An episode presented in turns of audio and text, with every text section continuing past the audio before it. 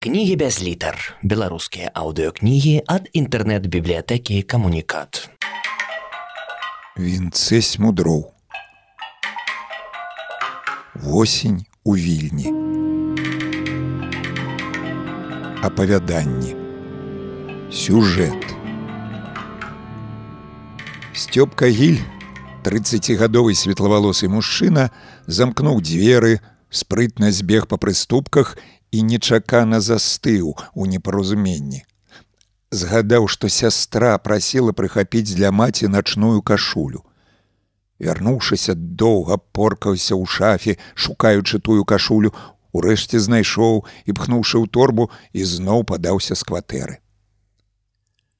Хоць і кажуць, што вяртацца кепская прыкмета, але праз пару хвілін сцёпку можна сказаць, падваліла шчасце. Выходзячы з пад'езда, ён лоб у лоб сутыкнуўся са сваім прыяцелем, лёшкам і гнацёнкам. На твары лёшкавым блукала прытойная усмешка, а за спіную дружбак нешта прыхоўваў. А ну, заплюш вочы з радасцю ў голасе выдохнуў лёшка. На якую халеру без усялякай радасці, нават з незадаволеннем у голасе азваўся сцёпка, заплюш заплюш гіль змежыў павекі а калі зірнуў на свет дык убачыў мышастага колеру кніжку з вясковымі хатамі на вокладцы. Так сцяпан гіль красавіцкі дождж апавяданні. Зробленай патэтыкай прачытаў лёшка і сцёпка схапіўшы таго за локаць з хваляваннем працадзіў ну дай ужо! Красавіцкі дождж. Празаічны зборнік у мяккай вокладцы прыемным цяжарам крануў далонь. Тры гады сцяпан гіль чакаў з'яўлення сваёй першай кнігі і вось дачакаўся кніга пахла друкарскай фарбай і водар гэтай здаўся сцяпану самым прыемным у свеце. Толькі што з друкарні, сігнальны асобнік. Лёшка па-сяброўску ляпнуў калегу па спіне. Я таксама ачмурэў, калі першую кніжку пабачыў. Таксама давялося чакаць тры гады. Ігнацёнак ужо меў у творчай кайстры два празаічныя зборнікі і летась быў прыняты ў саюз пісьменнікаў калега сцярожка з баязлівым зачараваннем гратаў старонкі і падобна не чуў лёшкавых слоў. А ты куды сабраўся лёшка падвысіў голас і калега ачуўся. Ды ў бальніцу іду да маці. Тыдзень ужо ляжыць, толькі сёння сабраўся наведаць. А што з ёю? І шымія і ціск высокі. Аленка хоць наведвае, згадаўшы сцяпанаву сястру лёшка тужліва ўздыхнуў штодня ходзіць жыве непадалёку ад бальніцы радаснае ўзрушэнне якое хапіла душу паволі аціхала і рэхам душэўнай навальніцы стаў вокліч які вырваўся са сцяпанавай грудзіны эх з такой нагоды не грэх і па чарцы прапусціць да маці ўвечары схожу і кніжку занясу старая ўзрадуецца сцёпка прыціснуў кніжку да твару увабраў носам паветра толькі ж я адзін цяпер дома няма чаго нават на трэску ўзяць калега ў адказ ляпнуў далонямі да мяне зазірнем паглядзіш як я жыву сабак маіх пабачыш надоечы найда шчанюкоў прынесла Лёшка па чутках гадаваў нейкую надта рэдкую сучку і за вялікія грошы прадаваў шчанюкоў. Увабраўшы апошнім разам галавакружны пах друкарскай фарбы, сцёпка асцярожна, сагнуўшыся з клюдам пхнуў кніжку ўнутраную кішэнь пінжака і выпрастаў руку у кірунку бліжэйшай крамы свае літаратурнай практыкаванні сцёпка гіль пачаў яшчэ ў школе. Спачатку пісаў абразкі, потым невялічкія апавяданні, адзіны, хто іх чытаў, была сястраленка. Сястра была на два гады старэйшай, вучылася ў педінстытуце і сёе тое ў літаратуры цяміла. Звычайна Ленка не нават не чытала, а проста праглядала з іранічнай геморай на вуснах ягоныя творы, але аднойчы занурылася ў чытанне па-сур'ёзнаму, а перагарнуўшы апошнюю спісаную чорным атрамантам старонку задуменна прамовіла: тут штосьці ёсць і прапанавала паказаць апавяданне прафесійнаму літаратару. Наступнай суботы яны выправіліся з сястрой, аднаму ісці не хацелася на паседжанне літаратурнага аб'яднання пры абласной газеце. Секцыі прозы там загадваў хударлявы хлопец з даўгімі пшанічнага колеру валасамі. З выгляду ён быў сцёпкавым аднагодкам, але трымаўся ганарыста, сядзеў, адкінуўшыся на прыслоны рэдакцыйнага крэсла і слухаючы пачаткоўцаў, вадзіў пальцам па скроні. Гэта быў той самы лёшка ігнацёнак. І хаця на ягоным творчым рахунку быў толькі невялічкі зборнік у серыі першая кніга празаіка, Лёшка выдаваў сябе за літаратурнага метра. Народу на паседжанне прыйшло даволі шмат. У асноўным дзяўчаты школьнага ўзросту. Яны на выперадкі чыталі напісаныя па-расейску вершы, потым нейкі пенсіянер па старэчы няўцямным голасам прачытаў апавяданне па-беларуску. Нарэшце прыспела сцёпкава чарга пазнаёміць грамаду са сваёй творчасцю. Сцёпка паволі ўстаў, скудлаціў чупрыну, дрохкім ад хвалявання голасам прачытаў першы сказ. Гучней крыкнули адразу некалькі чалавек і тут ленка, выхапіўшы сшытак з дрыжачых братавых рук па-акцёрску выразна і зычна стала чытаць апавяданне пра тое, як падпітыя бэйбусы спалілі стары млын. Да хаты ішлі разам з ігнацёнкам. Малады празаік ужо не пачуваў сябе мэтрам і зазіраючы ў ленчыны вочы нахвальваў апавяданне і тое, як артыстычна яно было прачытанае. Шытак з апавяданнем ігнацёнак пакінуў у рэдакцыі, паабяцаўшы надрукаваць у газеце. Спачатку сцёпка не мог даўмецца, жартуе літаратар ці яму сапраўды спадабалася гісторыя пра млын, І толькі калі лёшка галантна пацалаваў на развітанне ленчыну руку, зразумеў, што празайку спадабалася не апавяданне, а ягоная сястра. Адразу бачна, за кожнай спадніцы бегае, незадаволена мовіла сяструха, калі ўвайшлі ў пад'езд. Выдаў нейкую шкадобы вартую брашуру, а форсу аж з каптуром. Сястра сцёпка валагодзіла вока. Шмат хто да яе хадзіў залёты ды марна. На той час яна ўжо сустракалася з адным калінінградскім марыманам, які паўгода боўтаўся ў моры, а потым два месяца цягаў ленку па рэстарацыях, ды вазіў у сочы, а затым слаў з калінінграда грашовыя пераводы. Так што калі назаўтра празаік заявіўся да іх з букетам півоняў, Ленка кветак не прыняла і попрасіла яе не турбаваць апавяданне ў газеце, хаця і са шматлікімі праўкамі надрукавалі, і сцяпана апанавала творчая гарачка. Штовечар у аптэчным прыцемку кухні, надзейна заціснуты паміж сталом і гудлівай лядоўняй, ён спісваў адзін школьны сшытак за другім. Потым спісаў канцылярскі грозбух. Урэшце перавёўшы дых, пхнуў тыя сшыткі грозбухі ў палатняную торбу, наверх паклаў пляшку гарэлкі і выправіўся да ігнацёнка.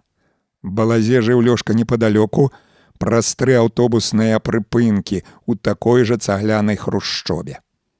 Кульнуўшы пару кілішкаў і спытаўшы пра ленчына здароўя, Лёшка з няхвотаю прагледзеў сшыткі, мелькам зазірнуў у грозбух і паведаміў, што занясе рукапісы, рэдакцыйнай машыністцы, якая бярэ за перадрук 30 копеек за старонку.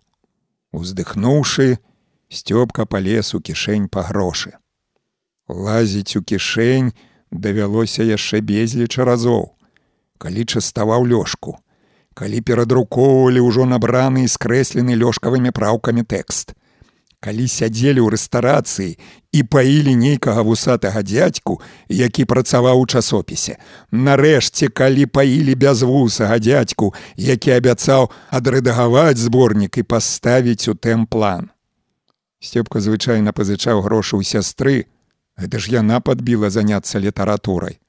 А пачуўшы, што марыман выправіўся ў далёкі рэйс і грошы прыйшлі толькі праз паўгода, закінуў літаратурную творчасць.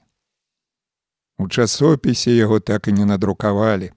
Думаў такі ж лёс наканаванай кнізе, але вось неспадзяванка. Кніжка выйшла, прычым ладным накладам і запхнутая ва ўнутраную кішэню пінжака грэла ўстрывожанае сэрца. За дзвярыма пачуўся сабачы брэх. Найда лёшка ўставіў ключ у замочную шчыліну. Сцёпка насцярожыўся, чакаючы, што зараз на іх рынецца псіна, але ніхто не рынуўся, бо сучка са шчанюкамі сядзела ў зачыненай спальні. На дзвярах спальні вісеў аркушык паперы з надпісам лабараторыя сучаснага рамана. Сядзі, сядзі, крыкнуў лёшка, звяртаючыся да найды. Зараз выведу. У цябе сабакі раманы пішуць, са смяшком на вуснах запытаўся госць. Раней у спальні працаваў, а зараз, як шчанюкі з'явіліся, у вялікі пакой перабраўся. Лёшка прачыніў дзверы і ў вузкую пройму вытыркнуўся мокры сабачы нос. У дальнім канцы пакоя кешкаліся пяць рудых шчанюкоў. Слухай, бяры ў мяне аднаго, нядорага прадам. Шэлці, рэдкая парода, навязку аж у смаленск вазіў, Ды не, у мяне кот жыве, прамармытаў сцёпка, скінуў з ног туфлі і ўвайшоў у святліцу. Абсталюнак у пакоі быў той жа, што і падчас мінулага візіту. Пасярод пакоя грувасцілася ўсё тое ж крэсла гушкалка, а ў куце стаяў той самы парэпаны стол з памаранчавай югаслаўскай друкаркай. Адзінае, што з'явілася новае, гэта ў абраны ў багетую рамку партрэт вайскоўца, які вісеў над сталом. Сцёпка падышоў да стала, прымружы вочы. Хто гэта? Дед, паведаміў гаспадар, выцягваючы з палатнянай торбы пляшку гарэлкі. Чырвоны камандзір? Ды не, чыгуначнік. А чаму ў форме? Сцёпка перагнуўся праз стол, разглядаючы зорачкі на пагонах. Як чаму? Прысталі не ўсе па струнцы хадзілі і ў вайсковай форме.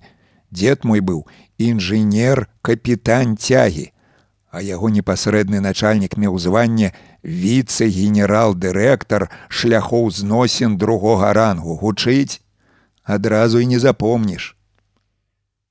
Першы раз пра тое чую, прабурчаў госць і плюхнуўся ў гушкалку. Э, братка, пісьменнік на тое пісьменнік, што мусіць ведаць усяго патроху. Гаспадар падаўся ў кухню, пачаў рыхтаваць закусон. Гушкацца ў крэсле было надзіва прыемна. Сабяруся з грашыма, набуду сабе такое ж, падумаў сцёпка і усміхнуўся ад задавальнення. А ты сапраўды раман пішаш, запытаўся госць, калі гаспадар увайшоў у пакой з талеркай нарэзаных агуркоў. Маю грэх, даўно над ім арбею, вярнуўшыся ў кухню лёшка бразнуў шклянкамі голас накрыкнуў а ты што-небудзь пішаш? Ды не у мяне творчы застой не магу знайсці прыстойнага сюжэту гэтак жа голас называўся госць закінуўшы руки за патыліцу. Лёшка вярнуўся да стола стаў адкаркоўваць пляшку сюжэтаў наўкол валяецца процьма. Не лянуйся толькі сагнуцца ды падняць. Лёшка махнуў калег рукой, маўляў, сядай да стола. Прапануй хоць адзін, госцю зусім не хацелася вылазіць з гушкалкі. Ну, прыкладам, абмалюй сённяшнюю сітуацыю. Скажам, наш калега празаік ішоў у бальніцу адведаць маці, а тут яму уручылі ягоную першую кагадзе надрукаваную кніжку. Ну, вядома, стаў тую кніжку абмываць, а раніцою прыйшоў у бальніцу, а маці памерла. Ну ты даеш. Сцёпка з такім імпэтам скочыў з гушкалкі, што лёшка, які поўніў чаркі, нават праліў гарэлку міма шклянкі. Знайшоў з чым жартаваць, Дякуй сябрук за добрыя словы падтрымаў. Сцёпка памкнуўся да дзвярэй, яшчэ не позна было наведаць хворую маці, але калега схапіў яго за крысо пеньжака. Што ты ўсхадзіўся, далі Бог! Я ж не пра цябе апавядаю, а пра жыццёвую сітуацыю, у якую патрапіў літаратурны герой. У мяне, дарэчы, маці памерла, калі выпускныя іспыты у школе здаваў. Спёка, памятаю, была страшэнная. Сяджу, творапіс на вольную тэму пішу, а слёзы з вачэй гарохам сыплюцца. Лёшка і сам зразумеў, што сказаў штосьці не тое, таму загаварыў з ліслівымі абертонамі. Маці нас з ленкай адна гадавала. Ужо прымірэнчым голасам выдыхнуў сцёпка і, не чокнуўшыся, адным махам кульнуў шклянку. Ну і выдатна, з палёгкай выдыхнуў загадчык лабараторыі сучаснага рамана. На вось пакаштуй з братавага лецішча. Лёшка падсунуў да бяседніка талерку за горкамі. Брат у мяне страшэнны аграрый, усё лета сядзіць на лецішчы. Дарэчы, як там твоя сястра, прамовіўшы апошні сказ, Лёшка спахмурнеў. Ды так, Жыве са сваім марыманам азваўся калега, жуючы прыпраўлены алеем агурок. Я наогул не люблю натужлівасць слязлівых сюжэтаў, Сцёпка вытрымаў працяглую паузу. Прымітыўная эксплуатацыя чалавечых пачуццяў. Нават фінал прыдуманай табой драма ўяўляю. Герой прыходзіць на свежую магілу і кладзе на яе абгорнутую поліэтыленам кнігу. І пякучая слязіна паўзе па нямытай шчацэ. Лёшка спахмурнеў яшчэ больш і загаварыў пра сваё. Ну, вядома ж, старпам гандлёвага флоту, кааператыўная кватэра, чэшскі крышталь, жыгуль шостай мадэлі, куды нам пісакам за такім жаніхом угнацца. Гаспадар з суровым тварам падхапіў пляшку, і ў гэты момант за сценкай залівіста з піліпаўскім падвываннем заскавытала найда. Чаго яна з лёгкім спалохам спытаў сцёпка. На двор трэба вывесці, зранку не выводзіў, прабурчаў раманіст. Куляем па 100 грам і прагуляемся. З адно ў краму забяжым, а то з адной пляшкай нам сёння з нашымі праблемамі не разабрацца. Выходзячы з кватэры, Лёшка выпусціў са спальні найдускавы туху, кіўнуў на шчанюкоў: Бяры задарма любога. Ахвочых набыць найдаў прыплот відаць не было. Спытаю у сваяка можа возьме буркнуў сцёпка і лёшка пачуўшы пра старпама на паўголаса мацюкнуўся у калідоры напорліва званіў телефон раздзёршы павекі сцёпка на пачатку не зразумеў што за гукі лунаюць у паветры і толькі памацаўшы патыліцу якая хваравіта шчымела адчуўся, з вохканнем кульнуўся з пасцелі.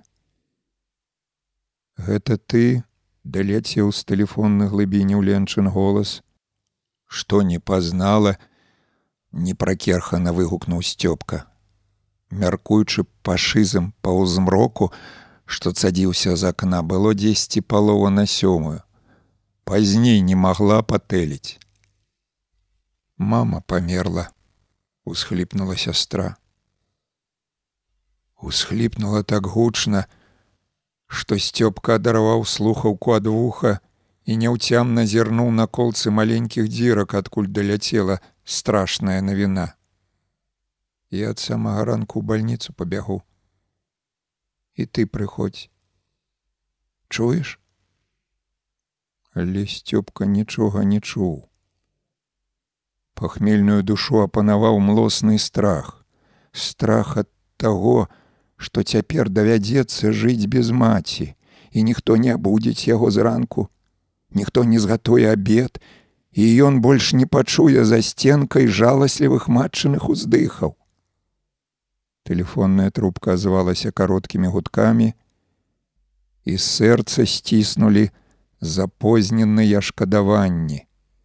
Сцёпка згадаў раптам, што за ўсё жыццё не сказаў маці ласкавага слова. Ды што там слова? Нават не прыйшоў да яе ў бальніцу. Торба, дзе торба са скандальнымі ноткамі выдохнуў сцёпка, стаў лихаманкава глядзець па баках. Торбу з перадачай, у якой была кашуля, бутэлька ліманаду і пачак вафляў, Ён забыў па п'янцы ў ігнацёнка. Сцёпка знянацку абмяк, і пад дрогкай шчацэ ягонай папаўзла, цьмяна блізкаючы ў ранішнім прыцемку, пякучая слязіна.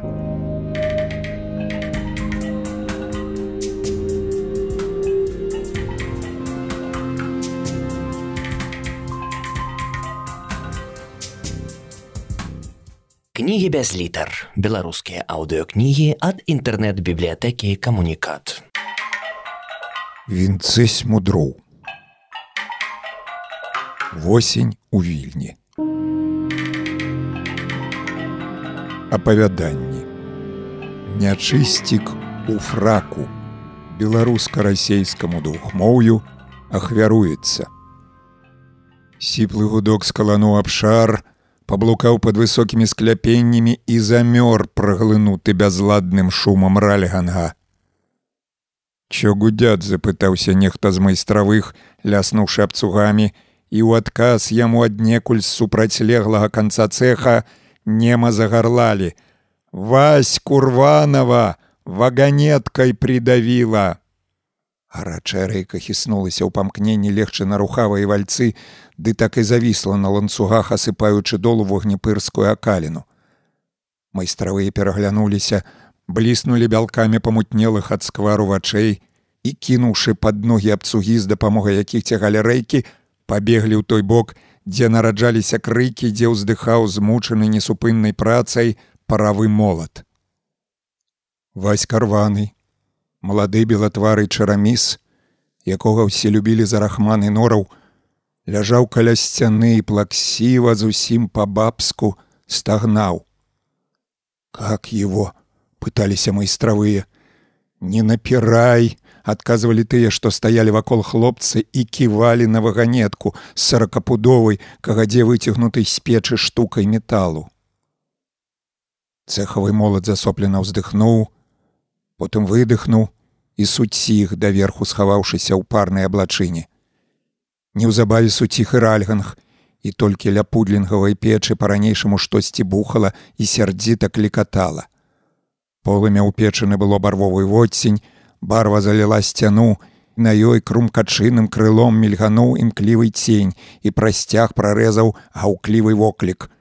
Вару мне работайт! Упраўляючы завода Нольд сухарлявы сярэдняга веку немец шыбаваў па цеху, а следам за ім на ладнай адлегласці з палоханым трухам сунуліся канторшчыкі. Зекры нольдавы злавесна пукаціліся, сівыя бакі варушыліся ад проймы, і гэта рабіла яго падобным да старога лемура. Што сталі прапусціце лекаря! крыкнулі канторшчыкі, ды ніхто не заварухнуўся. Рабочыя стаялі панурушы галовы, і на іх спінах ляжала, наліваючыся чарноцем злавесная палымніца. Знянацку ўсё адціхла. Нішто не бухала, не клікатала, і ў напятай цішыні нарадзілася суворая і мужная песня. Вы же эр твою палі в барьбе рака вой. Голас спевака дрыжэў, зрываўся, але з кожным прыдыханнем набіраў моцы песню падхапілі і ўжо не адна а сотні глотак выдохнули гняўлівыя словы. Падымем мы цяжкі свой молат саб'ём ім аковы сваі рабочыя ўзвалілі на паўжывога таварыша на плечы панеслі па цеху і калі ўпраўляючы заступіўшы дарогу закрычаў каб людзі аціхлі Паветра скалануў гудок, і галубы пад дахам сарваўшыся з месца, гамузам паляцелі насустрач людской грамадзе. Нікандр Іванович Лапахін, фабрыкант з сорокатысячным гадавым доходам, прачнуўся раніцою сваім кабінеце і доўга не мог уцяміць, дзе ён, што з ім, і што гэта за жанчына стаяла на тле асветленага акна. Фабрыкант працёр вочы, лыпнуў павекамі і ўбачыў, што поруч на прыканапным століку грувасцілася пляшка помарда, якую ён прызнаў быў за жанчыну. Дрыжачая рука намацала пляшку, шурпатыя вусны прыпалі да рыльца, і віно прыемнай цеплынёй напоўніла страўнік. Фабрыкант задаволена адрыгнуў, расчасаў пяцярнёй з лямчаную бараду і толькі тады заўважыў, што спаў нераспранены у новым прывезеным з парыжа сурдуці і ў перапэцканых у гліну ботах. Гліна была мандрыкаўская, густая з чырванаватым адценнем, а гэта сведчыла за тое, што учора ён сустракаўся не толькі з мацільдай, але і з кацькай. Нікандр Іванович муцюкнуўся, ляпнуў далонню па кішэні, шукаючы партманет і нічога не знайшоўшы, стаў сцягваць з нагі юхтовы бот. Бот, аднак не здымаўся, ды да і важкае чэрава не дазваляла сагнуцца. Фабрыкант чырванеў ад натугі, і ў гэты момант у калідоры нарадзіўся звонкі дзявочы голас. Што папенька, на медне снова накушались. Уж поди черти мерещится. Молчи, дура, буркнул похмельный покутник и, успёрши на столик ногу, з напаўсцягнутым ботам загадаў ташшы. Какоток своих попросите, пусть они вам сапоги стаскивают, тратите же вы на них по сотне за вечер, Нікандр Іванович рашуча сцягнуў бот, збіраючыся шпурнуць ему дачку, але Марфа хуценька прычыніла дзверы, пабегла па рыпучых сходах на другі паверх. Прасці мя господі грешнага, пролепятаў Нікандр Іванович, перахрысціўшыся на партрэт памерлай жонкі. Нага ў боце добра такі ўпрэла, а батыставыя анучы струменілі цяжкі дух. Нікандр Іванович калупнуў бруд паміж пальцаў правай нагі і лоб ягоны прабаразнілі глыбокія маршчакі. А сапраўды, колькі ж я учора збаёдаў. Панурая думка пачала блукаць па мазгавых звілінах, не знаходзячы выйсця. 200 рублёў прайграў карты Мехельсону, гэта ён добра памятаў. Столькі ж пакінуў Канстанцінопалі а дзе пакінуў яшчэ паўтысячы пра тое сонная памяць маўчала. Лапахін уздыхнуў, са скрухай падумаў, што дзве ўтрыманкі відочны перабор і вырашыў больш з імі не сустракацца. У верхнім пакоі зайграў раяль, выдаў пару акордаў ад іх сходы зноў рыпнулі і ў дзвярах паўстала цыбатая постаць князя звездзіча, двадцатигадовага марфінага кавалера. Может, Никандр Иванович за сельтерской послать, аль огуречного рассолу принести? Кавалер іранічна усміхнуўся і, лізнуўшы палец, стаў гартаць кнігу, якую трымаў у руках. Увесну маладога князя выгналі пасля студэнцкіх хваляванняў з універсітэта, і цяпер ён дзень пры дні тырчаў марфы спяваў рамансы, чытаў вершы, маляваў марфіны партрэты, але ў кабінет гаспадара завітаў толькі тады, калі трэба было прымірыць дачку з бацькам.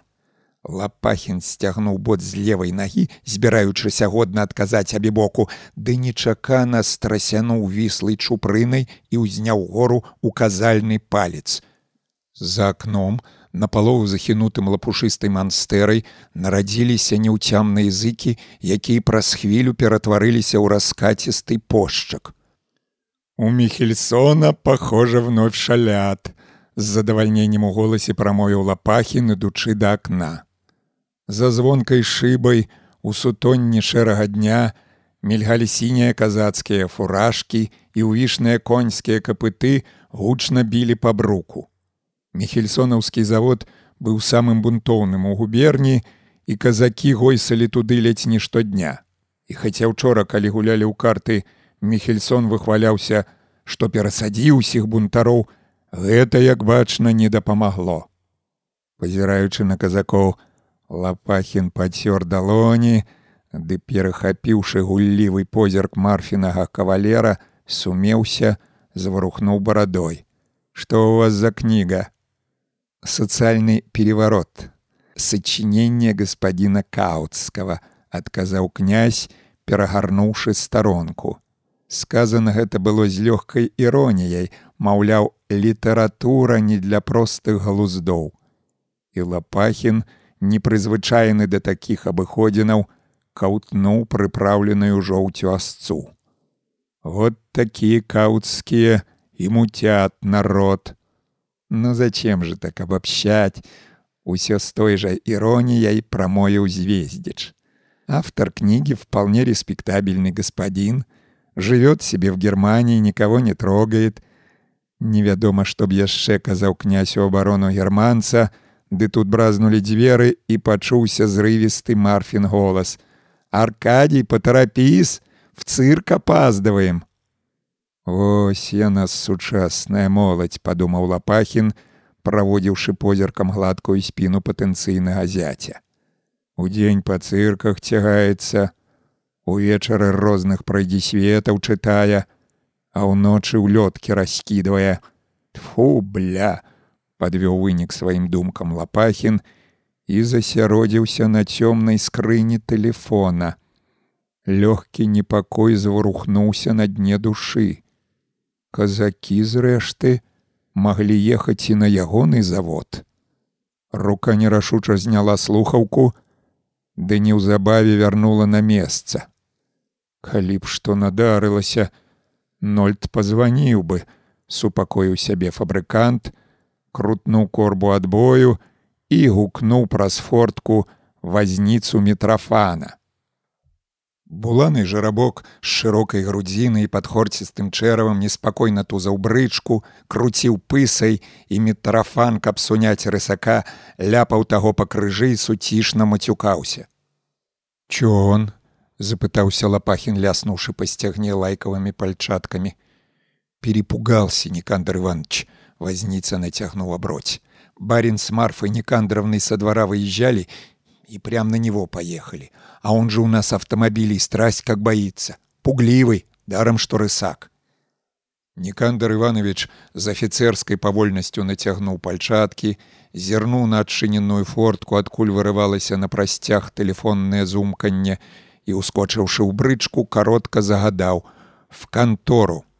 Халодны вецер ударыў лоб, казытнуў скроні, убіўся за каршэнь напорлівым струмком прайшоўся па хрыбеціне. Гэта ўзбадзёрыла, праясніла галаву і вярнула ў яе сякія такія згадкі з учарашняга вечара. Лапахін згадаў, як нейкая голая дзеўка скакала па пакоі, прыкрыўшы ніз жывата летнім капялюшыкам. Але хто гэта быў мацільда цікацька, згадаць не даваў рады. Конік бег жывавай рыссю, матляючы галавой і скаланаючы малую пад'ячаскую з ласлівым пырханнем. Міма з урачыстай паважнасцю праплылі тэатр ілюзіён, зельня сліёзберга са сваёй адвеку перакрыўленай шыльдай, даходны дом купца сабакіна, у якім жылі акцёры ды мадысткі і перад якім, як заўсёды такім часам таўкліся гімназісты. Каля банка харбінскай кампаніі брычка запаволіла бег, і лапахін стукнуў ногой па козлах: паганяй! Паганяць, аднак не выпадала. Наперадзе на скрыжаванні трох вуліц дзеялася штосьці неверагоднае.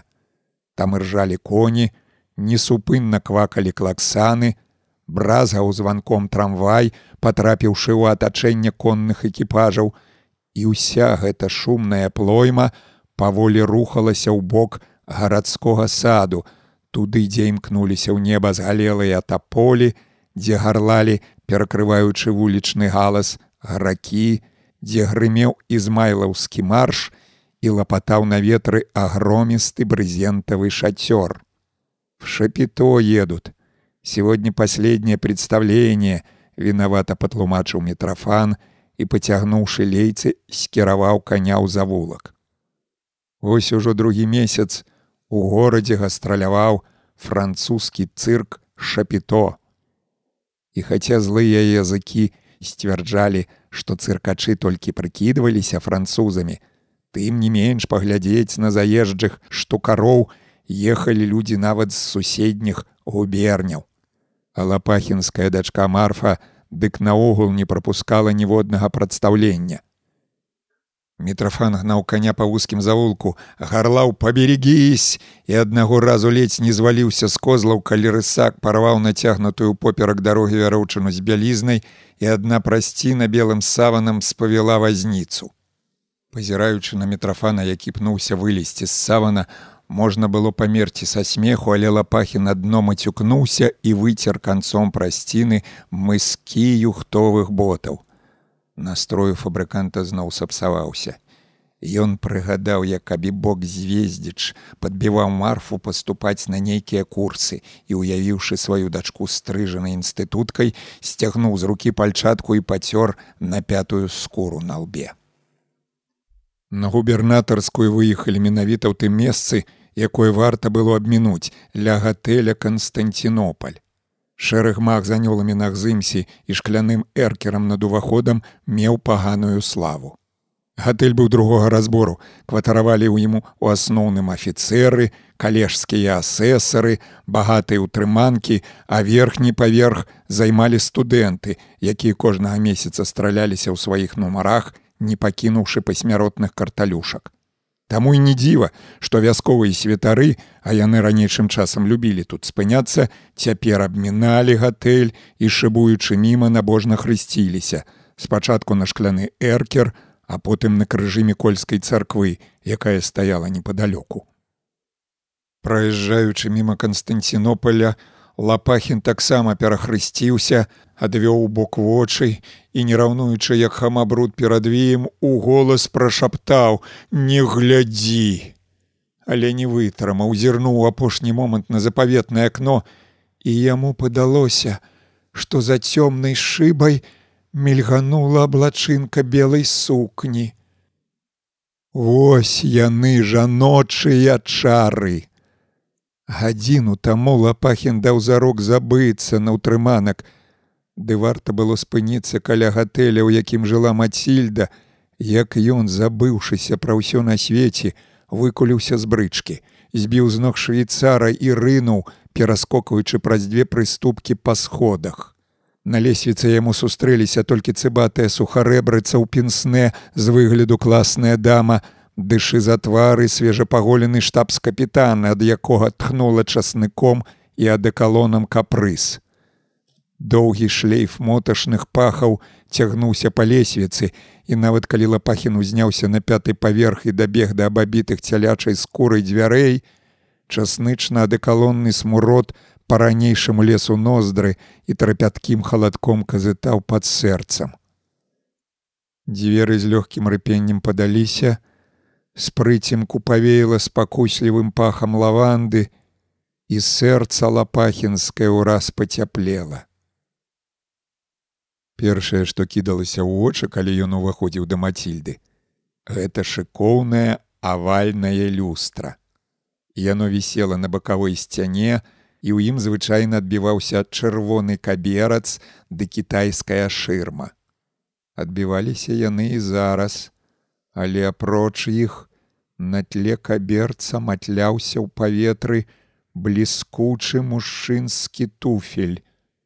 Сэрца зноў зашчымела, лапахін кашлянуў, выпнуў грудзіну, рашуча увайшоў у пакой. Ля сцяны у выгодным крэсле сядзеў, закінуўшы нага на нагу, маладзён у чорным фраку. У ягоным абліччы было штосьці шайтанскае, а нерухомая крыху раскосыя вочы на вылёт праціналі і сэрца і душу. Ад нечаканасці лапахін застыў у нерухомасці, потым зрабіў крок у спадзеўцы, што незнаёмец падхопіцца, ды той застаўся сядзець у ранейшай паставе, матляючы нагой і свідруючы яго нахабнымі вірламі. Сітуацыя вымагала нейкай дзеі, нейкага руху, але лапахін стаяў ачмурэлы і невядома, колькі б усё гэта доўжылася, калі б за спінаю не рыпнулі дзверы і ў пакой не заляцела Мацільда. Воляжанка спынілася на парозе, палка заірдзелася, і лапахін, вытрымаўшы паўзу, страшным голасам запытаў: « Кто это у тебя? Вейкі дзявочыя панурыліся, затым узняліся, і Мацільда жаласліва пролепятала: « Ника, я сейчас все объясню. Объясни, объясни, озваўся з кута маладзён, і ў нікі ад тых слоў зашумела ў ушу, і падлога паплыла под нагамі. Ён бег па калідоры. Услед яму ляцеў лямант, не вінаватая я. Класная дама, якая вярталася ў свой нумар, спалохана прыціснулася да сцяны і пенсне, зваліўшыся з глюгастага носа, гучна хруснула пад абцасам юхтовага бота. Вылецеўшы з гатэля, лапахін кінуўся шукаць гарадавога, каб адабраць у таго рэвальверы застрэліць выляжанку, але гарадавыя некуды пахаваліся і давялося, плюнуўшы пад ногі шыбаваць дабрычкі. Мітрафан сядзеў, звесіўшы долу галаву, бачыў сёмы сон і не абудзіўся нават тады, калі гаспадар плюхнуўся на сядзенне.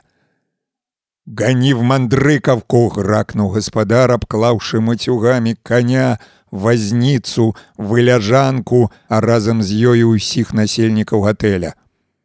Пачуўшы лаянку конь таргануўся, захроп і, не чакаючы пакуль мітрафан хвастане яго па спіне, сарваўся з месца. Брычку кідала ў бокі, колы аглушальна тахкалі па бруку, а мітрафан, раскруціўшы над галавою лейцы, на ўсю глотку гарлаў: «Зашыбу!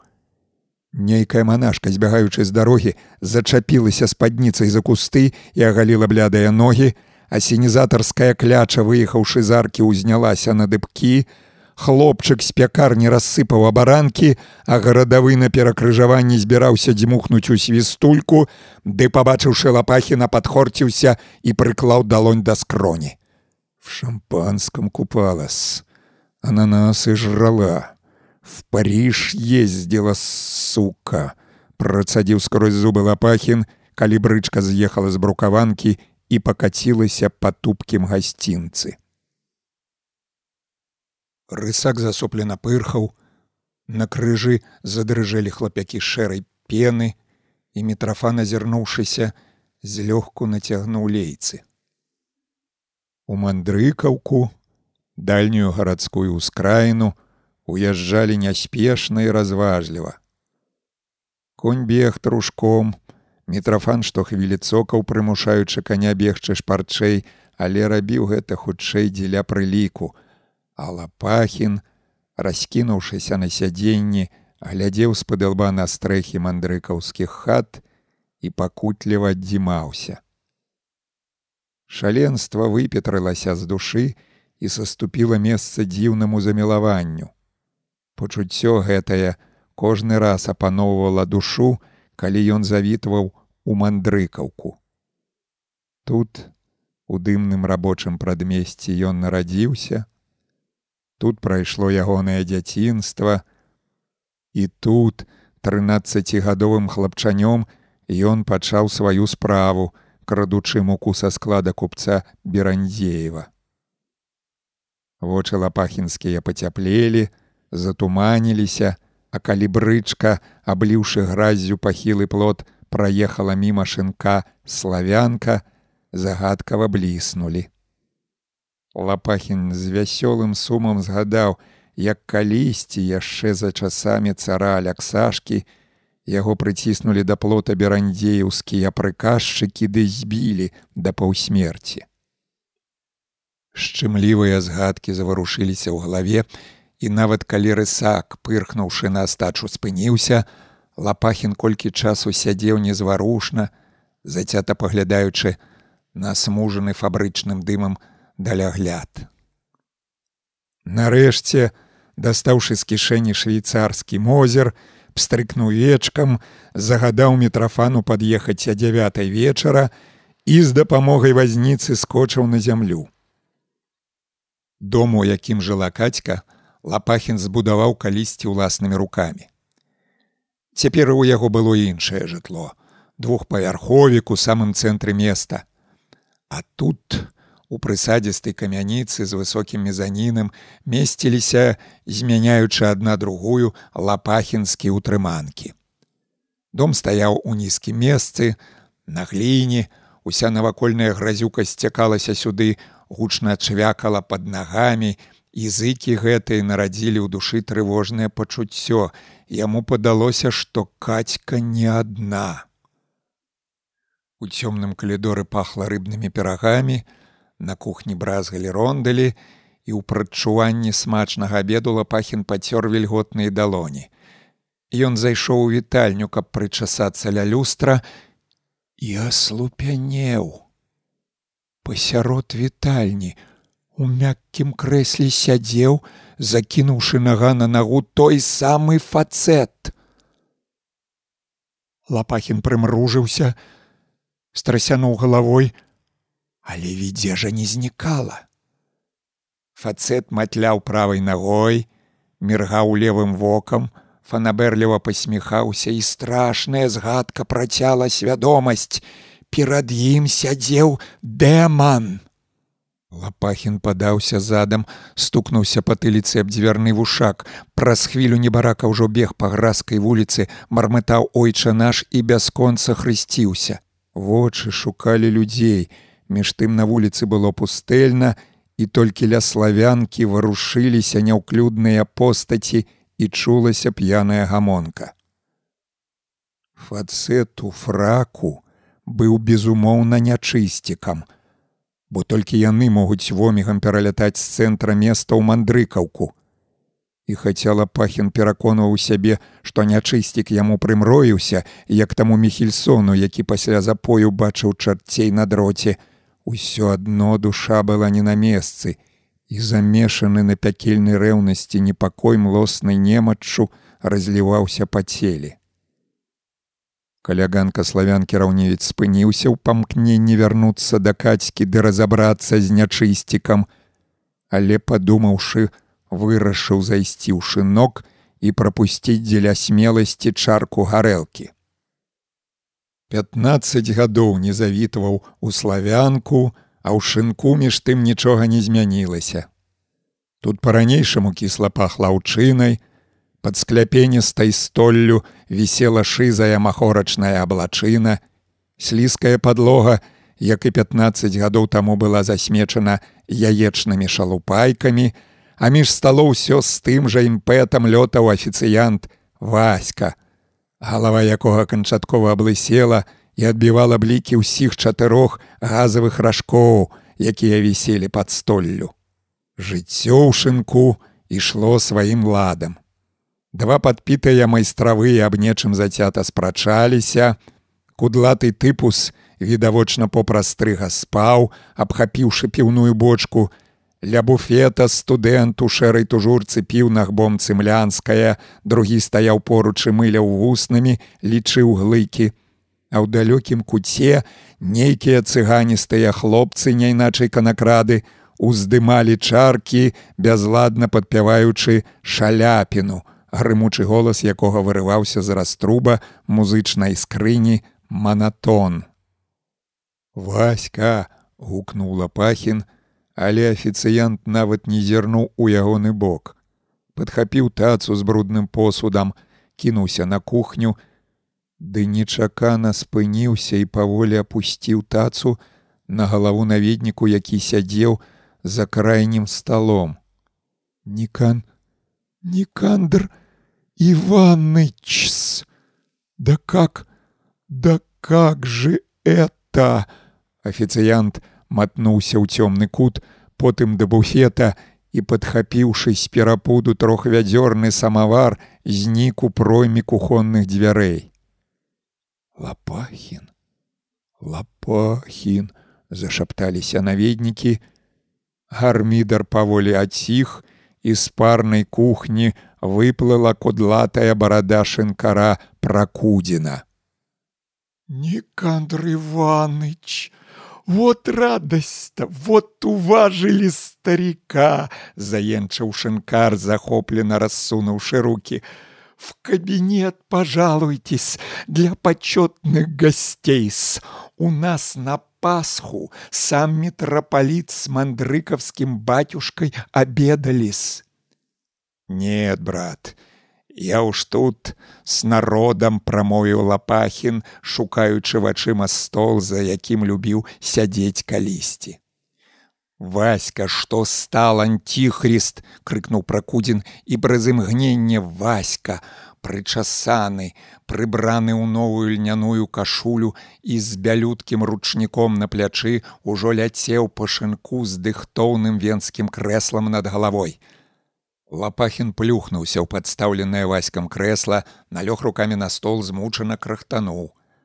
Запанавала няёмкая ціша.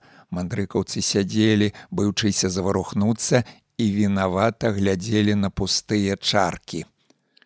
Ну, чем корміце? выдохнуў ганаровы наведнік, тыцнуўшы пальцам у бок музычнай скрыні. Расцігайчыкіс, сёмгас, біткі палапахінскі засакатаў над вухам афіцыянт з прафесійным апломбам абапёршыся на стол двумя пальцамі у шынку зноў заспяваў шаляпін і наведнікі перавёўшы дых стоена загаманілі прабіткі сейчас придумал зробленай суворасцю запытаў лапахін васька прыбраў са стола пальцы Никак нет. Народ придумал. Десять лет подаем-с. Помните, вы нас учили? Перчику, перчику подсыпьте. Помню, помню, каналья. Неси свои битки. Все неси. Ужо лагодным голосам мою Лапахин, дастаўшы з партманета храбусткую асігнацыю. І смірновку ташшы. На каждый стол па штофу. Апошнія лапахінскія словы не на жарту схвалявалі наведнікаў.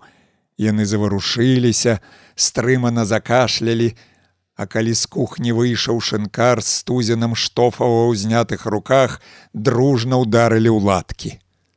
Благодарствуем, Никандр Иваныч, благодетель вы наш, выдохнули мандрыкаўцы, узняўшы чаркі. Наведнікі паўсталі перад дабрадзеем, як перад царом міколам нават расстрыгу падхапілі пад пахі і той нічога не цямячы зірнуў на свет зведзенымі да пераносся вачыма. Ну будзе будзе вам прамармытаў лапахіны хвацка не раўнуючы як майстравы пасля палучкі кульнуў чарку. Можете некандр иваныч сразу видно из наших мандрыкаўскіх лісліва загаманілі наведнікі некандар иванович ізноў мармытнуў будзе і падухвальныя воплескі грамады прыклаўся вуснамі да бутэлечнага рыльца. Гарэлка з натугай прайшла ўнутро і на душы адразу прасвятлела. Лапахін адкінуўся на прыслон венскага крэсла, задаволена адрыгнуў, на паўголаса запытаў аську: « К вам людишки во фраках не захаживают? Никак нет.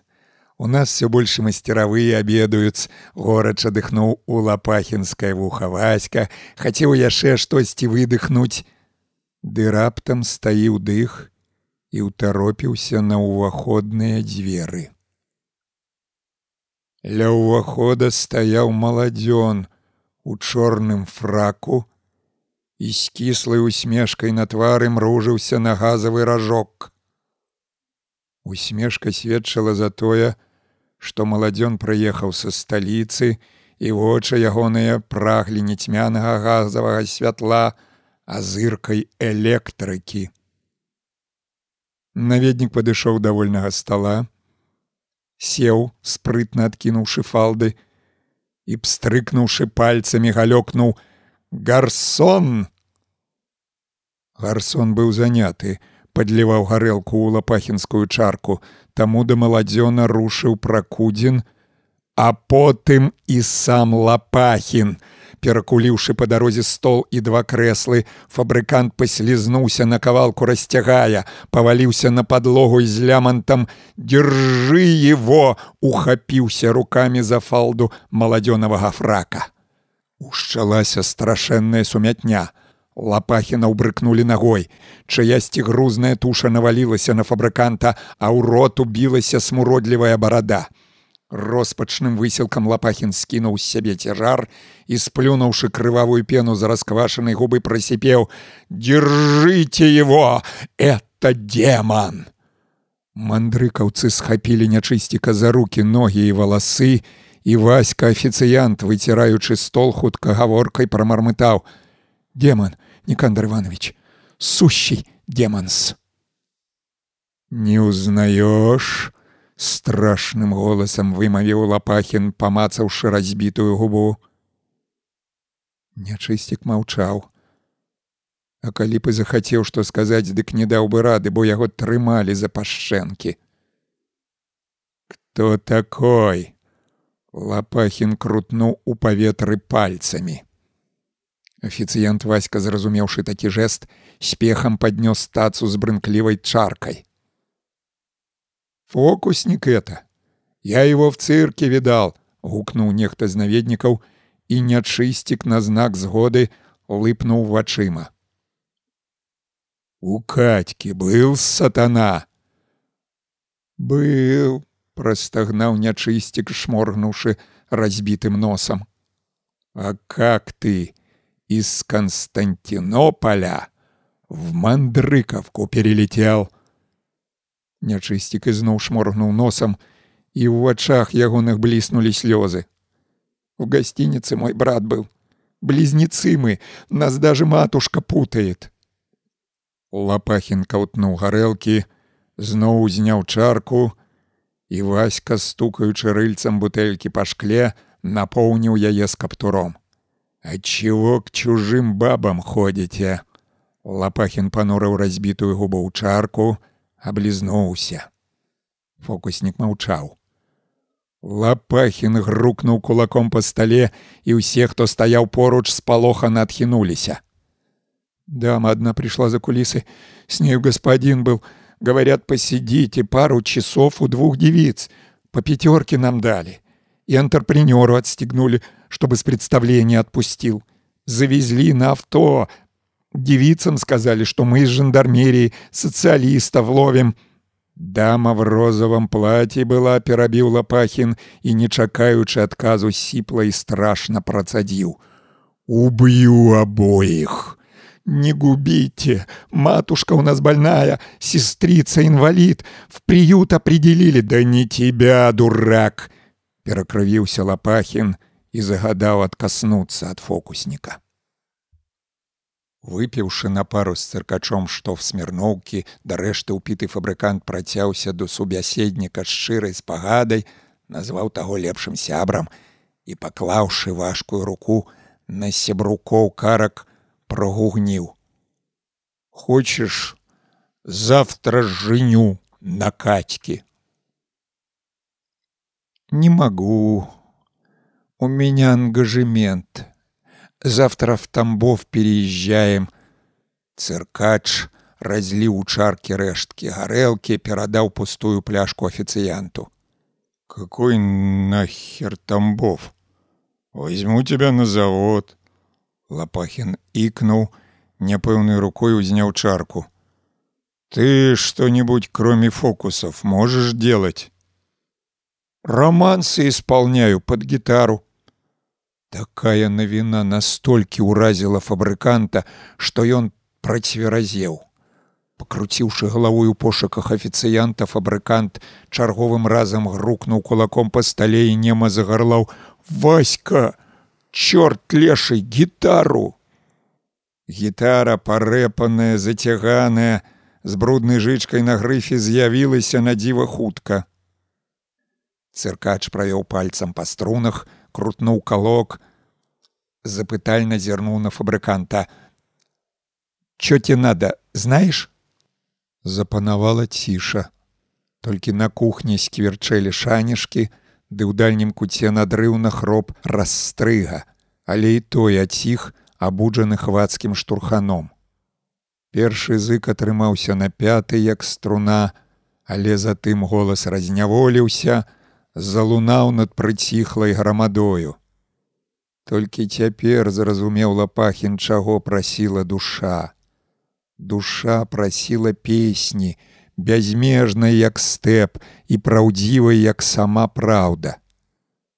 Цело стало лёгкім, сэрца сцялася, нібыта ад поціску жаночых рук, пякучыя слёзы перацялі дыханне, і фабрыкант мільёншчык, каб канчаткова імі не задыхнуцца і рвануў на грудях кашулю і далучыў свой дрохкі барытон да высокага фальцэту спевака. Ты скажы, ты скажы, чё тебе надо, чё тебе надо, может дам, может дам, чё ты хош. Лапахін заплюшчыў вочы, забыўшыся на свае трывогі. А калі пасля другога рэфрэну перавёў дых і размежыў павекі, дык убачыў, што фокуснік пакінуў граць і па прыкладу афіцыянта утаропіўся на дзверы. На парозе, насунуўшыся плечуком на дзвярны вушак, стаяў упраўляючы нольд. Нольдавы валасы злавесна стаўбурыліся, на лбе чырванеў вялізны гузак, рукаво форменнай тужуркі было надарванае, і ўсё гэта наводзіла на думку, што немца хвіліну таму выцягнулі з-за шмаргі. Озеркі іх сустрэліся, і немец задыхана прастагнаў: Нікандр Іванович, бунт, социалисты, завод подожгли, и меня немножечко убивает. Усе, хто быў у шынку, зірнулі на фабрыканта. Такую песню испортил дурак. Паўтарыў лапахін фразу, пачутую надоечы ў тэатры, наваліўся на стол і, абхапіўшы рукамі голаў, закалаціўся. Ці то ад смеху, ці то ад роспачнага плачу.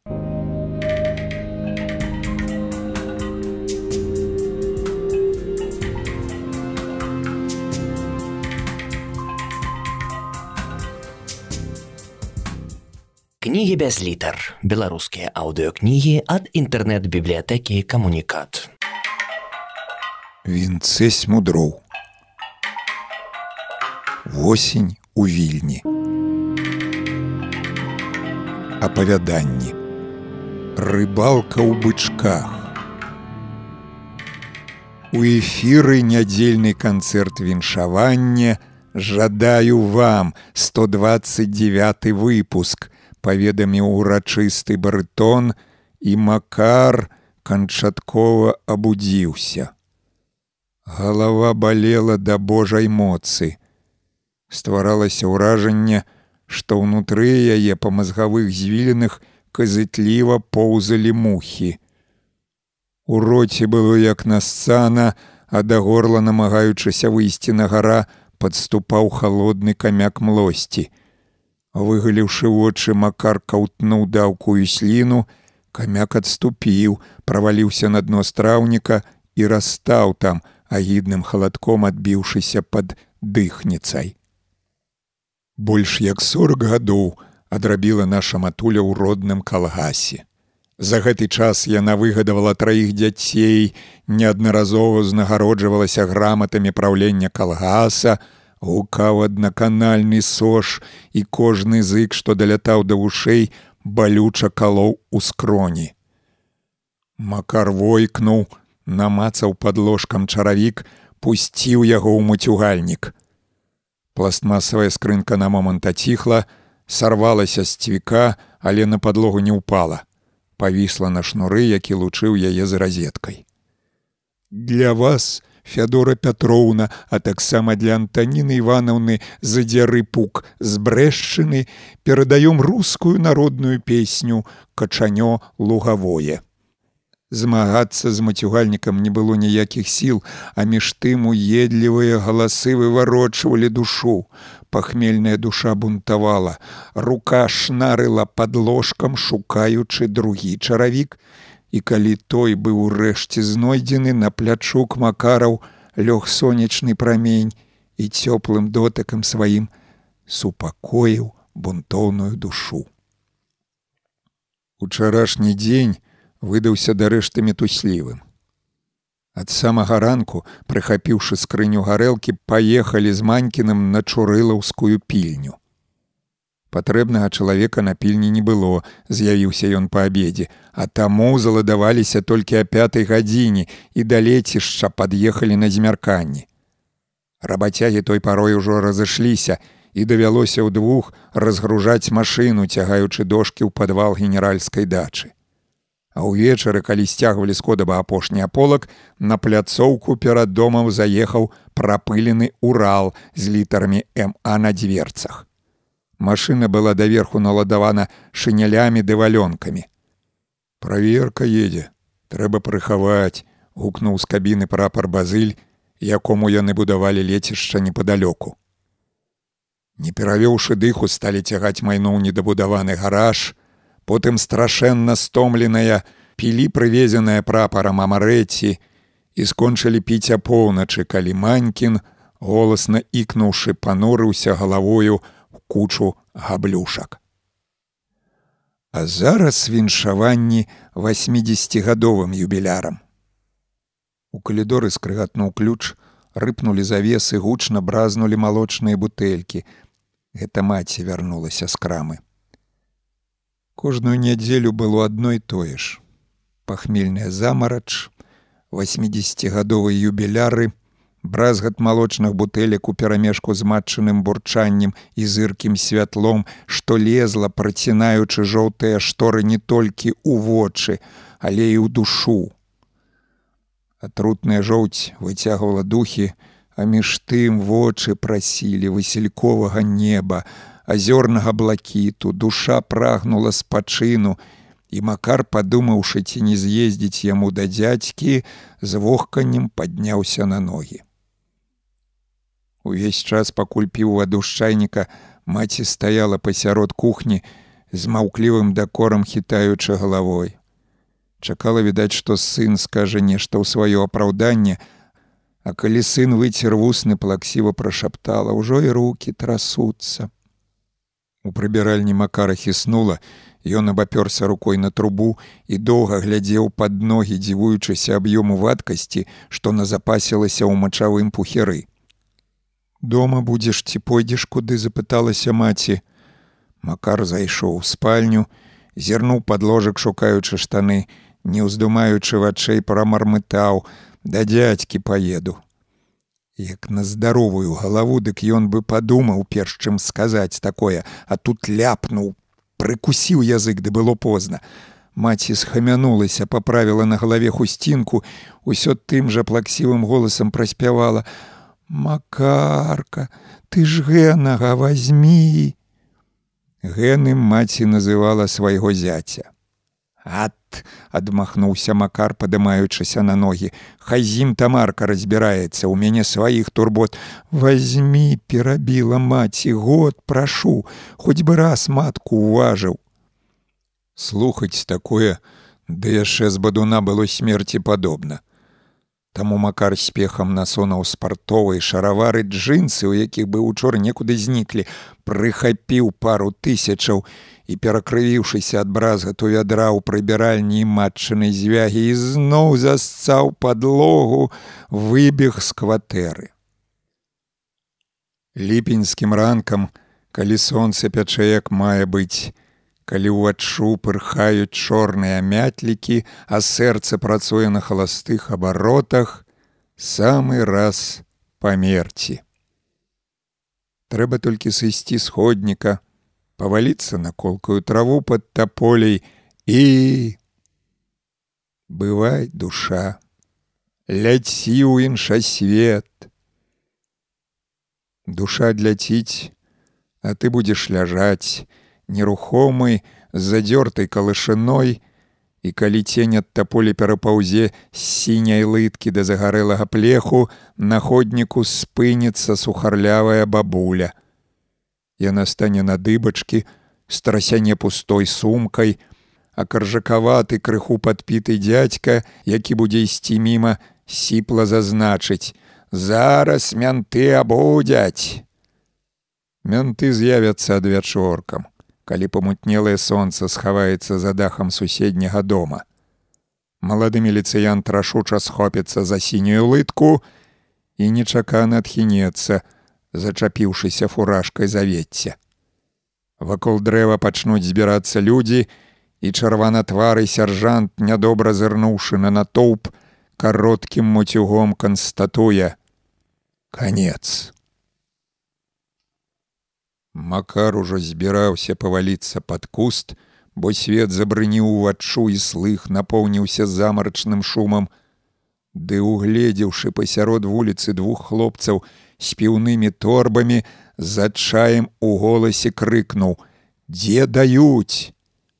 У камсе адказалі хлопцы, і макар, змахнуўшы ліпкі под злабаціны, зразумеў: ад смерці яго можа ўратаваць, глыток холоднага піва. Вуліца, па якой шыбаваў небарака, з аднаго боку была застаўлена шэрымі пяціпавярховікамі, а з другога боку панаваў прыватны сектар з курамі, сабакамі, з буцвелымі агароджамі ды водаразборнымі калонкамі. Макар абмыў пад калонкай разамлелы твар і скіраваў у двор універмага камсамольскі. У двары было цёмна ад народу. Рабацягі з навакольных дамоў усе скрозь у лінялых спарціўках, вайсковыя пенсіянеры у тэпцях на голую нагу і ў пакамечаных капронавых капелюшах, хлопцы ПТВушнікі, іхныя стрыжаныя патыліцы прыкметна вылучаліся на тле згарэлых лысін і нарэшце мясцовыя алкашы з тварамі такімі шэрамі як хлапечыя патыліцы і такімі ж пакамечанымі як пенсіянерскія капелюшы шчыльным колам атачалі піўную бочку. У паветры пахла нейкай брыдой. Ці то прэлымі шкарпэткамі ці то кашэчымі сцакамі і ад гэткага паху ў прадонні макаравай душы заварухнулася свярблівае жаданне шпурнуць у натоўп падораную прапарам асколачную РГД, ці ў крайнім выпадку заехаць якому алкашу кулаком між вачэй. Жаданне было такім палкім, што макар скрыгатнуў зубамі і пацёр пераносся, згадваючы, куды ён падзеў гранату. Натоў бязладна гаманіў, варушыўся і дзесьці ў самых нетрах ягоных, чуўся прарэзлівы голас суседкі алкагалічкі нінкі пятлюры. Ніна крыкнуў макар, склаўшы рупарам далоні, але тая да каго звяртаўся не пачула. Краем вока макар згледзеў канцы двара драцяную скрыню, на якой сядзеў сівы дзядок і падышоўшы да старога, падняў таго за плечы. Нінка ёк крыкнуў макар другім разам, глянуўшы на натоўп з вышыні драцяной скрыні, і нінка міргнуўшы падбітым вокам, незадаволена адгукнулася: « Ну що тобі? Макар, дэманструючы недарэчнасць такога пытання, развёў руками. Людская грамада захвалявалася, хтосьці з душа навойкнуў, з нечай лысай галавы зляцеў капялюш, і нінка, віскнуўшы як цыркулярка, скаланула абшар уладарным воклічам. Што ты став, як хер моржовы, гроші давай. Паперка з чырвоным зубрам паплыла над галовамі, Макар праводзіў яе ўстрывожаным позіркам, нервовай хадою прайшоўся ў бок універмага, сціпаючыся ад кожнага мацюга, што вырываўся з натопу, Мацюгі тыя з кожнай хвілі рабіліся ўсё больш рашучымі да істэрычнымі. Ну куды, куды лезеш хахляра, Мовчы, підлюка галіфейна. Пасля такога дыялогу з лысай галавы зноў зляцеў капялюш, уладальнік капелюша тузануўся, атрымаў пустой поліэтыленавай каністрай палбе і выкуліўся з натоўпу. Трымаючы ва ўзнятых руках торбу з півам, нінка ніяк не магла суняцца і мацюкалася, пасылаючы праклёны на адрас підлюкі. Каб суняць мацюкальніцу, Макар пхнуў ёю рот цыгарету, пстрыкнуў запальнічкай, але нінка не супакойвалася і, сціснуўшы зубамі цыгарету, абяцала начысціць рэпу апраненаму у выцвілае галіфе пенсіянеру. Торба была паўнюткай. Піва халадзіла руку, жывой істотай варушылася на далоне. Уеўшыся зубамі ў поліэтылен, Макар цадзіў гаючы напой без перадыху. Піва лілося ў нос, залівала вушы, і калі б была магчымасць патануць у ім, пахмельны пакутнік зрабіў бы гэта з вялікай ахвотай. Заглынуўшы добрых паўтара літра, вернуты да жыцця макар плюхнуўся на драцяную скрыню, зморанаю адначас задаволена выдыхнуў: Ой бля! Свету адчу набыў натуральныя фарбы.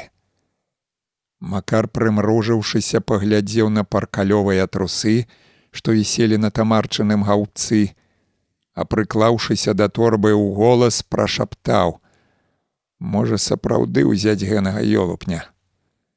Макар падхапіўся на ногі, аддаў торбу з рэштай пітва дзядку, якога сагнаў быў са скрыні, парывістым крокам рушыў паходніку.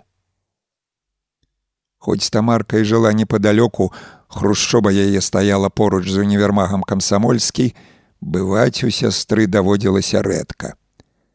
Сёлета прыкладам толькі раз і заходзіў. Сястра попрасіла павесіць дыван на сценку і то перад тым як прыйсці пяць разоў перапытаў ці будзе муж дома не хацеў са шваграм сустракацца, бо паміж імі яшчэ за даўнім часам прабегла ўзняўшы хваста чорная кошка. Шыбуючы паходніку макар згадаў сестрыно вяселле, палічыў на пальцах, калі яно надарылася, а налічыўшы 13 гадоў уражана прысвіснуў.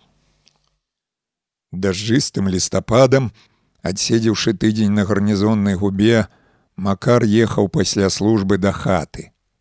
Ехаў не адзін, а з сябруком васькам замундаленым.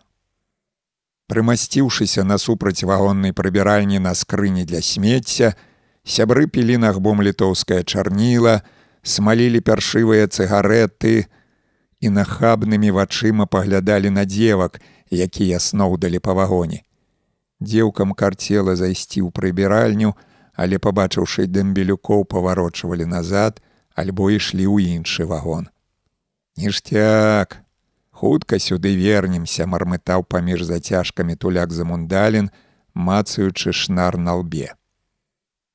Лоб ваську разбілі лабусы. На кастрычніцкія святы сябры збеглі ў самаволку. Туляк хацеў набыць перад дымобай газавую запальнічку, а макар падарунак для сястры, якая выходзіла замуж. Паблукаўшы па горадзе, дружбакі зазірнулі ў піўніцу, выпілі па чатыры кухлі густога бержайскага піва, пабіліся з літоўцамі, а калі сплёўваючы крывавую пену з губы завярнулі ў цёмны кут і сталі паліваць касцельны мур, за спінамі іхнымі ўжо стаяў вайсковы патруль сядзенне на губе, ды яшчэ пры канцы службы пякло задак і даставала вантробы.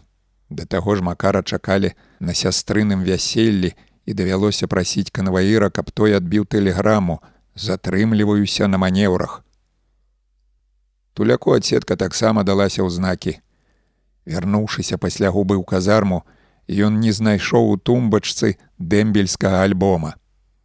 Апытаўшы салах, Васька ляпнуў кулаком па далоні і паабяцаў замачыць не толькі лабусаў, але і адэсіта Базылевіча.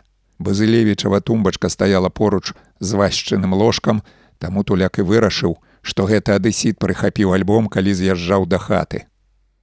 На станцыі даўгаў пілс, сябрукі скочылі на перрон, узялі дзве пляшкі піва, пагаманілі з грудастай правадніцай, надрапалі на вагоннай сцяне запаветныя літары ДМБ-80 і заснулі, наваліўшыся грудзямі на вагонны столік. Познім вечарам правадніца стала трэсці макара за плячук. Макар пускаў сліну, штосьці мармытаў з прасонку і абудзіўся толькі як у суседнім купе грукнулі кірзачы і нейкі дэмбель жартам галёкнуў: Рота, пад'ём! Макар зірнуў у акно, убачыў за мокрай шыбай будынак віцебскага вакзала і адчайным позіхам вітаў родную зямлю. Хацеў сысці ціха, не абудзіўшы сябра, ды ў апошні момант тыцнуў ваську пальцам пад драбы. Яны выйшлі з вагона, выпалілі па цыгарэце і макар, которым ужо разам прапанаваў сябру паехаць з ім у азярышча. Гульнём на вяселле, гарэлкі вып'ем, з дзеўкамі пазнаёміўся, казаў макар, Туляк марматаў штосьці пра адсутнасць грошай, але пачуўшы, што ў макара ў віцебску жыве былы аднакласнік, у якога можна пахмяліцца, пабег у вагон парэч торбу. Аднакласнік Толік Манькін жыў на маркаўшчыне у шматсямейным інтэрнаце. Дабраліся туды проці ночы, доўга блукалі па цёмных калідорах, ды чыркалі запалкамі, выглядаючы нумары на дзвярах, А калі нарэшце знайшлі патрэбную кватэру, туляк нясмела прамармытаў, а можа, не варта позна ўжо. Але макар націснуў на званок раз, потым другі, і ў асветленай пройме паўстаў толік манькін у адных майтках і з перакрыўленым ад зыркага святла тварам. Аднакласнік пачухаў пахвінне, а пачуўшы звяглівы жаночы голас, што прагучаў за спіны, азірнуўся і люта рыкнуў: ды змоўкні ты сука. Тут ужо і макар пашкадаваў, што прыцёгся да манькіна, ды нечакана той схамянуўся, з адчаем раскрылі ў руки: Макарка, дымбяльнуўся! У цеснай кухні селі вакол стола, пагаманілі на паўголаса, неўзабаве гаспадар пабег некуды і вярнуўся з літровым слоікам у руках. У суседкі ўзяў, толькі што выгнала, паведаміў гаспадар, паставіўшы перад гасцямі слоік з мутнай самагонкай. Першак быў цёплым, патыхаў карбідам і піць давялося прыхапкам, бо толікава жонка, што хвілі грукала ў сценку і з душа налаялася. Кульнуўшы пару кілішкаў, макар захмялеў, кінуў на падлогу шынель, расцягнуўся пасярод кухні, прыціснуўшыся скроні да газавай пліты. Туляк з манькіным яшчэ колькі часу гаманілі, потым пачалі дужацца рукамі, скінулі на падлогу слоік з рэштай самагонкі і на кухню прыбегла гаспадарова жонка. Прыкусіўшы губу, Жонка стала цягаць мужа за валасы, гарлаць заб'ю п'янтосіна. Але макар нічога гэтага не чуў і не бачыў, панурыўшыся ў беспрабудны сон. Раніцаю трэба было ўставаць а сёмай, каб паспець на дызель.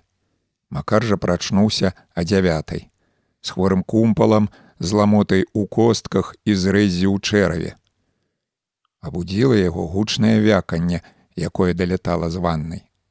Васька ванітаваў, і гэта наводзіла на думку, што самагон і сапраўды заправілі карбідам. Макара таксама пацягнула на ваніты. Ён ікнуў, пхнуў галаву пад кран з холоднай вадой, і млосць паволі адхлынула. На азярышчанскай станцыі ўсё так жа шумелі на ветры згалелыя таполі, На таполях сядзелі тыя ж самыя гракі, плакат на агароджы не хадзіце по путям гэтак жа як і два гады таму ляпаў праржавелай бляхай. І толькі прыстанцыйная прыбіральня што стаяла ў канцы платформы рэзала вока новай афарбоўкай. З белай прыбіральня ператварылася ў цёмна-брунатную і старыя надпісы на яе сценах выразна прабіваліся скрозь новую фарбу. Унутры аднак сцены не фарбавалі Макар, стаўшы над цёмнай адтулінай, стаў разглядаць колішнія свае малюнкі, ды тут свет паплыў адчу, і ён змахнуў рукавом няпрошаную слязіну. Плакаў зморана адзімаючыся і васька за мундалін. У прыбіральні смярдзела хлёркай і смурод праймаў да слёз. Не абабіўшы апошніх кропляў, макар выбег на платформу і адразу ж патрапіў у матчыны абдоймы. А макарка ж ты мой, А чаму ж цябе не адпускалі? загаласіла маці, і ад таго ляманту схадзіліся гракі на дрэвах, а сябар васька застыў у дзвярах прыбіральні, не зашпіліўшы прарэху. Кожны дзянёчак да цягніка бегала, галасіла маці і супакоілася толькі тады, як макар закрыў ёй твар вушанкай.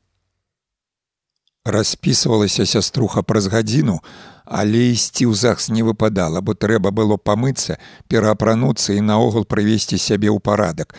Пагатоў на вяселле, як сказала маці, прыехалі менскія дзеўкі і мальцы акуратны, не петушчы, сёлета інстытут скончыў.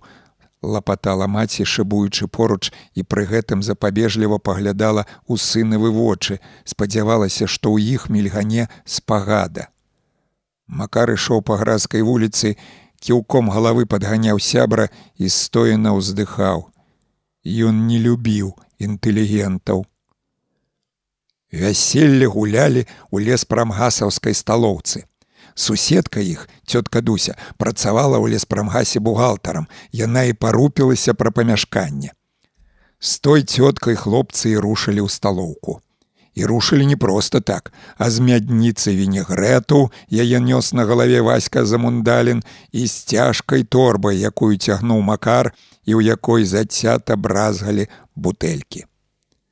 Два гады не быў макар у кампаніях і, заўважыўшы людскі збой на ганку сталовай, замарудзіў хаду, перакінуў з рукі ў руку торбу, пацёр на вярэджанай далонню тое месца, дзе білася неспакойнае сэрца.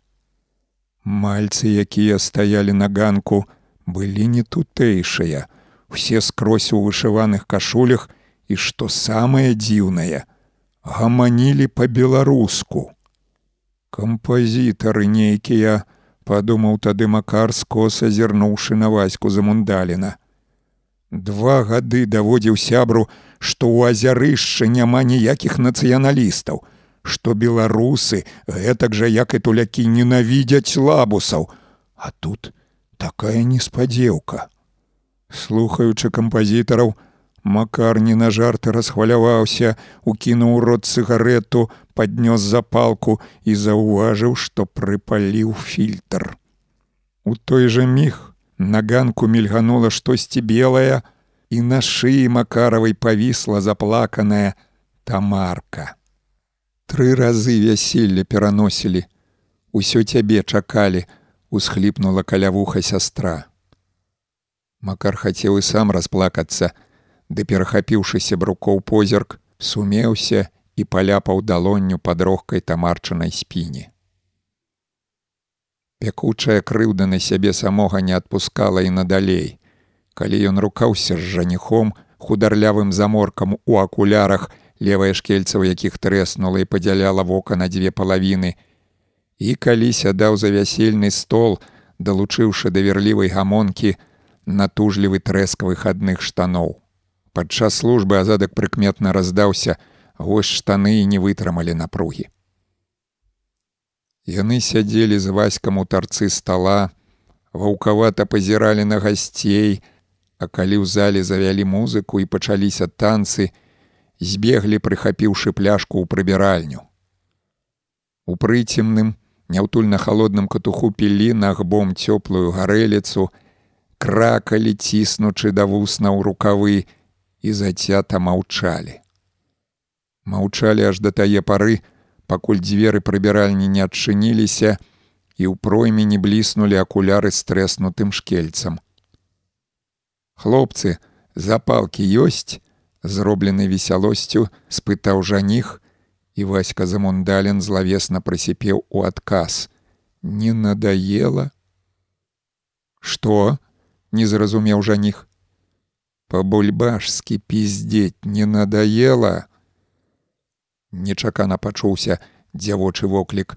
Маладую скралі і аб цэментную падлогу гучна бразнула недапітая пляшка. Макар так і не зразумеў хто пачаў бойку. Замундалін ударыў жаніха ці наадварот.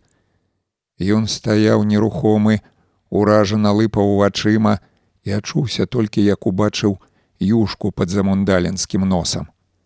Глынуўшы паветра і мацюкнуўшыся, макар даў волю пакрыўджанай душы, з усяго маху заехаў кулаком у твар кудлатаму хлопцу, які трымаў ваську за плечы. Скончылася ўсё несамавіта. За мундалену расквасілі нос, Жаніху дарэшты разбілі акуляры, а жаніхоў светка той самы кудлаты хлопец патрапіў у бальніцу са страсеннем мазгоў і з парэзанай аб бутэлечнае шкло галавою.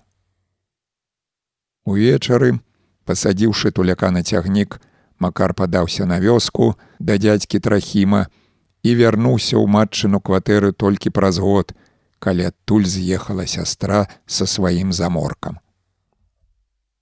Перш чым пазваніць, Макар адрыгнуў піўным духам, сплюнуў з языка тытунёвыя крыхі, намацаў пальцам пукаты гузік, званок аднак маўчаў. Давялося пастукаць у дзверы косткамі пальцаў. Адчыніў швагрусь не адразу. Завіхаўся з замком, тузаў дзвярную ручку, нарэшце паўстаў дзвярах расхлістаны і ўсхваляваны. Чаму званок маўчыць, запытаўся макар, надаўшы голасу жартаўліва зухаватыя ноткі. Швагер вінавата ўсміхнуўся, зашпіліў дрогкімі пальцамі кашулю на грудзіне і праз хвілю ўжо спакоя выгукнуў: зламаўся. Дык трэба направіць, прамовіў госць, з дакорам перавёўшы дыханне. Швагер глядзеў тэлевізор. Сядзеў на хісткім услоне за метр ад экрана, наставіўшы на макара незагарэлы, падобны да дзіцячай седаўкі плех. Такая пастава сведчыла пра адно: гасцям у гэтай хаце не рады. Што паказваюць буркнуў госць і гаспадар ні слова не сказаўшы, адхіліў галаву ад экрана. Па БТ паказвалі нейкага мурлатага прайдзі света. Той сядзеў, раскінуўшыся ў крэсле і несупынна бубніў немаведама пра што. Цяпер ужо кебеча хваліць, прасіпеў швагер і плех ягоны злёгку паружавеў. Сядзець у 30 градусную спёку і глядзець, разявіўшы рот тэлевізар, гэта нейкае вычварэнства. Гось плюхнуўся на канапу, утаропіўся на шваграву спіну, дакладней на вострыя лапаткі, што тырчалі над напятай кашуляй. Тым часам на экране ўзнік яшчэ нехта з пасмай рэдкіх валасоў на потным ілбе. Макар паглядзеў на экран, вывучаючы адкуль узяліся валасы на потнай лабаціне, а зразумеўшы, што тыпус начасаў іх аднекуль з-за левага вуха, змучана застагнаў: Охо! Гэтым самым ён хацеў разгаварыць швагра, але швагер маўчаў. Слухай, а дзе зараз той хлопец? Вырвалася неўзабаве з макарвай грудзіны. Які? Ну той, што біўся на вяселле. Вострыя лапаткі здрыгануліся, ссунуліся бліжэй адна да адной. Яго забілі у 81 годзе. Як забілі? Дзе? У Афгане, па п'янцы, замітусіліся ў главе адрывістыя думкі. Макар удыхнуў паветра, каб спытаць, дзе забілі кудлатага небараку, але чамусьці не спытаў. Адно прыкусіў губу і засяроджана правёў рукой па няголенай шчаце. Кароткае імгненне сядзеў нерухома, потым нейкая сіла падхапіла макара на ногі.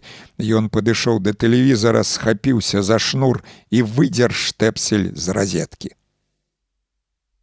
тупаючы ўздоўж старога спавітага на долі густой бярозкай штыкетніку яны зазірнулі ў агарод і там на бульбянішшы убачылі цётку татяну задзёршы прыпол спадніцы цётка хадзіла па барознах збіраючы ў слоік калараду. Цёць крыкнуў макар пераселым голасам і адкашляўся. Цётка абцягнула спадніцу зірнула з-пад рукі моўчкі кіўнула ў бок хаты Маўляў, заходзь гаспадар дома. Госці рушылі да веснец, а цётка, убачыўшы, што макар прыехаў не адзін, кінула слоік, зашамацела голымі лыткамі па бульбоўніку. Выбег насустрач дзядзька трахім. Трымаючы ў руках народную газету, дядька з маладым імпэтам скочыў з ганка, і макар незадаволена перасмыкнуў плячыма. Як прыязджаў адзін, дядька з цётка яго так не сустракалі.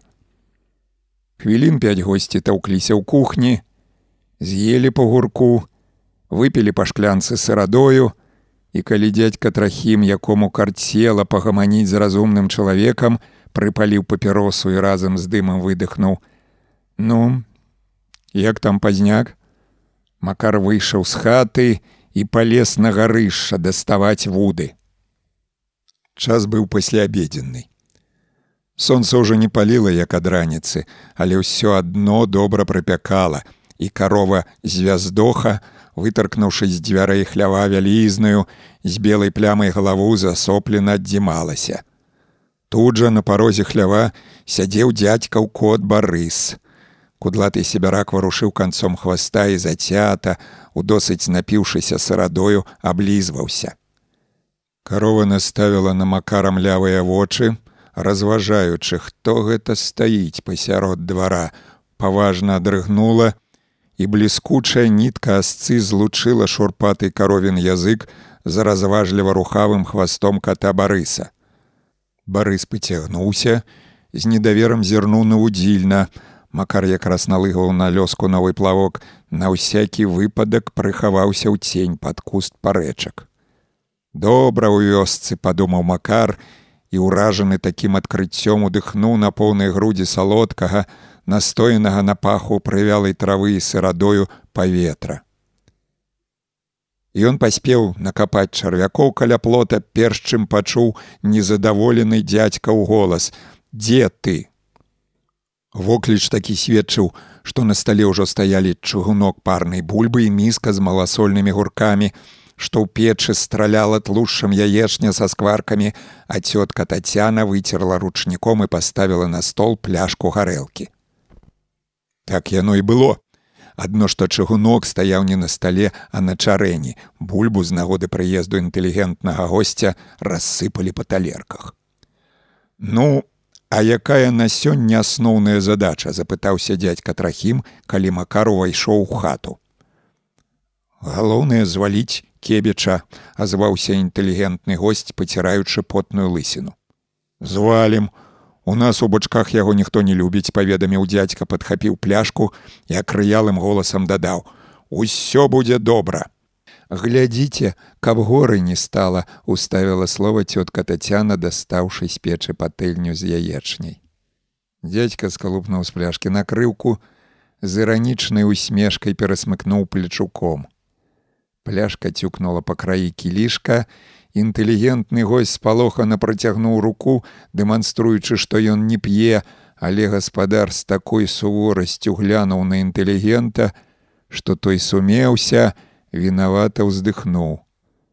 Такой цёмнай бабы, як моя жонка, няма ва ўсім азярышчанскім раёне, пажартаваў дзядзька трахім, падымаючы чарку. Кульнуўшы па першай, дружна захрумсцелі маласольнымі гуркамі.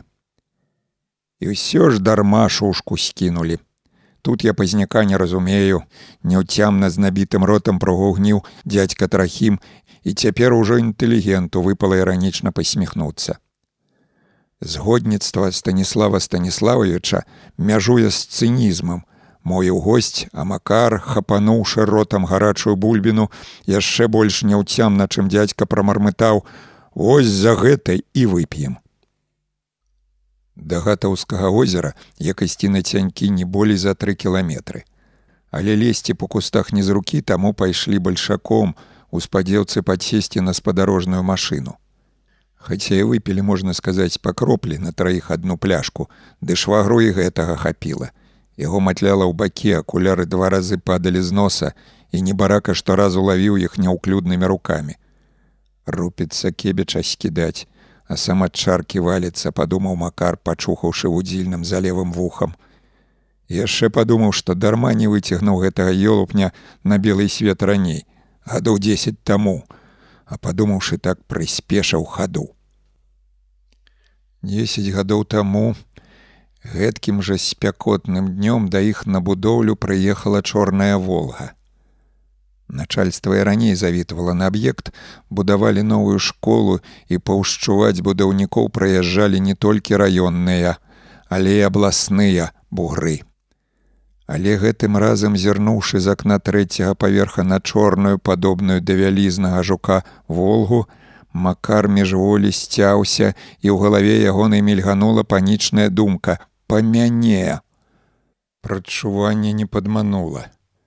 Брыгадзір цесляроў Толік Манькін, колішні аднакласнік, які надойчы кінуў жонку і вярнуўся на радзіму, гукнуў ягонае імя, і макар пацёгся на нягнуткіх нагах долу, лихаманкава згадваючы колькі машын з рошчанай і цэглай не даехалі апошнім часам да будоўлі.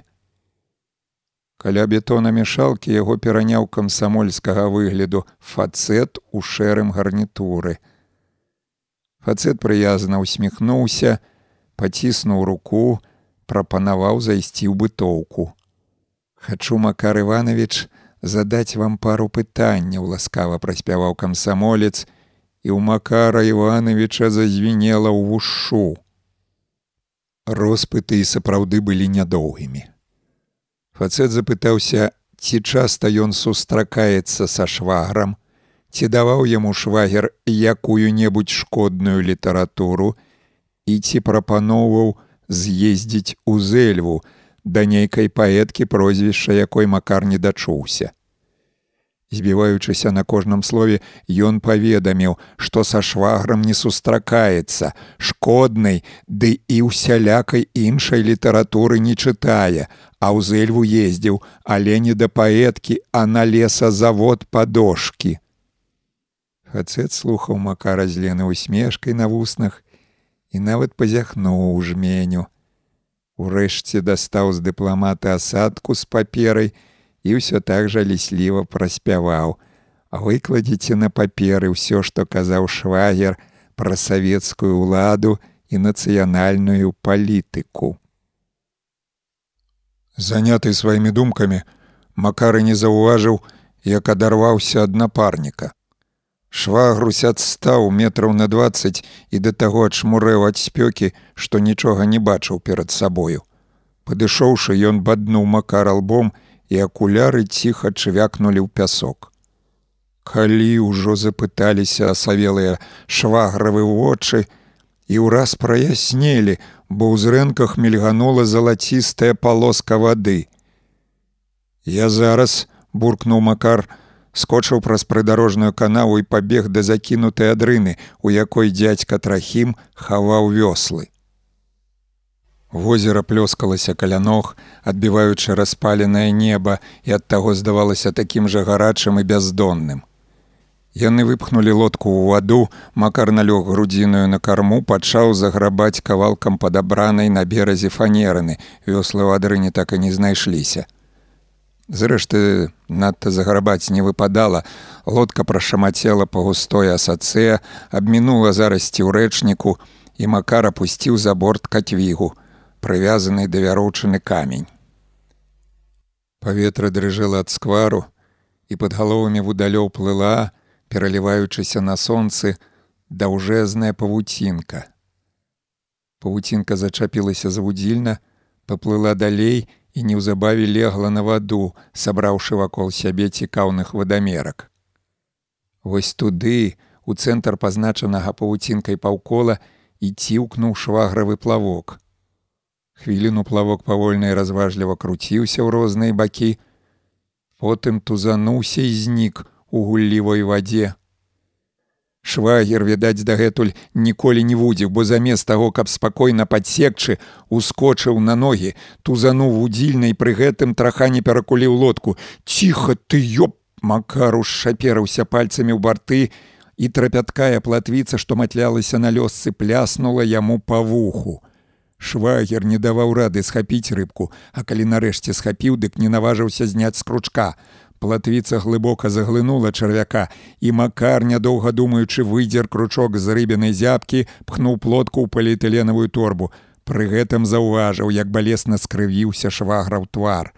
Што, рыбку шкада, хмыкнуў макар, а абцёршы вільготныя далоні запытаў: « Ты ў піўнушку хоць раз заходзіў. Прычым тут піўнушка, азваўся швагер.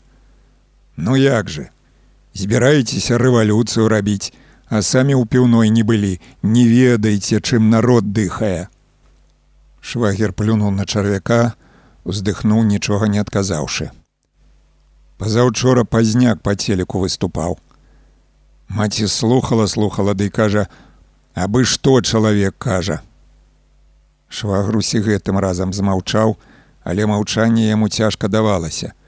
Плех ягоны хваравіта пачырванеў, канец вуды дробна задрыжэў, а разам з вудай задрыжэў на вадзе і плавок. Псіх натуральны, бязгучна прашаптаў макар. Плавок, які дагэтуль скакаў па вадзе, рынуў на дно, пакінуўшы па сябе вялікую бурбалку. Цягні гракнуў макар.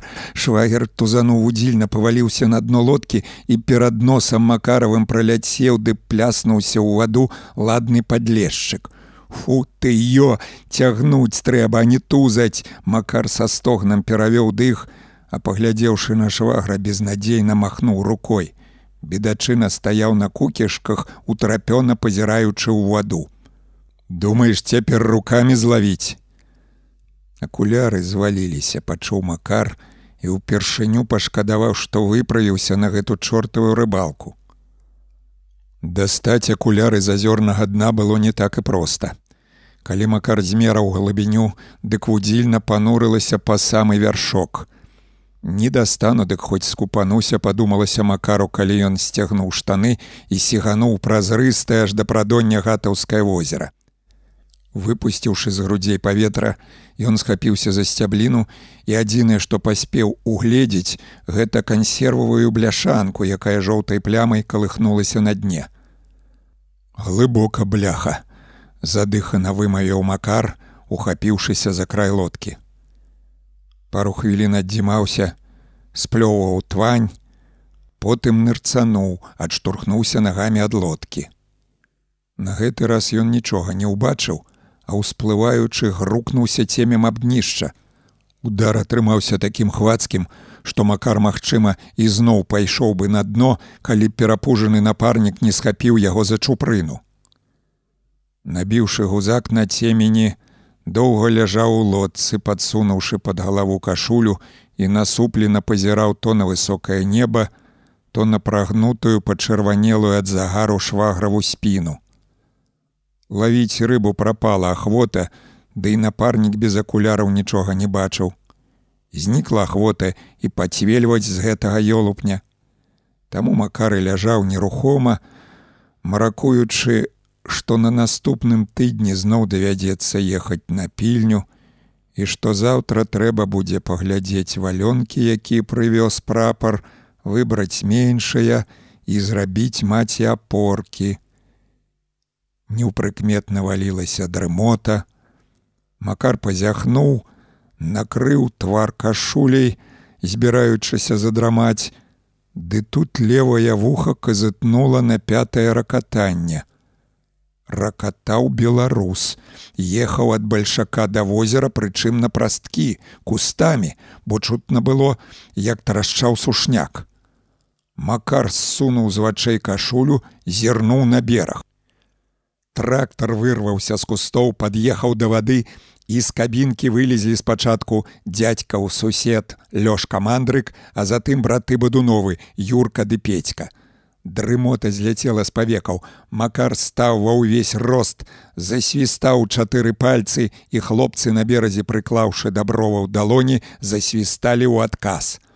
У наступнае імгненне Макар схапіў фанерыну і стаў імпэтна заграбаць, забыўшыся на катвігу, якая не давала лодцы зварухнуцца з месца. Стаять! галёкнуў лёшка мандрык, калі лодка шарханула дном аб прыбярэжны пясок.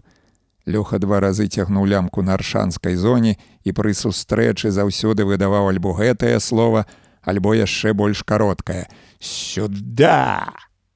Прыязджаючы ў бычкі, макар часцяком спансіраваў мясцовых хлопцаў, Таму тыя і ўзрадаваліся, убачыўшы спонсара, і не паспеў той выйсці з лодкі, як яны рынулі ў ваду і з вясёлымі мацюкамі усцягнулі пласкадонку на бераг. Пад'ехалі бачкоўцы не з пустымі рукамі. Малодшы з братоў 30гадовы юрка залез у кабіну, перадаў брату шэсць фугасаў, а потым, папоркаўшыся ў бардачку, шпурнуў возера, каб спаласнуць бляшаную конаўку. Убіўшыся ў цянёк, лёха мандрык адкаркаваў сцізорыкам фугасіну, скоса глянуў на інтэлігенты і макар, перахапіўшы позірк, падтлумачыў: Тамарчын муж у газеце працуе. Лёха напоўніў конаўку, перадаў тамарчынаму мужу, але той захінуў твар далонямі. Пакрыўдзець хочаш, вусцішна прасіпеў мандрык, і гарадскі госць млявай рукой узяўшы пасудзіну, стаў глытаць струнак, дробна стукаючы па конаўцы зубамі. Віно, украінскае яблучнае, пілі паволі, са штохвілінным прыпальваннем цыгарэт і з гэткім жа штохвілінным ляпаннем па карках. Тут у цяньку лютавала камарэча. Кожнага разу глынуўшы чарвіўкі, Лёха пачынаў апавядаць пра калгаснага старшыню, ды ляпнуўшы па карку збіваўся на іншыя тэмы.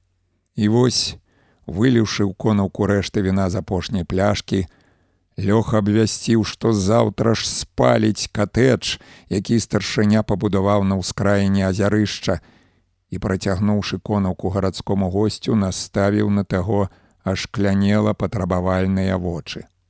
За ўсю бяседу тамарчын муж не прамовіў ні слова, але цяпер адчуўшы, што трэба нешта сказаць, з насцярогай узяў конаўку, ікнуў, праліўшы трунак і асавела прастагнаў: цудоўныя хлопцы. Уліўшы ў глотку рэшткі пітва, інтэлігент кола пасміхнуўся, кульнуўся на траву і ледзь чутна паўтарыў: цудоўныя. Да хаты ехалі на рамонтнай лятучцы, соўгаючы азадкамі па жалезнай скрыні, у якой увесь час штосьці бразгала. Галава шваграва матлялася, што ў хворага гусака. На адным з паваротаў швагер з'ехаў са скрыні, стукнуўся скронню аб бляшаную буду, Таму макар абдымаў сваяка за шыю і калі той з'язджаў бок мацніў абдоймы і па прыкладу лёхі мандрыка гукаў: сядзіць. І чым ямчэй абдымаў макар сваяка, тым большай павагай да яго прасякаўся. Ну скажы, Нашто ты паклаў сваё жыццё, выгукнуў макар на чарговым павароце і сваяк, бліснуўшы бельмамі вачэй, здуша навякнуў, і выбухнуў ванітамі. Макар скрывіўся, падхапіў з-пад ног рыззё, каб выцерці падлогу, і чарговая порцыя ванітаў агіднай цеплынёй кранулася шыі.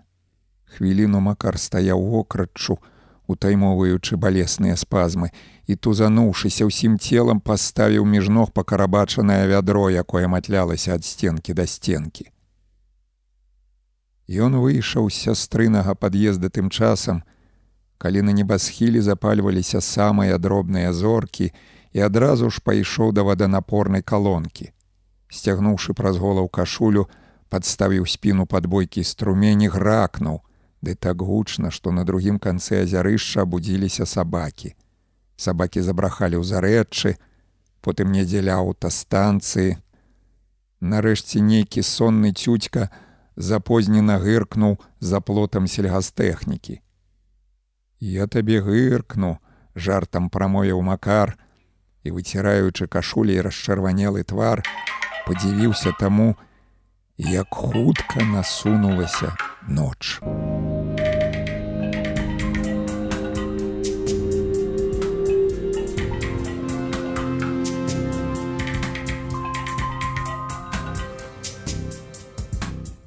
Кнігі без літар беларускія аўдыокнігі ад інтэрнэт-бібліятэкі камунікат. Вінцэсь мудроў. Восень у вільні. Апавяданні. Дзед і ўнук.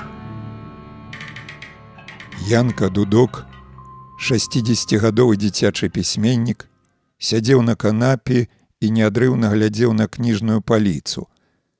А калі казаць больш дакладна, на невялічкі ў палец даўжынёй шыхт напісаных ім кніг. Кнігі стаялі на самым прыметным месцы, паміж зборам твораў дастаеўскага і чатырохтомнікам біянкі, і на тле брудна-зялёных тамоў лагодзілі вока сваімі рознакаляровымі карэньчыкамі. Пісьменнік, аднак, глядзеў на тыя карэньчыкі з пакутай і нават з прыкрасцю. Без малога 30 гадоў урабляў янка дудок айчынную літаратурную ніву. Быў час, калі ягонае прозвішча ў справаздачным пераліку згадвалі старшыні пісьменніцкага звязу, калі творчасць ягоную аналізавалі прафесійныя крытыкі, а дырэктаркі дзіцячых бібліятэк пісалі яму ад імя юных чытачоў лісты падзякі за тую асалоду, якую зазналі, чытаючы напісаную ім кніжку, а ў апошніх радках выказвалі спадзяванне, што пісьменнік яшчэ парадуе аматараў роднага слова новымі таленавітымі творамі. Ды хопіць ужо вам, далі Бог, зробленым дакорам і з ноткамі шчасця ў голасе прамаўляў янка дудок, прабягаючы вачыма эпісталі. І хаця у душы адчуваў, што шкаляры яго наўрад ці чытаюць, аднак атрымліваць такія лісты, хай і напісаныя па абавязку службы было прыемна. Магчыма, Янка і да гэтай пары ўрабляў бы літаратурную ніву, але тут пачалася славутая перабудова. А разам з ёю скончылася ўсё тое, што было дарагім пісьменніцкаму сэрцу і ганарары, і пуцёўкі ў пісьменніцкі дом адпачынку, і калектыўныя п'янкі, якія называліся, выязнымі пасяджэннямі бюро прапаганды мастацкай літаратуры. Янка дудок ужо даўно нічога не пісаў, але зрэць часу прыкладна два разы на год творцу апаноўваў пісьменніцкі сверб. Сэрца пачынала парывіста біцца. Дрохкія рукі шукалі асадку, а ў галаве нараджаліся новыя сюжэты ды мастацкія вобразы. І тады ён сядаў за стол, камп'ютарам карыстацца так і не навучыўся, колькі часу сядзеў у рашучай паставе, маракуючы, што б такое напісаць. Нарэшце, па прыкладу Владзіміра Караткевіча поўніў наліўную асадку чорным атрамантам і пазначаў старонку крэйдавай паперы сваім імем і прозвішчам.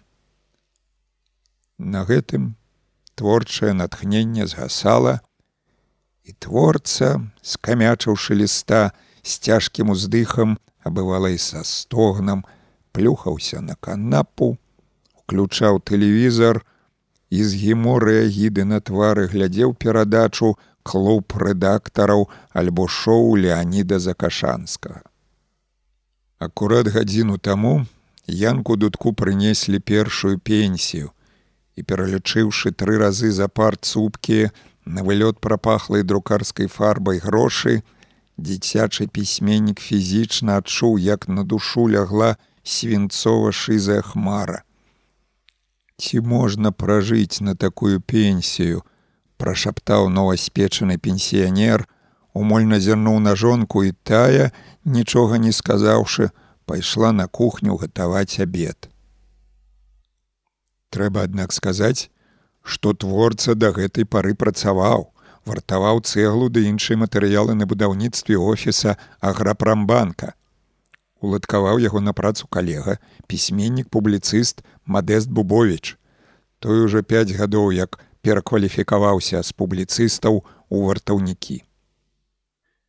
І вось, калі Янка дудок неадрыўна глядзеў на кніжную паліцу, з ім здарыўся чарговы творчы прыпадак. Аднак гэтым разам ён не мармытаў пад нос.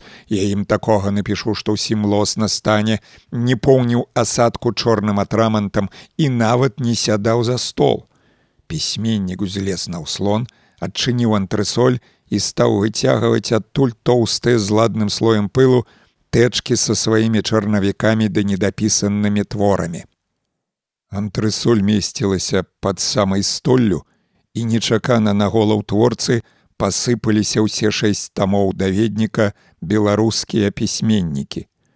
Шматтомны даведнік на верхатуру у потай ад мужаў сперла жонка. Мела такую паганую звычку выцягваць кніжкі з паліц і распіхваць па цёмных кутах, наракаючы, што ад кніжнага пылу яна нажыла хваробу бронхаў. Вось і цяпер, прачыніўшы кухонныя дзверы, жонка выдохнула і калі ўжо выкінеш свой хломаст, і муж муцюкнуўся ў адказ. Шосты самы важкі том патрапіў дакладна ў цеме і злёгку аглушыў янку. Ці не таму творчае натхненне адразу ж згасла, да таго ж тасёмкі пыльнай тэчкі ніяк не развязваліся і творца ўзяўся развязваць іх шасцю ацалелымі зубамі. У першай тэчцы месціўся рукапіс аповесці пра піянера героя. Некалькі старонак, Там якраз апавядалася, як піянер-герой шпурляў у гітлераўцаў гранату, былі перакрэслены сінім андрэеўскім крыжам. Прычым сям там на перакражаванне аловак прадзёр паперу. Аповесць пра піянера-героя была свой час напісаная і аднесеная ў рэдакцыю, але тут як на грэх з творчай камандзіроўкі вярнуўся мадэст Бубович калега наведаў дакладна тыя мясціны, дзе піянер падарваў апошняй гранатай сябе і зграю гітлераўцаў. Ну і пачуў ад мясцовых, што хлопец той ніякіх немцаў не ўзрываў. Папросту нёс у атрад на пару з дзедам каністру самагонкі, стаў падпіты выцягваць з кішэні гранату і выпадкова тузануў за чаку. А тут якраз на У2 маскоўскі журналіст прыляцеў. Ён і прыдумаў гісторыю з апошняй гранатай. У Бубовіча язык без клею мелі. Адразу ж распавёў пра тое ў рэдакцыі. У выніку замоўленую начыста перадрукаваную аповесць рашуча перакрэслілі. Яны з Бубовічам потым у фае дома літаратараў горача пагаманілі.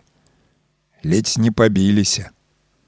У выніку мадэст у якасці кампенсацыі уладкаваў яго у бюро прапаганды мастацкай літаратуры. Балазе тады месца вызвалілася, аднаго з шальцоў белая гарачка скруціла. Пісьменнік чхнуў і паволі з суворым выглядам падзёр на шматкі апошнюю старонку аповесці, а астатнія з ціхім шолахам зляцелі на падлогу. Пальцы падхапілі яшчэ адну, куды больш тоўстую пыльную тэчку пазначаную размашастым надпісам вартавыя граніцы. Гэта была яшчэ адна аповесць пра тое, як піянеры лавілі іншаземных шпігуноў, і ў гэты момант у кватэру пазванілі. Ваня прыйшоў, крыкнуў пісьменнік. Гэткім часам да іх заходзіў 13гадовы ўнук, які жыў з бацькамі на суседняй вуліцы і пасля школы завітаваў на абед. Якраз крупнік паспеў, прамовіла ад парога жонка, адчыняючы дзверы. Унук, не распранаючыся з насунутым на лабешнік капюшонам курткі, стаў пасярод калідора. У руцэ ваня атрымаў нейкую пляскатую штуковіну, а твар быў асветлены злавесным сінім святлом. Чаму не здароўкаешся, спытаў дзед, і ўнук, не адрываючы вачэй ад штуковіны, няўважна кіўнуў. Што там у цябе? пісьменнік з краканнем злез з услона. Ты што дзед не бачыш айфон бачу што айфон буркнуў дзед хаця не надта ўяўляў чым твой айфон розніцца ад мабільніка. Бацька відаць прывёз. Зяць ужо другі год працаваў будаўніком у москве і надоечы прыехаў на пабыўку. Давай дзетухна распранайся ды есці ідзі падала голас бабуля і ўнук перахапіўшы айфон з рукі на руку з неахвотаю скінуў куртку. І што ты там усё пальцам тыцкаеш?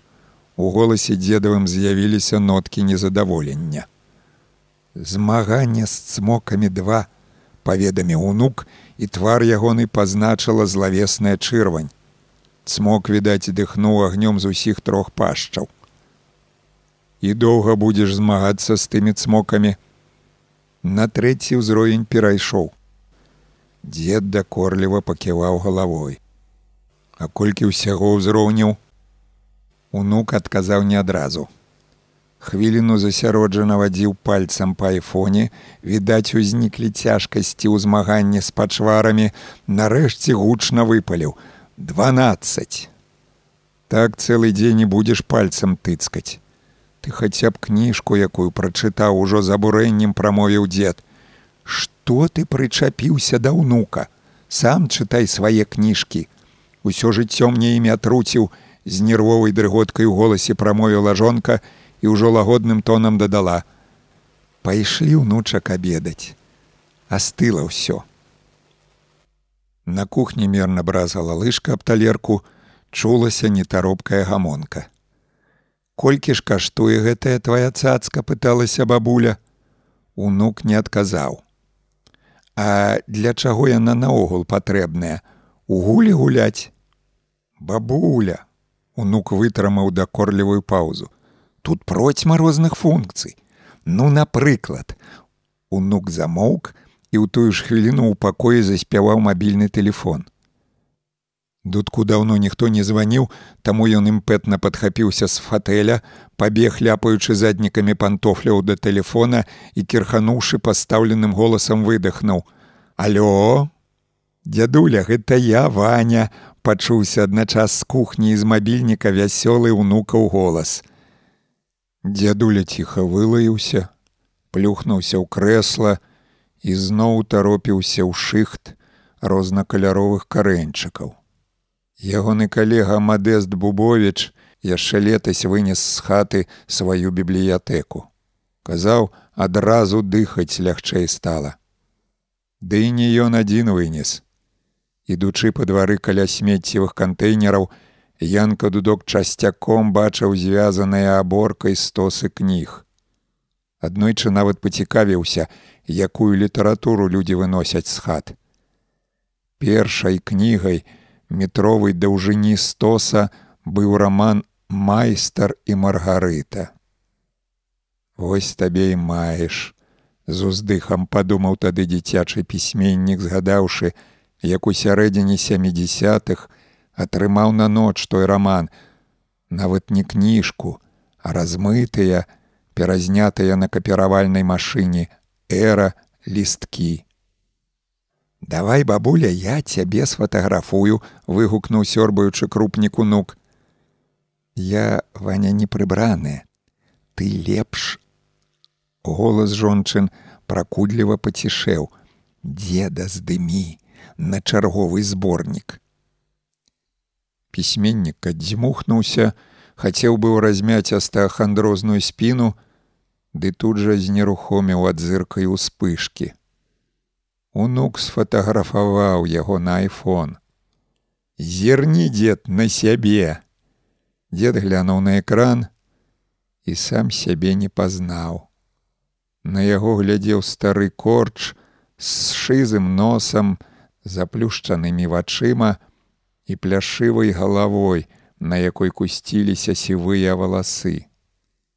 Ты ваня гэта выдалі здымак. Тут я не вельмі ўдала атрымаўся.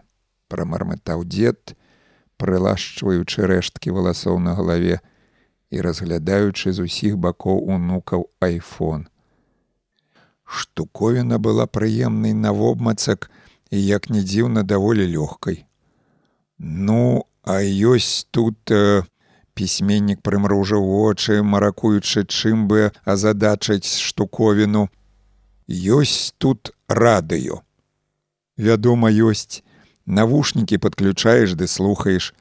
Я праўда не ведаю як яго ўключаць. Унук падхапіў iphone пачаў гнаць пальцам малюнкі на экране. А у цябе дзед у дзяцінстве было радыё пісьменнік пачуўшы такое на пачатку спахмурнеў але нечакана ў вачах бліснулі гарэзлівыя яскі. Было. Зараз яго пакажу дудок з дзіўным для яго імпэтым кінуўся ў спальню. Слухай у нас не захавалася драўляная шпуля ад нітак запытаўся ў жонкі якая якраз сядала да швейнай машынкі.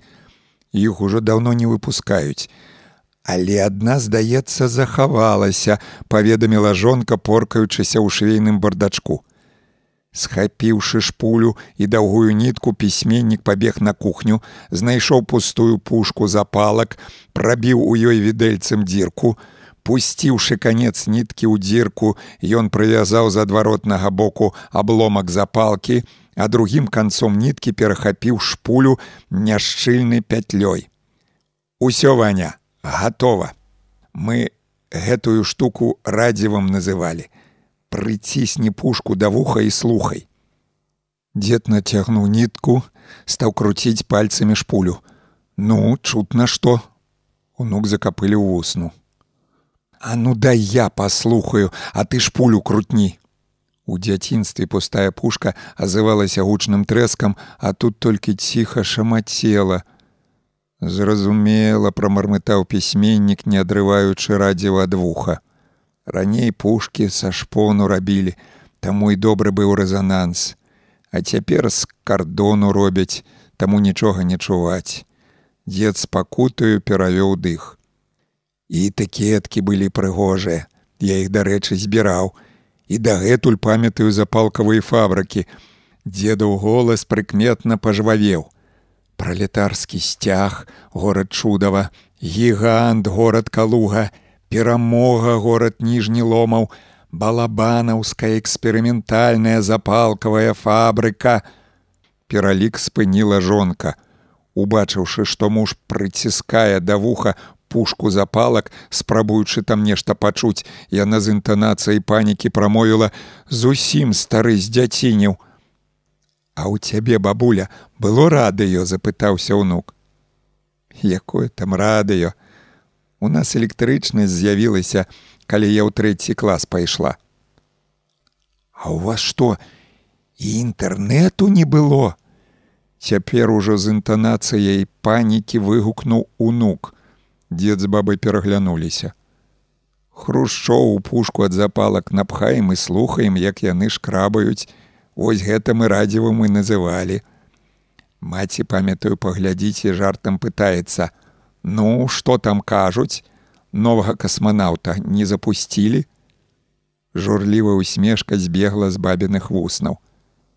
А чаго ты тут папер накідаў? Ці не збіраешся свой хломаст выносіць?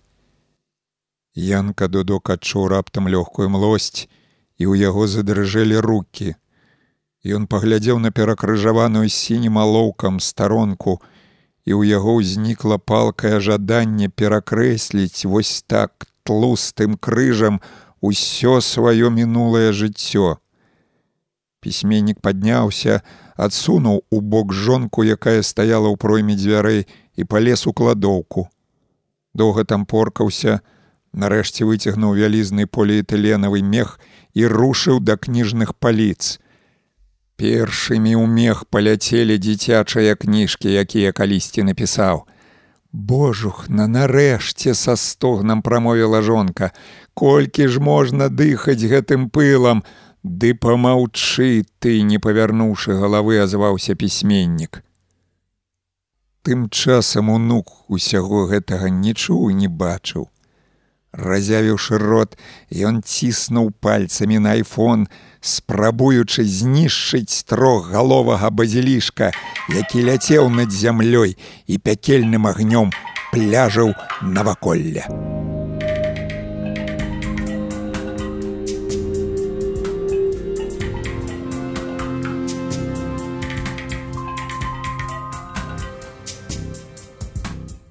кнігі без літар беларускія аўдыокнігі ад інтэрнэт-бібліятэкі камунікат Вінцэсь мудроў.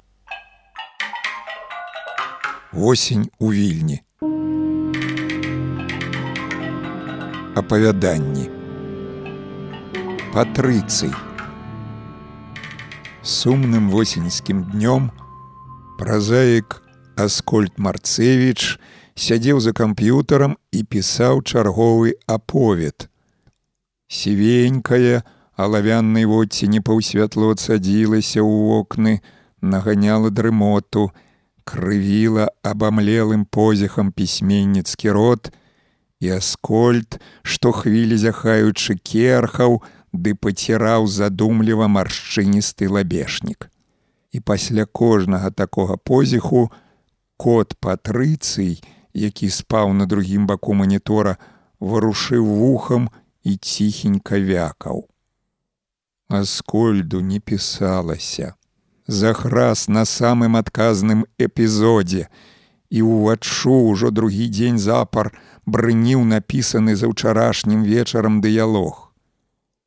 Ты мяне гоніш, Андрэй споўз з канапы, укленчыў перад Наташай, крануўся вуснымі дзявочага калена.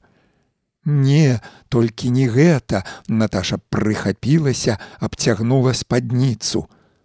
Наташа, я магу развітацца з жыццём, але не з надзеяй, надзеяй бачыць цябе побач. Андрэй не трэба, дзяўчына ўспыхнула, мелькам зірнула на гадзіннік.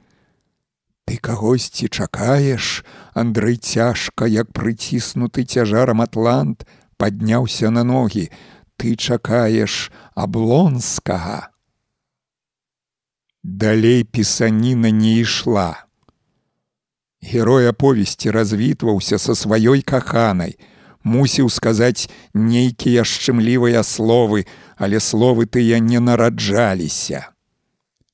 Паволі санлівасць збегла з вачэй, і пісьменнік усё з большым раздражненнем і злосцю глядзеў на манітор. І вось нарэшце чхнуўшы, аскольд прасвятлеў тварам, пальцы заляпалі па клавіятуры і на экране з'явіліся наступныя радкі. Наташа, за блонскім ты загінеш, а разам з табою загіну і я, мне не перажыць. Чуеш, не перажыць нашага расстання.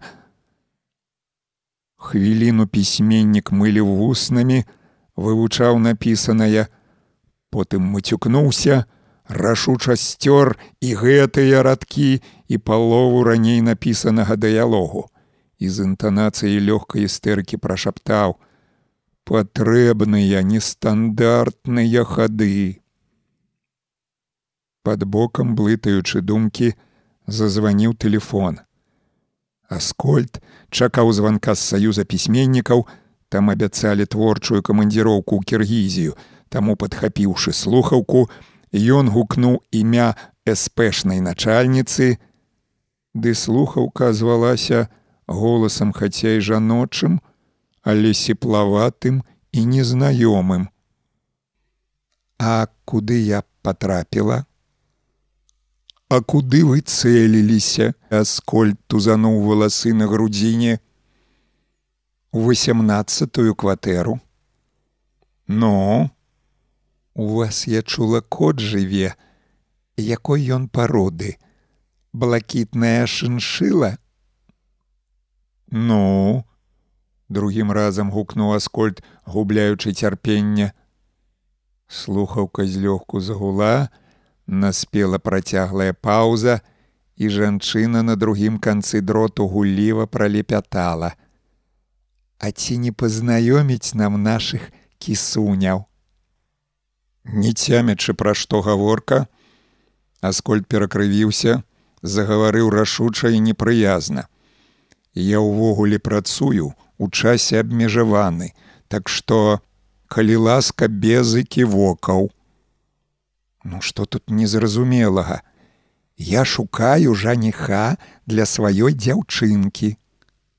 Якой дзяўчынкі? Насцярожліва перапытаў аскольд мальвіны кошки маёй яны ж з вашим котом адной пароды о вырвалася нарэшце за скольдавай грудзіны вам страшэнна пашанцавала. Патрыцый як увойдзе ў смак можа задаволіць не толькі мальвіну але і яе гаспадыню. На другім канцы дроту абурана хмыкнули помаўчалі дзеля прыліку і занадта сур'ёзным голасам паведамілі: Мы на пятым паверсе жывём у трыцатай кватэры. Званок прагучаў як ніколі дарэчы. Два тыдні таму аскольдава жонка паехала па пуцёўцы трускавец. Грошы, якія пакінула, былі ў першы ж дзень прапітыя, і цяпер галодны кот не даваў спакою, блукаў па кватэры і з душа навякаў. У лядоў неправда ляжала пакарабачаная путасіна, Але ж яе трэба было расцягнуць на тры дні, і паводле графіка рыбінага хваста кот мусіў атрымаць толькі адвячоркам. Адчыніла яму бялявая саракоўка з вялікімі грудзямі і даволі зграбнай паставай. Вось вам шаноўная кавалер, аскольд выпусціў кота і той адразу ж сігануў у кухню. Вы яму што-небудзь здайце, а то як агадзе з камандзіроўкі не паспеў накарміць мою госць і тут жа пачуў прагнае храбусценне. За гэта не хвалюйцеся. Я яму поўны сподак кіцікету насыпала. Вы, дарэчы, што даяце сухі корм ці кансервы. Патрыцы аддае перавагу рыбным кансервам, з годнасцю адказаў аскольд і, падвысіўшы голас, крыкнуў свайму гудунцу: « Глядзі там, працуй з поўнай аддачай, як запавядаў вялікі Ленін. Дзіўнае імя выдохнула гаспадыня лёгкай усмешкай, ацаніўшы аскольдаў жарцік. Упершыню такое чую, Мужчыны на Беларусі, усе скрозь плебеі, няхай хоць кот будзе патрыцыем. Саракоўка глянула на госця з вясёлым захапленнем, чакала відаць кампліменту на свой адрас, але скольт рашуча павярнуўся і выбег з кватэры. Сеўшы пры камп'ютары, празаік цэлую гадзіну глядзеў на манітор, тузаў валасы не толькі на грудзіне, нарэшце сабраўся з думкамі і крануўся клавішаў. Наташа, гэта жорстка. Тым часам, калі мяне змагла хвароба кахання, калі я не валодаю сабой і шукаю смерці, ты кажаш мне пра блонскага. Аскольд прачытаў напісанае, здушана выдохнуў: Ой, бля і сціснуў скроні творчыя пакуты дарэшты выматалі душу. Глыбокім пісьменніцкім нутром ён адчуваў патрэбныя новыя сюжэтныя хады, нечаканыя павароты. Замест усяго гэтага у свядомасці гучала мілоснае бляянне, на экран лезлі дакучлівыя дыялогі, і калі б раптам у пакоі з'явіўся той самы Андрэй, герой аповеду, ён бы яго, не міргнуўшы вокам, пазбавіў жыцця. І акурат у той міг, калі творца згадаў пра капусны сякач, які вісеў на кухні і якім было зручна цюкнуць героя, пакой напоўніўся нецярплівым тэлефонным зумканнем. Паслухайце, гэта нейкі жах. Ён мне на ложак насцаў. У слухаўцы ўсхліпнулі і аскольд, зразумеўшы, хто тэлефануе, знервавана заўважыў: Пазначае тэрыторыю. Ён жа нічога не можа. Імпатэнт, адно падзёр мальвіначцы вуха. На другім баку дроту замітусіліся, крыкнулі: злезь сцюлю, і аскольд кінуў слухаўку. Дзверы трыцатай кватэры былі прачыненыя. Празайк пераступіў парог і ўбачыў жаночы азадак. Гаспадыня кватэры стаяла вокрач і ціснучы вуха да падлогі, шоргала пад канапай насадкай пыласмока. Празайк таксама плюхнуўся на калені, а ягоны гадунец тым часам шкрабануўшы кіпцюрамі па дыване, узбіўся на шафу. І навошта мне быў гэты кот, усю кватэру спаскудзіў, а чаго трэба не зрабіў, жаночы голас дрыжэў і зрываўся. Парода такая, Ён блакітны, яна блакітная, пажартаваў аскольд і, угледзеўшы кота, пагрозліва крыкнуў злазь долу. Гаспадыня такога жарту, як і не чула. І што за кацяра такая? кошку задаволіць і то не можа. Жанчына ўзлезла на канапу, хацела схапіць кота за каршэнь, але той махнуў лапай і на шляхетным жаночым носе стаў набіраць чырвані кручкаваты пісях. Паця, цябе што вучыць трэба, душа пісьменніцкая аж па край напоўнілася безразважнай весялосцю. Глядзі і вучыся, Аскольд абхапіў гаспадыню за шырокія клубы, апусціў на падлогу. Гаспадыня адхінулася, уперлася локцем у ягоную грудзіну. Вы што? Ашалелі? Я зараз паклічу суседку. Вы аматарка групавухі, зноўку пажартаваў аскольд і прагнай пяцярнёй слізгануў пад рыготкім як квашаніна азадку. Імгненне гаспадыня яшчэ супраціўлялася, ухілялася ад пацалункаў, а потым зморана апусціла руки, і яны кулём паляцелі на канапу. Следам за імі на канапу скочыў патрыцый. Аскольд скінуў яго нецярплівай нагой і выцягваючы з-пад станіка важкія грудзі, пачуў гарачы шэпт: « Пойдзем под душ. Праз тры гадзіны з катом пад пахай празаек пераступіў парог сваёй кватэры і зірнуў у люстра, што вісела ў вітальні. Чырванаватая, пазначаная адбіткамі трох зубоў пляміна на шыі шчымела і вярэдзіла душу. Жонка магла пацікавіцца, хто яго пакусаў. Аскольд памацаў пляму, рассунуў шырокія плечы і з пачуццём глыбокага задавальнення адрыгнуў украінскім баршчом, якім яго дасхочу накармілі. Нечакана вочы пісьменніцкія пасуравелі, зірнулі ў люстраную далячынь, і аскольд сцярожка на дыбачках пайшоў да камп'ютара, прысеў на край услона, ускудлаціў вільготную чупрыну, з нечуваным дагэтуль натхненнем закалаціў пальцамі па клаве. Ты па праўдзе чакаеш аблонскага, гэтага прышчавага ананіста. Андрэй схапіў Наташу за клубы, кінуў на канапу. У гэтым месцы празаек захоплена пацёр далоні. Вы што?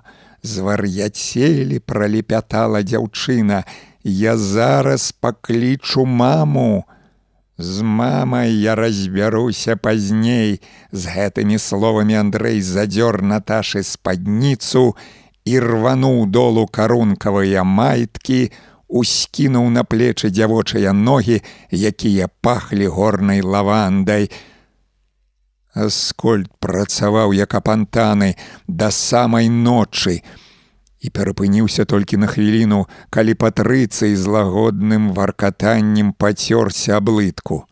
Іншым разам ён бы адкінуў ката, каб не замінаў творчаму натхненню, але тут рушыў на кухню, выцягнуў з лядоў непакарабачаную путасіну. Еш, заслужыў, прамоіў пісьменнік і пабег дапісваць аповед.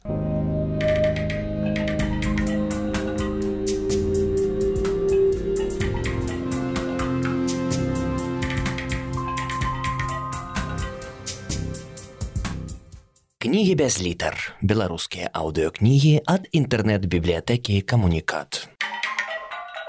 Вінцэсь мудроў восень у вільні апавяданні восень у вільні частка першая я прачынаюся ў апраметнай цемры і наструніваю слых под вокнамі скаланаючы паветра пошчакам конскіх капытоў едзе брычка а праз хвіліну па бруку цяжка грукоча хурманка Неўзабаве хурманка спыняецца, і хтосьці сіпата гукае: но курва. Мема нас, который дзень запар возяць параненых жаўнераў. У пакоі холодна, на дыбачках пацепваючыся ўсім целам, подбягаю да акна, адсоўваю старую коўдру, якую бацька называе мудрагілістым словам святло маскіроўка. З надворку цэдзіцца кволая яснасці я, пазіраючы на постаць паліцыянта не магу угледзець хто гэта сівагаловы скачыліс ці малады кірпаносы тадык сын цёткі юстыны У цёплым яшчэ чыгунку тры вараныя ў мундурах бульбіны. Абіраю адну самую буйную, торкую сальніцу, з няхвотаю, жую і зноў падаюся да акна. Па вуліцы паўзе чарговая хурманка з параненымі. У аднаго з жаўнераў спадае долу шапка, і паліцыянт, цяпер бачу, што гэта скачыляс, хапае яе і вылюхаста бяжыць за калёсамі. Скачылі з гэты прыходзіў за бацькам. Уваліўся ад ранку мы яшчэ спалі і загадаў бацьку збірацца. Маці потым у пастарунак хадзіла, пыталася, за што забралі. Сказалі, што часовая мера ізаляцыя падрыўных элементаў і што як скончыцца ваенныя дзеянні, бацьку выпусцяць на волю. Але калі яны скончацца, немец па чутках ужо атачыў варшаву. Запоны шэраг хмар вырываецца самалёт. Ціснуся да шыбы, намагаючыся ўгледзець чырвоныя ды белыя квадраты на крылах а можа на крылах чорныя крыжы і на горад паляцяць бомбы. Быў бы бацька той адразу вызначыў бы чый гэта лятак.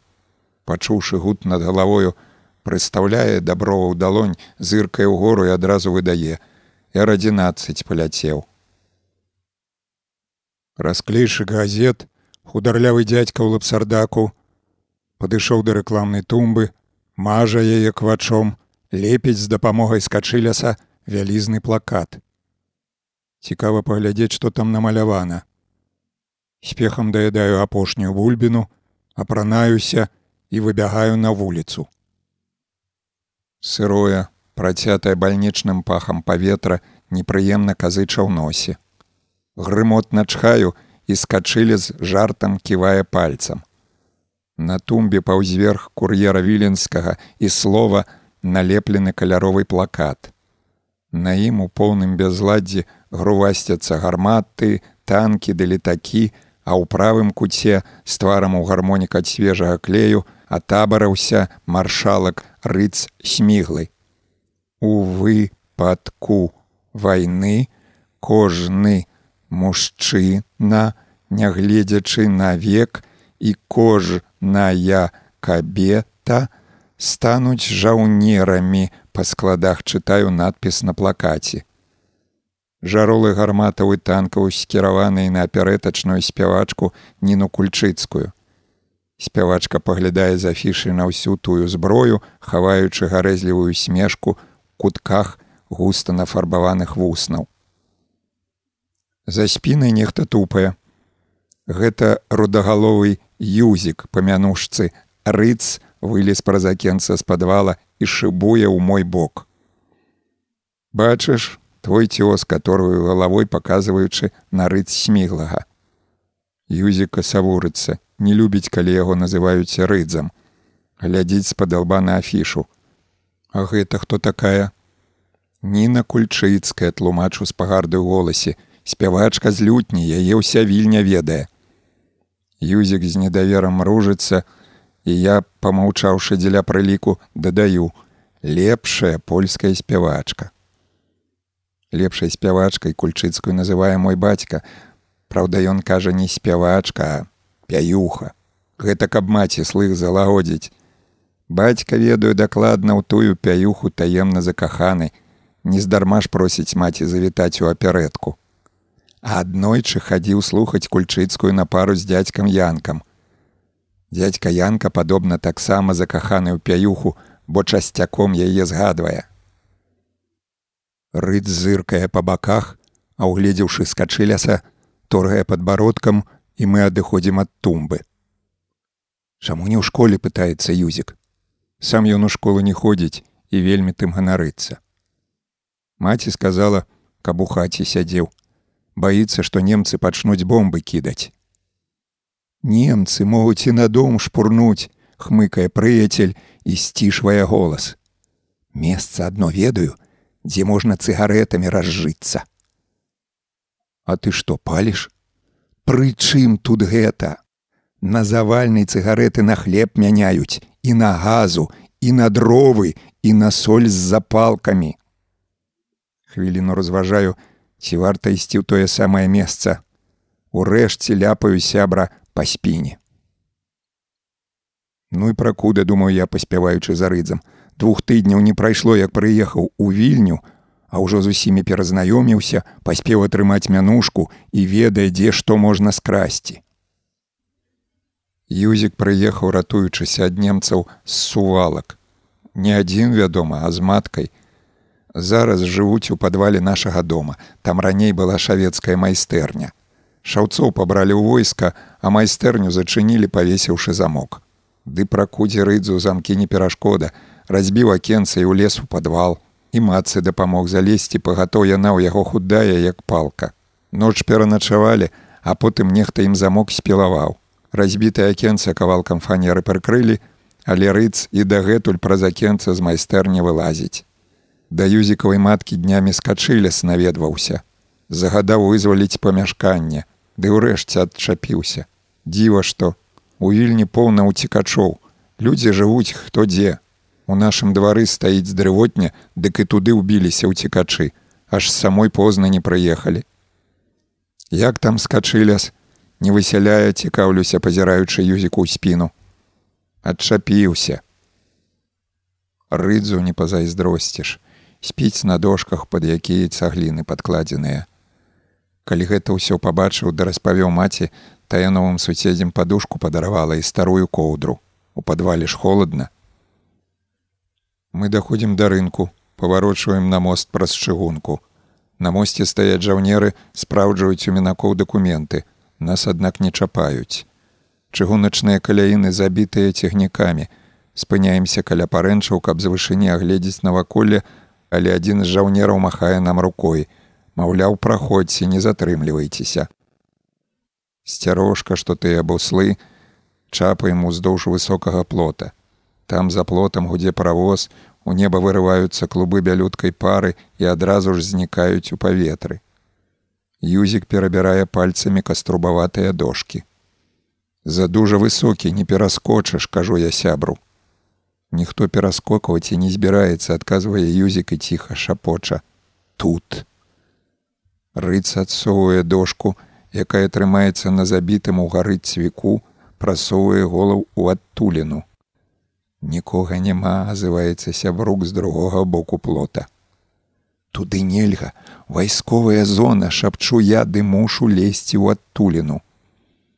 Ад плота адпаўзаем вокрычу з перакрыўленымі ад хвалявання тварамі. Да таго ж паравозная дзындра балюча вярэдзіць калені. На першай каляіне стаяць разбітыя вагоны, а непадалёку валяецца абломак дошкі з выбітымі на ёй літарамі ПКП. Цягнік разбамбілі і яго сюды ў тупік загналі. З гэтымі словамі юзік нырцуе пад вагон. З адчуваннем, што зараз вагон скранецца з месца, таксама нырцую цёмны прахон, б'юся патыліцы аб нейкую жалязяку і, зачапіўшыся за рэйку падаю на калені. На другой каляіне гібеюць такія ж патрушчаныя вагоны і юзік рашуча выдыхае гэты. Вагон перад якім спыніліся знізу цалюткі, а вось у сярэдзіне некалькі дошак выламаныя. Рыц паказвае рукамі, каб я нахіліўся, і ў гэты міг на другім баку каляіны змучана кашляюць. Так і застываю, не выпрастаўшы хрыбеціны. У светлай проме бачныя вайсковыя боты. Вайсковец спыняецца, прыпальвае цыгарету, ідзе ўздоўж вагонаў. Сябар узбіраецца на спіну, чапляецца рукамі за край дошкі, знікае, мільгануўшы падэшвамі чаравікаў у цёмным праломе. Ну як там пытаюся пошапкам. Штосьці стукае ў лабешнік, і я падхопліваю з-пад ног пачак цыгарет. Гурнік, ці не самыя танныя цыгареты з намаляваным на пачку шахцёрам. На голову раз за разам сыплюцца цупкі апачкі, і я пхаю іх спачатку ў кішэні, потым, расшпіліўшы верхнія гузікі кашулі за пазуху, нарэшце за каршэнь, аж пакуль у вагонным нутры не нараджаецца адчайны шэпт. Мне пакінь. Да плота бяжым што духу. Я першым падбягаю да лазу, адсоўваю дошку, але вылезці не даю рады, бо спераду вісіць ладны пузень, а ззаду вырас такі ж вялізны горб хутчэй ты гукае сябрук штурхае ў азадак і я чую натужлівы трэск канец калашыны зачапіўся за цвік Прамінуўшы даўгую вуліцу і кароткі завулак, кідаемся пад шаты з жаўцелых ліп і заўважаем, што апынуліся сярод крыжоў. Стараверскія могілкі, кажу з палёгкай, плюхнуўшыся на магільны пагорак. Доўга сунімаем парывістае дыханне. Раней міма тых могілак хадзіць баяўся, а тут сяджу на ўтравелай магіле і водзячы пальцам па шэрхлым крыжы, чытаю выразаныя ў дрэве літары раб Божий Іоанн дзіўныя крыжы задышліва мовіць сябрук. Я ж табе кажу стараверы пахаваныя. А хто такія? Бацька калісьці пра іх распавядаў але адно і запомнілася што гэта нейкія прыблуды з рассеі якія не па правілах хрысціліся іх пачалі лупцаваць яны збеглі ў вільню збіраючыся з думкамі чухаю макаўку і крыўлюся ад болю под вучнёўскай шапкай шчыміць і спее гузак. Да хаты вяртаемся дальняй дарогай, аж праз курлянскую вуліцу. Пнуцца на чыгуначны мост не выпадае, бо жаўнеры могуць пацікавіцца нашымі пузеннямі. На курлянскай на чыгуначным пераходзе стаіць паліцыянт, таму прыхоўваемся за кустамі, а калі гліна спыняе нейкага фацэта на ровары, непрыкметнымі ценямі праслізгваем у суседні завулак. І да самага дому азіраемся, выглядаючы сінія мундуры. Увальваюся ў кватэру, думаючы, што маці на працы, да яна чамусьці дома. Дзе цябе нячысцік носіць, маці як злуецца гамоніць па-простаму. Табе сказалі з хаты не выходзіць, а ты чорт дзе цягаешься, Выходжу на сярэдзіну пакоя, выцягваю кашулю са штаноў, цыгареты з вясёлым шорхатам падаюць на падлогу. Што гэта у голасе матчаным гучыць трывога. Не бачыш цыгареты, Дзе ты іх узяў? Немцы вагон разбамбілі, мы іх і прыхапілі. Ці не з вісусам падвальным ты іх прыхопліваў. Шморгаю носам, моўчкі выкідваю з кішэні ў рэшту цыгарет. Да сэрца падступае крыўда. Юзік што, самохаць залез у падвал. Хата іхняя ў сувалках згарэла, Оось і давялося шукаць прытулку. Маці і сама адчула, што сказала лішняе. Уздыхнуўшы, спрабуе зняць з мяне кіпурку, і я крыўлюся ад болю. Кров ад раны зашэрхла і прыстала да шапкі дзе ты пабіў галаву і што ў цябе з порткамі правая калоша на доле падзёртая дарослыя баяцца ў горад выходзіць а вы падшыванцы да хаты не працінаецеся бацькі няма а так бы даў пытлю маці ўсхліпвае сядае на ложак і ціха плача не з-за падзёртых штаноў вядома ад таго што бацька сядзіць у лукішках і немаведама калі адтуль выйдзе. Наступным ранкам тырчу дома, бо маці не пайшла на працу. Працуе яна на заводзе электрыт, на тым самым, дзе вырабляюць вядомыя на ўсю польшчу радыёпрымачы. Мацуе на корпусе радыёлямпы і прылітоўвае кандэнсатары. Так што сяджу на падаконніку і паныла гляджу на тое, што дзеецца за акном. Там і нічога не змянілася. Адно што ля пад'езда суседняга дома з'явіўся нязграбны надпіс: бамбасховішча на 50 асобаў. Па бруку па-ранейшаму ляскочаць калёсы з параненымі, а чалавеку лапсардаку расклейвае на тумбе свежыя газеты. Цікава, што ён там лепіць. Слова ці кур'ер. Ма, можна выйсці. Газеты хачу пачытаць. Маці маўчыць, наліваючы ваду ў чайнік, і гэта адзначае, што я нікуды не пайду. З дома насупраць выкульваецца матчына сяброўка, цётка Юстына. Цётка прыпыняецца каля тумбы, цягне шыю, спрабуючы штосьці вычытаць у газеце, і дробненька тупае ў наш бок, сяброўка твоя ідзе паведамляю не павярнуўшы галавы і маці крыкнуўшы да памагай кідаецца да купы цыгаретных пачкаў што ляжаць у куце. Пахапліва сюд тут натыкаючыся адно на другога, носім цыгареты ў шафу. А я гляджу ты ў акне мільганула, Чаму не на працы сакоча ад парога цётка Юстына. Цётка, калі гамоніць з суседзямі, збіваецца на простую мову. Скончылася праца. Маці папраўляе збітыя валасы.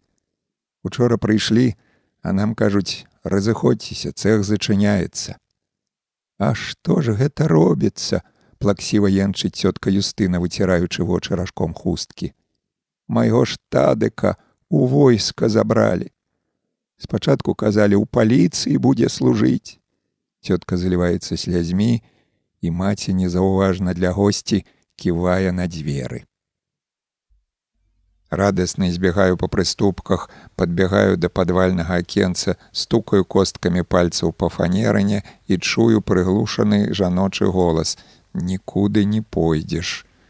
Усё зразумела, юзіка гэтаксама не пускаюць на волку.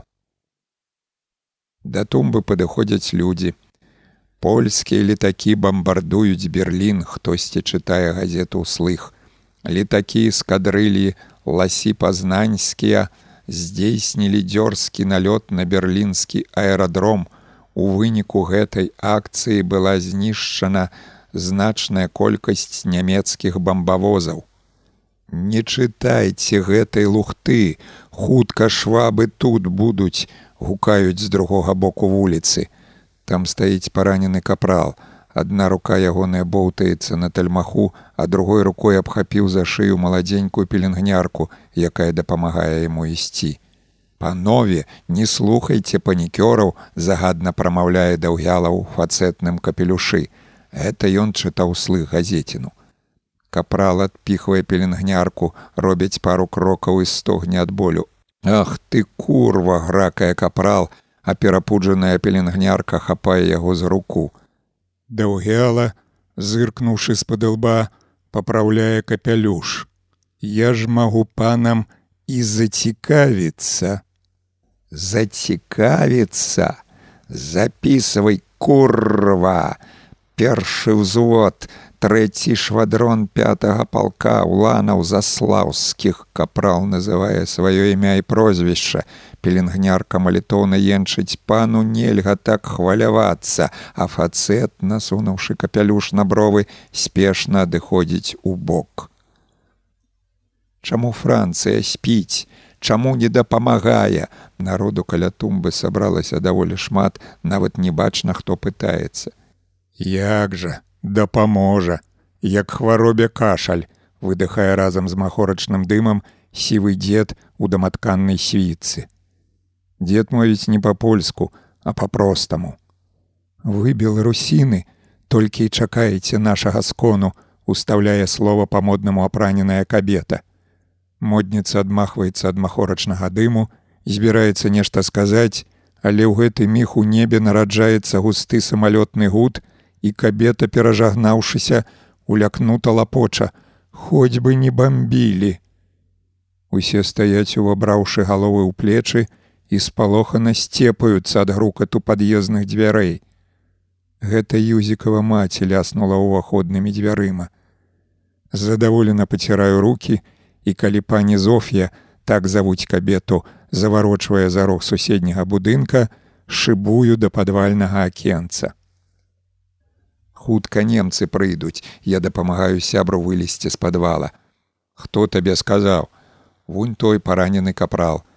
Капрал на якога паказваю паволі чакіляе абапёршыся на пеленгнярку у бок шпіталя. Цябе за цыгареты ўшчувалі? Ушчувалі. І мяне.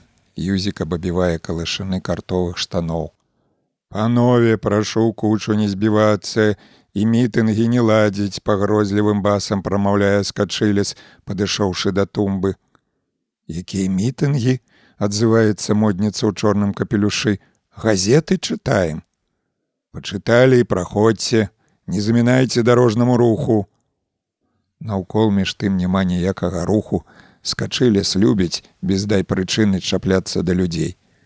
Вось тадак сын цёткі юстыны той ні да каго не чапляўся Летась нават дапамог летаўца змайстраваць якога я потым на панарскай гары пускаў. А цяпер тадак недзе ў войску з немцамі ваюе. Зрэшты нейкі рух усё ж такі адбываецца. Ад пагулянкі выруліў чырвоны арбон, а з-за вулка выехалі калёсы, наладаваныя прадаўгаватымі скрынямі, ці не трунамі. Калёсы спыняюцца, двое рабочых здымаюць з іх збітую з дошак скрыню з надпісам гаснік. Што за халера азываецца юзік. Ты што не бачыш? супраць пажарныя скрыні гучна каб усе чулі кажу я сябру. Іх на сцены павесіць вогнетушыльнік упіхнуць і на замок зачыніць а бомбіць пачнуць будзе чым агонь тушыць а як тушыльнік дастанеш калі замок павесіць не сунімаецца юзік ключ камусьці пакінуць магчыма тваёй маці сябар з лёгкай трывогай паглядае ў канец вуліцы Не, хлопе, як пачнуць бомбіць, ніякі вогнетушыльнік не дапаможа керхае дзед у даматканай світцы. У небе густым чмяліным гудам азываецца самалёт. Нельга збірацца грамадой, бо як гахне бомбу і разляцімся на шматкі з загаднай інтанацыяй прамаўляе скачыляс.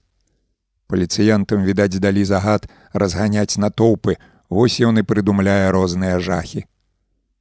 Як не дзіўна народ пачаў разыходзіцца. І першай, падхапіўшы спадніцу, адскочыла ад газет модная пані. Больш за ўсё віленчукі баяцца нямецкіх самалётаў.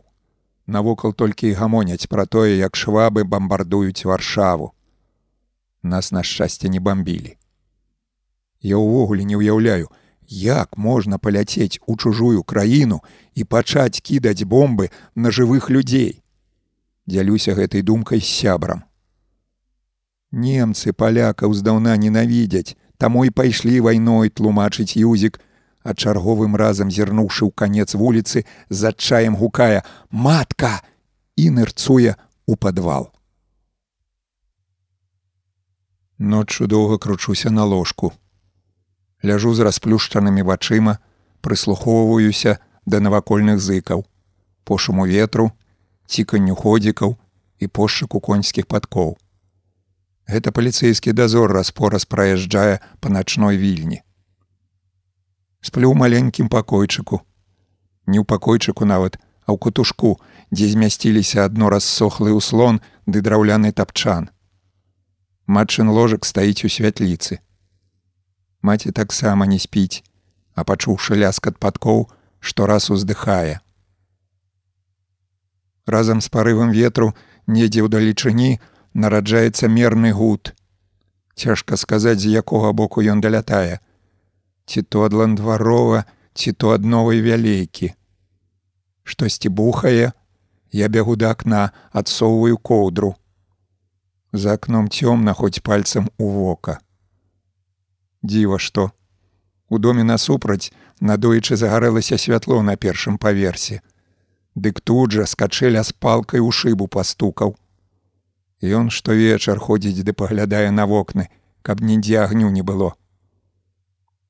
З надворку зноў гулкай раскацеста грымнула і неба асвяцілася кволай яснасцю. Езус Мар'я, хаця б да нас не даляцелі шапоча маці і неспехам, як звычайна, а з павольнай урачыстасцю жагнаецца. Раніцою мяне абуджае стук у дзверы і ахрыплы бацькаў голас: « Ну жывыя вы там! Вомігам злятаю стапчаны і лячу адчыняць дзверы, але позна іх ужо адчыніла маці і з плачам торкнулася носам у левый бацькаў плячук. Я ціснуся носам да правага плечука. Палітон патыхае цвіллю. Вы надта не абдымаеце, кажа бацька, сунімаючы матчынай слёзы, у вязніцы вошай да халеры цябе адпусцілі ці ты збег маці падхоплівае насоўку.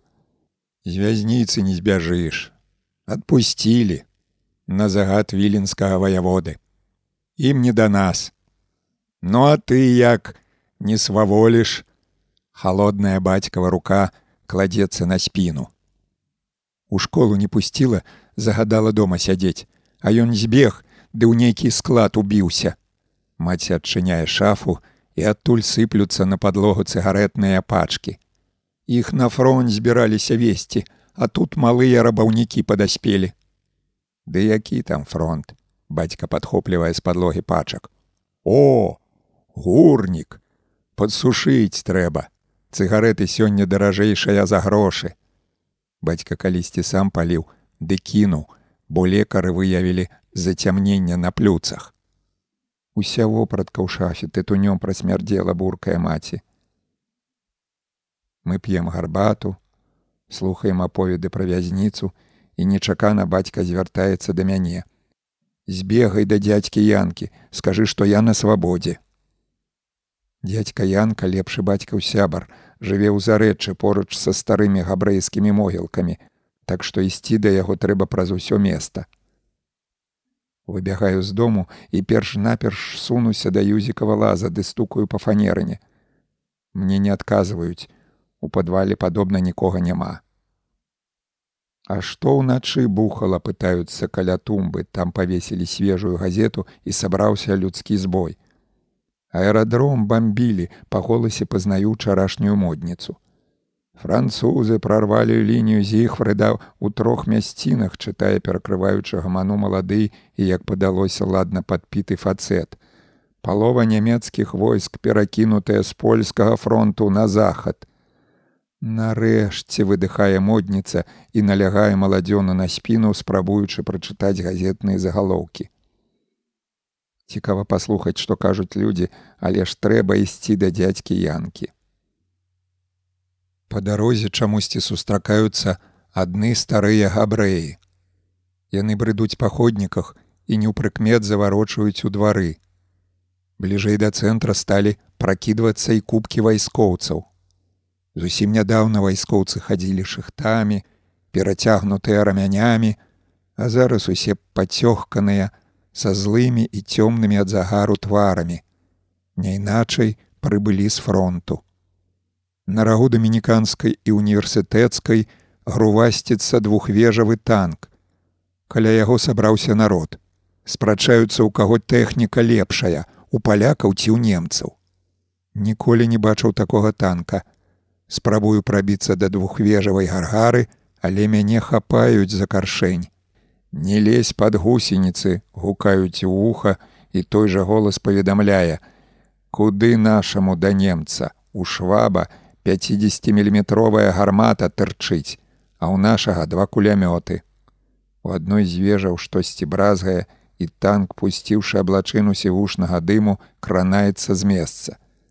Двухвежавік ляскоча гусеніцамі, адчайна дыміць, знікае з вачэй, завярнуўшы на нямецкую вуліцу. На мосце праз віленку спыняюся, навальваюся грудзінай на парэнчы. Па цёмнай вадзе плыве сухое лісце. Сярэдзіна верасня ата поля амаль згалелі. Даўно не было дажджу таму лісце ссохла. А вось ліпы бернардзінскага саду, якія гінае віленка, толькі крыху жаўцелі і шумяць ад ветру. Няўжо сюды прыйдуць немцы. З гэтай думкай углядаюся ў рачное прадонне. І на якую халеру сюды пруцца. Чаму ім не сядзіцца ў сваёй нямметчане? І што зменіцца пасля іх прыходу? А што тут можа змяніцца? Гэтак жа будзе плыць павіленцы сухая лістота, гэтак жа будзе шумець пад ветрам бернардзінскі сад і гедымінаву вежу, гэтак жа як зараз будзе ахутваць прывідная смуга. Зрэшты сёе-то зменіцца. На вежы залунае сцяг са свастыкай, На тумбе перад нашым домам з'явяцца нямецкія плакаты, а на рагу дамініканскай і універсітэцкай будзе тарахцець не двухвежавая танкетка, а грымець вялізны танк з 50міліметровай гарматай. Мая маці баіцца немцаў, і штовечар перад тым, як класціся спаць, жагнаецца і шапоча, божух на каб яны спрахлі. А вось дядька Янка, да якога іду, той немцам нібыта і рады. Таго дня, як швабы напалі на гдыню, прыбег да нас, узрушана хадзіў вакол стола, паліў цыгарету за цыгаретай і казаў, што беларусам трэба адразу ж выявіць ініцыятыву і дамагчыся ад немцаў адчынення нацыянальнага універсітэта. А яшчэ казаў, што магчыма ўдасца стварыць беларускую аўтаномію ці нават незалежную заходнебеларускую рэспубліку. Я потым спытваў бацьку, што такое аўтаномія, але той адмахнуўся і наказаў, каб я не лез у дарослыя размовы. Бацька з дзядзькам янкам тады зацята спрачаліся, колькі будзе доўжыцца вайна. Бацька быў перакананы, што яна расцягнецца надоўга і што калі немцы захопяць познань, дык палякі павінны захапіць усходнюю прусію, а ягоны сябруку адказ хмыкаў і казаў, што польскае войска створана выключна для дэфілядаў, а не для сучаснай вайны і што праз два тыдні немец захопіць варшаву. Дядька Янка жыве адзінцом ва ўласнай хаце. Хата складзеная з пачарнелага бярвення, а пакрывае яе высокі гонтавы дах. З аднаго боку да жытла падступае антокальскі гай, а з другога стаяць перакрыўленыя каменныя помнікі з шасцікутнымі зоркамі наверсе. Мясціна для жыцця не надта прыемная, але дядьку падабаецца, бо тут зацішак і шмат зеляніны. Бацька ў сябар стаіць пасярод двара і сячэ дровы. Прычым робіць гэта за салодай, з першага разу расколваючы тоўстыя бярозавыя цурбакі. З зачараваннем гляджу, як блізкае лязо сякеры, як узлятаюць у гору палены, як пырскаюць ва ўсе бакі жоўтыя трэскі. Неўзабаве адно палена адлятае да маіх ног, і дядька Янка выпроствае спіну. О, якія госці жартам, але з насцярогай вітаецца дядька і пераключаецца на сур'ёзны лад. Што выпусцілі бацьку? Размашаста, як той конь ківаю галавой.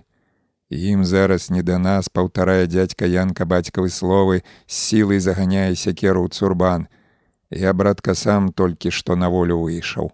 Ад паліцыі хаваўся. Дядька спакутаю адзьмухваецца. У школу ходзіш? Маці не пускае, баіцца, што немцы прыйдуць. Кепска, што цябе ў беларускую школу не выправілі. Што ж ты за беларус такі вырасцеш? Кніжкі хоць нашы чытаеш? Чытаю, неўпэўнена кажу я. Чытаць беларускія кніжкі цяжка, бо напісаныя расійскімі літарамі. Ну а якую апошнюю кнігу прачытаў? Дядька Янка падымае пінжак, які ляжыць на кучы палення, дастае з кішэні капшук табакі. Абразкі, кніжку гэтую немаведама калі выдадзеную з глядашчымі з жаўцелымі старонкамі адолеў на летніх вакацыях. А пяюць начлежнікі. Дядька скручвае цыгарку, летуценнам ружыць вочы.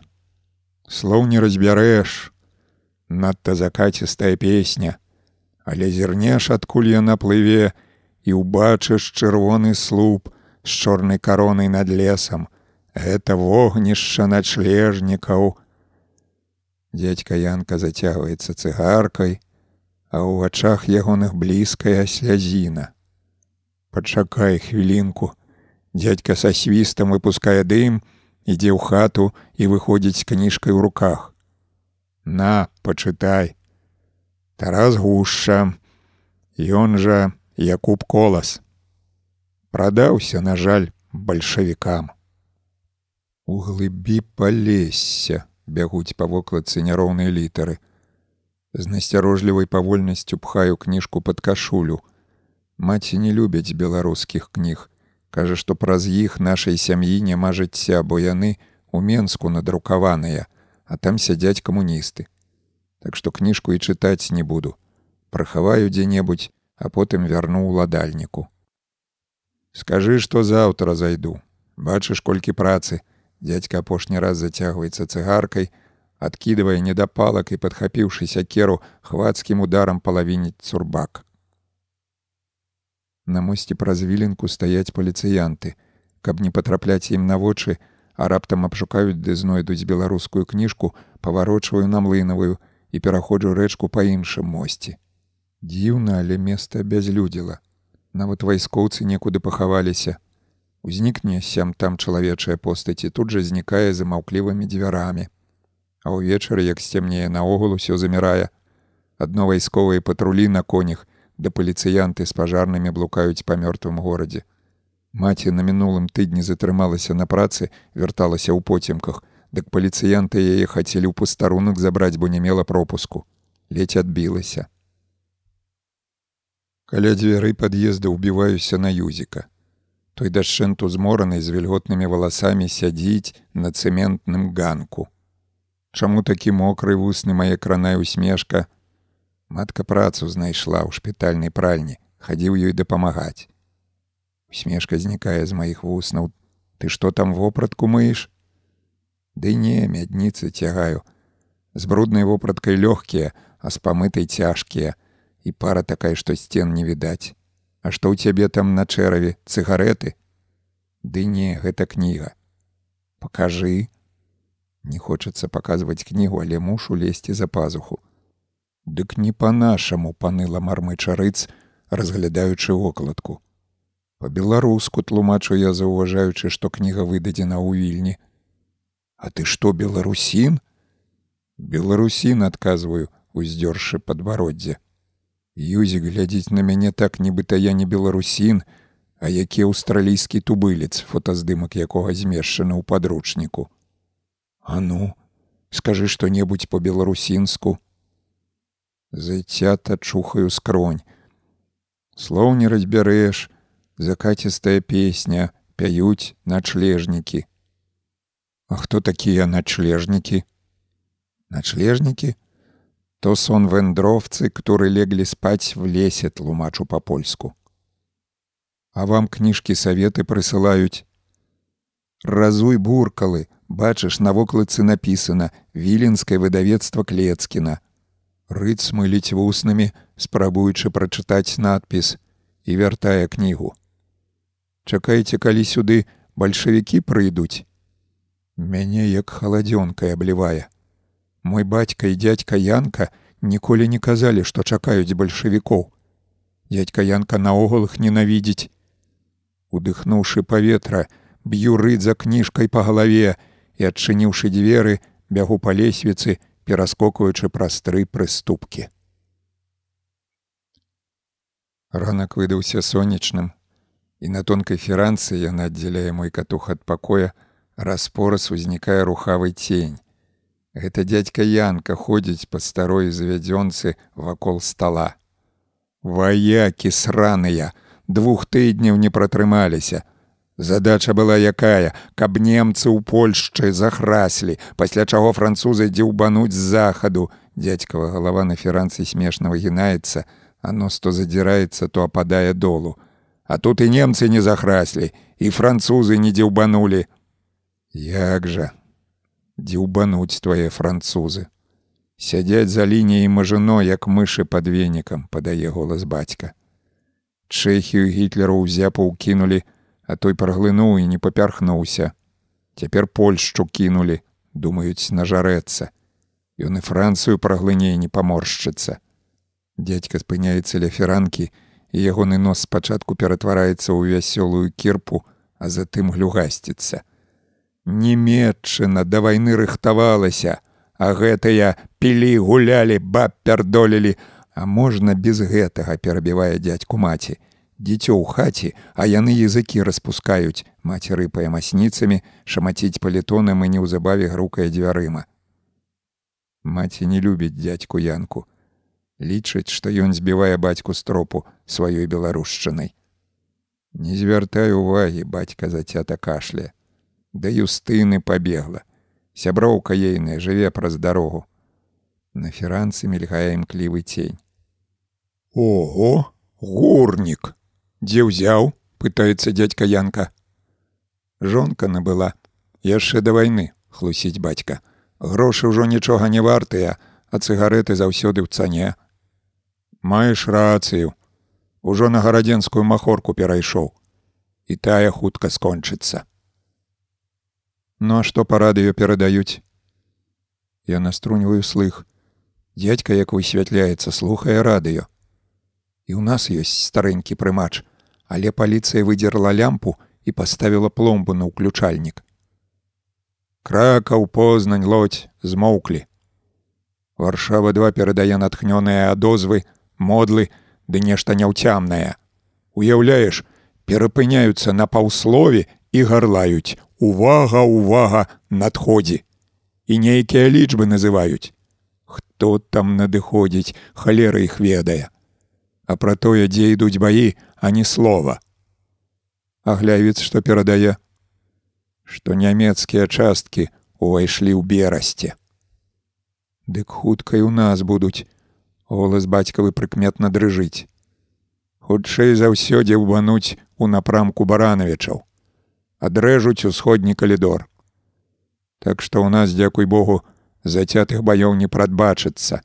Складуць палякі зброю і вайне канец. Дядька чыркае запалкай і на феранцы скачаў вішны вогнік. Жонка тытунёвага дыму не пераносіць бурчыць бацька і вогнік матлянуўшыся патухае. Феранкі калыхаюцца, адбіваючы знявечаны бацька ў профіль. Слухай, Янка, а чаму цябе паліцыя не прыхапіла? Хвіліну пануе ціша, якую пераравае абураны дзядзька ў голас. Ты што, агента дэфензіву ў маёй асобе ўбачыў. Дзядзька зноў чыркае запалкай. Да мяне ўваліліся ды не заспелі, пасля таго схапіў прымач пад паху ды ў купрыянішкі кінуўся да швагра. Увесь час там і адседзеў. Учора першы раз на сваім ложку спаў.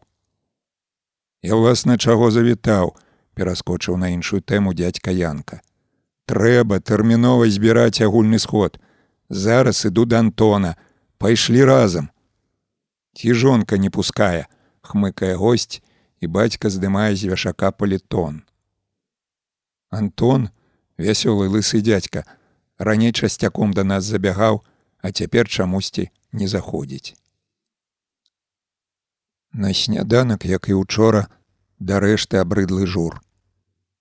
Ён трасецца на сподку, што тая квашаніна і не лезе ў глотку. Трымаю сподак, глытаю кіславатую брыду і сядаю на падаконнік. На скрыжаванні стаіць жаўнер у шынялі, Каля тумбы сабралася жменя народу, чарада галубоў узнялася ў паветра. На супрацьлеглым доме, якраз пад вокнамі цёткі Юстыны з'явіўся яшчэ адзін надпіс: «Не слухай ману варожага радыё. А можа, сапраўды немцы набрахалі, што занялі берасце. Давічыся глытаю рэшту журу, выцягваю з ранца падручнік па геаграфіі. Там на першай старонцы намаляваная мапа Польшчы. Ваджу носам, шукаючы бжэсць над бугем, знаходжу той бжэсць і ўражана лыпаю вачыма. Як далёка зайшлі немцы. Перасоўваю палец да баранавічаў, затым да стоўбцаў і натыкаюся пазногцем на чырвоны пункцір мяжы. Вільні, можна сказаць, пашанцавала яна прыкрытая літвой. Калі б не літва, немцы б даўно нас дзіўбанулі, як любіць казаць дзядзька Янка. На прасткі ад юзікавых сувалак да вільні крок ступіць. На вулцы штосьці жаласліва гудзе, потым скуголіць, урэшце плаксіва завывае і з надворку зычна гарлая скачыляс: Грамадзяне, паветраная трывога! Збірайся хутчэй крычыць маці. Мы бяжым скачучы праз тры прыступкі па лесвіцы перабягаем вуліцу даем нырца ў падвал супрацьлеглага дома. Дом стары падвал там глыбокі і ў ім можа прыхавацца як сведчыць надпіс на сцяне 50 асобаў у падвале цёмна разам з намі па пакручастых сходах спускаецца некалькі чалавек. Наперадзе войкаюць, і цэментавыя сходы здрыгаюцца. Хтосьці спатыкнуўся і паляцеў долу. Асцярожней, асцярожней папярэджваюць з усіх бакоў. Спусціўшыся ў падвал, рухаемся ўздоўж сцяны, абмацваючы рукамі паветра, і маці, наткнуўшыся ў цемры на некага, узрадавана выдыхае: « Ты юстына, Цётка Юстына прыхапіла коўдру, і я латкуюся на той коўдры, падбіўшыся пад друзлы цётчын бок. Мой жа ў горад пайшоў, баюся, каб пад бомбы не патрапіў, здыхае маці, скалыхнуўшы вогнік вайскоўкі, якую запалілі непадалёку. Запалілі яшчэ адну свечку, і ў паветры запахла так, як у святадухаўскай царкве, куды мяне вадзіў бацька. Адно што ў царкве светла і прасторна, тут цёмна і задушна. Патушыце свечкі і так дыхаць немагчыма выдыхае ў перамешку з кашлянінай нейкі дзед. Дзверы адчыніце, задыхнёмся чутны старэчы жаночы голас. Дзверы адчыняюць, але дыхаць усё адно цяжка, я нават высалапіў язык. Наструніваю слых, намагаючыся пачуць гукі выбухаў, але нічога такога не чую. Дзесьці праз гадзіну змучаныя і мокрая выпаўзаем з бамбасховішча. Чыгуначную станцыю бамбілі, паведамляе скачылі з дапамагаючы нямоглым бабцям выбрацца з падвала. Мы з маці не паспяваем дайсці да пад'езда як зноўку, ужо з шалёнай натугай пачынае забываць сірэна. Увечары да нас забягае цётка Юстына. Людзі на пахаванне сабраліся, а немец па іх з кулямёта паласнуў. На дамініканскай каля пякарні хлеб чакалі, а гэты паскуда на іх бомбу кінуў. І вязніцу бомбануў, а зладзеі, што там сядзелі, пахапалі торбы да разбегліся. Нам вайна гора, а зладзеем радасць. Сёння пахмурна і дажджыста. Выходжу з пад'езда і перш-наперш заўважаю. Падвальнае акенца забітае не падгнілай фанерай, а бліскучай бляхай, з якой тырчыць крывая труба. Не іначай у падвале паставілі жалезную печку. Дым з трубы не ідзе, значыць, юзік з маткай пайшлі ў пральню. Мне раптам становіцца шкада сябра. Дарма ляснуў яго кніжкай. Ды тут жа схамянаюся, мацаю гузак на макаўцы. Ён па-ранейшаму шчыміць і крывавіць. Правільна зрабіў, што ляпнуў, супакойваю сябе. Не будзе больш на беларусаў плявузгаць. Дядька Янка кажа, што ўсе нашы бядоты ад таго, што мы беларусы занадта рахманыя і самі сябе не паважаем. Народу каля тумбы няшмат. Пры гэтым мінакі моўчкі праглядаюць газетныя старонкі, і не сказаўшы ні слова адыходзяць. Я сунуся да тумбы. Цікава, ці пішуць там што пра бжэсць над бугем. Свежую газеціну наляпілі на ўскасяк, закрыўшы плакат з выяваю рыць сміглага. Адначэльнага водза засталіся вуха ды край рагатыўкі. Безнадзейнае становішча нямецкага флоту, у славатчыне недахоп збожжа, ваенныя аркестры авіятараў мільгацяць уваччу тлустыя загалоўкі. Як і вайны няма, басавіта прамаўляюць за спінай. А пра што пісаць? Пра тое, што немцы варшаву атачылі, азываецца цётухна з лісіным каўняром на плячах. Каўнер той, як бачна, даядае увішная моль. Леваруч з-пад газеціны вытыркаюцца дзве таўшчэзныя гарматныя стваліны. І я ў думках маракую, куды гарматы патрапяць, калі раптам стрэляць. Эй, хлопец, дзе тут жыве пані Юстына Миколайчык, пытаецца жаўнер, што спыніўся непадалёку. Жаўнер толькі што з фронту. На ім выцвілая шапка і такі ж выцвілы мундур, прычым правае рукаво да локця паленае. Паказваю на Юстынін дом, Вунь яе акно за львасам на падаконні. Жаўнер глядзіць на акно, задуменна перабірае пальцамі лямку рэч мяшка, расшпілівае зноў зашпільвае верхні гузік мундура. Яму відаць не надта ахвота ісці да цёткі юстыны. Здушаны лямант спыняе сэрца. Усе, хто таўчэцца каля тумбы зацкавана глядзяць на акно за львасам. Сына, відаць, забілі. Якога сына? Ну тады кагамоніць ля тумбы. Я адступаю спінай наперад, Урэшце чапляюся за нешта, падаю і, прыхапіўшыся на ногі, лячу дадому, каб распавесці пра цётчы на гора. У пад'ездзе сутыкаюся з рыдзам. Той на мяне нават не зірнуў. Чорт з табой, думаю я, узбягаючы па сходах. Цяпер будзеш паважаць беларусінаў. Наступнай раніцы Усёй сям'ёй п'ём гарбату з зёлкамі, і маці шторазу ўсхліпваючы распавядае, як учора ўвечары хадзіла да юстыны. Той жаўнер казаў, што і да фронту не даехалі. За беластокам немец наляцеў і цягнік разбамбіў.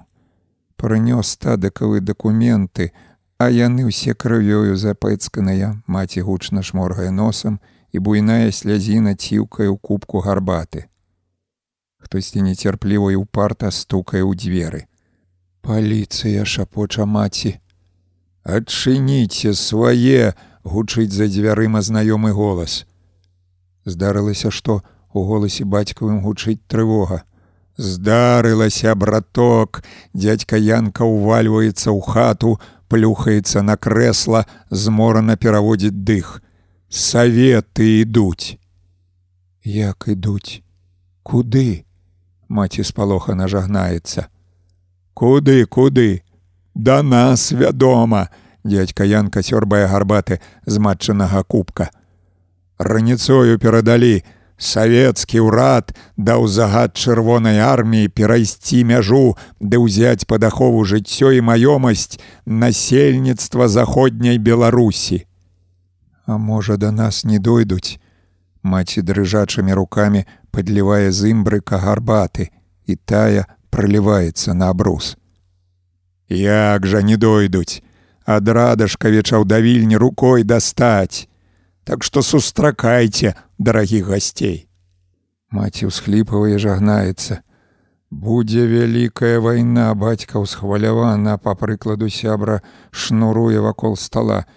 Нямецкае войска прэс захаду, савецкае з усходу дзе-небудзь пад гораднам сутыкнуцца і пачнуць кіямі рэбры мацаць. Не пачнуць, дядька адкідваецца на прыслон крэсла. Нездарма ж у жніўні рыбентроп у Маскву гойсаў. Там аб усім і дамовіліся, дакуль саветы даходзяць, дакуль немцы. Ты думаеш, а тут і думаць не даводзіцца. І што рабіць мем бацька хадзіў адзін бок, цяпер прайшоўся ў другі. Перш чым да вас забегчы, да Антона завітаў. Той параіў на пачатку сядзець ціха, калі што збегчы ў навакольныя вёскі, а то і ў ковенскую літву паспрабаваць перабрацца. Але гэта на крайні выпадак. Ну а як возьмуць ды ўсіх гамузам пахапаюць, бацька выцірае далонню ў прэлы карак. А ты чаго дарослыя размовы слухаеш, усхопліваецца маці, А ну ідзі пагуляй троху. Нацягваю на плечы палітон і ўжо на ганку чую матчын загад. Далёка не адыходзь. Ля тумбы тоўпіцца народ, там вісіць свежае слово, але яго ніхто не чытае саветы, саветы адной чуваць сярод людской гаманы. Ну, ты задаволены прамаўляюць за спінай гэта рыжы юзік. Чым мармычу не павярнуўшыся. Саветы ідуць. Ды яны ў Менску ўсіх беларусаў прыбралі, каго на той свет выправілі, каго ў Сібір загналі, кажу былому сябру і толькі тады абарочваюся. З юзікавага твару збягае блазнаватая усмешка. Дзе ты пра гэта пачуў? Шмат будзеш ведаць, галава лысай стане згадваю матчыну прымаўку і ківаю на трубу, што тырчыць з падвальнага акенца. Хто гэта вам зрабіў? Шмат будзеш ведаць, галава лысай стане са злосцю выдае рыц, але раптоўна мяняе танальнасць. Матчын стрыечны брат у шпіталь патрапіў. Дык ён свайго сябра ў плячо параненага падбіў і яны нам тую печку прыцягнули на шпітальным двары валялася. Сталі трубу выводзіць, а тут скачылі з падбег і пачаў: Прыбірайце печку і з памяшкання вымятайцеся. А дядька мірак брат матчын слухаў слухаў, да як гаркне з падвала. Зараз тылавы шашок выйду і шпокну пры ўсім народзе. Скачылі з пабег некуды нібыта на падмогу, а сам цэлы дзень на вуліцы не з'яўляўся. Шкада, што не шпокнуў. Я згадваю, як паліцыянт арыштоўваў бацьку і пры гэтым падступна пасміхаўся. Сын цёткі Юстыны такі ж паліцыянт на вайну пайшоў і загінуў, а гэты таўстун толькі тым і займаецца, што людзей ад тумбы адганяе. Наступнай хвіліны мы з рыдзам глядзім у неба. Там, распора згубляючыся ў аблоках, ляціць самалёт. Кволае сонца блізкае на срэбных крылах, а з хваста вырываюцца срэбныя аблачынкі – Аблачынкі паволі раздзімаюцца, расцягваюцца даўгім шнуром. Улёткі гарлая юзік. Порсткі ветры гоняць завілы шнур бок новага свету. Мы з юзікам бяжым як апарана і пазіраючы ў гору. Поруч з намі бяжыць стузін такіх жа, як мы падшыванцаў і рэха бязладнага тупацення блукае ў вузкіх вулках. Паперыны лётаюць над дахамі, чапляюцца за вершаліны дрэваў, але на зямлю не апускаюцца. Каб першаму схапіць запаветны лісток, сябрук лезе на згалелую ліпу, у веці якой заблыталася нябесная бібула, і ў гэты момант адна з улётак сядае мне на шапку. Яна надрукаваная па-польску. Савецкі ўрад лічыць святым абавязкам працягнуць руку дапамогі сваім братам украінцам ды братам беларусам брыняць уваччу няроўна надрукаваныя літары. Наша рабоча-сялянская чырвоная армія і гэтым разам дэманструе сваю баявую моц. Юзік, абламаўшы тоўсты сук, скача на зямлю, і мы, хапануўшы ў жмені ўлётак, мелькам іх праглядаем, бяжым да хаты, і ў галаве маёй віхурацца страхотныя словы: вялікі Сталін, чырвоная армія і заможныя савецкія калгасы. З летака скінулі, гукаю, зачапіўшыся за парог. Маці нават не зірнула на паперкі, скамячала і кінула ў печку. Першы савецкі танк убачылі познім вечарам. Святло ў нас адключылі і цяжка было разабраць штосьці ў цемры. І толькі гнутыя трубы, што спавівалі вежу, ды кароткая стваліна гарматы сведчылі, што гэта ляскоча савецкі танк. Усю ноч на гарадскіх ускраінах глуха бухала, па вулцы распораз нехта прабягаў, і тады бацька падаваўся да акна і углядаўся ў цемру. І на зацягнутым хмарамі небе блукала барвовая палымніца. Раніцою мяне нібыта тыцкаюць у плячук. Я расплюшчваю вочы і не даю рады даўмецца, што за гукі мітусяцца па кватэры, ад якіх дзынкаюць шыбы на вокнах і якія нахабна лезуць у вушы. І канчаткова будзіўшыся, уцямліваю, што шыбы дзынкаюць ад пошчаку коньскіх падкоў. Бацькі ўжо апраненыя, стаяць каля акна, прыціснуўшы насы да халоднай шыбы. На ногі што-небудзь насунь ды кашулю на дзень кажа маці, але мне не да таго кіпучая, магучая, нікем не пабедзімая, спяваюць жаўнеры і гарадскія вароны абурана гракаюць на іх з высокіх дахаў. Міма нашага дома, расцягнуўшыся даўжэзным шыхтом, едзе на конях чырвонае войска, пра якое пісалі ва ўлётцы. Войска тое, аднак, не чырвонае, а шэрае. На жаўнерах даўжэзныя, аж ног не бачна шынялі, а на галовах цьмяна блізкаюць гламаздаватыя каскі з невялічкім грэбнем на макаўцы. А што за грэбні такія торкую бацьку бок. Вентыляцыйныя адтуліны, а каб вада не патрапляла, пласцінамі закрытыя у форме грэбня. Ага, выдыхаю я, хаця і не цямлю, што такой вентыляцыйныя адтуліны і дзеля чаго яны патрэбныя. У палякаў лепшыя каскі бацька адрывае нос ад шыбы. А чаму ж немцы варшаву атачылі, калі ў іх такія добрыя каскі, падае голас маці. У немцаў каскі яшчэ лепшая паўжартам адгукаецца бацька. На сняданак у нас пансак без масла. Каша захрасае ў горле, даўлюся ёю стоючы ля акна. Саветы едуць падвое, не звяртаючы ніякай увагі на месцячаў, што выйшлі іх сустракаць. Адзін конь занаравіўся і на вулцы ўтварыўся невялічкі затор. Я да Антона бацька на хаду даядае абрыдлую кашу. Паеш, як чалавек, што ты бегаеш, як апантаны крычыць на ўздагон яму маці, і бацька ўжо з калідора адгукаецца: « Няма калі! Мне карціць вылецець з хаты. Ма, Я на ходніку пастаю, пагляджу на бальшавікоў. Нікуды не пойдзеш. Маці выскрэбвае з рондаля рэшткі падгарэлай кашы, не хапала, каб на цябе конь наехаў. Памыўшы посуд, маці сядае на ўслон, хвіліну сядзіць нерухома, спрытна падымаецца на ногі. Ёй самой не сядзіцца ў хаце. Праз імгненне яна накідвае на плечы пуховую хустку і трасе ўзнятым пальцам, маўляў, на двор не выходзь. Пабегла да цёткі юстыны паслухаць апошнія навіны. Чакаю, калі на лесвіцы заціхнуць крокі і здымаю з вяшака палітон. Паветра працятае непрыемным пахам, ці то поту, ці то дзёгцю, ці то яшчэ нейкай халеры. Людзей на ходніку няшмат. Усе глядзяць на чырвонае войска закон, пазначаючы цёмныя шыбы бледнымі плямамі твараў. Ну і коні, хмыкае сівы дзядок, што стаіць ля трубы юзікавай печкі. Адны скабы тырчаць. Коні ў саветаў і насамрэч нядошлыя ды нізкарослыя. Авса ім хаць даёце! Па-расейску крычыць дзядок жаўнеру, конь якога спыніўся і задзёр храпу. Но, блядь, гракае жаўнер, падганяючы каня, і дзядок ціснецца да сцяны. Гляньма, на манголках едуць, крычаць ад юстынавага дома. Станаўлюся на дыбкі і задзіраю падбародак, выглядаючы, што гэта за манголкі такія, і бачу вершнікаў на маленькіх кудлатых коніках.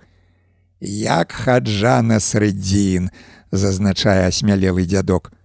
Гляджу на жаўнера, ногі якога траха не кранаюцца бруку і згадваю фільм, які круцілі летась у вандзе. Там хаджана срэдзін ездзіў на ішаку і выцягваў наперад ногі, каб ты не чапляліся зямлі. Цікава паглядзець на чырвонае войска, але тут маці выйшла цёткі юстыны і я нырцую ў дзверы пад'езда. Восень у вільні. Частка другая. З шэрага неба ляніва сыпле імжа, і ў непрагледзе ранішняй смугі кратаюцца нечыя размытыя постаці. Я роспачна пазяхаю, прыкрыўшы зяпу далонню, і пазнаю нехлямяжай постаці паліцыянта скачы ляса. Сагнуўшыся з клюдам, ён тупае, не разбіраючы дарогі па лужах, а следам за ім сунуцца двое з чырвонымі павязкамі на рукавах. Гэта рагварды, чальцы рабочай гвардыі, што дзень да ночы сноўдаюць па горадзе. У аднаго з рагвардыстаў у руцэ пісталлет. Ма, скачы ляса арыштавалі, крычу не адводзячы вачэй ад рагвардыста з пісталетам. Маці, хаця і занятая, выцірае ручніком памытыя талеркі, але падыходзіць да акна. Езус Мар'я, што ён ім кепска зрабіў. Знайшла каго шкадаваць. Я чарговым разам згадываю, як паліцыянт арыштоўваў бацьку і як адганяў людзей ад тумбы. Скачылі с аднойчай на маці наляцеў. Тая развесела пра сцены ля дрывотні, а гэты загадаў зняць, бо пра сцены выгляд вуліцы псавалі. А дрывотня ж не на вуліцы стаіце ў двары. Троіца хаваецца за рогам будынка, і ў той жа міг з-за рога выкульваюцца яшчэ трое. Першы, высокі і падхорцісты нясе жалезную скрабалку, другі, нізенькі плюгавы, трымае пад пахай скрутак плакатаў, а трэці, знаёмы мне расклейшчык газет, цягне вядро з клеем. Тройца падыходзіць да тумбы, аглядае яе з усіх бакоў, пасля чаго расклейшчык становіцца вокрач, падхорцісты даўгяла ўзбіраецца яму на карак і жалезнай скрабалкай здзірае з тумбы рэшткі газеты плакатаў. Пры гэтым чалавек з плакатамі паказвае рукамі, як трэба ўпраўляцца са скрабалкай. Расклейшчык паволі паўзе вакол тумбы, папяровае шмоце ляціць яму на голаў, і небарака ўвесь час дзьмухае пад нос, спрабуючы збіць ашмётак, што прыстаў да лабаціны. На тумбе чырванее вялікі плакат са сталіным які паказвае рукой на дом цёткі Юстыны. А я не ведала, што пан Сталін такі высокі, уражана лапоча па-моднаму апраненая цётка. Яна штодня прыходзіць чытаць свежыя газеты. Ды які там высокі. Ён маленькі да рабаціністы, папраўляе на галаве капялюш укормлены бамбіза. Параіў бы пану сцішыцца, уторкуецца ў размову мужчына ў вайсковым мундуры са слядамі аддзёртых пагонаў на плячах. Пачуюць падсабачнікі вомігам руки скруцяць. А што я такога сказаў бамбіза мелькам азіраецца. У НКВД растлумачыць. Мой сусед векнуў нешта пра Сталіна, таго ж дня апынуўся на рагу міцкевічай ахвярнай. Чалавек у мундуры стрымана кашля ў жменю. Тройца кепска саскрэбла старыя плакаты, і з-за сталінскага задка тырчыць патыліца рыць сміглага. Вот за начальнага заўважыў не толькі я. А дзе сміглы цікавіцца модная кабета. У румынію збег. На пару з масціцкім цэдзіць скрозь зубы чалавеку мундура і памаўчаўшы дадае сволачы. Все ў тэрапёна глядзяць на вайскоўца сволачы паўтарае той ужо з упэўненасцю ў голасе. Дзядак ніколі б не збег, адстрэльваўся б да апошняга патрона, а гэтым і бяды няма у іх рахункі ў швейцарскім банку. Што ўжо дзядака згадваць. Чатыры гады як памёр уздыхае модніца і мружыцца на пацямнелую дымжы газету. Па-расейску здаецца: Віленская прауда чытае цётух на паскладах і я з годнасцю тлумачу по-беларуску, а не па-расейску. А ты што падшыванец ведаеш беларускую мову, настаўляе на мяне падмаляваныя вочы модніца. Замест адказу пачынаю перакладаць па-польску. 19 верасня раніцай войскі рабоча-сялянскай чырвонай арміі уступілі ў вільню народ хлынуў на плошчы, пакрыў іх жывым, узрадаваным натоўпам, усе вітаюць чырвоную армію. Лухта нейкая перабівае модніца, паглядзіце напісана, што пра харчы, калі ўжо іх падвязуць. Як жа падвязуць. У іх там у саміх галадуха абуджаецца жаночы голас. Ліхаманкава аглядаю газетныя старонкі, знаходжу невялічкую зацімку часовая ўправа віленскай акругі папярэджвае ўсіх уладальнікаў крамаў складоў рэстаранаў што цэны на харчы і тавары павінны заставацца на ўзроўні які існаваў да прыходу частак чырвонай арміі усялякае падвышэнне цэн будзе разглядацца як спекуляцыя і варожыя дзеянні а асобы вінаватыя ў спекуляцыі будуць аддадзены пад суд па законах ваеннага часу Вось гэта правільна называюцца колькі галасоў, пакуль чытаў вакол сабралася ладна народу. Якая спекуляцыя, чым спекуляваць? Крамы і склады пустыя, бухае, што тая бомба магутны бас. Паварочваюся, каб паглядзець, хто там басіць і бачу маці. Тая стаіць каля пад'езда і шукае мяне вачыма. Раз на два дні мы ходзім па дровы. Дрывотня знаходзіцца ў глыбіні двара, такая двухпавярховая спаруда з драўлянай галерэяй на ўзроўні другога паверха. Кожная кватэра мае свой закут. Наш пад нумарам 13, крайні на першым паверсе. Дроваў не так шмат, таму палім на дзень 8 паленаў. Запалам у вільні зусім кепска. Дровы нам прывозіў ёсель з рудаміны, Цяпер жа саветы перакрылі дарогі і каб выехаць ды заехаць у горад на падводзе, трэба мець адмысловы пропуск. Некаторыя цягнуць дровы на сабе, прабіраючыся ляснымі сцяжынамі, але ці шмат прынясеш на карку. Іду па засмечаным дзындрай двары і чую малітоўны енк за спінай: А свенты паньсцы! Наша клець расчынена, а дзверы вісяць наўскасяк, трымаючыся на адной завесе. У клеці гэта бачна здалёк не засталося ніводнага палена. Познанцы вусны матчыны плаксіва закапыленая, з'ехалі і дровы прыхапілі. У крайняй клеці на другім паверсе жылі ўцікачы з познані. Дзверы там разнасцежаныя і ў пройме зеўрыя шэры прыцемак. Маці шморгае носам, змахвае слязіну, нядобрым словам згадвае бацьку.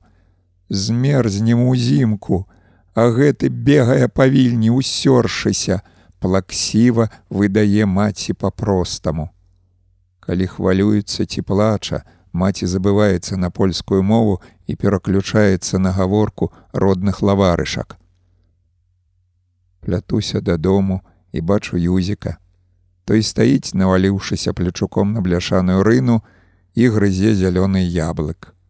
У вас што, забілі некага? дровы скралі. Такой бяды. Мая матка штодня са шпіталя пару паленаў прыносіла, няўцямна, чвякаючы яблыкам, заўважае сябар. А пазаўчора каля шпіталя вартаўніка паставілі. Нічога не вынесеш.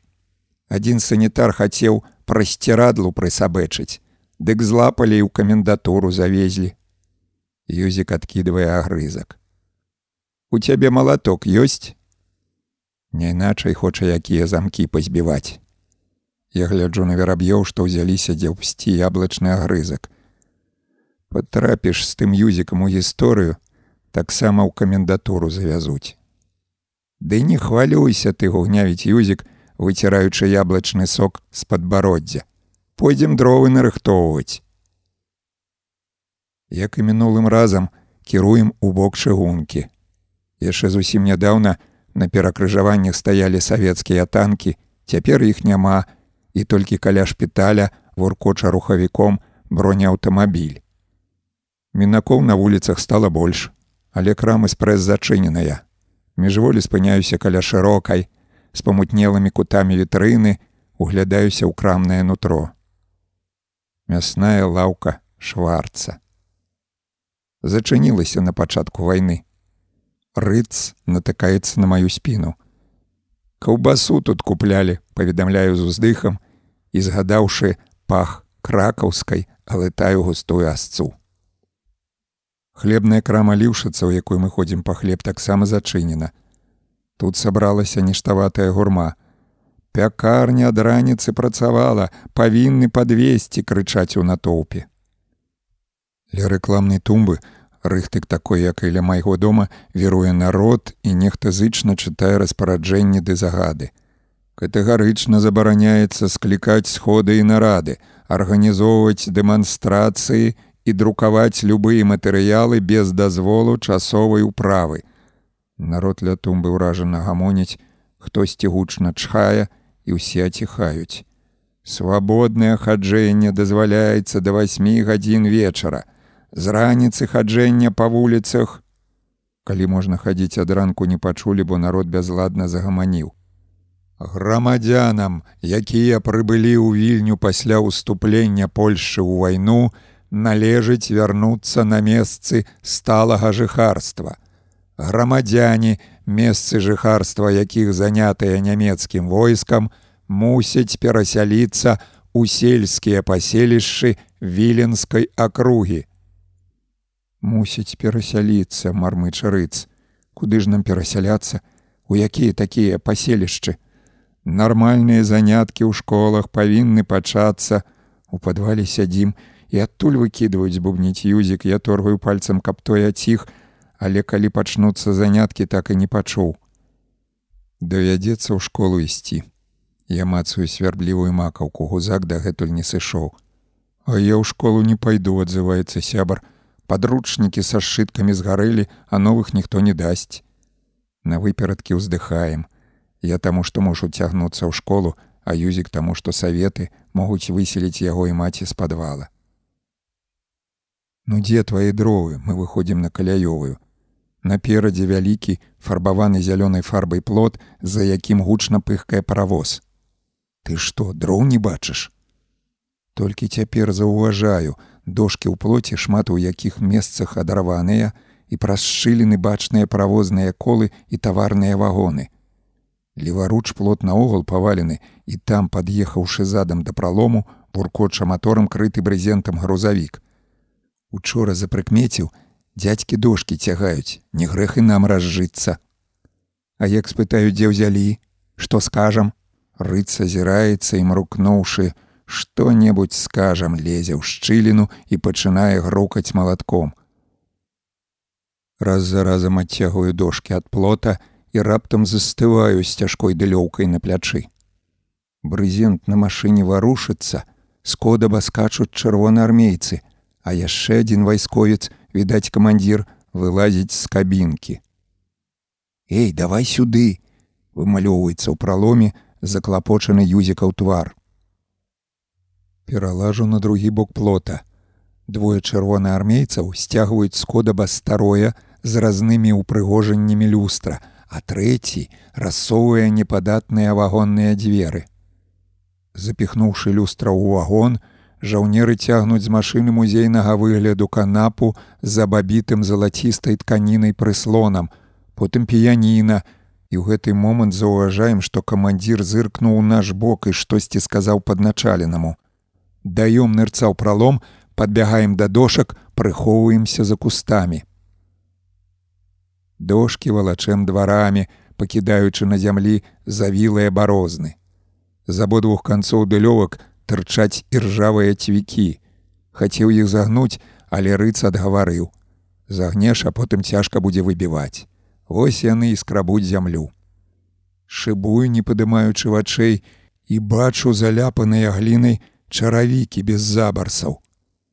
Перада мной стаіць, шырока рассунуўшы ногі, чарнявы рагвард. Адкуль цягнем, пытаецца гвардзеец. Ад чыгункі тлумачыць сябрук. Жаўнеры плот павалілі, каб машына магла пад'ехаць, а камандзір загадаў нам дошки прыбраць. А навошта іх прыбіраць? Буцвікі могуць скаты прабіць. Рабочы гвардзеец мацае востры цвік маракуючы, ці даваць веры юзікавым словам і торгае галавой, маўляў, цягніце.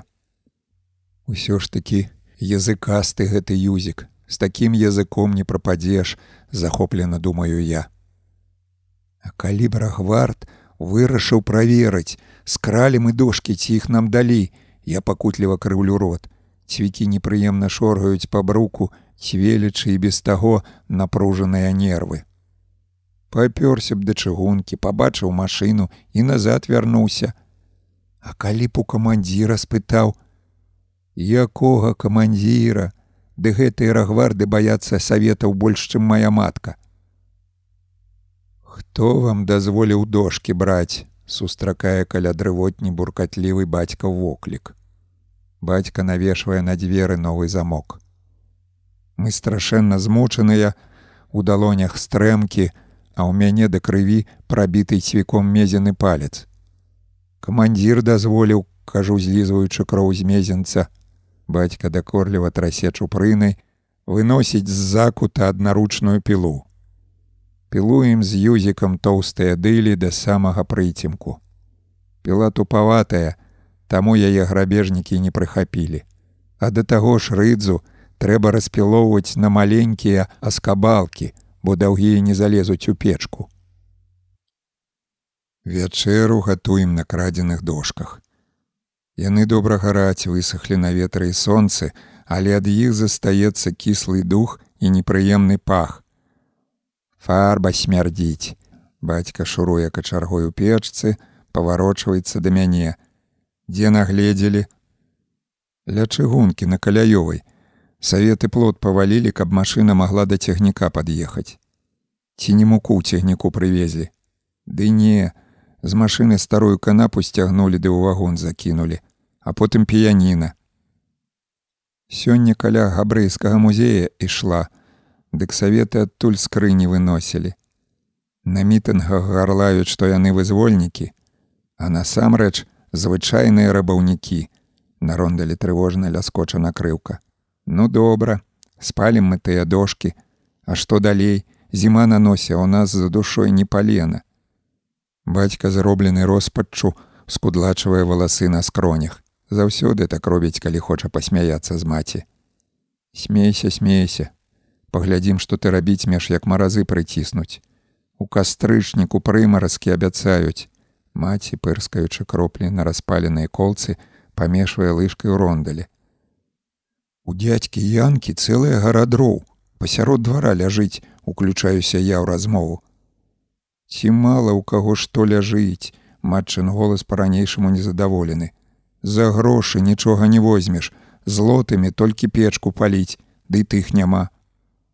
А калі абмяняць на цыгареты, дядька за іх што хочаце аддасць. Маці застывае з лыжкой у руках.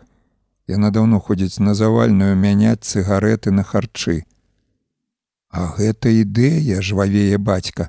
Зараз напішу яму цыдулку, аднясеш зранку.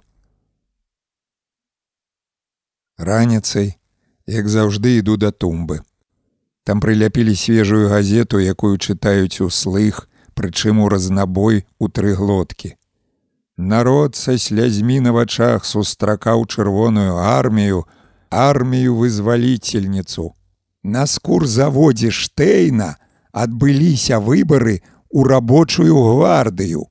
Жыхары заходняй Беларусі зазналі шчасце жыць пад залатымі промнямі сталінскай канстытуцыі, чулі гэтыя казкі пра райскую канюшыну гукае нехта. Ці пішуць, што пра газу ды вугаль. На мітынгу абяцалі падвесці і хвастом накрыліся. Знянацку усе паварочаюць галовы ў мой бок. Я застываю ў непаразуменні і азіраюся. Па вулцы валакуцца два рагварды, а за імі чырвонаармеец з вінтоўкай за плячыма. Вінтоўкі ў саветаў даўгія, няўклюдныя, каранаваныя вострымі штыхамі, і я, пазіраючы на чырвонаармейцаў, кожнага разу дзіўлюся, як яны не павыколвалі адзін аднаму вочы. Патруль падыходзіць да людскога збою, і хтосьці жартам тэатральна пастаўленым голасам чытае: « Лепшыя з лепшых уступаюць у рады рабочай гвардыі, каб захоўваць у горадзе рэвалюцыйны парадак. Між тым адзначым, што асобным варожым элементам удалося прабрацца ў рабочую гвардыю. Так у трэці батальён пралезлі былы сяржант польскай арміі сасноўскі, дывілінскі паліцэйскі рынкевіч. Грамада глядзіць на рагвардаў, як бы высвятляючы, ці не сасноўскі з рынкевічам стаяць пасярод вуліцы. У зарэчча іду не на прасткі, а даю кругаля, ахвота прайсціся па цэнтры ды зірнуць, што там робіцца. На Мецкевіча вобмаль мінакоў і зусім няма машын. Машын паменіла адразу ж, як пачалася вайна. Прыватны транспарт рэквізавалі на карысць войска. Зараз павільні сноўдаюць толькі савецкія грузавікі. Адзін з іх, крыты брызентам, стаіць каля гандлёвага дома братоў ябалкоўскіх. Чырвонаармейцы выносяць з магазина вялізныя скрыні і, азіраючыся спехам закідваюць у кодаб. Пяціпавярховы гмах зеўрае на свет сваімі цёмнымі вокнамі. У маленстве я любіў хадзіць сюды з маці, і прасіў купіць цацку. А маці цягнула за руку і зацята мармытала, як усё дорага. А аднойчы наогул згубіўся ў натоўпе і па радыё абвясцілі. Хлопчык у сініх майтках знаходзіцца ў пакоі адміністрацыі.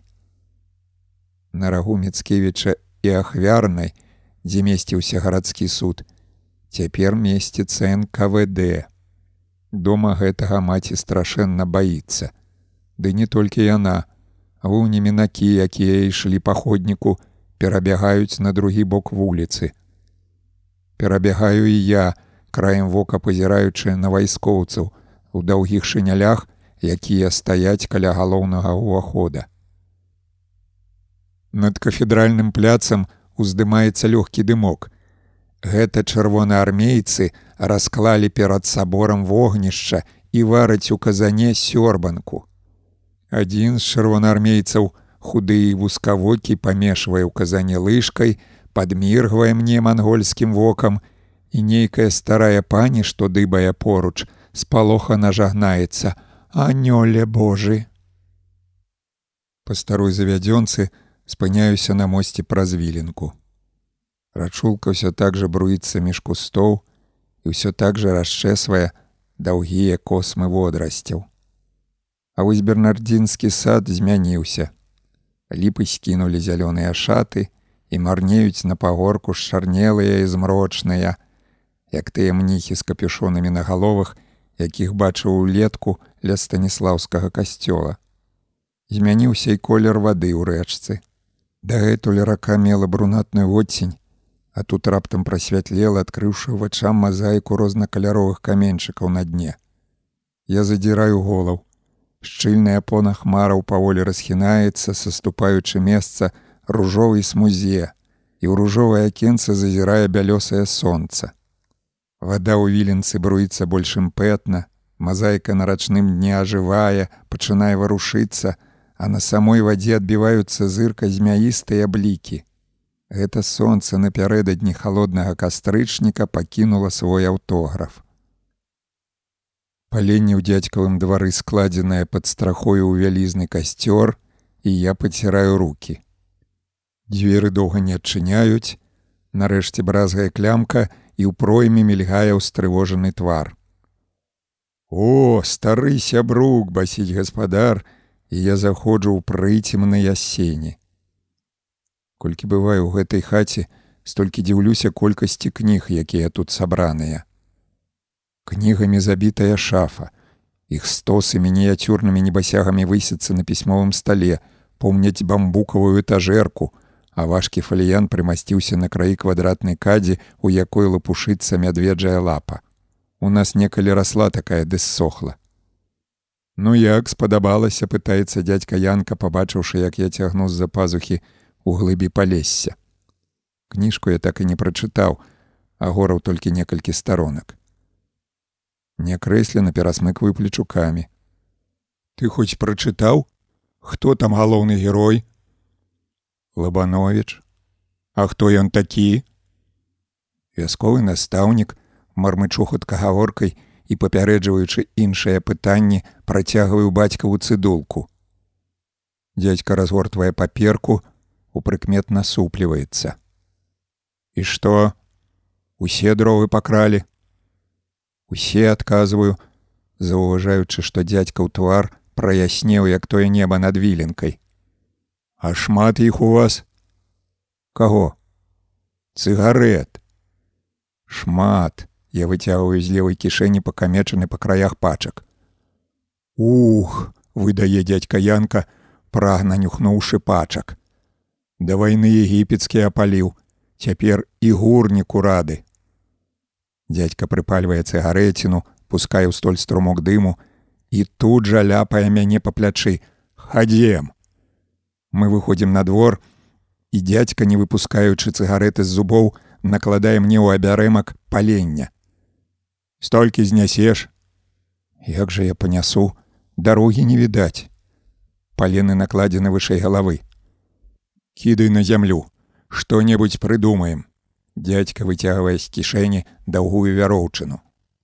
Спрытныя пальцы абвязваюць абярэмак з аднаго боку, потым з другога, пакінуўшы вялікую пятлю пасяродку. Закідываю пятлю на плячук. Дацягнеш, дацягну, кажу без асаблівай упэўненасці, вяроўка балюча вярэдзіць плячо. Скажаш бацьку, паслязаўтра прывязу у абед. У суседа падвода будзе вольная. А калі выходжу за весніцы, дядька крычыць на ўздагон: У абмен на цыгареты, грошай не трэба. Пакуль цягнуў паленне, перакідуючы з аднаго пляча на другі, мінакі сто разоў спыталі, дзе прадаюць дровы. Перад самым пад'ездам скідваю цяжар на брук, і ў мяне адчуванне, што нейкая сіла цягне ў гору.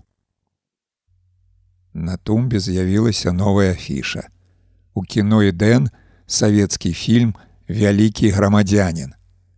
Каля тумбы круціцца мой аднакласнік міцька шверубович. Міцька самы высокі ў класе і дзякуючы цыбатым нагам займеў мянушку чапля. Дзе купіў здалёк гукае міцька. Абрыдла адказваць на такое пытанне, таму строю гемору пакутніка і чапля падышоўшы панылым тонам паведамляе. Заўтра ў школе заняткі пачынаюцца. Да пад'езда іду ледь жывы і ўжо не нясу дровы, а цягну за вяроўчыну. Ці гаварыць маці пра пачатак заняткаў. Менавіта гэтая думка, а не цяжкая ножка канчаткова знясіліла. Маці казала, што ў бальшавіцкую школу не пусціць. А як возьме ды выправіць. А як пойдзеш, калі трэба бацьку дапамагчы дровы выгрузіць, ды ў дрывотню занесці. Два тыдні ў школу не хадзіў, пропушчу яшчэ адзін дзянёк. Думка такая надае сілы. Увайшоўшы ў пад'езд на верхні іду, спускаюся ў падвал, стукаю ў дзверы юзікавай кватэры і перадаўшы сябру два палены, паведамляю, што паслязаўтра ў абед пад'едзе падвода з дровамі і можна будзе разжыцца якім абярэмкам.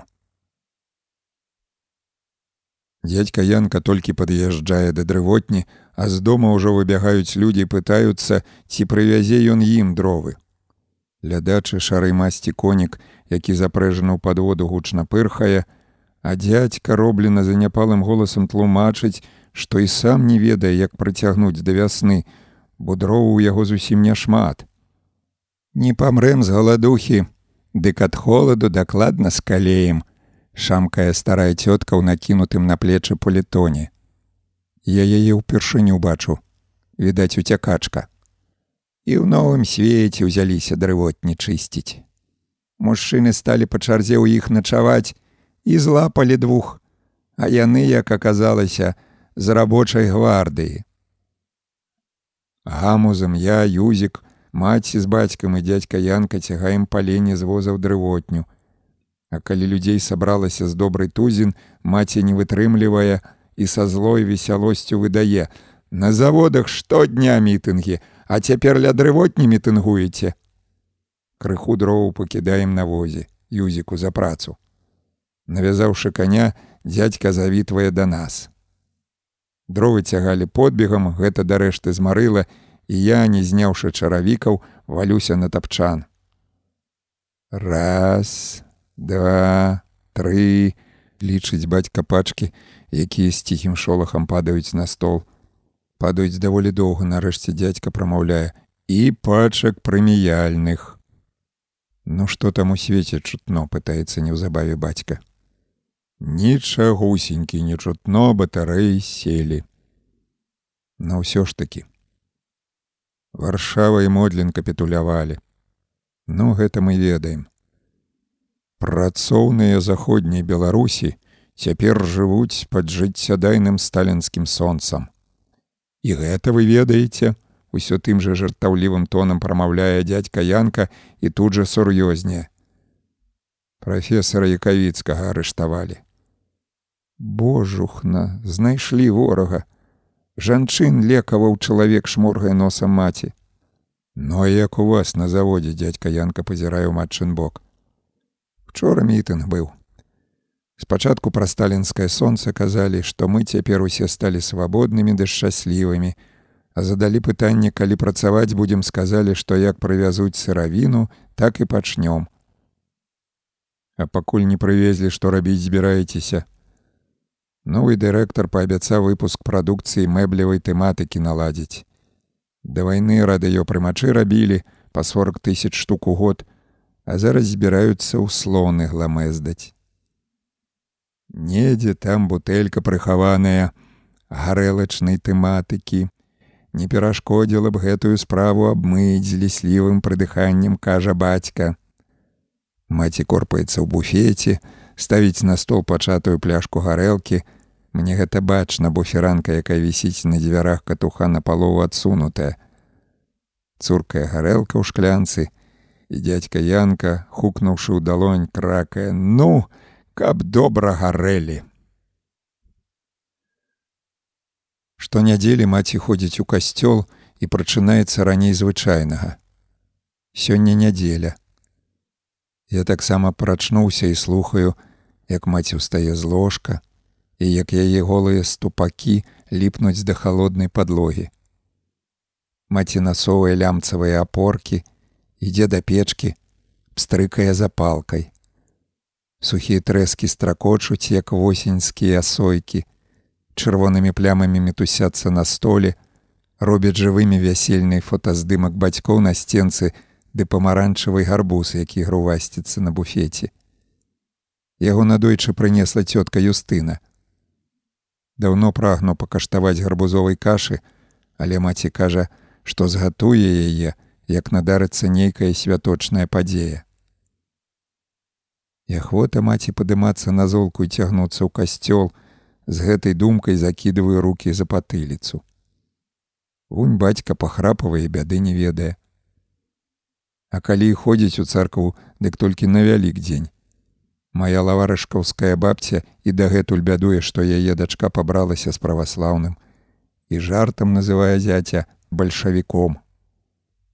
Маці сядзіць на зэдліку каля печы, утрапёна глядзіць на агонь, які тым часам паспеў жаўцець, і жоўтыя вогнікі жвава блукаюць на кудзерках матчыных валасоў. На лесвіцы чутны гулкія крокі. Кудзеркі страсянаюцца, спрабуючы скінуць дакучлівыя вогнікі. У дзверы нягучна грукаюць, і бацька, кінуўшы храпці, устрывожана рыпае ложкам свае паўшэптам азываюцца з лесвічнай пляцоўкі. Дядька Янка спатыкаецца на парозе, зморана пераводзіць дых, ды так, што варушыцца фіранка на дзвярах. Ну з чым завітаў, пытаецца бацька. Антона арыштавалі. Запаноўвае цішыня, якую перарывае плясканне босых бацькавых ног. Ты глядзі, і выступ на сходзе не дапамог. Памятаеш, як даваў перуноў польскім памешчыкам і капіталістам, бацька, трымаючы рукой споднікі, нервова прайшоўся вакол стола. Тэпці з палоханым фальцэтам крычыць маці, ляпае імі па падлозе і бацька рашуша адмахваецца. А можа, адпусціць пакрыўджана выдыхае маці.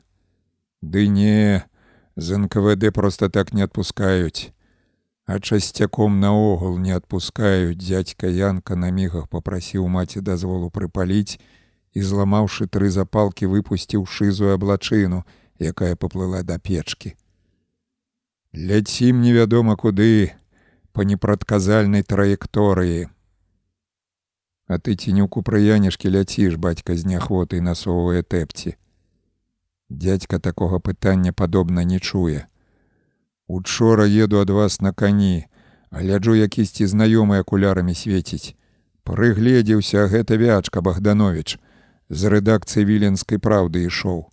Ён пра Антона і паведаміў.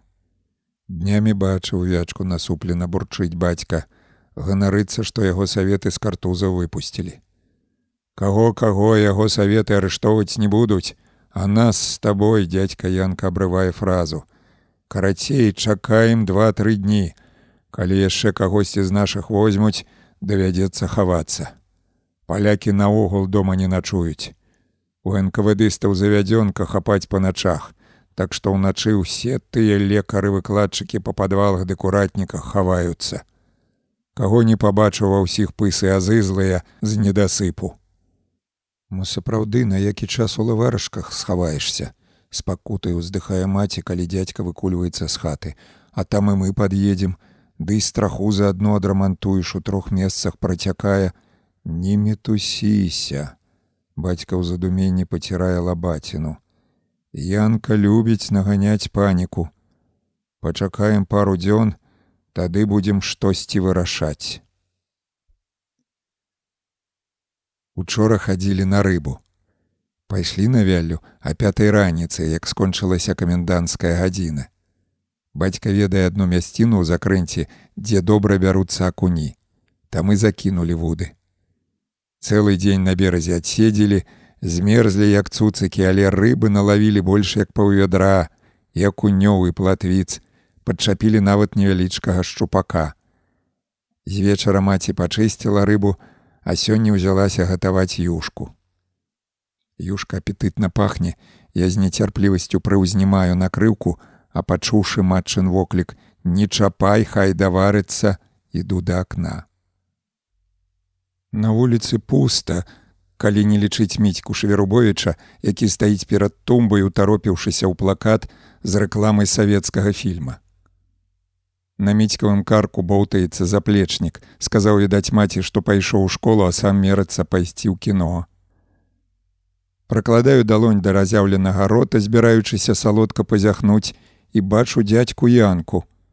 Дядька шыбуе паходніку і ўвесь час азіраецца. Дядька янка крычу праз плячук і маці ў прачуванні кепскіх навін змучана вогкая. О, под самую юшку паспеў, зробленай бадзёрасцю выдыхае бацька. Не да юшкі, браток, ноччу самой лузялі і Богдановича. Богдановича, бацька бязвольна опускаецца на крэсла. Ён жа кагадзе з картузаў выйшаў. Самойла, той стары з бародкай, што з сынам прыходзіў схліпавая маці. Дядька Янка здымае капялюш, з роспаччу ў вачах прылашчвае валасы. Іх усіх у старую вялейку звозяць, а некаторых у Менск дядька плюхаецца на крэсла, грукае кулаком па стале, і мы з маці ўздрыгваем.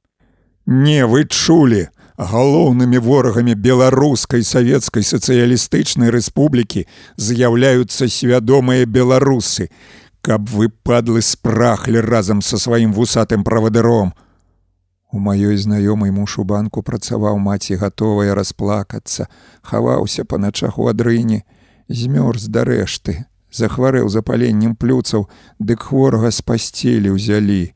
Накрыўка на рондалі пачынае бразгатаць, юшка праліваецца, гучна сыкае, але маці не чуе, плача, заціснуўшы рот ражком хатняй хусткі. Ты дзе начаваў, як не сваім голасам пытаецца бацька.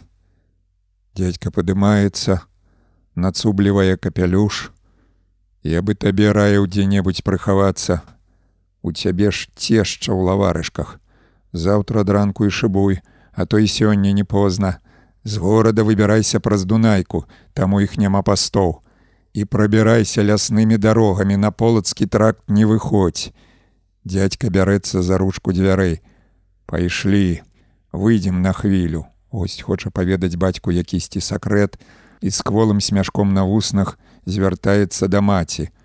Кульчыцкую Менск забралі. Будзе там аперэткі спяваць. Хоць на адну сучку ў вільні менш стала.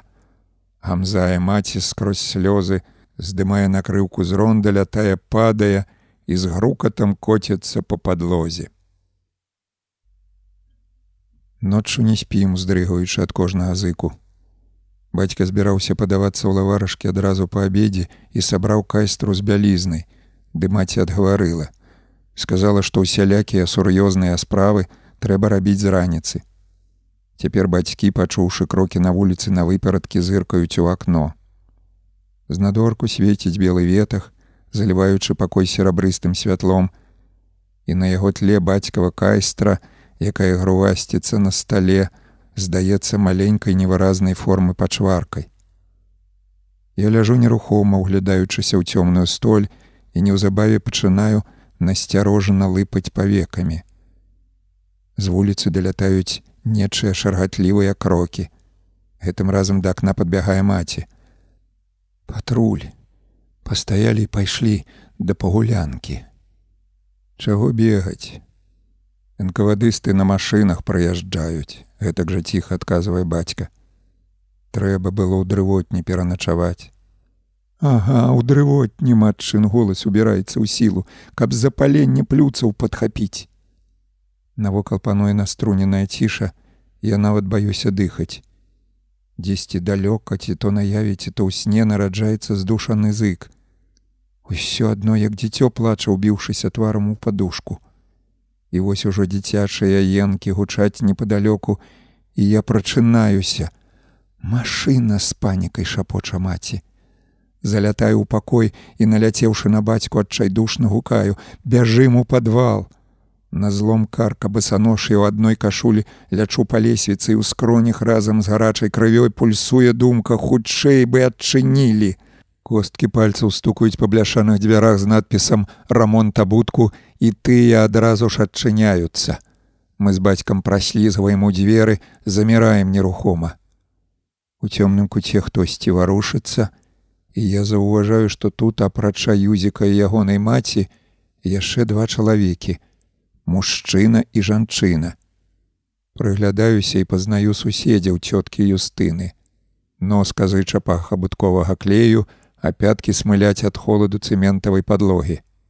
Насунь тэпці звяртаецца да мяне юзікава маці потым падае нейкі абутак бацьку і той сарамліва ціснецца да дзвярэй паціраючы далонямі споднікі. У суседнім доме лямантуе жанчына. Пана шверубовіча вяжуць азываецца з цёмнага кута сусед цёткі юстыны і мяне пачынае даймаць дрыготка. Бацька трасе за плячук бяжы да хаты змёрз увесь я пазней прыйду як машына ад'едзе маці сустракае на парозе тыцкаюся лбом у цёплыя грудзі дрыжу ўсім целам і маці лашчыць мяне па спіне на стале там дзе ляжала бацькава кайстра стаіць школьны заплечнік. Учора да нас прыходзіла настаўніца і пытала, чаму не хаджу ў школу. Сёння мусіў пайсці, але ўсю ноч даймалі дрыжыкі і маці, памацаўшы раніцай мой лоб прамармытала, дабегаўся басанож. Зранку хоць і калаціла ды злёгку, цяпер жа трасуся як асінавы ліст і лоб гарыць як варам апараны. Укруціўся ў дзве ватныя коўдры, але не даю рады сагрэцца і што дзіўна, заплечнік варушыцца ў адчу. То пашыраецца ў памерах, то змяншаецца, то расплываецца бруднай плямай. Маці запарыла шклянку ліпавага квету, а сама пайшла на завод, даведацца, ці будзе той працаваць. Адвар ляскаючы зубамі па шклянцы выпіў, але мне толькі горш зрабілася. Каб пазбыцца дрыжыкаў, з галавой зашываюся пад коўдру і чую, як ад пагулянкі з перарывіста плаксівым гудам едзе легкавушка. Энкавыдысты. Тапчан круціцца пада мною, я задыхаюся, адкідваю коўдру, і слых поўніцца аднастайным гудам. Ужо не адна, а сотні чорных легкавушак едуць да нашага дома. Лоба кранаецца холодная рука, і я з цяжкасцю раздзіраю павекі. Маці, Агнём гарыш, Горайка ты маё чубатая. У кватэры прыцемна. Маці, не здымаючы палітона, падкідвае трэсак у печку, гучна бразгоча чайнікам. А можа і не гучна. Проста кожны, нават кволы гук б'е ў вушы, і мне ад таго робіцца страшна. Выпі, зубы б'юцца аб край шклянкі. Гарбата з малінавым сочывам. Маці ўлетку згатавала сочыва аж тры слоікі. Два я ўжо з'еў, а трэці яна прыхавала.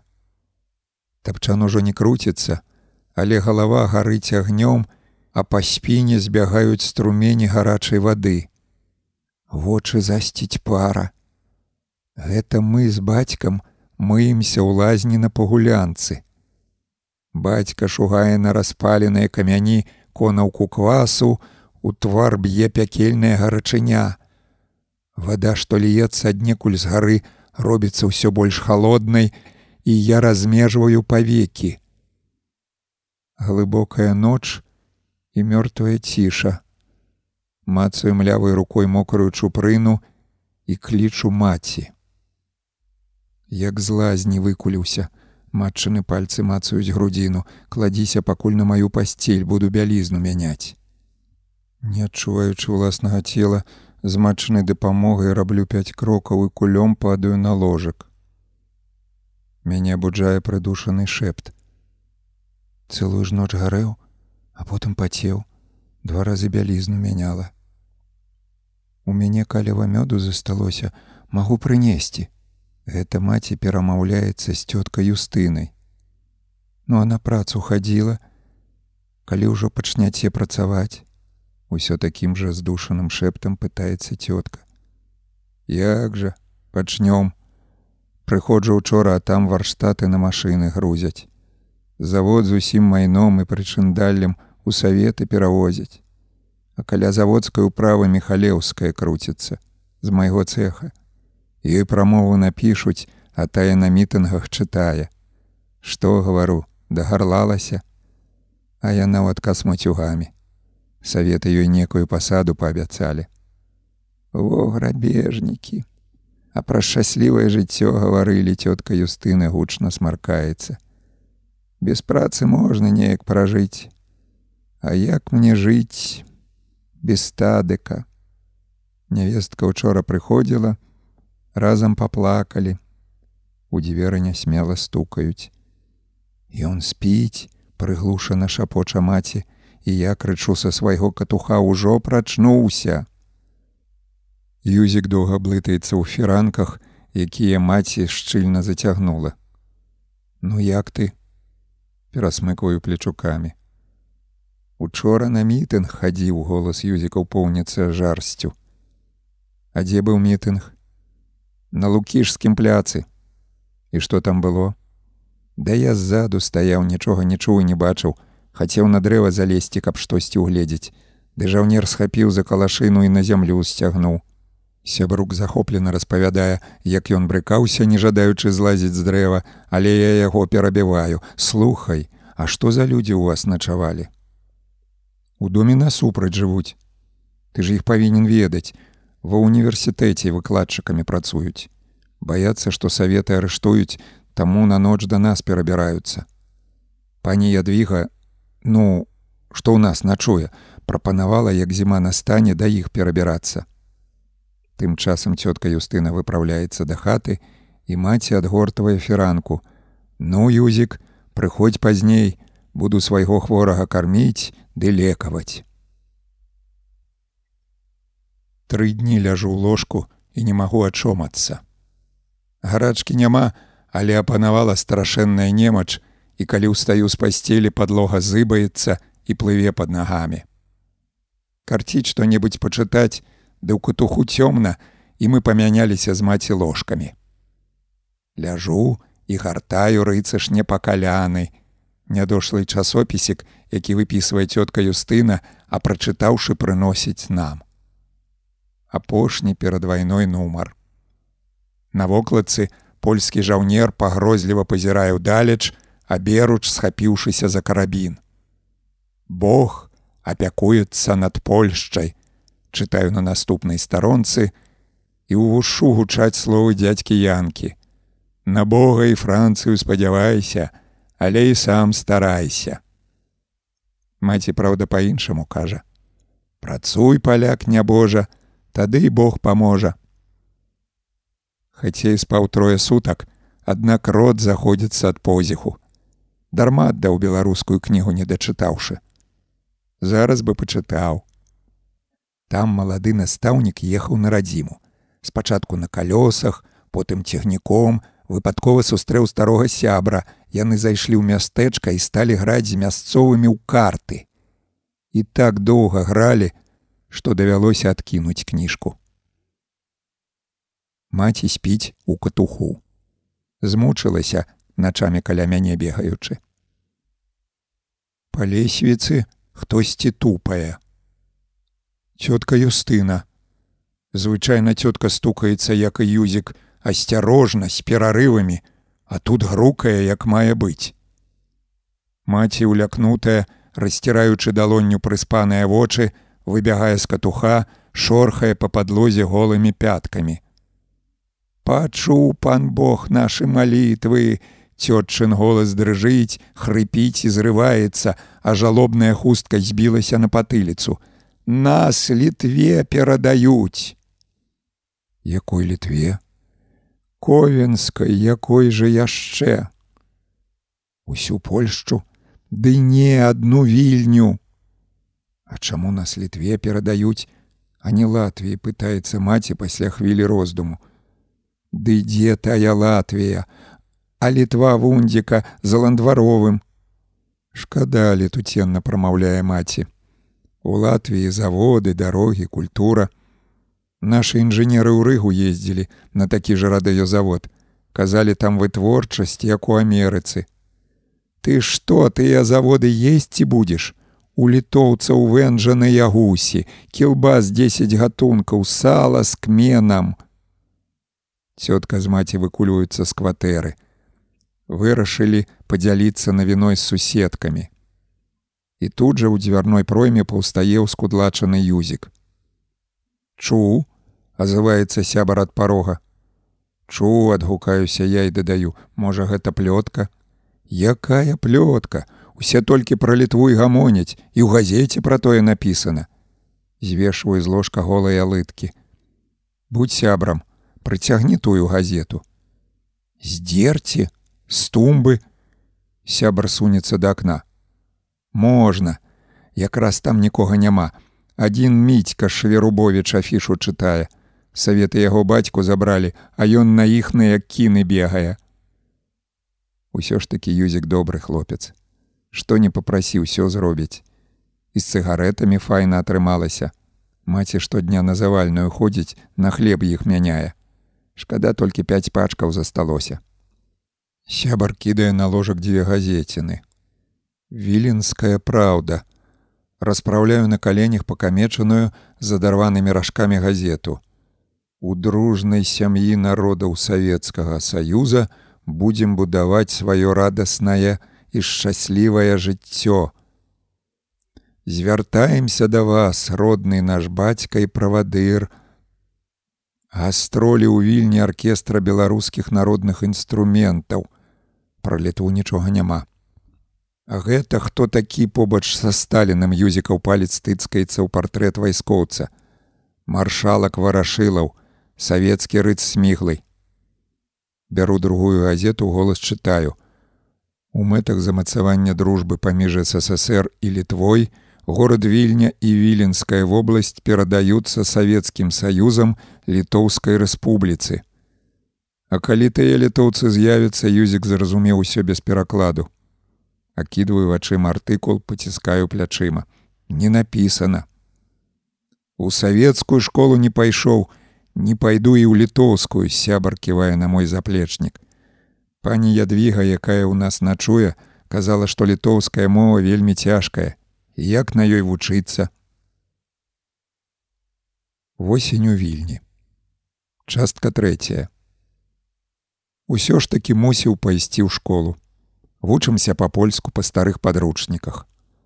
Вучняў у нашым класе засталося менш за палову. Астатнія падаліся з бацькамі на вёску, каб перажыць ліхую часіну. Літоўцы так і не з'явіліся, і ад бацькі няма ніякіх звестак. Выпраўляўся ў лаварышкі, абяцаў ліста перадаць. Ходзяць жа людзі з тых мясцін у вільню, але так і не перадаў. І маці стае нагоды, всю ноч круціцца на ложку і цяжка ўздыхае. Вось і зараз, вярнуўшыся са школы, запытальна торгаю падбародка, маўляў, ці ёсць што ад бацькі, і маці апускае вочы. Давай у нядзелю туды злётаю, я скідываю долу заплечнік. Мы з бацькам у лаварышкі безліч разоў ездзілі нарачанскім арбонам, а мінулым летам вырашалі пехатой прайсціся. Дайшлі да мецкунаў, а там нас знаёмы лаварышкавец на калёсы пасадзіў. Так што дарогу добра ведаю. Бацька знік і ты хочаш знікнуць. Саветы ўсё перакрылі. Па горадзе ідзеш і то пропуск патрабуюць. Памаўчаўшы маці шапоча і калі ўжо тыя чортавы літоўцы з'явяцца. З цікавасцю зыркаю ў акно.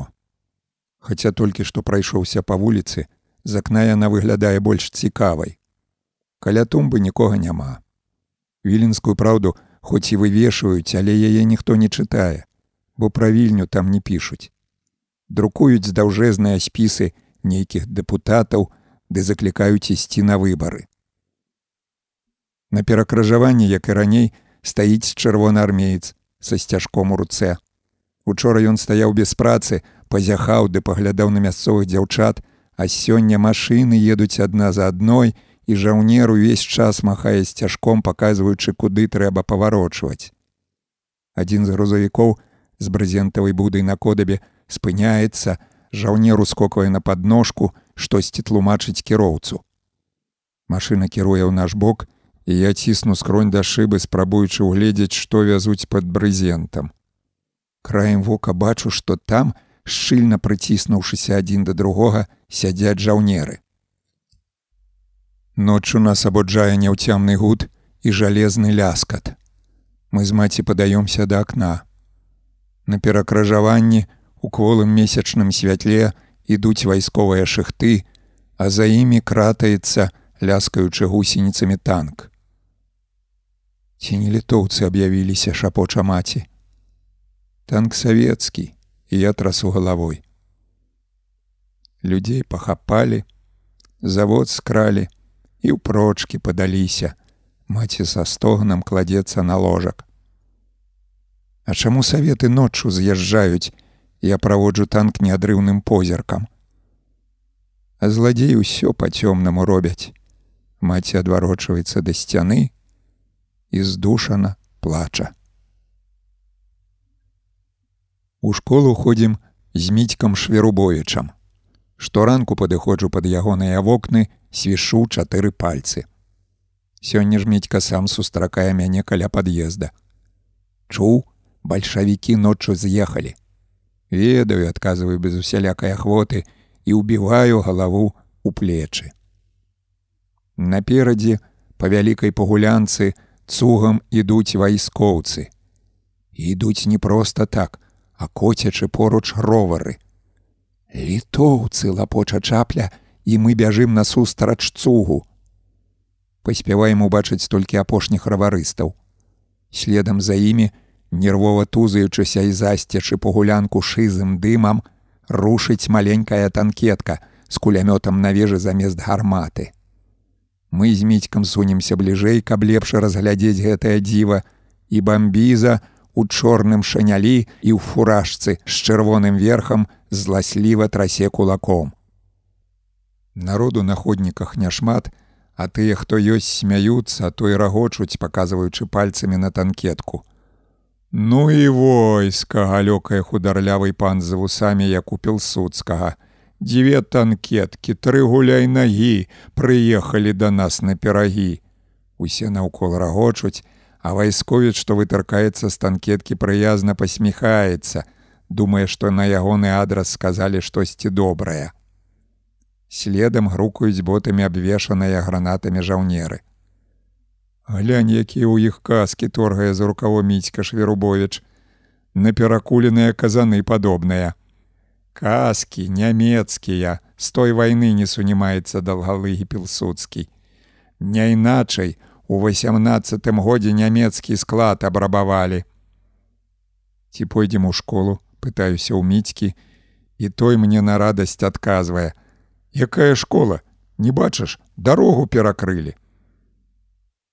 Да хаты, у волю набегаўшыся вяртаюся адвячоркам. На лесвіцы ледзь перастаўляю ногі, адчыняю дзверы і чую вясёлы смех, бягу ў святліцу, абхопліваю бацьку за шыю. Той сядзіць у новай кашулі і есть па выпадку ўзвараную гарбузовую кашу. Лаба, скажа бацька, і я неўцямна лыпаю вачыма. Прывітанне па-літоўску, прывыкай да гэтай мовы. Даводзіцца пацерці лабешнік, запамінаючы мудрагелістае літоўскае слова. Заплечнік зрываецца з плечука, гучна падае на падлогу.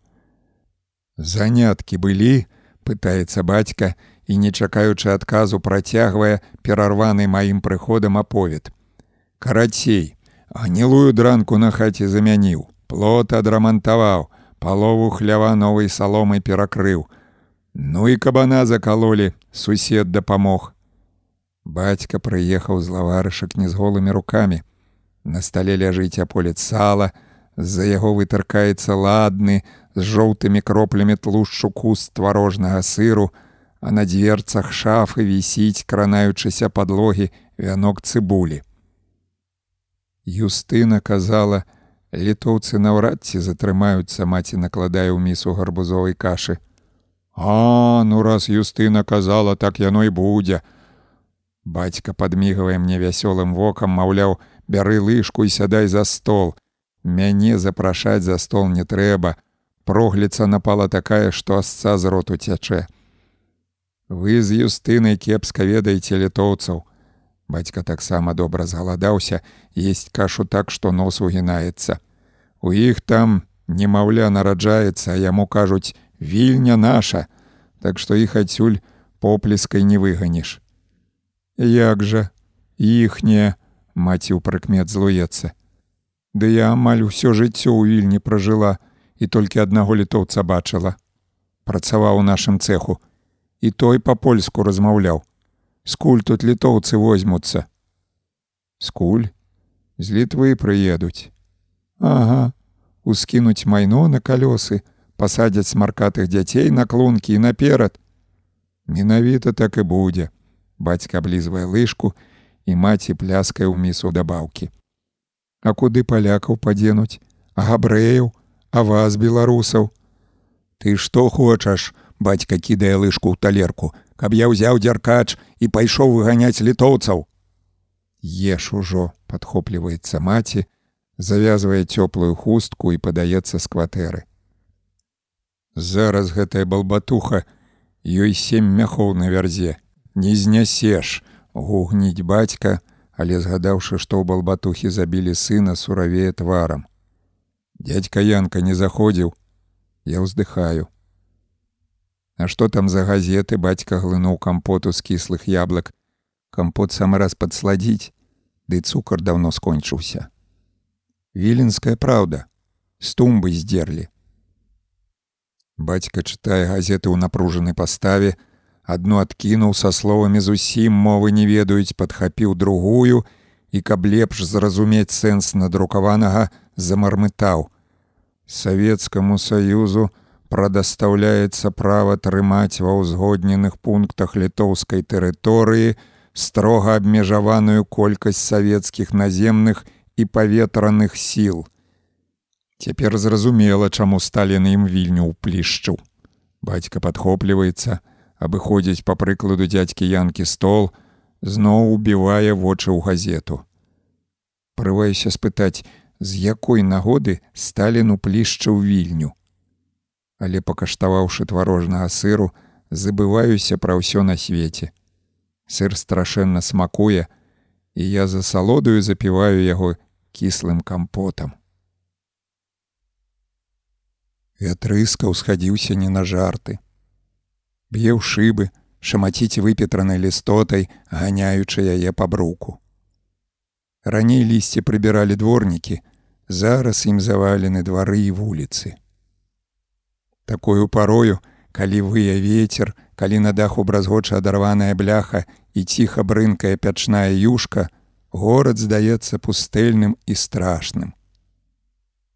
Бацька храпе на ўсе застаўкі.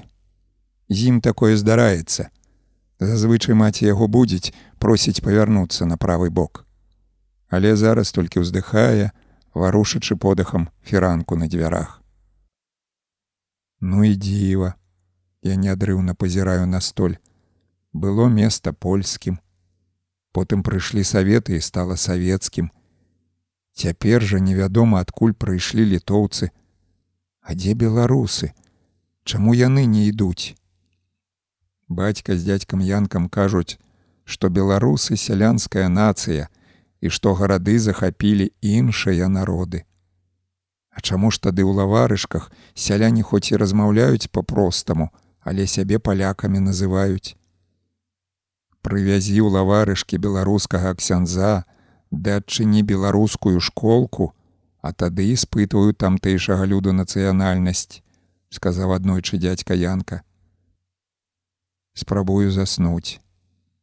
Заўтра святочны дзень, урачыстая сустрэча літоўскай арміі і ад самага ранку будуць званіць у касцёлах. І, панурыўшыся праз хвілю у сонную замарач, чую далёкі звон. Я пазнаю яго. Так, з надтрэснутым гудам бомкае касцёл у зарэччы. Пасля начной бессы не прачынаюся позна. Ці русіць дробны дождж, званы не звоняць, і нават ветер, які ўсхадзіўся з вечару аціх. Чутны адно асцярожлівы шорхат. Гэта бацька голіцца перад люстэркам. Пагаліўшыся пырская на падбароддзе адакалон, гучна кракае, і я канчаткова абуджаюся. Бульба сёлета ці ўрадзілася, пытаецца маці урадзілася і выкапалі за два дні. Зямля сухая. А што ў лаварышках пра вайну кажуць? Ды там адно і ведаюць, што вайна пачалася, бо людзей у войска забралі. Брат той стрыечны, табе, дарэчы, прывітанне ад яго, пытаўся, ці хутка палякі з французамі Берлін будуць браць. А пазаўчорак сён завітваў. Цэлую гадзіну распытаў ды пацеры перабіраў. Вось дзівяцца лаварышкаўцы, як даведаюцца, што іх да літвы далучылі гучна пазяхаю, даючы зразумець, што прачнуўся і падымаюся з ложка. Не паспяваю даесці гарбузовую кашу, як пад вокнамі ўжо свішча рыц. Мы з ім дамаўляліся ісці на дэфіляду. Аддасі гасцінец сябру. Маці адразае ад апольца ладны скрыль сала, кладзе ў торбу і, падумаўшы, вылузвае звянка колькі цыбулін. На дэфіляду ідзем у трох, я бацька і юзік. Яна падобна пачалася, бо з кафедральнага пляца, адбіўшыся ад дажджыста попельнага неба, далятае барабаннае буханне і людская гамана. Пасярод вялікай вуліцы стаіць літоўскі паліцыян, паказваючы рукою бок кафедры. Бацька са здзіўленнем глядзіць на ягоны строй, чорны шанель, з двума радамі бліскучых гузікаў і дзіўнага крою шапку з цэшкай, белым старчаком і чырвоным верхам. Паліцыянта ў літве калакутасамі клічуць, што значыць індыкі. Памятаю свой час падзівіўся, скуль такая мянушка, кажа бацька, разглядаючы калакутаса. Людзей на вялікай процьма і ўсе рухаюцца ў бок пляца. А добра, што сюды прыйшлі літоўцы, пытаецца юзік. Ведаеш, хлопец, адразу не адкажаш. Бацька глядзіць на крыж мікольскай царквы. Тое, што прыйшла ўлада, якую ніхто не клікаў і ніхто не чакаў, гэта мінус. А тое, што сышлі саветы, гэта плюс. Зірнуўшы яшчэ раз на крыж бацька хрысціцца, чаго раней ніколі не рабіў. Вакол кафедральнага пляца цёмна ад народу і прабіцца наперад немагчыма. Стаім, сціснутая з усіх бакоў і бачым толькі вайскоўцаў са сцягамі, якія шыхтаваліся на ганку сабора. З гучнага варыльніка вырываецца на прасцяг знявечаная рэхам прамова і немагчыма разабраць аніводнага слова. Прамаўляюць падобна па-літоўску. У гэты момант нехта чырванатвары з клінападобнай бародкай прабіраецца скрозь натоўп, рукаецца з бацькам. Ну як маешься, дзе хаваешься, бацька ляпае знаёмца па плячы. Адным сказам не павядзеш, адказвае знаёмец і наструніўшы слых, выстаўляе ў гору палец. Рэпрадуктор керхае, трашчыць і пачынае гаманіць па-беларуску. Ад імя віленскіх беларусаў шчыра вітаю літоўскую армію. Мы жылі цягам стагоддзяў у адной дзяржаве, падзяляючы з літоўцамі гора і радасці. Выказваю спадзяванне, што беларусы знойдуць у асобе літоўскага ўрада разуменне і падтрымку. Ці не адольф ля мікрафона заліваецца, бацька становіцца на дыбачкі, пазірае паўзверх людскіх галоў. Ён трасе бародкай знаёмца. Каму толькі не даводзілася беларусам у ногі кланяцца бурчыць бацька. Думае, літоўцы яму газету дазволіць выдаваць, таму і гарлае як варона на дождж. А чаму званы не звоняць, убіваюся я ў размову і барада прамоюшы, Ялбжыкоўскі не даў дазволу, цягне бацьку за локаць, хоча пагаманіць без чужых вушэй. Грымнуў духавы аркестр і дэфіляда пачалася. Мы з юзікам бачым толькі бліскучыя, падобныя на казаны каскі. Пратупаўшы міма нас жаўнеры заварочваюць на вуліцу Мецкевіча. Прадзіраемся з сябрам скрозь натоўп, збочваем на тую вуліцу, мяркуючы, што чым далей ад пляца, тым меней народу будзе стаяць на ходніках. Над нашымі галовамі вецер матляе вялізны лозунг.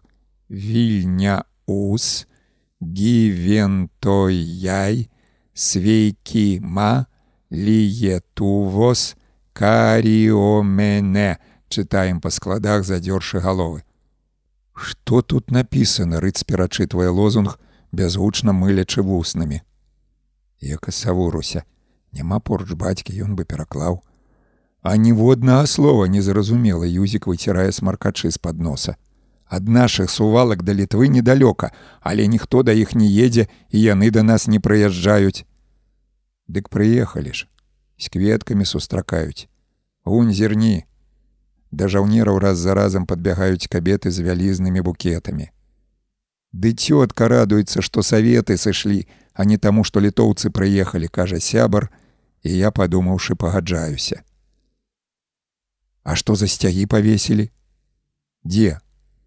Ды вунь, чырвона, зялёна-жоўтыя. А чорт их ведае, адмахваюся ад сябра, пытаешься быццам я літовец. Рыц шморгае носам, я лезу ў натоўпа, калі азіраюся сябра за спіны ўжо няма. Пакрыўдзіўся. Ёсць у юзіка такая паганая рыса, крыўдзіцца з любой нагоды. Пайшлі на дэфіляду трох, а зараз я адзін застаўся. Ну дык не прападу і з гэтаю думкаю выбіраюся на край ходніка. Праваруч стаіць маладая кірпатая пані, якая ўвесь час тыцкае мне ў твар мокрым букетам. Адпіхваю кветкі, але пані сюд тут нахіляецца, казыча нос махровай астранай. Нарэшце крыкнуўшы: «Вой! Кірпа вырываецца наперад і аддае букет вершніку на буланым кані. А мне падабаецца вунь той, што з таго краю едзе, гугнявіць другая пані, сяброўка кірпы і дзяўчыны, прыкрыўшы раты далонямі, пырскаюць гуллівым смехам. Прыехалі б кітайцы і іх кветкамі засыпалі б, сіпата прамаўляюць за спінай, і дзеўкі, азірнуўшыся, аціхаюць. А коні ўжо мой таў добрая. Няйначай аўсом кормяць, зазначае той жа самы голас. Это ў саветаў, манголкі ішлі ды хісталіся. Кафедральны пляц скаланае гучны рокат, паветра зацягвае шызая смуга, і вось ужо па вуліцы едуць танкеткі. Танкеткі зусім маленькія, вышынёй прыкладна з калакутаса, што важна, як той індык ходзіць непадалёку. На такіх драндулетах да варшавы не даедзеш, не кажучы ўжо пра Берлін, не сунімаецца ўладальнік сіпатага голасу. Старыя французскія рыно, Гэта не рыно, гэта брытанскія вікерсы крычаць ля майго вуха. Якія вікерсы, Я што, вікерсаў не бачыў пярэчыць сіпатай і кірпа, адчуўшы, што прыйшла пара сказаць слова, гугнявіць праз плячук. Панове, перашкаджаеце глядзець дэфіляду. Танкетак у літоўцаў даволі шмат. Колькі стаім, а яны ўсё едуць і едуць. Я ўжо змёрз і шморгаю, як той юзік носам. Нечакана сіпункер хай для прачысткі горла і галёкае на ўсе затаўкі. Па коле ездзяць, соты, сто першы, трэцім разам іх бачу. Танкеткі пазначаныя лічбамі, і гэта іх выдала.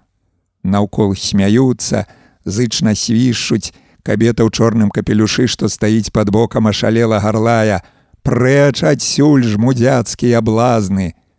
Тым часам кірпа з сяброўкай шлюць танкістам паветраныя пацалункі і тыя прыязна ківаюць галовамі. Ліхенькі палітон не грэе. Іду да хаты на прасткі дварамі і на наваградскай мяне траха не збіваюць з ног. Збой хлопцаў ляціць насустрач, бязладным тупатам скаланаючы наваколле, Куды ляціце, як ашалелыя, енчыць старая бабця, прыхаваўшыся за ліхтарняй. Літоўцы дармавую кашу даюць, чуецца ў адказ, і я разгублена азірнуўшыся, бягу следам за хлопцамі. На бойкім месцы, перакрыжаванні наваградска і пілсудскага, у атачэнні натоўпу стаяць, пыхкаючы парай дзве палявыя кухні. У людзей, што тоўпяцца ля кухань, у руках збаны місы, талеркі і нават плеценыя кашы. Залятаю хату ды так, што маці падскоквае з перапуду, грукнуўшы па пліце чайнікам хапаю мядніцу, у якой маці мае посуд і падаюся да дзвярэй. Ты што звар'яцеў, Навошта табе мядніца гучыць за спінай, але я ўжо збягаю па лесвіцы. Каля кухні жалезнага бака з адкінутай накрыўкай завіхаецца жаўнер у цэратавым хвартуху і з вялікім чарпаком у руцэ. Падступіцца да яго няма ніякай магчымасці. Кладзіце ў прыпол, крычыць нейкая цётка, і кухар кладзе ёй ладную порцыю. Паставіўшы мядніцу на голаў, спрабую прабіцца да кухні. Мяне хапаюць за каўнер, цягнуць назад. Лабас, крычу кухару, той наструньваецца, махае чарпаком. Падумаўшы, што я літовец, людзі расступаюцца. Кухар таксама відаць, думае, што перад ім спакрэвіч, плюхае ў мядніцу поўны чарпак, потым падумаўшы другі, штосьці гергеча па-свойму, і я выбіраюся з натопу. Куды столькі кашы хапану, чуюцца абураныя галасы і даводзіцца патлумачыць. Хворым у шпіталь. У пакоі апетытна пахне кашай. І не абрыдлым панцаком, а грэчкай, прыпраўленай кавалкамі мяса. Хоць і прынёс звулкі, але каша гарачая і абпальвае паднябенне. На парозе з'яўляецца бацька, уражана водзіць носам і маці накладае яму поўную талерку літоўскага смакоцця. Бацька кідае на вяшак капялюш, падаецца да стола. Ты палітон зняў гугнявіць з поўным ротам кашы маці. Агорыўшы дзве талеркі, бацька аблізвае лыжку. Далі Бог, мне літоўцы пачынаюць падабацца. Войска ў іх кволае, затое каша магутная. Пачакай, пачнуць вас, як тыя саветы з ложкаў падымаць.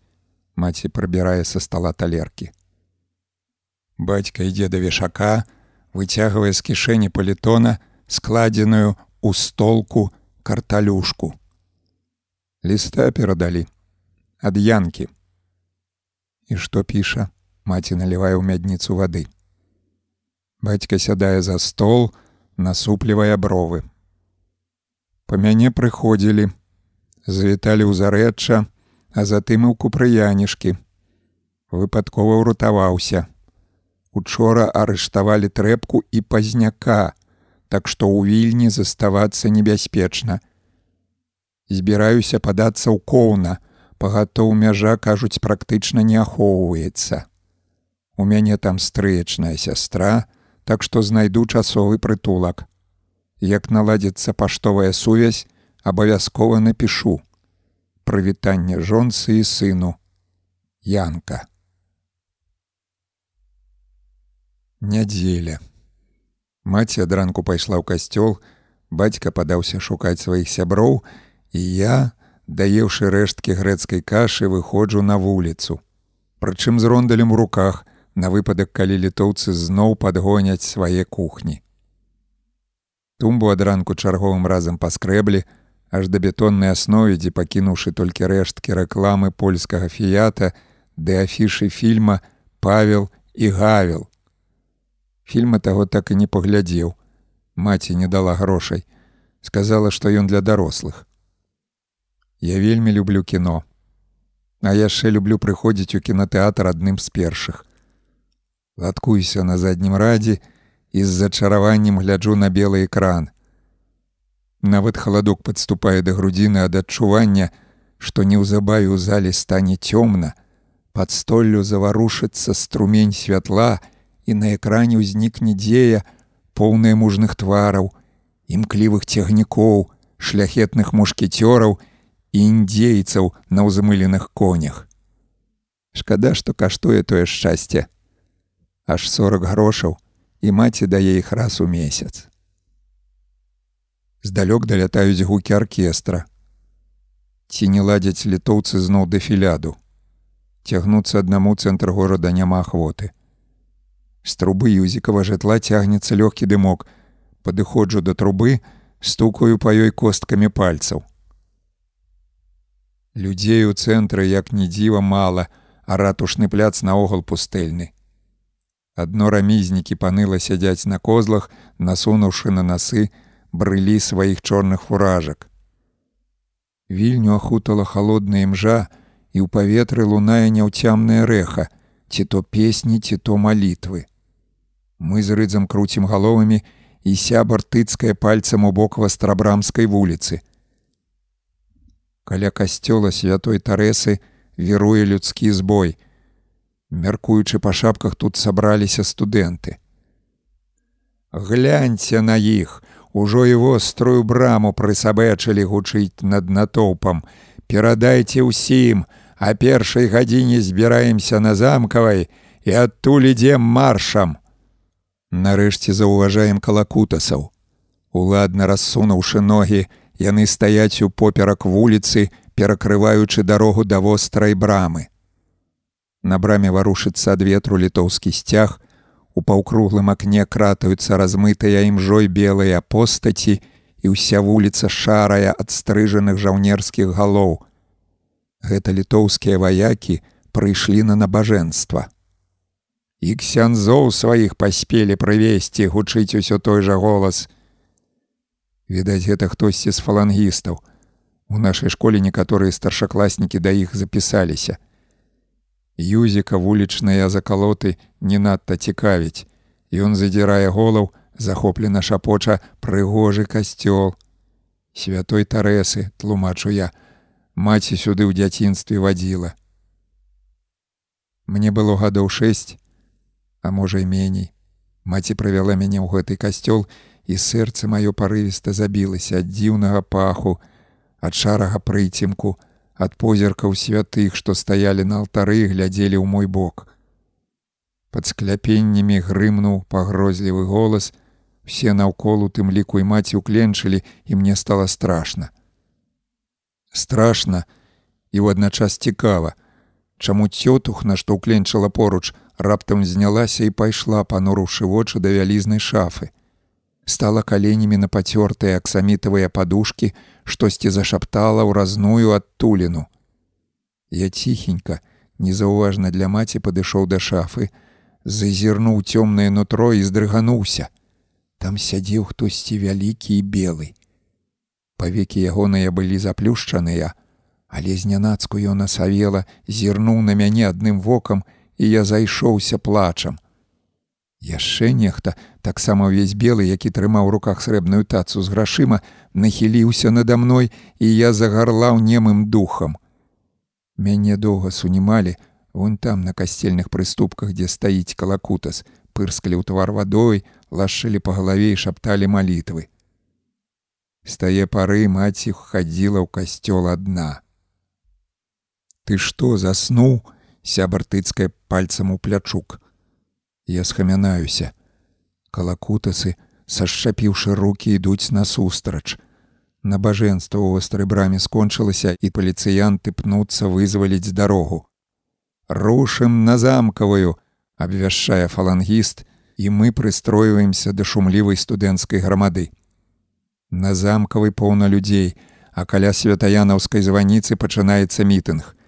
Літоўцы заяўляюць, што вільня іхняя сталіца, а самі цягам стагоддзяў не пабудавалі тут аніводнага будынка, галёкай узбіўшыся на ліхтарны слуп бялявай маладзён. Яны пераназвалі вільню ў вільнюс і патрабуюць, каб мы так называлі пракаветнае место. Дулю вам з макам, з пастарнакам, дарагія жмудзякі. Маладзён хоча нешта дадаць, але яго сцягваюцца слупа і на ліхтарню збіраецца новый прамоўца. Літоўская гліна ходзіць павільні, узяўшы руки ў бакі. І я вам скажу чаму, Таму што гітлер са Сталінам выдалі ім карт-бланш, маўляў, душыце палякаў, а мы калі што вам дапаможам. Паглядзім на гэтых фанабераў, калі атрымаюць каменем у лабешнік. На то пухвальна гудзе, б'е ўладкі, прамоўца з'язджае са слупа і тут жа зноў збіраецца а выкацяць супраць нас свае смярдзючыя танкеткі, мы іх спалім, як спалілі нядаўна пяць савецкіх танкаў. Наступны на слуп збіраецца маладзіца ў чорным бярэце.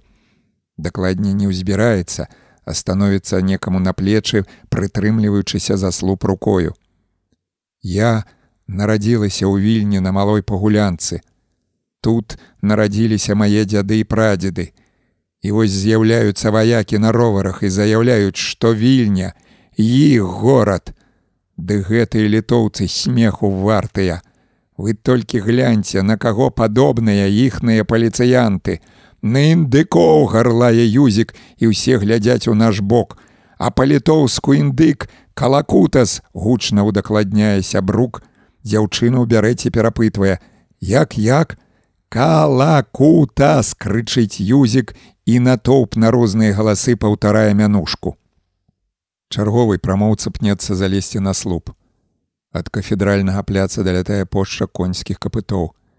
Гэта едуць тыя самыя калакутасы на сваіх дагледжаных конях. У іх у руках гумовыя палкі. Мы з юзікам нырцуем падарку. Разам з намі бягуць два студэнты. Навошта рондаль цягаеш, пытаецца ў мяне адзін з іх. Мазгаўню закрыць, калі калакутасы будуць палкамі біць, адказвае юзік. Студэнт прыцішвае бег. А гэта ідэя звяртаецца ён да сябра. Аборкі да ручак прывязаў і казка гатовая. І сяба разірнуўшыся задыхана гамзая. А восемнадцатай на татарскай трэба сказаць, каб з хат рондалі прыхапілі. Яшчэ сплю і скрозь сон чую цётку юстыну. Мая ж пляменніца на звярынцы жыве, прыбегла ад ранку, кажа усенькую ноч каля разглосні стралялі, якой разглосні. Ну дзе па радыё перадаюць. Немец тую станцыю разбамбіў, а саветы, як прыйшлі, адрамантавалі. Я задаволена пацягваюся. У горадзе ўсю ноч стралялі, значыць, у школу не пайду. Міцьку суседа майго прынеслі учора ўвечары, і галава ўся разбітая з паліцыяй біўся. Ляжыць ды стогне цётка пераводзіць дых, стойвае без таго ціхі голас. Бохан жытняга ўжо злоты каштуе, а учора хлеб зусім не прадавалі. Маці апошнім часам мяняла цыгареты на хлеб, даўно не была ў хлебнай краме, таму і вогкая ад здзіўлення. Злоты, бохан хлеба, Езус Мар'я. Да вайны бохан каштаваў 30 грошаў. Маці клала мне на далонь тры манеты па 10 грошаў, і я, заціснуўшы іх у кулаку, бег у краму старога ліўшыца. Хлеб галавакружна пах, і я адкалупаваў сухую скарынку, ды клаў у рот. А то, як быў галодным, адломаў ладны гамёлак гарачага мякішу і пхаў у рот. Бацька, праўда, заўсёды папярэджваў, што гарачы хлеб есці нельга, бо можа утварыцца заварот кішак. Усё з-за габрэяў, прыхавалі муку, пазачынялі пякарні, а мы памірай з галадухі. Бацька яшчэ не падымаўся, і з пружыны яго на галошка незадаволена рыпаюць. А за якія грошы прадаваць? За злотыя. Бацька падобна змучыўся чакаць, калі матчына сяброўка пойдзе да хаты абмяняюць злотыя наліты, тады і крамы адчыняцца. Ды і мука на складах скончылася. Бацька кашляе, звешвае долу ногі ў белых падштаніках, мне гэта бачна праз шчыліну феранак, і цётка Юстына, цішком клянучы габрэяў, выпраўляецца да хаты. Ад самага ранку няма спакою бурчыць бацька, навіны сыплюцца як з дзіравага меха. Ёй трэба ў рэпарцёры падавацца, якраз днямі кур'ер віленскі пачне выходзіць. Маці абапіраецца рукамі на падваконне. Матка боска зноў некага панеслі. Увесь у крыві, ці не старога ліўшыцца пабілі. Чутны звон разбітага шкла, тупаніна і брудная лаянка. У школу сёння не пойдзеш, пасля такіх слоў маці ідзе гатаваць сняданак. Мяне не толькі ў школку не пускаюць, але і на вулку, А там дзеецца штосьці няўцямнае. Міма нашых вокнаў вязуць на брычках скрываўленых небаракаў. Калакутасы па 5-6 чалавек бегаюць то ў адзін бок то ў другі, праехала нават танкетка. Бацька пайшоў паглядзець, што адбываецца ў горадзе і яшчэ не вярнуўся. Цётка Юстына, калі што якое заўсёды на нас прыбягае, а тут і яе няма. Між ты маці і самой цікава, хто там б'ецца на вуліцах, і яна раз-пораз падбягае да акна. Да міцькі на хвілінку забягу, пагляджу, як ён там, умольна енчу, которым ужо разам і маці дакорліва хітае галавой, але толькі да міцькі буду з акна сачыць. На тумбе ні абвестак, ні газет, адно бялее літоўскі плакат з выяваю вострай брамы. Хтосьці прайшоўся па ім сцізорыкам, распаласаваўшы на тонкія палосы, і тыя матляюцца на ветры. Улетку так паласуюць паперу, ды вешаюць на люфцікі, каб адбіцца ад мух. Дзверы адчыняе міцькава маці, незразумелага веку кабета з рудымі, як у юзіка валасамі. Ранейшым часам яна была вясёлай да румянай, а цяпер прыкметна згорбілася і зблажэла тварам. Дзіва што. Саветы мужа на юры звезлі, а літоўцы сына пабілі. Міцька ляжыць забінтаванай галавой. Над ложкам у куце вісіць цёмны абраз, дык воліцца знічка лампады. Шверубовіча, як і мой бацька праваслаўныя. Як маешся, патыліца баліць, а так жыць можна. Добра яшчэ абышлося, міцькава маці бразгае на кухні посудам, маглі бы мы з гаўню адбіць. А што? Там фаланга ўсім кіравала, ціхенька, каб не пачула міцькава маці, пытаюся ў міцькі. Чаму фаланга? Завадатарамі ўсяго былі браты Філіпавы з расійскай гімназіі. У пецькі аднаго з братоў граната ў кішэні была, хацеў шпурнуць у калакутасаў, але мы адгаварылі. Ужо і міцька ведае мянушку паліцыянтаў, я паціраю руки. Можаш сказаць, хто яе пусціў народ. Хлопцы што прыдумалі? Надзяваюць аблавуху, а наверх рондаль насоўваюць. Калі калакутас ідзе ў бане дручком, дык не так балюча. Гэта я прыдумаў, кажу міцьку, і той адрывае забінтаваную галаву ад падушкі. Ты прыдумаў. Ды там і духу твайго не было, сядзіш пад матчаным прыполам. Чапля нешта крычыць услед, але я не слухаю. Выходжу з кватэры, гучна бразнуўшы дзвярыма. Аднекуль з наваградскай ляціць немы лямант. Маці ў акне не бачна, і я спачатку прыстаўным крокам, а потым як ветрам гнаны лячу па засыпаным смеццем і сухой лістотай ходніку. Неўзабаве насупраць хлебнай крамы ліўшыцца спыняюся і ўражана закапыльваю губу. Крама пазірае на свет выбітымі вокнамі і калыша як на знак развітання напісанай па-польску і па-габрэйску шыльдай. Шыльда завісла на адным цвіку. У вокны шпурлялі бітай цэглай, бо яна валяецца пад нагамі. Мясная крама выглядае яшчэ страшней. Там аконная рама вылетела і павісла, як тая шыльда. Калі выйшаў на наваградскую, убачыў раз'ятраны натоўп, які бег некуды і на розныя галасы гукаў прэд жыдоў з вільні. Кароткую хвілю стаю падаркай і трушком, ціснучыся да сцен прабіраюся да свайго дома. Увечары адключылі святло, і мы ўтрох бацька, маці і я сядзім ля акна. Пагром не сціхае. Па вуліцы па-ранейшаму бегаюць узброеныя палкамі і жалезнымі прутамі з граі фалангістаў, ды шугаюць на конях калакутасы. А калі сцямнела, на скрыжаванні залескатаў гусеніцамі савецкі танк, той самы з гнутымі трубамі ля вежы. Няўжо саветы вярнуліся. Можа, не пойдзем на могілкі. Паглядзім, бурчыць бацька. Танкі з новай вялейкі прыехалі. Там у саветаў вайсковая база. Няйначай літоўцы попрасілі дапамогі. Паслязаўтра задушкі. Гэтым днём мы ўсёй сям'ёй наведваем петрапаўлаўскія могілкі, дзе пахаваная цётка Люцыя, матчына сястра. Яна памерла маладой, і я бачыў яе толькі на фотаздымках. Помнік на цётчынай магіле скасабочыўся, і бацькі з лета збіраюцца яго падправіць. І вось задушны дзень на носе, а помнік дагэтуль стаіць пакарабачаны. Ноччу доўга не магу заснуць. У свядомасці гучаць крыўдныя словы міцькі шверубовіча, і я кручуся з бока на бок на шышкаватым сенніку.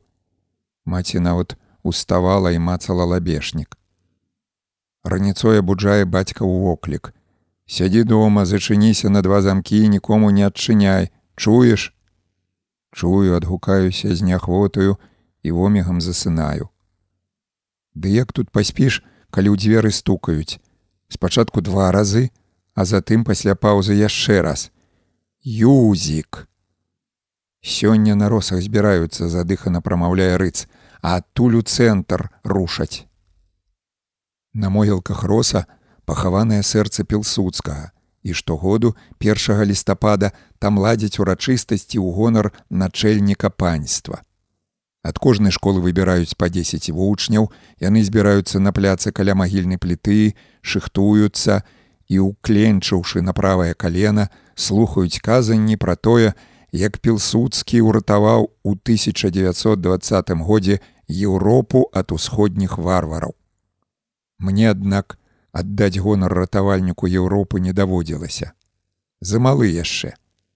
Але на ўрачыстасцях аднойчы прысутнічаў. Чорная пліта, пад якой пахаванае сэрца пілсудскага і ягоная матка, месціцца перад каменным мурам. Мы з міцькам на яго ўзлезлі, каб лепей бачыць урачыстасць, а паліцыянт нас сагнаў. На могілкавы мур нельга ўзлазіць, бо гэта святая мясціна. Ну ты як ідзеш, сябар з нецярплівасцю тупае ля парогу. Чухаю свярблівую макаўку. Всё ж такі бацькі загадалі сядзець дома, ды прыгадваю словы міцькі шверубоючы рашуча выдыхаю: іду. Рэкламную тумбу шчыльна атачылі месцічы. Літоўцы павесілі свае распараджэнні і іх услых і на выперадкі чытаюць. Пачынаючы з 3 лістапада у горадзе вільнюсе, будуць арганізаваныя грамадскія працы. Часовае працаўладкаванне грамадзян будзе ажыццяўляцца пасля адпаведнай рэгістрацыі. А што за працы крычаць з усіх бакоў, ідзе рэгістравацца.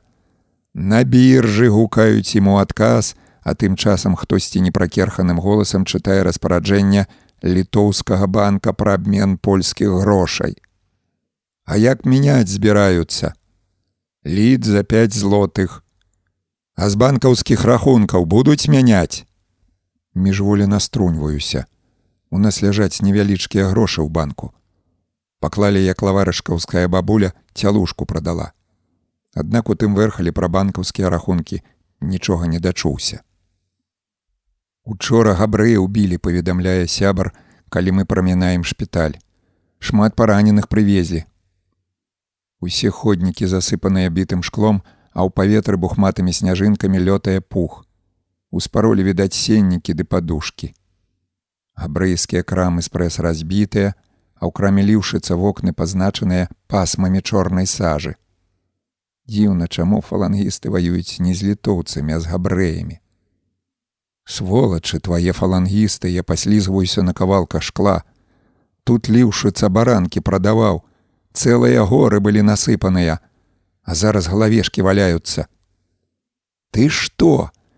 Забыўся, як габрэі саветы сустракалі, як мітынгі ладзілі ды аркестры гралі, а потым у рабочую гвардыю падаліся. Адзін такі падышоў да маёй маці і крыкнуў асцой пырскаючы: «Усё пшэкі, скончылася ваша панаванне. А ў маткі ўжо скура з пальцаў злезла ад мыцця. І што стары ліўшыц, які хлебную краму трымае, у падсабачнікі падаваўся і карабінам перад тваім носам размахваў. Твар юзіка ўкрывіць гемора. Учора сябар паведаміў, што збіраецца запісацца ў фалангу. У падручніку напісана, што пілсудскі нававілі пахаваны, сябар вырашыў змяніць тэму размовы. А што тады за магіла на росах? Там сэрца пахаванае, і матка ягоная. А беларусіны любяць пілсудскага. А за што яго любіць? Абяцаў беларусам школы ды універсітэты, а што даў? Лукішкі да картузы, прыгадваю словы дзядзькі янкі. На ўрачыстасць мы спазніліся, бо не паспяваем прайсці 100 метраў па каляёвай, як у паветры залунала, што той птушыны грай, шматгалосая гамана і з бакавога завулка выйшаў людскі натоўп. Яшчэ польска не згінела, дрыготкім голасам заспявала нейкая дзеўчынёха, людская гурма падхапіла гімн, і я далучыў свой голас. Але згінуць мусі, Кеды москаль не побіе, то холера з дусі, гэтак спяваў польскі гімн падпіты дзядзька Янка. Вы беларусіны, такія ж ворагі Польшчы, як і жыды крычыць юзік і подбегам рушыць насустрач грамадзе. Бяжы, бяжы, фалангіс сранай гукае яму ўслед па-беларуску і шыбую на вастрабрамскую. Дядька Янка казаў, што фалангісты ненавідзяць не толькі габрэяў, але і беларусаў, таму і няма ахвоты да іх далучацца. Брук на вастрабрамскай няроўны шмат дзе прасеў я ўвесь час спатыкаюся. А можа, ногі заплятаюцца ад адчування, што следам за мною рушыць гамандлівы натоўп. Літоўцы, вяртайцеся ў коўна, Прэч мудзякоў з вільні, Прэч жыдоў і камуністаў, стагалоса скандуе грамада. Прыспешвай крок, трэба адарвацца ад натоўпу, бо могуць наляцець калакутасы, і тады апынуся паміж двух агнёў, паліцыяй і дэманстрантамі. Пад вострай брамай здымаю шапку. Тут, як заўжды сядзяць жабракі, а пабожныя бабці бясконца жагнаюцца ды цалуюць пашарпаныя сцены. Пабачыўшы людскую грамаду, бабці хуценька хаваюцца ў галерэю, што лучыць браму з касцёлам.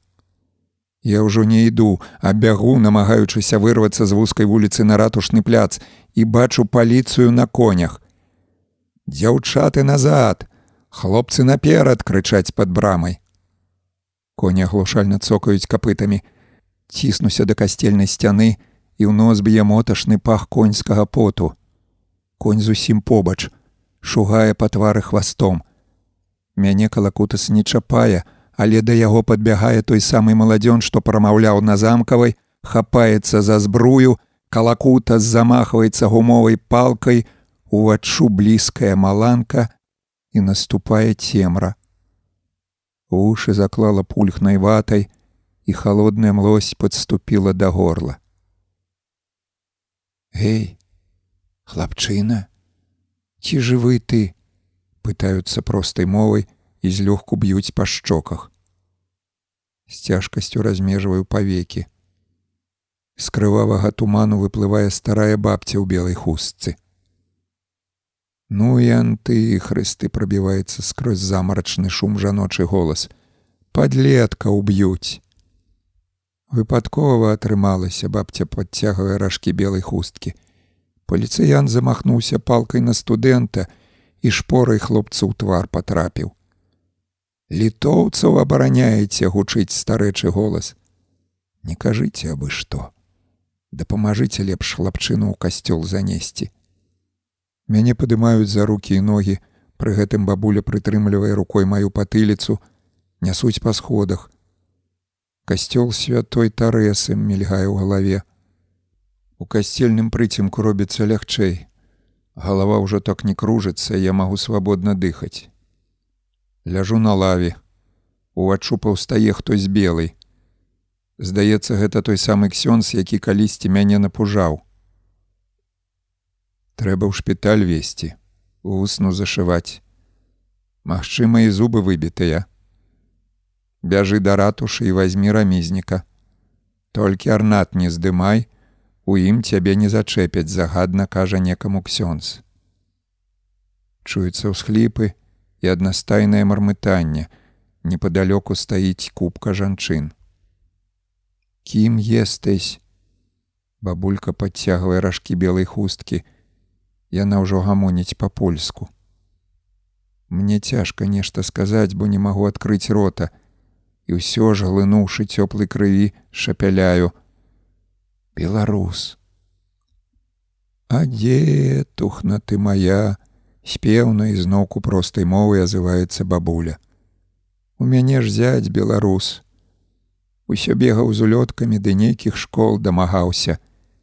І ў лукішкі патрапіў, а перад самай вайной ва ўронкі перавялі. Так і згінуў недзе. На замкавай гранату кінулі, паліцыянта забіла, здушана, бо ў касцёле нельга гарлаць гукаюць ад увахода жанкі пачынаюць няголасна спяваць. Гэта браты філіпавы. Яны гранату шпурнулі. З гэтаю думкаю заплюшчваю вочы і згадваю міцьку шверубоеча. Пасля шпіталя пайду не да хаты, а да чаплі. Да чаплі, шапчу скрываўленымі вуснамі, спрабуе адарваць галаву ад лавы, і бабуля, падумаўшы, што я трызню, жагнаецца і плаксіва выдыхае. Мудліся за намі, матка боска, міласэрна.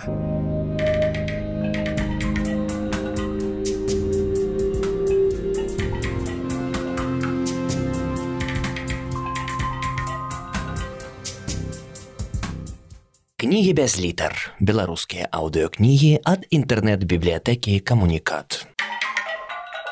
Вінцэсь мудроў. Восень у вільні. Апавяданні. Як добра быць паэтам. Ад самай раніцы у дзверы пазванілі.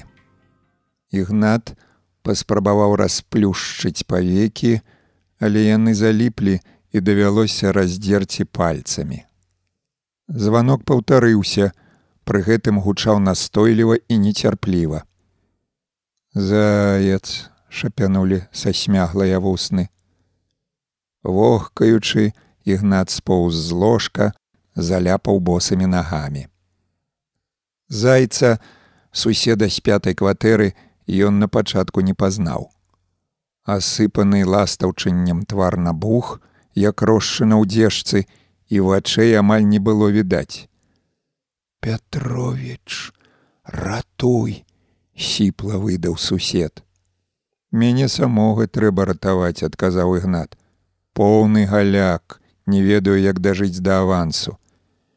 Пятровіч, памру, дай хоць на піва. Пятровіч вылаяўся, зайшоў у пакой, доўга шнарыў па кішэнях штаноў. Вось усё, што маю. Далоню зайца дрыжэла і некалькі манет пакаціліся па падлозе. Сусед ужо абрыць сваімі прыходамі, але ж такога не выганіш. Патрэбны чалавек. Хоць я піву, але руки мае залатыя. Калі ў кватэры нешта псуецца, кран працякае ці трубу забівае, ігнаць звяртаецца да зайца. І той усё даводзіць да ладу. А літаральна пару дзён таму павесіў новую люстру. Яшчэ раней прымацаваў карніз на кухні і прыбіў дыван у спальні. Карацей, просто так ад зайца не адмахнешся і даводзіцца распораз пазычаць рубель на пахмелку. Выправіўшы госця, ігнат зноўку грымнуў на ложак. Але не паспеў змежыць вочы, як на кухні з той жа патрабавальнасцю, як і дзвярны званок азваўся будільнік. На мінулым тыдні ігнат адзначаў у рэстаране свой дзень народзінаў і збаёдаў 70 рублёў. А учора добра пасядзелі з паэтам бурносам. Так што грошы былі прапітыя, а з кніжкі здымаць не хацелася. Сёння ж трашчала галава, уваччу мітусіліся мятлікі і цягнула на ваніты. Але нічога не паробіш, трэба было цягнуцца ў рэдакцыю. Працаваў ігнат загадчыкам аддзела лістоў у гарадской газеце. Праца ўвогуле не пыльная, ды ўсе гэтыя ідыёцкія лісты, якіх на дзень прыходзіла па 5-6 штук і на якія трэба нейкім чынам рэагаваць, ігнату страшэнна ў стылі. Да таго ж ён мусіў рыхтаваць штомесячныя літаратурныя старонкі. Ігнат наогул лічыў, што такая сціплая пасада не адпавядае яго інтэлекту і адукацыі, хаця сам скончыў не універсітэцкі журфак, а ўсяго толькі педінстытут і тое завочна. Убіўшыся ў кухню, загадчык аддзела запарыў цейлонскай гарбаты і потым доўга піў, стукаючы зубамі аб край кубка і выціраючы кухонным ручніком буйны пот з лабаціны. Гарбата дапамагла. Патыліца ўжо не шчымела, як раней, галава не кружылася, і ганат спехам пагаліўшыся, рушыў на працу. Да вас, паведаміла сакратарка Анюта, калі ігнат увайшоў у рэдакцыю і з гуллівай смешкай на твары кіўнула ў бок наведніка у куртатым ці не з чужога плечука пінжаку. Мужчына быў сталага веку і трымаў у руках вучнёўскі сшытак. Павітаўшыся ігнат адчыніў кабінет, запрасіў наведніка ўвайсці. Ваенны пенсіянер. Мемуары прыцягнуў, позірк слізгануў па ордэнскіх калодках на куртатым пінжаку. На мінулым тыдні ўжо давялося адбівацца ад мемуарыста, які прынёс у рэдакцыю дробна спісаны агульны сшытак. У ім на першай старонцы зрэшты ігнат толькі яе і прачытаў, апавядалася, як партызаны знішчылі ў начным баі сорак гітлераўцаў. Матэрыял цікавы, але газета друкаваць такія аб'ёмы не ў стане, паведаміў тады мемуарысту, параіўшы звярнуцца ў які часопіс. Яшчэ адрасы часопісаў на паперчу не напісаў, і вось новая злы беда.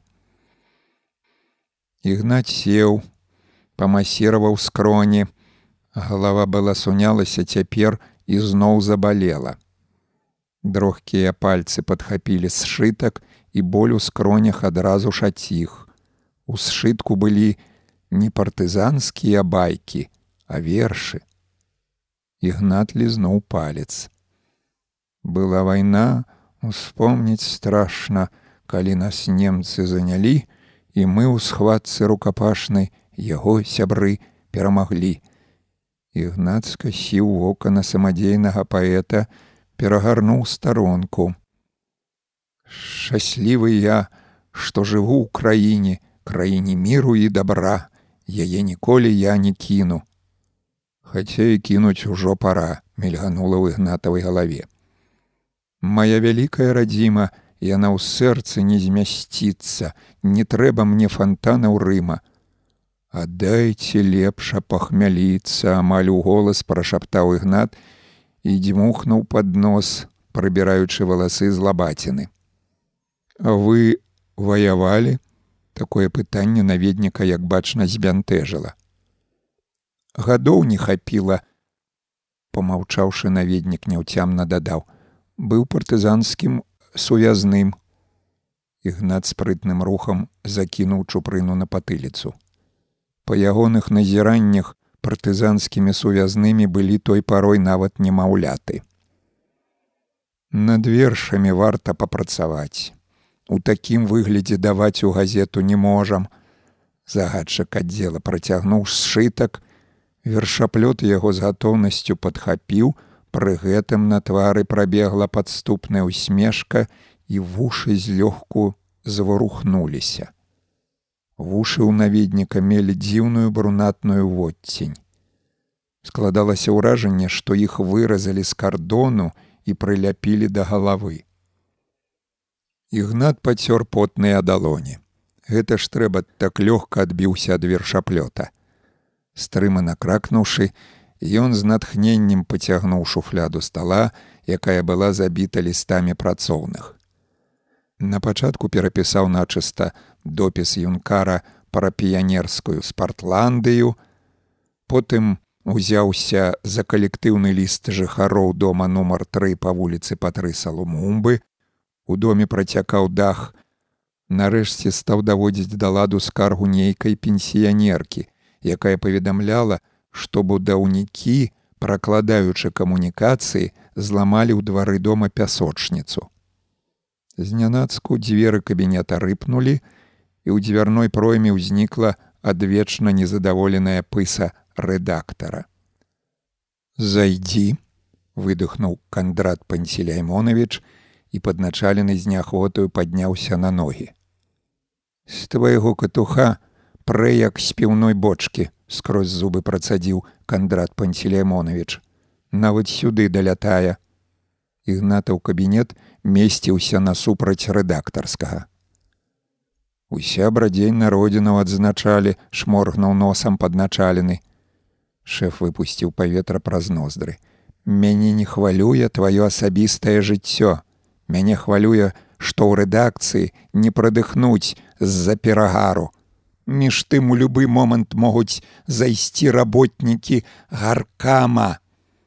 Кандрат Панселяймонович больш за ўсю ў жыцці баяўся тых самых работнікаў, а пачуўшы прозвішча першага сакратара гаркама, мог, як жартавалі ў рэдакцыі страціць прытомнасць.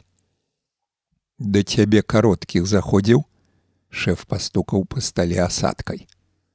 Які кароткіх? Паэт перапытаў ігнаць, збіраючыся працытаваць па памяці верш пра вайну, але ўбачыўшы насуплены шэфаў твар, прыкусіў язык.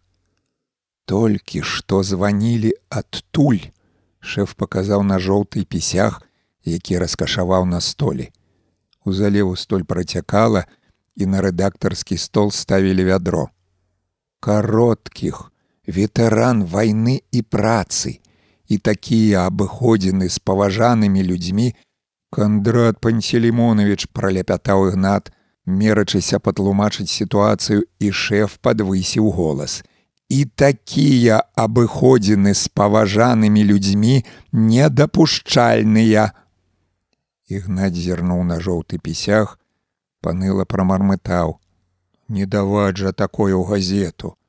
Суцэльная графаманшчына, А ты, Ігнат Пятровіч, дзеля чаго тут пасаджаны? Табе што, людзі лісты пішуць бездакорнай мовай? Кандрат Панселямонович, Я не паэт і не брунет, зноў перабіў шэф. На наступным тыдні вершы кароткіх павінны быць у газеце. Гэта ўказанне гарадскога камітэта партыі. Ну як? шэптам запыталася Анюта, калі ігнат выкуліўся ад рэдактара. Ігнат у адказ старасянуў чупрынай і таксама шэптам адказаў: « Была вайна, успомніць страшна. Плюхнуўшыся на крэсла, ігнат прыбраў з лба вільготную чупрыну, убіў нос у ліст, над якім працаваў. Яма замест пясочніцы, звароты не далі плённу, бачу заплаканых дзяцей з вядзерцамі ў руках, заскакалі ўваччу няроўна напісаныя словы. Са штохвіліннымі ўздыхамі бедалака пачаў правіць тэкст, але тут у кабінет праслізнула анюта і паклала на стол знаёмы сіні сшытак. Просіць не цягнуць з друканінай, усё так жа стоена шапятнула анюта, даючы зразумець, што гаспадар сшытка сядзіць у прыймальні нават не зайшоў сволач. Праз сакратарку перадаў. Ветэран. Немаведама чаго. Вось мой бацька сапраўдны ветэран ордэн меў двойчы паранены і памёр з нямецкім асколкам пад сэрцам замітусіліся ў галаве гарачлівыя думкі адшытка пахла цвіллю. Была вайна успомніць страшна бязгучна прашапталі вусны. І як гэта паправіць? З усяго верша прыдатная толькі фраза была вайна усё астатняе давядзецца перапісваць. Ігнат падхапіўся прайшоўся па кабінеце. Была вайна яе сустрэлі мы бясстрашна у голас прадэкламаваў загадчык аддзела лістоў, сціснуўшы кулакі, дэманструючы такім чынам народную адвагу. Не не тое, трэба нешта іншае. Наступных пяць хвілін ён падбіраў рыфму слову страшна. Паташны, бесшабашны, вальтер запашны, згадаўшы імя ўтаймавальніка тыграў, ігнаць сеў за стол, плаксіва застагнаў, але тут надумаўшы штосьці, пажвавеў тварам і прыбраў з вачэй непаслухмяную чупрыну. Пасля працы, пазычыўшы у сакратаркі тры рублі, ігнат накіраваўся да свайго сябра, паэта бурноса. Дакладней экс-паэта, бо сябрук апошнім часам нічога не пісаў. Яшчэ пару гадоў таму імя Леся Бурноса было на слыху. Ён выдаў паэтычны зборнік, рэгулярна друкаваўся ў часопісах і выступаў з вершамі ў школах. Але паехаў аднойчы на літаратурную сустрэчу, дзе творцаў добра пачаставалі. Там ён, ладна падпіўшы, завёўся з нейкім чыноўнікам ад літаратуры і ўрэшце заехаў таму кулаком у лабешнік. Чыноўнік тыдзень ляжаў у бальніцы, а на бурноса завялі крымінальную справу. Праўда, тут жа і прычынілі, бо ў пісьменніцкім асяроддзі кулуарныя размовы пачаліся, і многія ігнатавага сябрука падтрымлівалі. Маўляў, правільна зрабіў, што старому карчу ў лоб заехаў, бо той корч, як казалі, са сталінскіх часін душыў у літаратуры ўсё маладое ды таленавітае. Пасля таго выпадку бурноса кінулі друкаваць і нікуды не запрашалі. А неўзабаве ён развёўся з жонкай і цяпер жыў адзінцом у цеснай маласямейцы. Бурнос сустрэў сябра з кіслай геморай на твары, азірнуўшы на пукатую ігнатаву грудзіну, на якой вымалёўваліся дзве пляшкі, акрыяў духам і пабег рыхтаваць закусон. Выручай, ігнат з грукатам выставіў чарніла.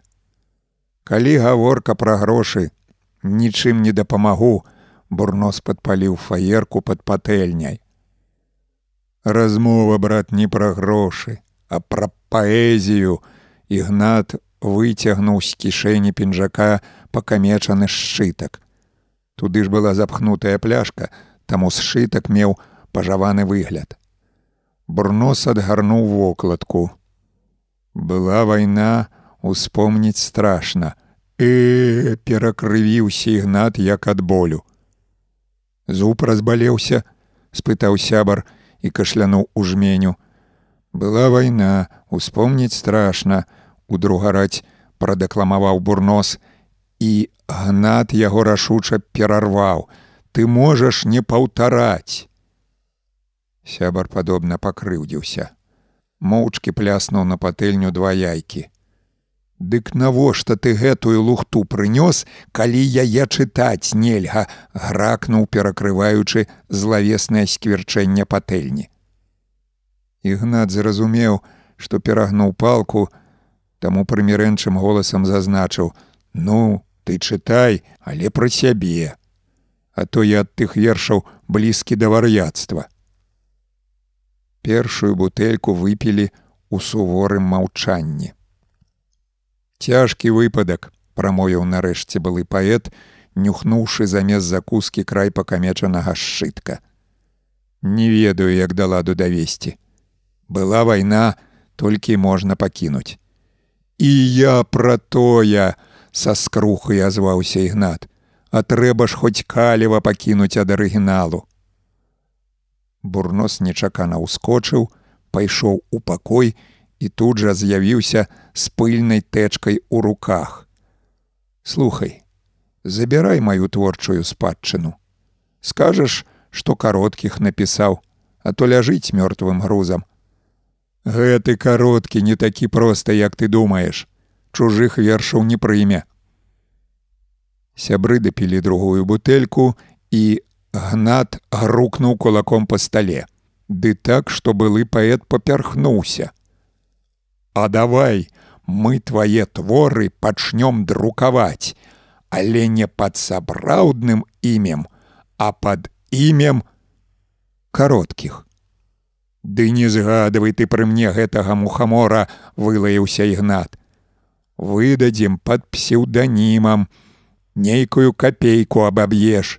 Вось у нас грошай на трэцюю пляшку няма, а атрымаеш ганарар і пляшка под носам. Пачуўшы пра трэцюю пляшку, сябрук засоўгаў азадкам па ўслоне. Ну надрукуем, А каму будуць ганарары высылаць? Да таго ж кандрат захоча жывога паэта пабачыць. Ты ж ведаеш, які ён перастрахоўшчык.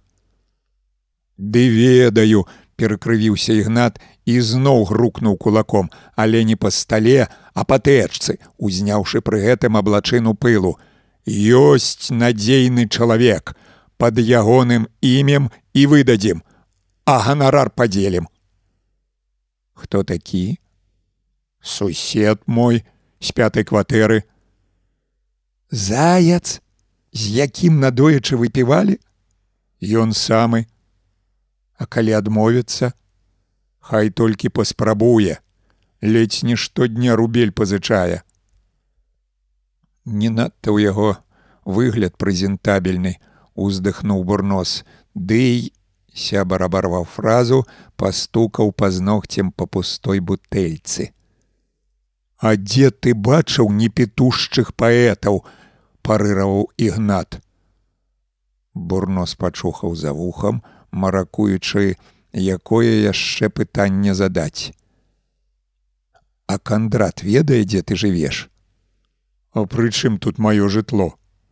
А пры тым будуць высылаць паштовы перавод, пабачыць, што аўтар жыве поруч з табою і адразу ж падазрэнні ўзнікнуць. Не хвалюйся, кандрат да мяне ніколі не завітваў а наша савецкая вуліца самая вялікая ў горадзе.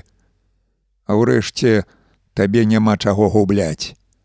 Ну даведаецца кандрат, што гэта ты накрамзоліў. Мне ж пытлю дадуць. Абмеркаваўшы дэталі, сябры ударылі па руках. Праз паўгадзіны ігнат з тоўстай тэчкай пад пахаю выйшаў на вулку, зайшоў за рог бурносавага дома і ляснуў тэчкай па сцяне, выбіваючы пылюку. На календары субота. Можна і паспаць лішнюю гадзінку, але сон зляцеў з павекаў. Магчыма, таму, што раніца выдалася сонечная, а можа таму, што ігнат чакаў званка ў дзверы. Між тым званок гэтым разам каротка і нерашуча дзынкнуў толькі а дзясятай гадзіне.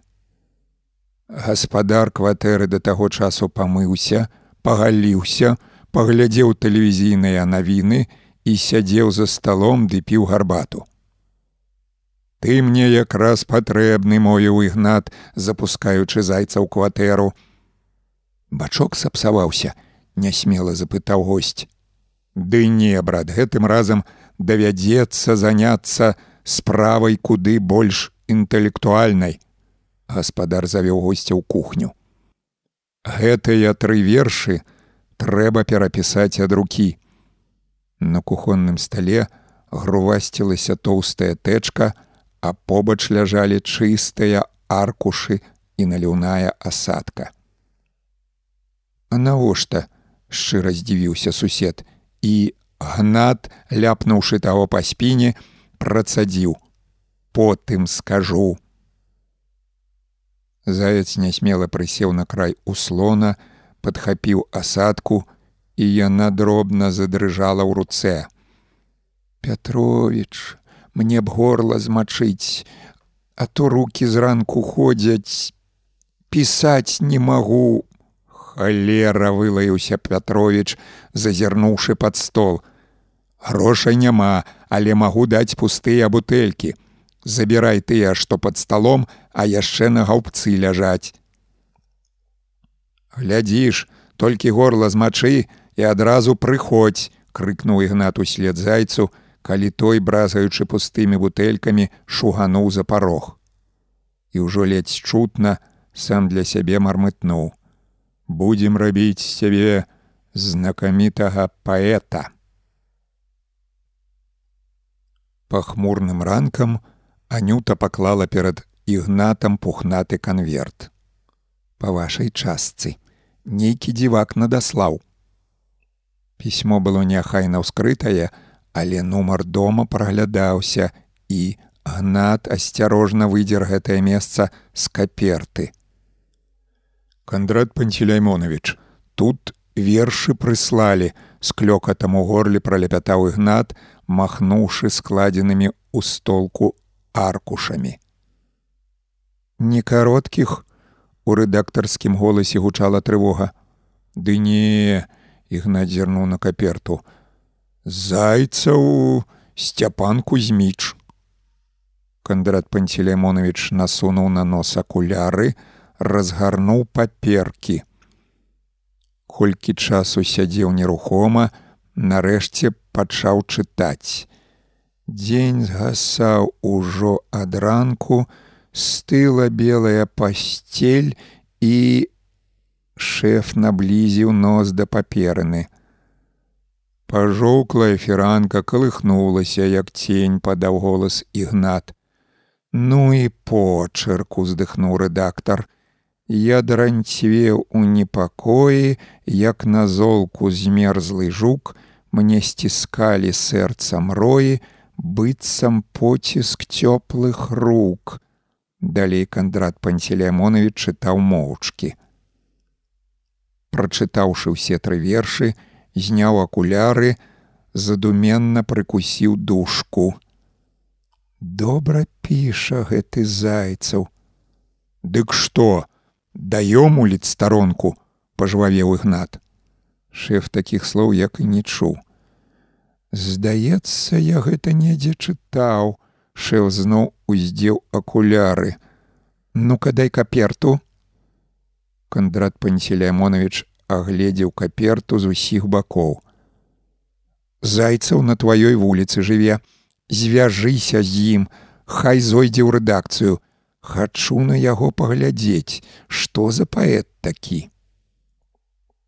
Блізу абеду да ігната зазірнула анюта і, прыставіўшы далонь да вуснаў, прашаптала: « За гаркама прыйшлі. Якраз учора, прычым на першай паласе, далі верш была вайна за подпісам кароткіх. Ці не стае нагоды гаркамавец завітаў у рэдакцыю.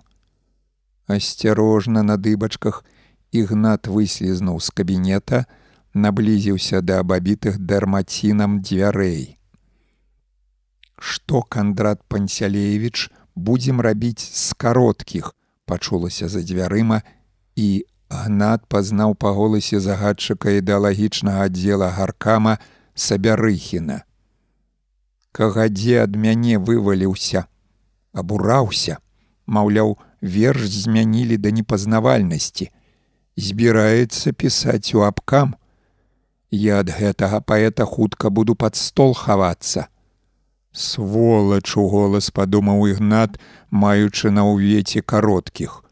Бурнос над ягоным вершам два дні біўся, пакуль давёў да ладу, а гэтай смярдзюк яшчэ незадаволены. У голас мацюкнуўшыся, ігнат вярнуўся да стола, пакінуўшы дзверы кабінета на два пальцы прачыненымі. Неўзабаве сабярыхін з кандратам выйшлі ў праймальню, і па абрыўках іх размовы ігнат зразумеў, што рэдактар з аркамаўцам вырашылі сумеснымі намаганнямі адбівацца ад кароткіх. Знянацку наступіла цішыня. Нават анюта не кляцала друкаркай. Ігната поцягнула на сон, і ён адчайна пазяхнуў, але тут з прыймальні даляцеў знаёмы голас, і ў дзвярной пройме намаляваўся сусед з пятай кватэры. Ён па-сяброўску пасміхаўся, але калі загадчык аддзела лістоў паказаў кулак, вомігам посуравеў. Я вам вершы надсылаў, Язык новаспечанага паэта заплятаўся ад хвалявання. Сцяпан Кузьміч! Зайцаў голас накапчула сакратарка выдаў ігнат. Вельмі, вельмі прыемна пазнаёміцца. Рука зайцава была холоднай і потнай. Пару хвілін ізноў такі гучна, Ігнат распытваў сцяпана кузьмеча пра ягоны творчы шлях, пытаўся над чым ён у дадзены момант працуе, а пачуўшы, што сцяпан кузьміч 10 гадоў нічога не пісаў і толькі зараз вярнуўся да творчасці, абурана грымну і не сорамна вам, таварыш зайцаў, так злачынна абыходзіцца са сваім талентам. У гэты момант у кабінет зазірнуў Кандрат Панцеляймонович. Цікава відаць стала, каго ігнат так гучна прабірае. Вось кандрат панцеляймонавіч, пазнаёмцеся, таварыш зайцаў прынёс нам новыя творы. Кандрат з зайцам пайшлі ў рэдактарскі кабінет, а следам за імі нячутна на цырлах да абабітых дармацінам дзвярэй падскочыў ігнат. Паэзіяй захапіўся даўно, як працаваў на цаліне, даляцеў прыглушаны дармацінавым матрацам голас. Добрую палову бурносавай тэчкі складаў паэтычны цыкл кустанайскі стэп, таму заяц цаліну і згадаў. Ігнат пацёр далоні, кацінай хадой прайшоўся па прыймальні. Маналог пра творчы лёс, прычым на дзвюх старонках ён напісаў учора ўвечары, і яны яго доўга рэпеціравалі. Чаго гэта вы, Ігнат Пятровіч, так расхваляваліся, з усмешкай запыталася Анюта, фарбуючы вусны. Дзяўчына трымала ў руцэ круглая люстэрка і з яго дапамогай глядзела то на вусны, то на загадчык аддзела лістоў. Эх, Анюта! Сапраўдны талент, хачу ім заняць усю літ старонку. А як жа кароткіх дзяўчына кінула памаду ў стальніцу. Ігнат пацямнеў тварам, моўчкі кіўнуў у бок рэдактарскага кабінета. Сакратарка падбегла да дзвярэй, прыціснула вуха да дармаціну, дробна залыпала вейкамі і неба ты, і сонца ты, і ты, нявеста пекнаты, гамзаў за дзвярыма заяц, і анюта з зачараваннем у голасе выдыхнула: сапраўдная паэзія. Увесь сакавік ціснулі маразы, снег амаль не раставаў, але апошнімі днямі падзьму цёплы ветер, які разагнаў панылы туман, вылузаўшы з яго звонкая, як спеў жа ў рука сонца. Не толькі рэкі, але і ручаі выйшлі з берагоў, залілі лугавіны, і цяпер там, дзе нядаўна можна было праехаць на лыжах, стаяла вада, па якой, так прынамсі здавалася, паволі плылі кудлатыя кучмы кустоў.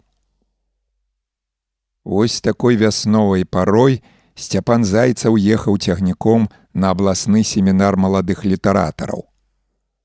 Ехаў з няхвотай і трывожным сэрцам. Як толькі пачаліся ўсе гэтыя вершы, ігнат трос чупрыны, сцвярджаючы, што давядзецца адно іх перапісваць ды пхаць у каперты. Но яшчэ хадзіць на пошту атрымліваць ганарары.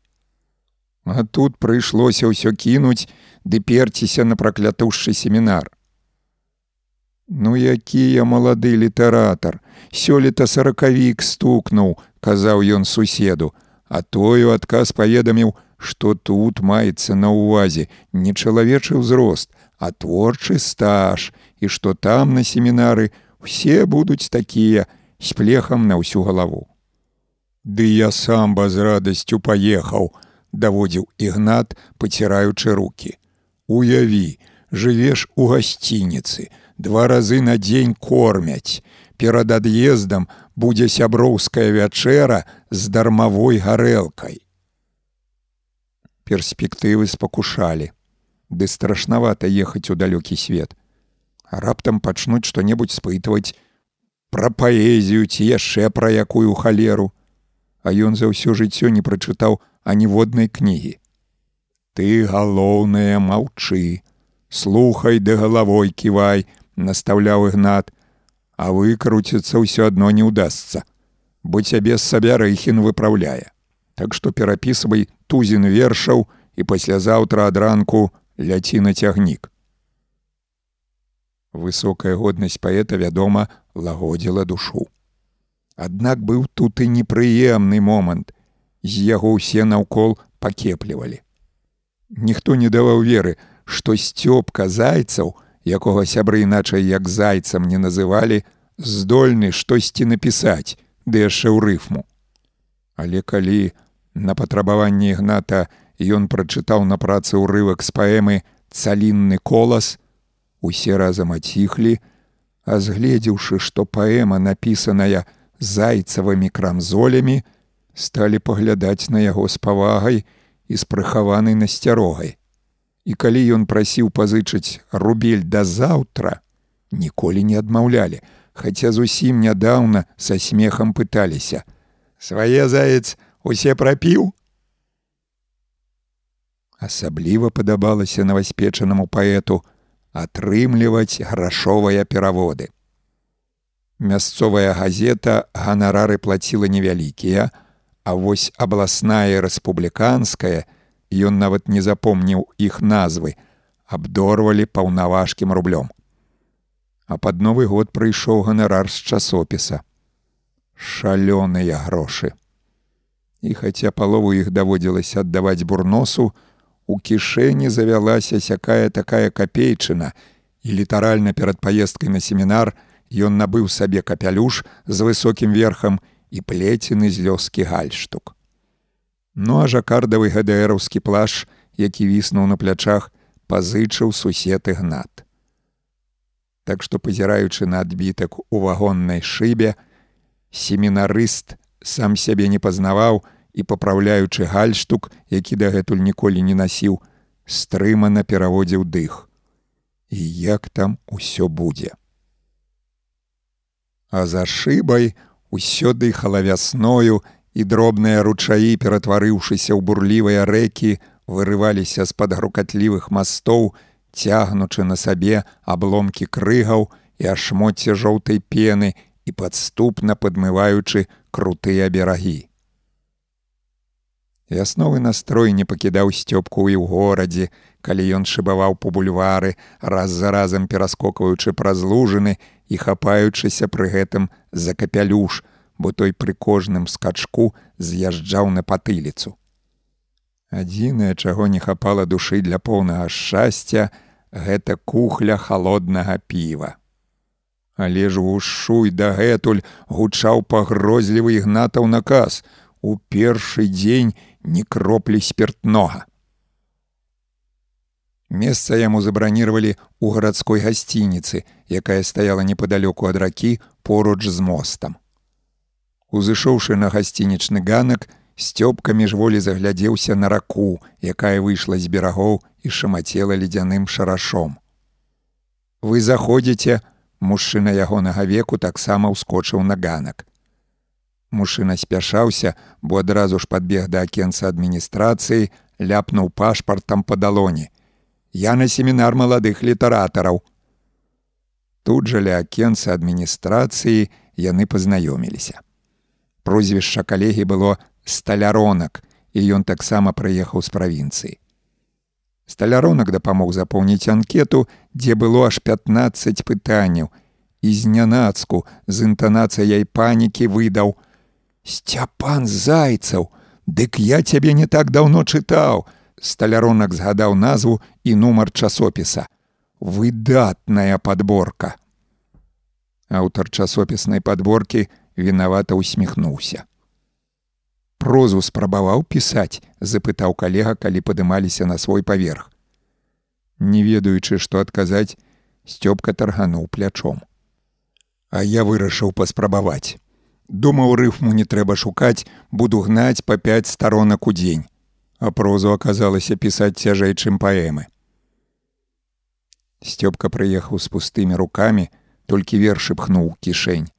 А ў калегі быў важкі сакваяж, адкуль той спачатку выцягнуў электрабрытву, а потым пакунак з накроеным хлебам ды салам. Частуйся, прапанаваў новы знаёмца, і сцёпка не без задавальнення падхапіў акраец хлеба з кавалкам сала. Сала было густа пасыпана кменам і проста раставала ў роце. Не спознімся, неўцямна з набітым ротам спытаў сцёпка. Не хвалюйся, я ўжо другім разам на семінар прыязджаю. Сёння галоўнае адзначыцца, а там ідзі гуляй. Ніхто і слова не скажа. Гэта заўтра, як пачнуцца заняткі па секцыях і калі будзем свае вершы чытаць, трэба сядзець ад званка да званка. Паэты выйшлі з гасцініцы, узышлі на мост, налеглі жыватамі на парапет. На доле разам з дробнымі крыгамі плылі пустыя бутэлькі, абламанае вецце ды розных ломаст. Вады сёлета як завязаць, бліснуў белымі зубамі сталяронак. І ў нашым пасёлку рака разлілася. Дзве вуліцы заліло, па адной хоць на лодках плыві.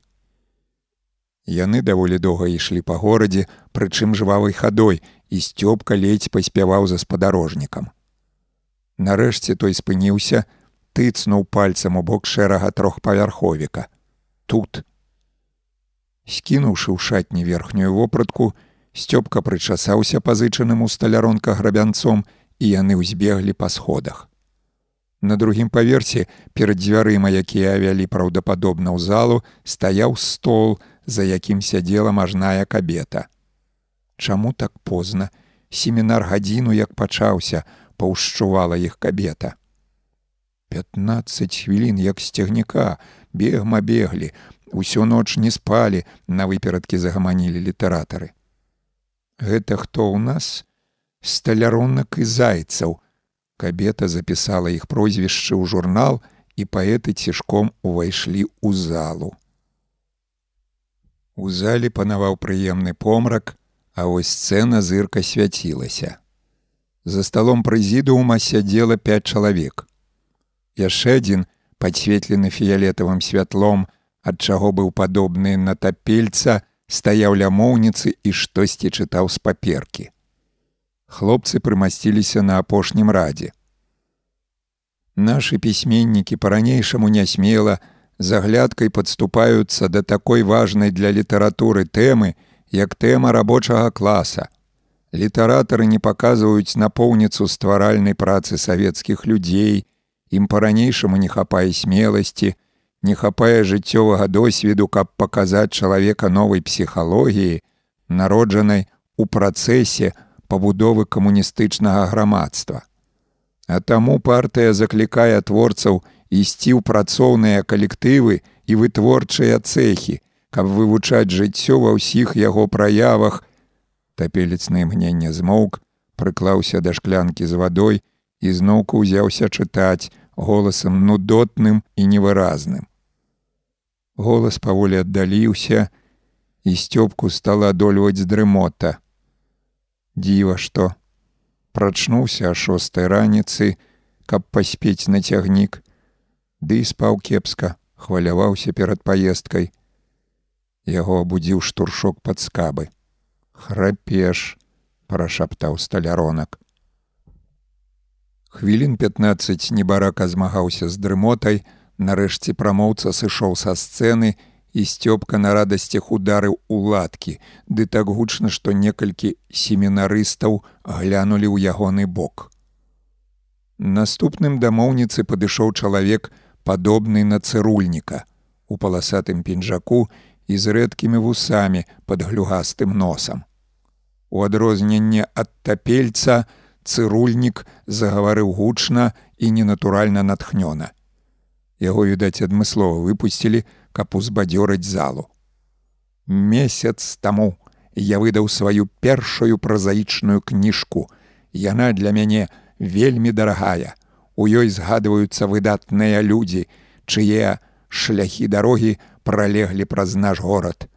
У прыватнасці цэлы раздзел прысвечаны Александру Сергеевичу Пушкіну. Хто гэта пацікавіўся сцёпка? Мясцовы паэт піша і чытае бойка, але паэзія неглыбокая. Мясцовы паэт прачытаў тузін сваіх вершаў. Пасля кожнага з іх сцёпка ўжо зусім шалёна біў у ладкі. Хоць вершы калі даваць веры сталяронку былі і неглыбокія, але ж разагналі дрымоту.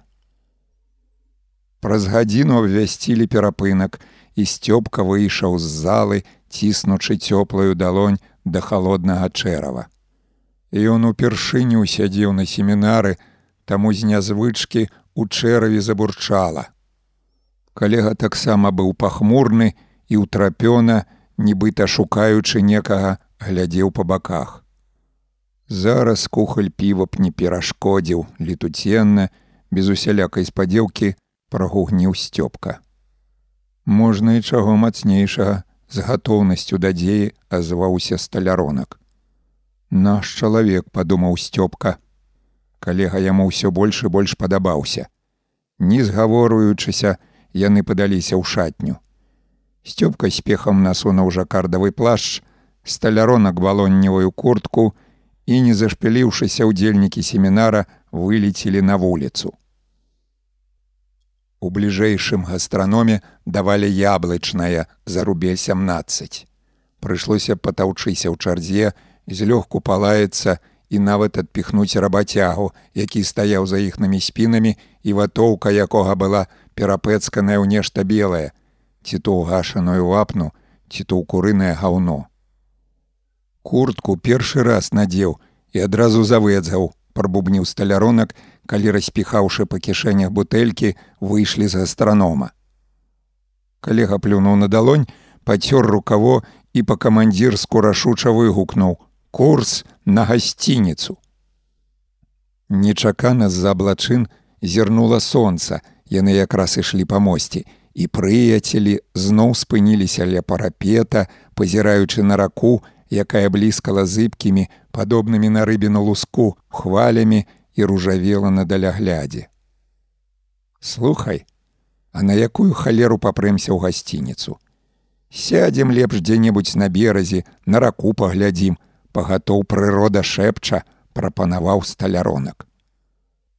Спусціўшыся з моста, літаратары пашыбавалі набярэжнай вуліцай. Гарадская забудова неўзабаве скончылася, пачаўся прыватны сектар, і яны прыгледзелі утульную мясціну. Тут ужо і да іх ладзілі бяседы. Пасярэдзіне невялічкай паляны чарнела выжарына ад цяпельца, ляжала таўсценнае бярвяно, а наўкол блізкалі алюмінівыя накрыўкі ад бутэлек. Сцёпка падабраў крыссе плашча, сеў на бярвяно, агледзеўся. Рака ў гэтым месцы рабіла паварот, веравала бурунамі, а сонца глядзела з чыстага неба, заліваючы наваколле пяшчотным мядовым святлом і ласкава грэла спіну. Сцёпка даўно не пачуваў сябе так утульна і лагодна, як тут, на беразе хуткаплыннай ракі. Сталяронак расклаў на сухой траве бутэлькі, выцягнуў з курткі пластмасавы кубак складанчык. Спадарожнік літаратара пажартаваў калега. Піць з пластмасавай пасудзіны было ўдвая прыемней.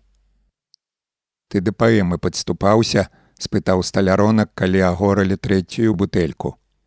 Язык у бяседніка крыху заплятаўся. Сцёпка хвіліну глядзеў на варону, якая плыла па рацэ, седзячы на крызе. Нарэшце ачуўся, нецвяроза прамармытаў: « Добра, што мы збеглі. А што там рабіць? Розную лухту слухаць, абурыўся сталяронак.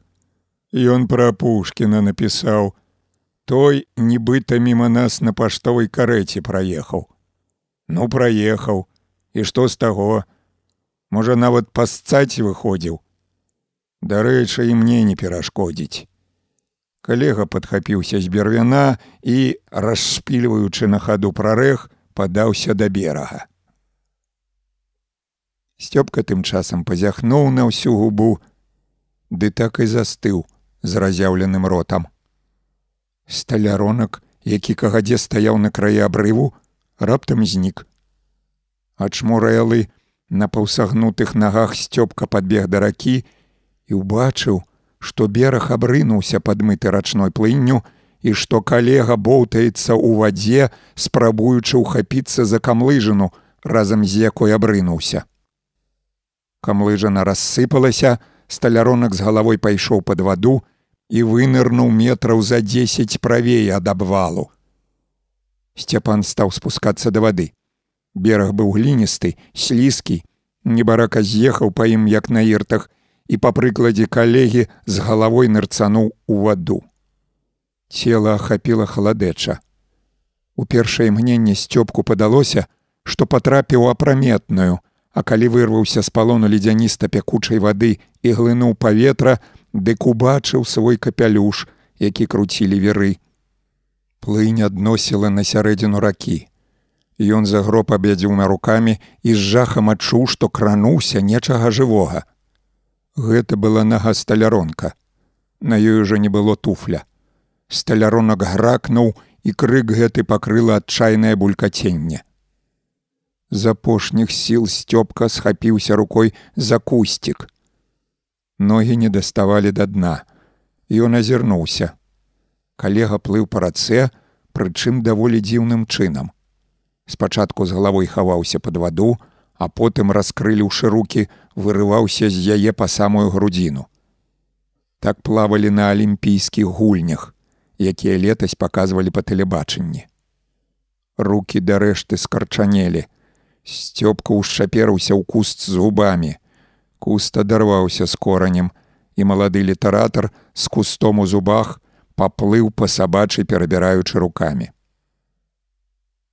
Пакуль плыў, калега ўжо выбраўся на край гліністай касы і адхаркваўся тванню. Сцёпка выплюнуў куст, задышліва гойкнуў: руку дай. Замест рукі калега працягнуў нагу без туфлі. Сцёпка схапіўся за калашыну і сталяронак зноў бухнуўся ў ваду. Яны доўга ляжалі на леташняй траве, не даючы рады падняцца. Абодвух калаціла. Трэба ісці, рухацца трэба, іначай акалеем, сталяронак дробна ляскаў зубамі. Сцёпка хацеў штосьці сказаць, але адчуў, што не можа гаварыць, бо сківіцу скурчыла і ён не даваў рады сцяць зубы. Яны падняліся на ногі. На калегу было страшна глядзець. Мала таго, што быў да ніткі мокрым, дык яшчэ і спрэс завэцганы глінай і галаву перапэцкаў. На левой назе адсутнічаў туфель, з дзіркі мокрых шкарпэтак вытаркаўся вялікі палец сінім пазногцем, а з расшпіленага прарэха выглядала скурчаная і такая ж сіняя пісюліна. Хоць хмель і выпетраўся з галавы, але сцёпка ішоў у лукаткі, пакідаючы на падсохлым ходніку мокрый след. Сталяронка, які ішоў першым, таксама кідала ў бакі. На правую нагу ягоную наліпла столькі гліны, што ён яе ледзь перасоўваў. Прыйдзем у гасцініцу, станем пад гарачы душ, абмыемся, распораз з інтанацыяй усхліпу паўтараў калега, і сцёпка падумаў, ці не трызніць бедачына. Сцёпка парываўся сказаць, што іх у такім выглядзе у гасцініцу не пусцяць.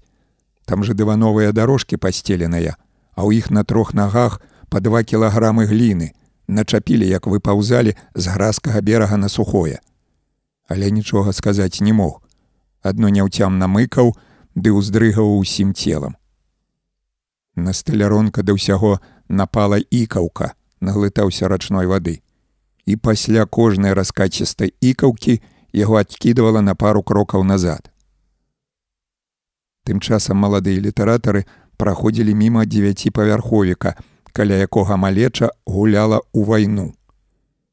Убачыўшы мокрых дзядзькоў, малыя пасунуліся следам.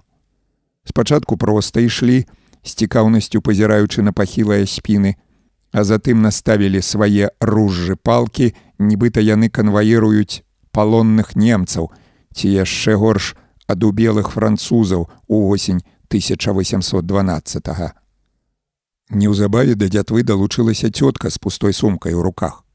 Пачала распытваць падшыванцаў, каго яны вядуць, і нейкі барадаты інтэлігент, які ішоў насустрач, на поўным сур'ёзе спытаў: кіно здымаюць.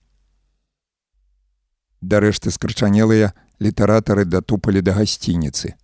Сцёпка ўжо не адчуваў ні рук, ні ног і з цяжкасцю адчыніў дзверы. Сталярунак зачапіўся за парог, упаў на калені і не даючы рады падняцца вокрадчу папоўз па цёмным калідоры. Насустрач выйшла прыбіральшчыца з пустым вядром і швабрай. Ай, хто гэта? улякнута загарлала цётухна, выпусціўшы з рук швабру, якая падаючы агрэла сталяронка па макаўцы. Мы паэты з семінара ідём, прамовіў сталяронак і сцёпка хуценька прычыніў дзверы, пакінуўшы сябра па няшчасці сам насам з гасцінічнай адміністрацыяй. Спехам на нягнуткіх нагах падбег да цэментавых прыступкаў, якія ў сутыч да моста збягалі ў ваду.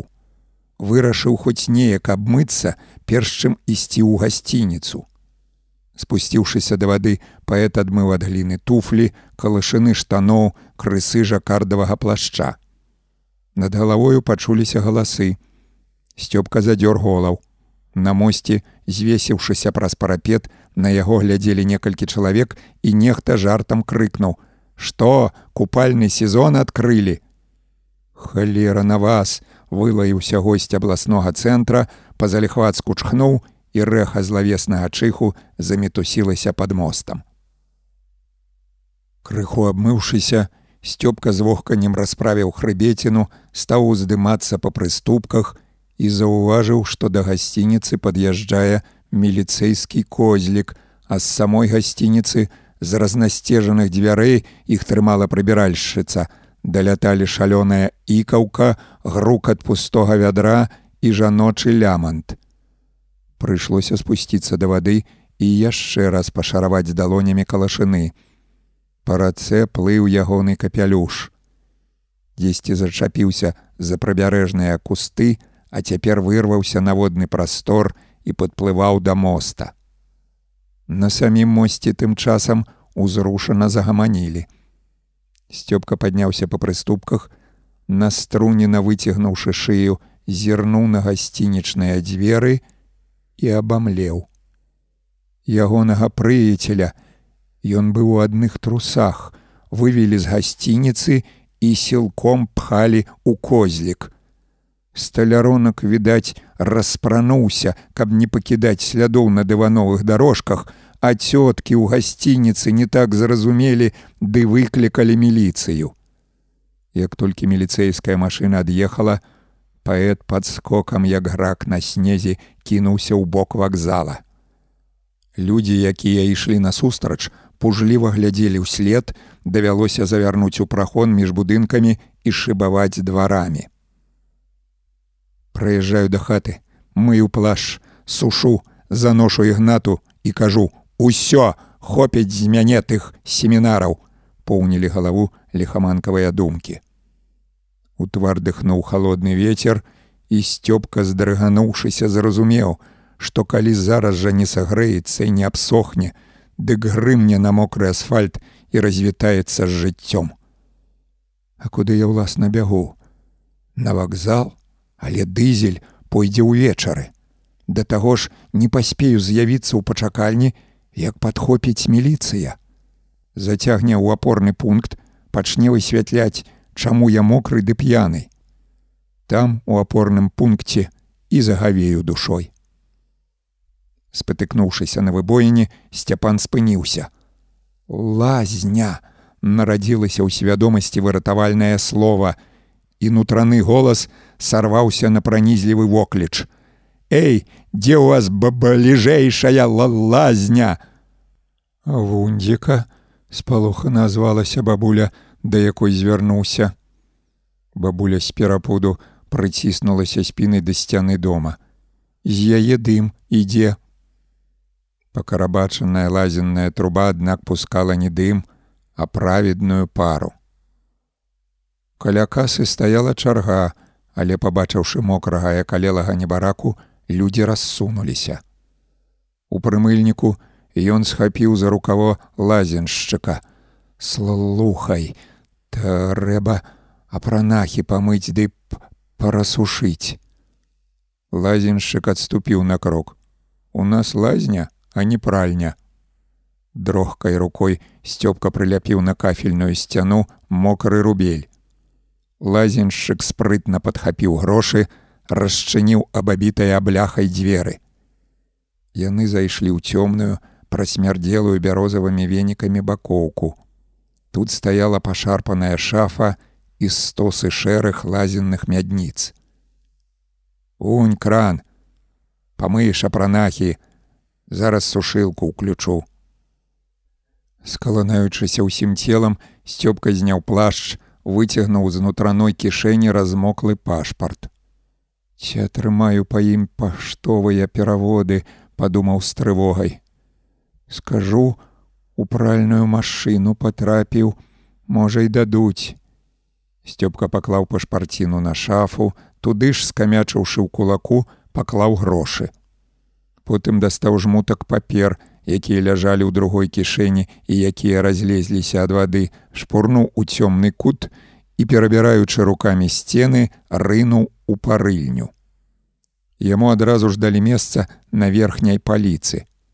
Ты адкуль такі? — спытаў дзядзька ў вязанай шапцы, шугануўшы вады на распаленыя камяні. З ракі бераг падмыла, заікаста патлумачыў сцёпка. Знаёмая справа, рагатнуў дядька.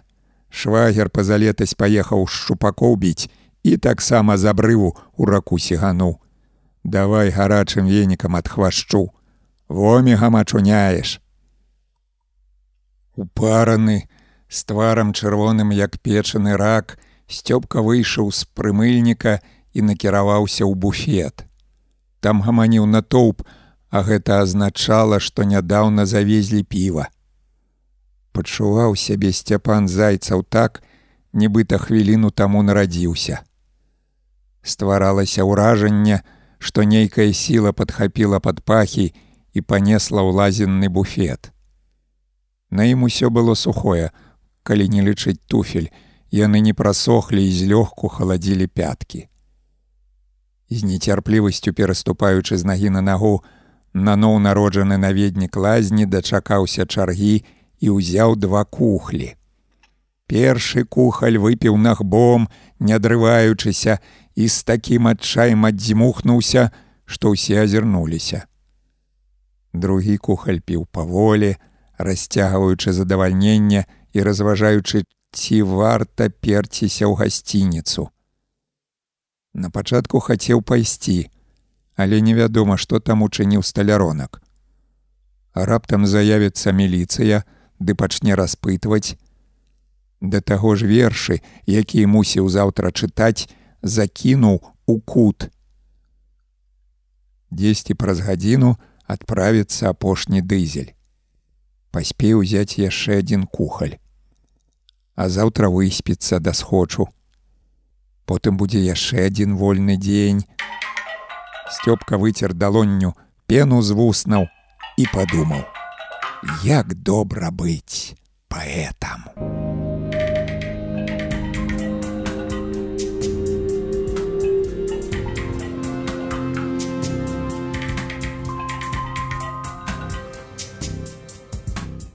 Кнігі без літар. Беларускія аўдыокнігі ад інтэрнэт-бібліятэкі камунікат. Вінцысь мудроў. Восень у вільні. Апавяданні. Начная дарога. Студэнцкае жыццё на бульбе вядомае. Удзень пад панылым восеньскім дажджом, збіраеш караняплоды, потым вячэраеш у імправізаванай збітай заполкаў і зацягнутай поліэтыленам сталоўцы, нарэшце куляеш бутэльку чарніла і выпраўляешся з сябрамі в суседнюю вёску на скокі. І выпраўляешся не пехатою, а на калгасным транспарце, пачэпленым да беларуса васку, на бляшаным дне якога рэшткі гною, а на борце пагрозлівы надпіс: Перавозка людзей забаронена. Трактарыст таксама падпіты і падбадзёраны бязладнымі песнямі свістам, дзявочым віскатам і звернутымі да яго воклічамі, лёха гані не менш за сто, цісне на ўсю жалезку. Назад, праўда, трактар едзе не так хутка, бо ў лёхі трактарыста хмель выпетраваецца з галавы, а студэнты ўжо не гарлаюць і не спяваюць, бо галоўных піюноў у васку няма.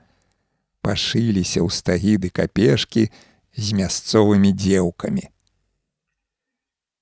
Вось і студэнт трэцяга курса мішка Ананчанка, сябры звалі яго проста Анана, у першы ж вечар падхапіў на скоках вясковую бібліятэкарку, Штоночы завіхаўся з ёю і да хаты вяртаўся пад раніцу.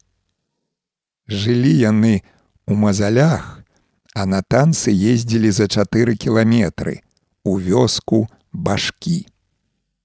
Любошчы даліся мішку ў знакі, небарака змарнеў з твару, схуднеў і стукаўся плечуком у вушак, пераступаючы раніцай парог хаты.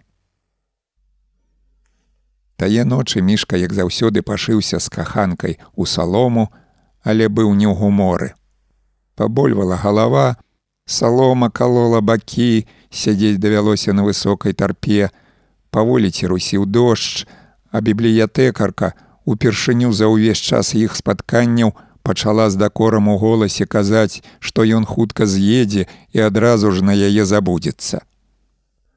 Урэшце анану абрыдлі дзявочыя дакоры, і ён, пачуўшы гітарнае брынканне і лямант каля клуба, саслізнуў на азадку старпы. Хацеў паехаць да хаты разам з усімі і тут жа запалым сэрцам пачуў перарывістая ляскатання трактара, якое паволі аддалялася. І ўсё ж такі гэтым разам ён падаўся ў мазалі раней звычайнага. Нават не пацалаваў дзяўчыну на развітанне. Проста паціснуў гарачую руку, і потым тупаючы вясковай вуліцай сціпануўся ад роспачных усхліпаў за спінай. Ісці трэба было кіламетр па асфальце і яшчэ два кіламетры па гразкай з дратаванай глыбокімі калюгамі праселіцы. Ратуючыся ад тых усхліпаў, она напусціўся па шашы, як ветрам гнаны і толькі дайшоўшы да павароткі азірнуўся, дастаў з кішэні пачак беламору, цыгарету тутэйшай краме не было і ад нечаканасці выпусціў папяросіну з зубоў. Аднекуль з гары на зямлю абрынулася штосьці цёмнае і важкае. Она напрысеў ад нечаканасці і незадаволена плюнуў пад ногі. Гэта ягоны аднагрупнік, Васька кончыц, скочыў за разгалістага дрэва, якое расло пры дарозе. Тху бляха, напужаў выдохнуў мішка падбіраючы з-пад ног беламорану папяроса патрапіла ў лужу размокла і она нарасціснуўшы яе ў кулаку абабіў далоні.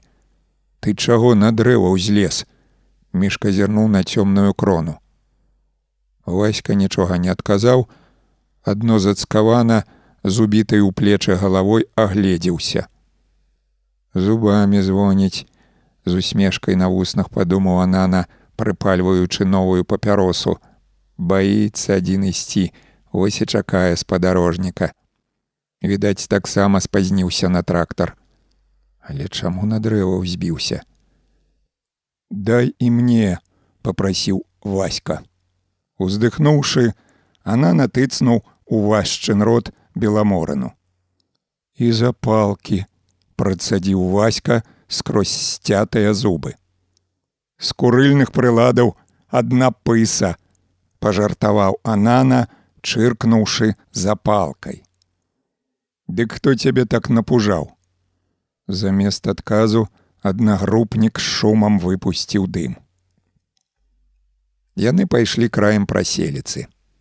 Васька асцярожна на паўсагнутых нагах дыбаў першым, а мішка ўсё з той жа іранічнай усмешкай на вуснах следам за ім. Абапал дарогі шчытнай сцяной рос алешнік, цёмныя нетры якога былі разлінаваныя шэрымі палосамі бярэзін. Ад алешніку патыхала сырасцю, грыбамі апенькамі і прэлым лісцем. Колькі часу яны ішлі моўчкі, і на мішку стала навальвацца цяжкая дрымота. Ён нават прысніў бібліятэкарку. Ды тут наперадзе пачуўся неспакойны васчын голас. Анана! Мішка ў адказ адчайдушна пазяхнуў. А ты на ваўка калі-небудзь узбіваўся. Не даводзілася буркнуў Анана і зганяючы з вачэй дрымоту пацёр пальцамі павекі. А ты, Васька хвіліну маўчаў, разважаючы відаць, ці казаць тое суразмоўніку. Ды воўк за мной гнаўся. Калі? Дыво каля павароткі. Пёр па кустах, як той лось па кукурузе. І ты з перапуду на дрэва сігануў, хмыкнула нана. Такія словы ваську не спадабаліся, і ён прыспешыў крок. Мішка хацеў паведаміць аднагрупніку, што ваўкі такой парой на людзей не нападаюць. Гэта ўжо калі зімой, як узграю саб'юцца, але потым махнуў рукой. Не было ахвоты мянціць языком. Яны зноў пайшлі моўчкі, і мішку зноў пачало забіраць на сон, і яму зноў прыснілася бібліятэкарка, і васька чарговым разам вярнуў да жыцця. Анана. Ну, прамовіў мішка, змагаючыся з позіхам. Васькава балбатня пачынала назаляць. Старая бабця, у якой жыву, распавяла адну гісторыю. Васька знянацку замаўчаў, і мішка зноўку выдыхнуў. Якую гісторыю? Карацей, дзесьці перад самай вайной, ішоў ноччу чалавек гэтай самай дарогай з башкоў у мазалі і вось ідзе значыцца і раптам бачыць на дарозе жанчына стаіць уся ў белым ну падышоў той чалавек бліжэй і бачыць кабета не тутэйшая валасы чорныя з-пад белай касынкі выбіваюцца і ў іх белы гарлачык уплецены прыгожая была але ў адначас і штосьці страшнае таілася ў позірку. Ці можаш мяне да мазалёў давесці спытала. Дрымота збегла з вачэй і душу кранула холодная пройма з палоху. А далей з насцярогай спытаў мішка, скасіўшы вока на тоўстую бярэзіну, якая белай зданню тырчала на ўзбоч дарогі. Тс сыкнуў васька, узняўшы ў гору палец. На струні налыпаючы векамі, мішка прыслухаўся. Порсткі ветрык шамацеў у алешніку, ціха рыпала старая бярэзіна, і дзесьці далёка ці не ў саміх башках бязладна брахалі сабакі. Ні слова не сказаўшы, мішка пашыбаваў шырокім крокам, дэманструючы тым самым, што яму абрыдлі васькавы байкі і сябрук задыхана з панікай у голасе прогугніў: Хтосьці бяжыць за намі. Ды хто тут можа бегаць сярод ночы, Ужо без ранейшай упэўненасці прамармытаў мішка, зрабіў рашучы крок і на палову галёнкі праваліўся ў залітую вадой калюжыну. Тфу ёб! вылаюся анана, нагнуўся, збіраючыся зняць чаравік, ды так і застыў з сагнутай хрыбецінай. Там за спінай сапраўды нехта бег, нячутна перабіраючы нагамі, нехта дыхаў і вякаў, пазіраючы ім услед хіжымі вачыма. А можа, гэта тая ведьма, пра якую казаў васька, мельганула ў галаве, і ў той жа міг да вушэй даляцела плясканне вады ў лужынах. Гэта кончыц, сігануў па калюгах, гучна ляпаючы кірзачамі і махаючы дзеля балансіроўкі рукамі. Мішка кінуўся следам, спачатку чыкіляў з шаравікам у руцэ. Затым, скачучы на адной назе паспрабаваў насунуць абутак, паваліўся, сяк так абуўся і даў такога дзірака, што вомігам дагнаў ваську, хоць той быў чэмпіёнам інстытута па спрынце. Здавалася, ведьма вось-вось учэпіцца ў каршэнь сваімі кашчавымі пальцамі. Прымроілася нават, што гэта бібліятэкарка, перакінуўшыся ў ведьму, бяжыць за ім, каб перагрысці глотку. Змораныя яны спыніліся перавесці дых. Навокал ужо былі не кусты, а голае поле і ў разрэджанай цемрані на дарозе і сапраўды штосьці краталася. Але цяпер гэтая самая штосьці ўжо не здавалася такім жахлівым і неўзабаве азвалася жаласлівым бляяннем. Авечка, выдыхнуў Анана, адчуўшы, што схаладнелае сэрца якое імгненне таму гатовае было выскачыць вонкі і гучна бомкала ў вушах, сунялося і стала цёплым. Па дарозе бег вялізны, з белай мецінай на пакатым лобе баран. Ён быў увесь у дзядоўніку, а ў завіткі рагоў убілася лісце. Рагаты свавольнік блізка не падышоў, спыніўся непадалёку і з недаверам крутнуўшы галавой, прывітаў падарожных. Бе! Дык гэта ж яшка, у маёй гаспадыні жыве, жвавым голасам прамовіў Анана. Тры дні як знік, дзе толькі не шукалі. Пачуўшы сваё імя, баран подбегам кінуўся да мішкі. Пазнаў сваіх, бо Анана пару разоў частаваў яго скіпкай хлеба. Ну і напужаў ты нас, браток. Мішка зняў з барановых рагоў пажухлае лісце. Гаспадыня з ног збілася цябе шукаючы, а ты няма ведама, дзе цягаешся. Баран вінаваты апусціў галаву. Ну добра, пайшлі ўжо. Дома будзеш вінаваціцца. Анана падхапіў з яшкавага вуха шышку дзядоўніку і задаволена пацёр далоні.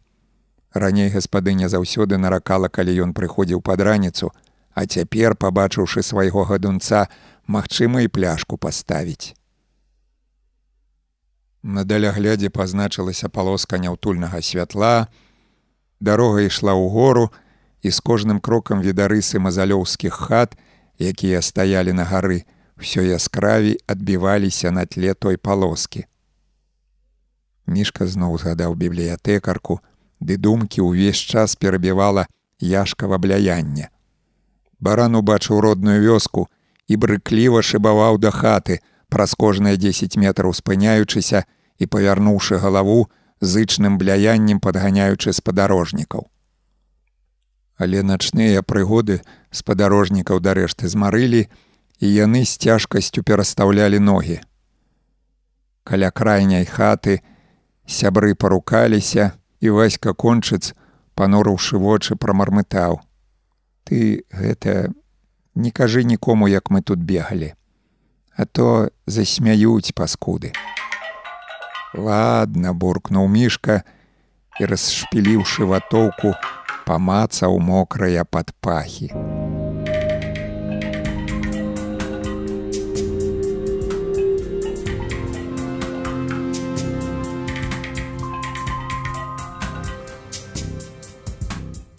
Кнігі без літар. Беларускія аўдыёкнігі ад інтэрнэт-бібліятэкі камунікат. Вінцы смудроў. Восень у вільні. Апавяданні. Песні ранняй вясны. Эпіграф. Под окном у нас растет красная смородина, жизнью радостный цветет, маладая родина. Лірычныя прыпеўкі выканаўца К Шульжэнка. Запіс 1951 года. Вось жа так бывае. У сярэдзіне сакавіка, калі зямля крыху прагрэецца, калі на вярбе пачынаюць прабівацца катахі, а на праталінах шпацыруюць гракі, выглядаючы якой спажывы, раптам, звычайна сярод ночы налятае страшная непагадзь з завірухай сіпатым ветравеем і снежнымі заносамі. І там дзе надоечы хадзілі гракі такім часам паўзуць шэрыя дуйкі ўжакі і гнуцца под ветрам зледзянелыя галіны вярбы. Вілен налівайка ляжаў на тапчане з галавой накрыўшыся ліхенькай коўдрай і спрабаваў заснуць Дзеля гэтага раз за разам лічыў да ста, заціскаў, каб пазбыцца дакучных думак далонямі вушы, урэшце скідываў коўдру, хапаў свежага паветра і ўражана слухаў, як лютуе за акном сакавіцкая замятуха. Выў то зласліва, то жаласна вятрыска, дзынкалі кепска закітаваныя шыбы, пад вокнамі зацята біліся лапаталі сцягі, і штосьці змора нарыпела на гарышчы, Всё адно як нейкі дзядок сядзеў там, ды здушана крахтаў. І кожнага разу ён уяўляў таго дзядка, кудлатага, зеленатварага, з уедліва пукатымі зекрамі і зноўку спалохана хаваўся пад коўдру. Але там пад коўдрай яго апаноўвалі яшчэ больш страхаморлівыя відзежы і думкі. А як не прыйдуць? Чорт іх ведае тых палякаў, А то прыйдуць ды не ўсе. А тут яшчэ дарогі замяло, паспрабуй дабярыся з дальніх хутароў. І ад такіх думак, а можа ад недахопу паветра, Вілену ў нейкі момант стала не па сабе і ён падхапіўся на ногі. Ціхенька на дыбачках падышоў да стола. Трафейны маўте з фасфарычнымі стрэлкамі паказваў палову на трэцюю. Вілен пацёр павекі, чарговым разам прыслухаўся. Дзядок на гарышчы ўжо не крыхтаў, снежныя хлапякі не білі ў шыбу, ветер змяніў напрамак, але за тое штосьці бухнула з надворку, ды так хвацка, што са столі сыпанула парахня. Неўзабаве буханне паўтарылася, і вілен нядобрым словам згадаўшы жвірблю, насунуў на ногі порткі. Наглядную агітацыю прабіваў юзік жвірбля, тутэйшы актывіст. Ды відаць скраў пару цвікоў, бо транспарант з надпісам усе на выбары з аднаго боку адарвала ветрам і зараз ён матляўся ды біўся ў сцяну. Добра яшчэ што ноччу адарвала ніхто не бачыў, падумаў вілен, памацаў рукой другі транспарант з надпісам заданні партыі выканаем, але той на шчасце быў прабіты як мае быць. Вярнуўшыся ў бакоўку, Вілен скінуў долу суконны палітон, выцягнуў абцугамі каваны цвік, на якім той вісеў. Ён узяўся раўняць цвік абцугамі, малатка пад рукой не было, пабіў палец, вылаяўся і згадаў, што надоечы паклаў малаток ля выбарчай скрыні. Давялося адчыняць школьныя дзверы, прабірацца на вобмацак у клас. У класе ён чыркнуў запалкай, запаліў газніцу зыбкае святло прабегла па сценах, засяродзілася на вялікім плакаце. На ім мажная цётка ў кажусе, наваліўшыся грудзямі на тын, паказвала рукою на ўквечаную сцягамі школу. Надпіс пад плакатам заклікаў аддаць галасы за кандыдатаў непарушнага блоку камуністаў і беспартыйных. Вілен уздыхнуў, агеньчак газніцы страпянуўся, па сценах папаўзлі выгінастыя цені і сэрца ягонае ёкнула. Чырвоная скрыня, якая стаяла ў дальнім куце класа, падалася яму труною. Летась Вілен Пятровіч Налівайка скончыў рагачоўскі настаўніцкі інстытут і быў як выдатнік вучобы накіраваны на працу ў гарадзенскую вобласць. Тут яго адразу ж прынялі ў партыю ды прызначылі дырэктарам раздзярышкаўскай школы сямігодкі. Вёска раздзярышкі, глухая, атачоная пракаветным лесам ды балотамі, месцілася ў трох кіламетрах ад літоўскай мяжы. Школу арганізавалі адразу ж па вайне, і Вілен стаў яе чацвёртым паліку дырэктарам. Першы знік на першым жа месяцы дырэктарства, калі сюды завіталі лясныя браты, удзельнікі польскага падзем'я. Браты яго так напужалі, што бедачына збег, нават не прыхапіўшы майна. Другі быў больш увішным, пабраўся з кабетай фінінспектарам і пераехаў жыць у райцэнтр. Ну а трэці дапіўся да белай гарачкі, і кінуўся за рагачом на загадчыка рана, калі той прыехаў з праверкай, прыняў за нячысціка. Вілены дагэтуль ведаў, што тут на гарадзеншчыне жыццё для настаўніка ніякае і мог застацца ў родным рагачове. Аднак паклікала далёкая дарога ды магчымасць займець уласную хату бо шмат хто з выпускнікоў інстытута, якія падаліся на захад і працавалі вясковымі настаўнікамі, атрымалі уласнае жытло. Засяляліся ў хаты вяскоўцаў, якія з'язджалі ў Польшчу. Але апошнім часам забух нікога не выпускалі. У Сібір пасля смерці бацькі Сталіна не дэпартавалі і Вілену давялося пасяліцца пры школе у цёмным катуху, дзе дагэтуль захоўваліся паламаныя яшчэ польскага ўзору парты, наглядныя дапаможнікі, мётлы, дзіравыя вёдры ды іншы хломаст. Праўда, у раённым аддзеле адукацыі паведамілі, што рыхтуюцца новыя спісы на выезд людзей за мяжу і не сёння, дык заўтра ён, Вілен налівайка, атрымае прыстойнае жытло. Апрача дырэктарства, Вілену даводзілася выкладаць у школе алгебру з геаметрыяй, а таксама батаніку з фізкультурай. Да таго ж вёў атэістычную прапаганду сярод насельніцтва, за паўгода прачытаў восем лекцый і кіраваў школьным драмгуртком. І вось на ягоныя плечы абрынуўся новы цяжар. Вілена Пятровіча налівайку прызначылі старшынёй выбарчай дзяльніцы па выбарах дэпутатаў вярхоўнага савета і небарака пазбыўся сну. Некалькі разоў на спадарожных машынах ездзіў у раён на нарады, якія ладзіў старшыня круговай камісіі Макаловіч, наведаў, як агітатар ледзь не кожную хату ў раздзярышках і суседніх каўбасішках, уласнаручна намаляваў тры плакаты і з вялікай цяжкасцю сфармаваў выбарчую камісію. Тут, на гарадзеншчыне, Вілен пачуваў сябе неякавата. Першы тыдзень, як толькі прыехаў, нават не ўсё разумеў, што кажуць тутэйшыя людзі, а таму завёў слоўнік, куды ўпісаў дзеля памяці гарадзенскую лексіку. Ровар, веласіпед, лонскі, леташні, катанка, палітон, загарак, гадзіннік. Ну а настаўніцу расейскай мовы і літаратуры Вілен Пятровіч на пачатку зусім не разумеў. спытае: Ванда Данатаўна, каму вы аддалі сшыткі? Адказвае: Галіне Вацлава ўнай. Каму каму? Вацлава ўне? Ну я ж і кажу, Вацлава ўнай.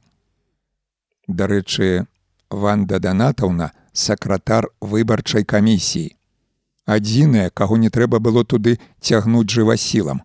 Сама напрасілася. Сеўшы за стол, Вілен чарговым разам падслепаватам ружачы вочы перагледзеў спісы выбарцаў з пакутлівым уздыхам закінуў руки за патыліцу. Усё ж у плане культурных мерапрыемстваў у нас недапрацоўка, падумаў начны бяссоннік, і сціпануўся, згадваючы, дзе ён чуў такія словы. Галава была тлумнай, таму не адразу згадаў, што пачуў іх на нарадзе ў раёне з вуснаў Макаловіча. Не, сёе то ён усё ж такі зрабіў. Развесіў наглядную агітацыю. У калідоры на партах паклаў леташнія падшыўкі гродзенскай праўды і звязды, знайшоў патэфон, Цётка Эліза, школьная прыбіральшчыца, абяцала прынесці кружэлкі. А юзік жвірбля, вядомы ў наваколлі гарманіст, атрымаў ад Вілена партыйнае заданне развучыць колькі савецкіх патрыятычных песень. А то ж полькі юзік грае так, што віхура ўздымаецца, а папрасі сыграць шырака старана моя родная, ссоўвае васельковыя мяхі і панурвае вочы. Днямі Вілен ішоў міма юзікавай хаты і пачуў, як у адрыне пілікаў гармонік, але што там была за песня, так і не разабраў.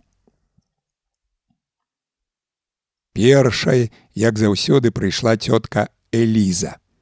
Цётка хоць і сталага веку, але яе таксама ўключылі ў выбарчую камісію ад працоўнага калектыву школы. Сама яна не мясцовая, прыехала перад самай вайной аднекуль з цэнтральнай Польшчы. Як і дамаўляліся, прыбіральшчыца прынесла цэлы стос кружэлак. Вілен узяў адну з іх, паднёс да газніцы. На пацёгканай налепцы польскімі літарамі было напісана: то астатня недзеля танго. Дрохкімі рукамі перабраў астатнія плыты усе скрозь даваенныя фірмы карона рэкорд. Добра, што дагледзеў, старшыня камісіі перавёў дых. Гэта ж трэба выбарцаў на дзяльніцы прывітае даваенная польская танга. За такія рэчы могуць і з партыі паперці. А савецкія песні ёсць. Цётка Ліза падхапіла ўжо анучку і збіралася штосьці выціраць. Ест, една, адгукнулася прыбіральшчыца. Цурка з шчуціну прывезла. Мястэчка шчучын мясцовыя людзі ўпарта мінавалі шчуціным. І што за песня патрыятычнага характару. Эліза лыпнула вачыма. Якась кабета спева, Нясіце, а гэтую пілсудчыну, Вілен узважыў на руках сто скружалак, забярыце і па магчымасці нікому не паказвайце. У класе гарэла толькі адна газніца. Вілен дастаў запалкі, каб запаліць яшчэ дзве і застыў у здранцвенні. Усё ж такі меў рацыю упаўнаважаны. Трэба пільнавацца, прыглядацца да кожнай драбязы, бязгучна прашаптаў вілен, згадаўшы, як падчас раённай педканферэнцыі да яго падышоў нізенькі дзядзька ў кіцелі, паціснуў руку і зроблены весялосцю паведаміў, што дырэктар школы ў вёсцы гэта вочы і вушы савецкай улады. Раён у нас складаны, а апошнім часам пасля смерці таварыша Сталіна прыкметна актывізаваліся антысавецкія элементы, Так што будьце пільнымі і інфармуйце, хто ў раздзярышках і наваколлі выступае супраць ліквідацыі хутароў, хто агітуе за выезд у Польшчу, нарэшце хто з вяскоўцаў адмоўна ставіцца да дзяржаўных пазыкаў. Пажадана, каб вы інфармавалі нас штомесяц і ў пісьмовым выглядзе. Дядька ў кіцелі, які назваўся ўпаўнаважаным, яшчэ раз паціснуў руку і паведаміў, што неўзабаве завітае ў раздзярышкі, і тады яны пагамоняць больш змястоўна. Пальцы апаліў агонь, і ён папляваў на прыпечаны пазногаць. Божухна, як адчапіцца ад гэтага упаўнаважанага, цяпер ужо голас з плаксівай ноткай прамою ў вілен і страпянуўся. Гэта бразнулі гулкім рэхам адбіўшыся ў калідоры уваходныя дзверы. Пані Эліза выплыла з цемры, трымаючы ў руках кружэлку у падзертай каперце. Лірические припевки Ісп Клавдія Шульженко прачытаў нагнуўшыся да лямпы вілен, рушыў да патэфона, крутнуў корбу. Хорошо идут дела у колхозного села, я молоденькая девчонка, от того и весела. Песня была ніштаватай. Аднак голас пяюхі перакрывала аднастайнае шыпенне і мернае харбусценне, усё адно як карова жавала трасянку. Вілен выцягнуў з патэфона іголку і навастрыў адпячную цагліну. Апошнім з сяброў камісіі з'явіўся юзік жвірбля з гармонікам пад пахай. Пазалетась Юзік скончыў сельскагаспадарчы тэхнікум і працаваў у калгасе за тэхнікам. Нядаўна заатэхніка прынялі ў партыю і, вядома, ён быў не шараговым сябрам камісіі, а намеснікам старшыні. О, усе сабраліся, а я думаў першым прыйду. Вілен заклапочана пакруціў галавой, хацеў згадаць пра адарваны ветрам транспарант, але перадумаў адно кіўнуў на гармонік. Юзіку скінуў на плечы рамяні, прайшоўся пальцамі па гузіках, гучна крахтануў. Над Москвою знамёна славы, торжествует победу народ. Здравствуй, город великой державы, где любимый наш Сталин живет. У класе, здаецца, задрыжэлі шыбы, і натхнёны Вілен долучыў свой голас да мужнай песні. Будем вечно тобою гордиться, будет жить твоя слава в веках дорогая моя столица, золотая моя Москва. Вілен махнуў рукой сябрам камісіі, каб і тыя падхапілі, але кабеты сядзелі моўчкі, утрапёна пазіраючы на юзіка, а цётка Эліза наогул перажагналася і выслізнула ў калідор. Ну і людзі, падумаў Вілен, ціснучы на знак падзякі халаднаватую юзікаву далонь. У нас на рагачоўшчыне паляндвіцы вочы не бачылі. Людзі ў зямлянках жывуць, а на выбары ідуць як на свята, а гэтыя. Старшыня камісіі зірнуў на гадзіннік, пацёр завільгатнелыя ад хвалявання далоні. Стрэлкі выпрастоўваліся ў вертыкаль. Да шостай гадзіны аставалася 5 хвілінаў. Таварышы сябры камісіі. Віншую вас з пачаткам нашай працы. Голас Велена ўзрываўся і клікатаў у перасохлым горле. Адна з трох запаленых газніцаў пачала куродымець і змазала ўрачыстасць моманту. Давялося прыкруціць кнот. Пачынаем апячатванне выбарчай скрыні. Старшыня камісіі падхапіў скрыню, кульнуў у паветры, дэманструючы, што яна пустая, Хацеў быў з пампезнай павольнасцю забіць цвікі ў рассохлую фанеру, але малаток, які мусіў ляжаць пад рукой, ён пакінуў на школьным ганку. Праз пяць хвілін, дарэшты ўпрэлы, старшыня камісіі выкуліўся з класа. Няўклюдна, нягнуткімі пальцамі скруціў цыгарку. У калідор выйшаў і ягоны намеснік. Малайчына з заданнем справіўся, Вілен дастаў запалкі. Гэта я пра песню кажу. Думаў, ты апроч кадрыляў ні на што сур'ёзнае не здатны. А чаму адры не рэпеціраваў? Жонка з хаты выгнала. Даняў яе сваёй музыкай. Юзік таксама зрабіў самакрутку, прыпаліў ад дырэктаравай цыгаркі. Рукі Веленавы дробна калаціліся. Ды не хвалюйся ты, Пятровіч, усё будзе добра. Юзік шумам выпусціў дым. Як тут не хвалявацца? Чуў, якую задачу паставіў Макаловіч. Забяспечыць стаадсоткавую яўку. Ад дарогі ўсе перамяло, а як коні у снезе захраснуць. Нашы коні не захраснуць. Каб надта не дыміць у калідоры, старшыня з намеснікам выйшлі на ганак. Унь, дарэчы, мазур едзе, Юзік кіўнуў у прыцемак вясковай вуліцы. Гэты конь самога нячысціка на выбары прывязе. Так што мазура і выправім да шукелойціхі. Старых інвалідаў і часнойця таксама на санях падвязем, а астатнія на сваіх нагах пабягуць, прычым под скакам, бо ведаюць, не прагаласуй можаш не ў Польшчу паехаць, а зусім у іншы бок. Жвірбля вёрс антысаветчыну, Але словы такія Велена не толькі не насцярожылі, але нават узрадавалі. Галоўнае шукілойціху прывесці з яе глухім сынам.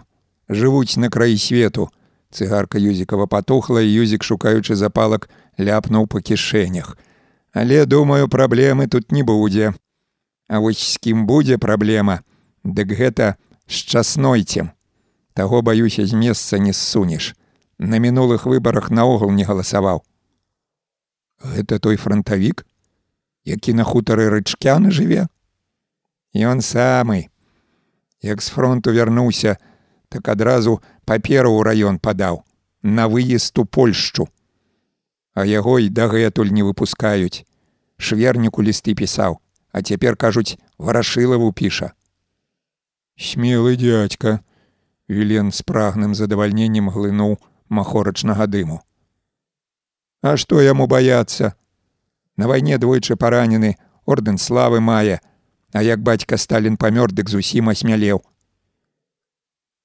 Мазур, мажны дзядзька з сівой барадой, спыніў каня ляганка, і жвірбля пабег у школу па гармонік, каб песняй сустрэць першага выбарца. За дзве гадзіны Прагаласавала ўсяго некалькі чалавек. На дварэ ўжо днела і газніцы патушылі. Вілен сядзеў, абхапіўшы рукамі голаў, паныла глядзеў на прастакутнік акна і прыгадваў родную рагачоўшчыну. Там ужо відаць добрая палова прагаласавала. І людзі ехалі на выбары як на свята, з песнямі, са сцягамі, на конях, упрыгожаных жычкамі. Але вось канчаткова развіднела, размытыя плямы твараў усё часцей выплывалі з калідорнага прыцемку, а неўзабаве, як і казаў юзік, народ пабег на выбары подскакам. Распораз да ванды данатаўны, што записывала нумары калгасных кніжак і выдавала бюлетэні, нават выстройвалася калейка. Але свята не было. Вяскоўцы заходзілі на дзяльніцу хапатліва, з трывожнымі вачамі, моўчкі бралі бюлетэні, укідавалі нават не прачытаўшы прозвішча кандыдата в скрыню і гэтак жа паспешліва ішлі да выхаду. І хаця Вілен спрабаваў жартаваць з выбарнікамі, а сакратарка камісіі Ванда Данатаўна абдорвала іх слінявымі ўсмешкамі, людзі заставаліся непрыступна суворымі. Мужчыны, праўда, да хаты адразу не разыходзіліся, збіваліся ў кучкі, як гэта бывае на хаўтурах, і палілі з падазронасцю ў вачах пазіраючы на школьны ганак. З культурнай праграмай таксама ўзніклі праблемы. Юзік, пабачыўшы аднавяскоўцаў з прэс незадаволеных, а мужчын да таго ж і няголеных, не рашыўся браць у руки гармонік, і толькі на калідоры дзве гарэзы дзяўчынёхі раз за разам заводзілі шульжэнку. На 11 гадзін не прагаласавалі ўсяго чатыры чалавекі. Аднаногая шукілой ціха са сваім глухім сынам, інвалід з дзяцінства ядвіга канапацкая з суседняй вёскі каўбасішкі і ветэран вайны часнойць з хутара рычкяны. Па ўсіх іх ад раніцы паслалі падводы, але тыя яшчэ не вярнуліся. І толькі апоўдні за акном заржаў конь і юзік, прыпаўшы шчакою да шыбы, з урачыстасцю ў голасе абвясціў: « Мазур, шукілой ціху вязе, пайду дапамагу. На калідоры чарговым разам заспявала шульжэнка. Мінай нагу адарвала, патлумачыла Ванда Данатаўна, вышукаючы ў спісе патрэбнае прозвішча. Знайшла недзе, ды да хаты прыцягнула. На двары тым часам заенчылі, уваходныя дзверы расчыніліся, і да шульжэнкавай песні далучыўся немы жаночы лямант. Прычым надта шырокага дыяпазону, ад нуднага выцця на нізах да істэрычнага віскату. Што умею я плясаць, А севенці паньсцы, это дело личное. А людцы мае добрыя. Не скажу, што я красіва. А куды ж вы мяне цягнеце? Просто сімпатічная. Мяркуючы па голасе, Ён мусіў належаць кабеце далікатна танклявай, але ў клас занеслі васьміпудовую цётухну. Неслі шукілой ціху, змучана аддзімаючыся ў трох. Юзік трымаў кабету пад пахі, яшчэ двое, севабароды мазур, ды даўгалыгі хлопец у аблаусе трымалі за нагу і куксу. Небараку паклалі на падлогу, і тая падобна зусім абамлела – ляжала раскінуўшы руки і ледзь чутна стагнала. На шатырнага спірту дайце падхапілася ванда данатаўна і стала паказваць на мігах даўгалыгаму хлопцу, каб той зарэгістраваўся ды браў бюлетэні. Шукілой ціха на шчасце хутка ачуняла, залыпала вачыма і яе ізноў панеслі да воза. Цяпер ужо неслі ў чатырох. Вілен таксама далучыўся да справы. Под окном у нас растет красная смородина, зацягнула Шульженко, калі яны выцягвалі выбарніцу ў калідор, і юзік, стукнуўшыся плечуком аб вушак, крыкнуў дзяўчынёхам, якія круціліся ля патэфона: « Ды выключыце вы гэтую бравэру. Шукілой ціху скінулі на развалкі, але не да мазура, а на іншы воз і жвірбля выцер далонню ўзмакрэлы лоб. Яшчэ адна такая выбарніца і мяне адсюль таксама панясуць. Трэба было растлумачыць чалавеку, што яе не ў Сібір вязуць, а на выбары з дакорам прамармытаў вілен, глянуў на гадзіннік і прысвіснуў. Якраз гэтым часам ён мусіў тэлефанаваць Макаловічу. Адзіны на ўсю вёску телефон месціўся ў сельсавеце. Вілен шабаваў аснежанай вуліцай, і галава ягоная гула ад бязладных думак. Дарма шукілойціху тармасілі. Усё ж такі інвалід, Прыехаў бы сын, прагаласаваў за дваіх. Макаловіч будзе задаволены, усяго двое не прагаласавалі. Цікава, а як на іншых дзяльніцах і з перакананнем, што ў суседзяў сітуацыя значна горшая, і вілену збег на высокі ганак. Маладая сельсаветаўская сакратарка, якая ў сувязі з выбарамі мусіла выйсці на працу, сустрэла яго скіслы геморынь на разамлелым тварам, спала седзячы за сталом. Хутка не злучаць. Лінія перагружаная, прыспана папярэдзіла дзяўчына, выклікаючы раёны камутатар, але адразу ж перадала слухаўку вілену.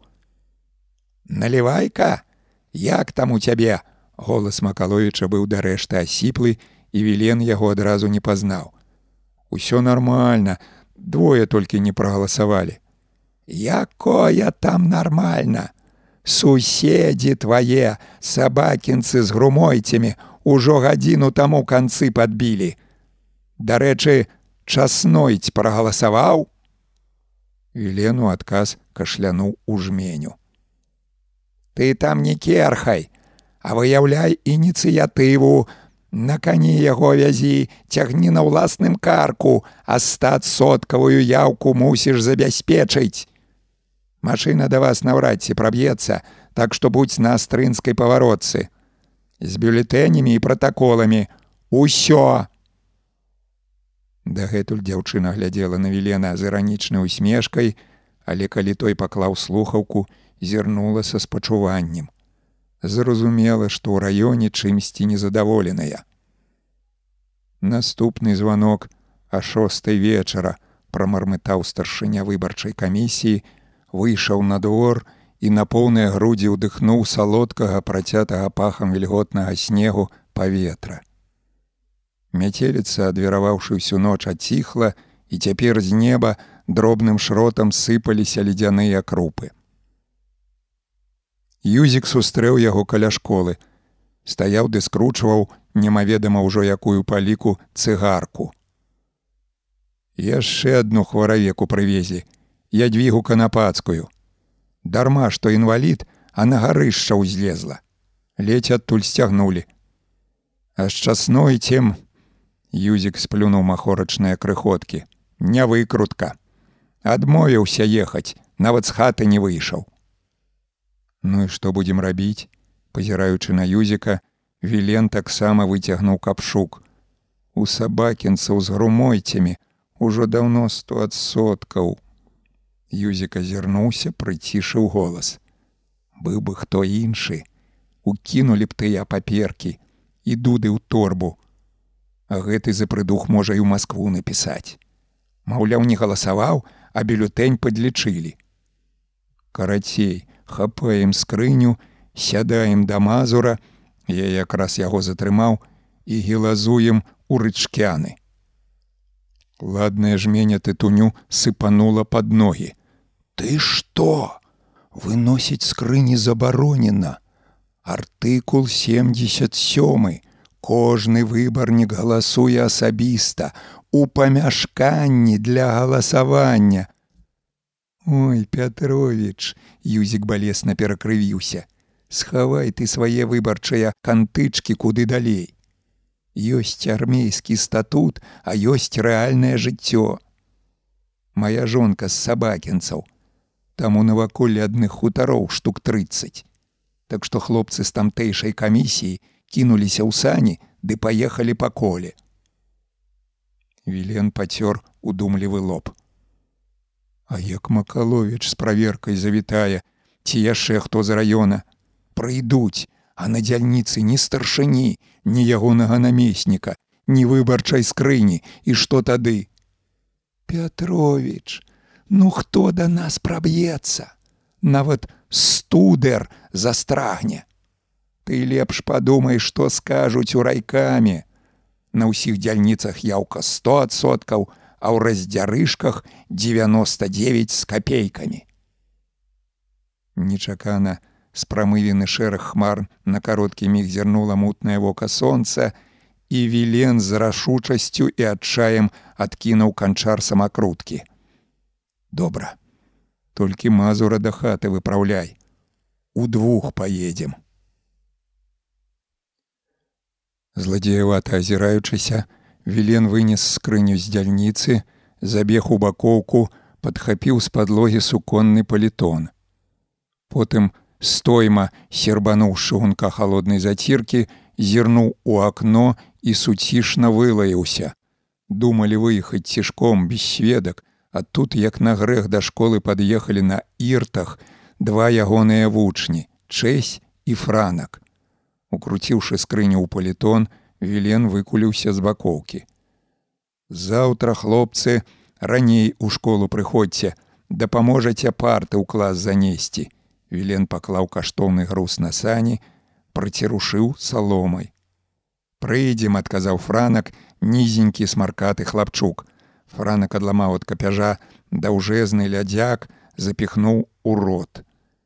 Кінь брызгуль смактаць, глотка забаліць, крыкнуў яму жвірбля, які стаяў ля каня і падцягваў дугу.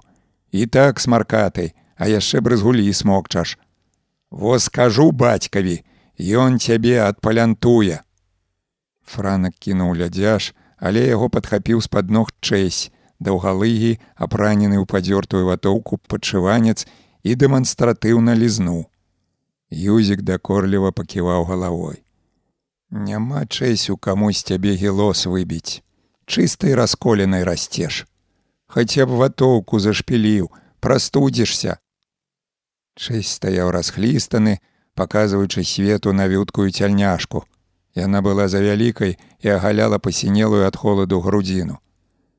Но жэбы на цябе ліха, гракнуў юзік, ляснуў пугай коня. Конь тузануў развалкі, змора напырхнуў, пайшоў лёгкім трухам. Падшыванцы паспрабавалі ехаць следам, але як ты ўгонішся за канём, ды на самаробных іртах, якія да таго ж кепска слізгалі. Апошні раз на іртах выехалі. Заўтра маці казала, адліга будзе, буркнуў юзік, не паварочваючы галавы. А чэсевага бацьку на вайне забілі ці як? запытаўся Вілен, пазіраючы на няўклюдныя хлапечыя постаці. Ды дзе там? У карэла фінскую завербаваўся на лесапавал. Абяцаў вярнуцца, ды не іначай да нейкай бабы прыбіўся. А цяльняшку дзе ўзяў. Брат прыязджаў на пабыўку, на паўночным флоце служыць.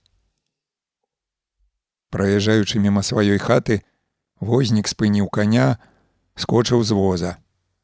Можна было падумаць, што юзік пабег у хату з'есці якое калева, але той адразу ж і выбег, пхаючы штосьці за пазуху кожуха. Раскруціўшы ў паветры лейцы, намеснік старшыні камісіі ляснуў імі па конскай спіне, з вар'яцкай весялосцю загарлаў: « Но халера ясна! За раздзярышкамі ляжала роўная, без адзінага кусціка поля. Яно было аднолькавага колеру з нізкім небам, і калі б не цёмны пас лесу на даляглядзе, які іх падзяляў, немагчыма было падрозніць зямлі ад неба. Вілен сядзеў на возе, спіны да каня і неадрыўна глядзеў на санны след. Яшчэ колькі хвілін таму паездка ў рычкяны здавалася вясёлай вандроўкай, І вось цяпер, пабачыўшы бязмежна самотны прасцяг і змрочнае неба над галавой, ён захваляваўся.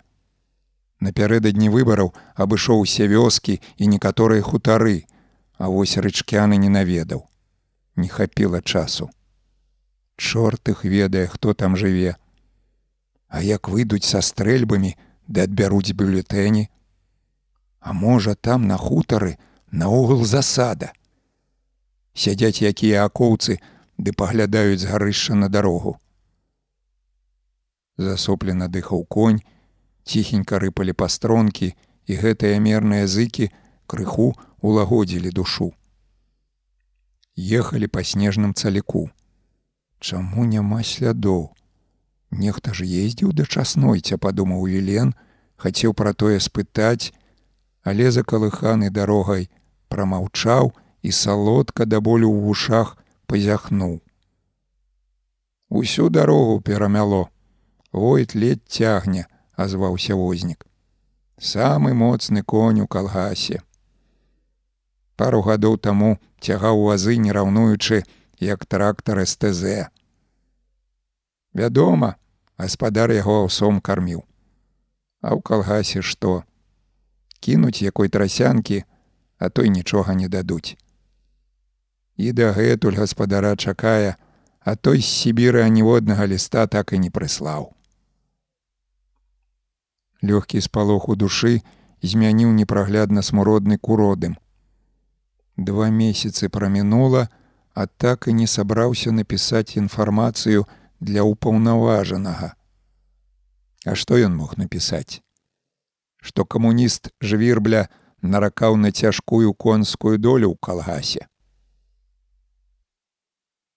Лес, у які заехалі, выглядаў маўклівым і насцярожаным.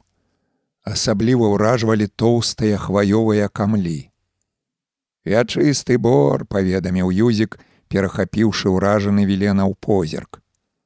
Мы яго скачылі саўскай пушчай называем. Ляснік тут жыў да вайны, скачыляс. Хадзіў як велькі пан у ахвіцэрскіх ботах са стрэльбай за плячыма. У сорокавым годзе узімку выслалі некуды разам з жонкай. А сына іхнага тамаша тады не знайшлі, хаваўся недзе. У вайну тамаж гэты да коўцаў прыбіўся, а па вайне у сорок шостым яго пад салечнікамі забілі. Казалі, тры гадзіны ў пуні сядзеў, адстрэльваўся. Пасля такога аповеду лес падаўся вусцішным і таямнічым.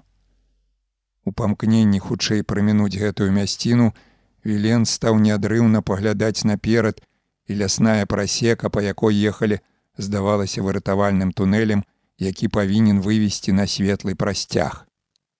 Далей дарога трыба ідзе, а ўжо ля самых рычкянаў на гал выедзем. Юзік прыўзняўся, пляснуў лейцамі войта. Конь увесь час наравіўся і задзіраў голаў. У вас прасеку трыбай называюць. Юзік моўчкі кіўнуў за першымі немцамі прасеклі. Збіраліся нібыта вузкакалейку будаваць, ды штосьці не атрымалася. Дзесьці непадалёку са жвавую партасцю застукаў дзяцел і вілен, па прыкладу войта, задзёр галаву. У нашай гаворцы шмат розных словаў накручана, азваўся ў працяг перарванай размовы юзік. І польскіх, і расейскіх, і літоўскіх, ведаеш што азначае па-літоўску маё прозвішча? Жвірбля значыць верабей. Мой дзед яшчэ ведаў жамойцкую мову. Прыйдзе памятаю з карчмы на каляды ды спявае. Аж мажа свайкі аліс кайп пупу пядзя ліс калядка літоўская юзік ізноў падагнаў коня сарамлівую смешкай зірнуў на суразмоўніка даўно хачу спытаць А што гэта за імя такое? Вілен. Суразмоўнік злёгку паморшчыўся. У гонар Владимира Іліча Леніна назвалі. Эх, з ноткамі расчаравання выдыхнуў юзік, а мяне назвалі ў гонар пілсуцкага. Яму якраз 60 гадоў спраўлялі, як я нарадзіўся. Пачуўшы прозвішча пілсуцкага, Вілен на момант знерухоміў, міжволі адсунуўся ад юзіка. І потым, аж да самых рачкянаў, яны не прамовілі ні слова.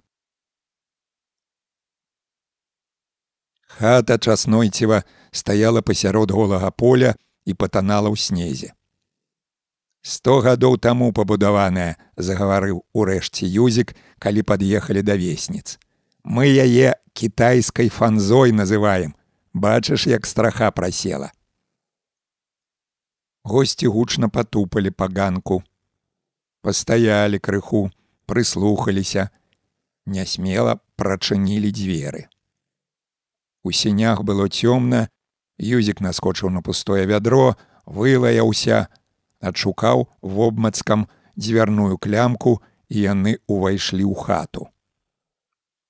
Гаспадар стаяў ля стала і трушыў секачом даўгія і ржавага колеру бадылі.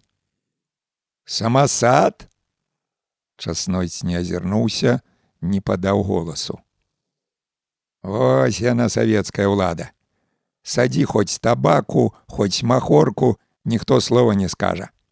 А пры паляках, браце ты мой, за гэтую справу вой як ганялі. Манаполія паньствова. Бацька мой пасадзіў у потай махоркі, дык сол ты своміх угледзеў. Прыйшоў, выйдзер і паліцыянтам настрашыў. Юзік дастаў з кішэні абрывак газеціны, прыхапіў са стала калева тытуню. Дай хоць зёлак тваіх пакаштаваць. Казелечы вокам на жалезнае крэсіва, якое ляжала на стале, Юзік прыпаліў самакрутку, кінуў поруч пушку запалак. Не іначай, хочаш мяне кубаркай сярнічак купіць, падаў нарэшце голас часнуць. Ну, дядька, мы да цябе з усёй душой. Ехалі во міма з Віленам Пятровічам, дарэчы, пазнаёмцеся, наш новы дырэктар школы. Думаем, давай зазірнём. Ехалі. Міма. А гэта што? Гаспадар кіўнуў на чырвоную скрыню, якую госці паставілі каля дзвярэй. А ты не бачыш, урна для галасавання, А мы павінны былі яе на двары пакінуць. Там жа важныя дзяржаўныя дакументы. Эх, дядька, няма часу языкамі лемзаць. З гэтымі словамі Юзік выцягнуў з-за пазухі бутэльку самагонкі. Гаспадар, як падалося, з лёгкім спалохам зірнуў на бутэльку, ні слова не сказаўшы, выйшаў у сені. Госці насцярожліва пераглянуліся, і Вілен перасмыкнуў плячамі, маўляў, халера ведае, куды пайшоў чалавек. Ды гаспадар неўзабаве вярнуўся, цягнучы перад сабой невялічкі цабэрак. О, насаліў грыбоў цэлую пасачку, а есці няма каму. А што за грыбы? Юзік, агледзеўшыся, зняў з паліцы тры мутныя шклянкі грышки. Іх так рок было, хоць касу закладай. Рыжыкі патлумачыў юзік, шпокнуў кеховым коркам, нюхнуў бутэлечнае рыльца.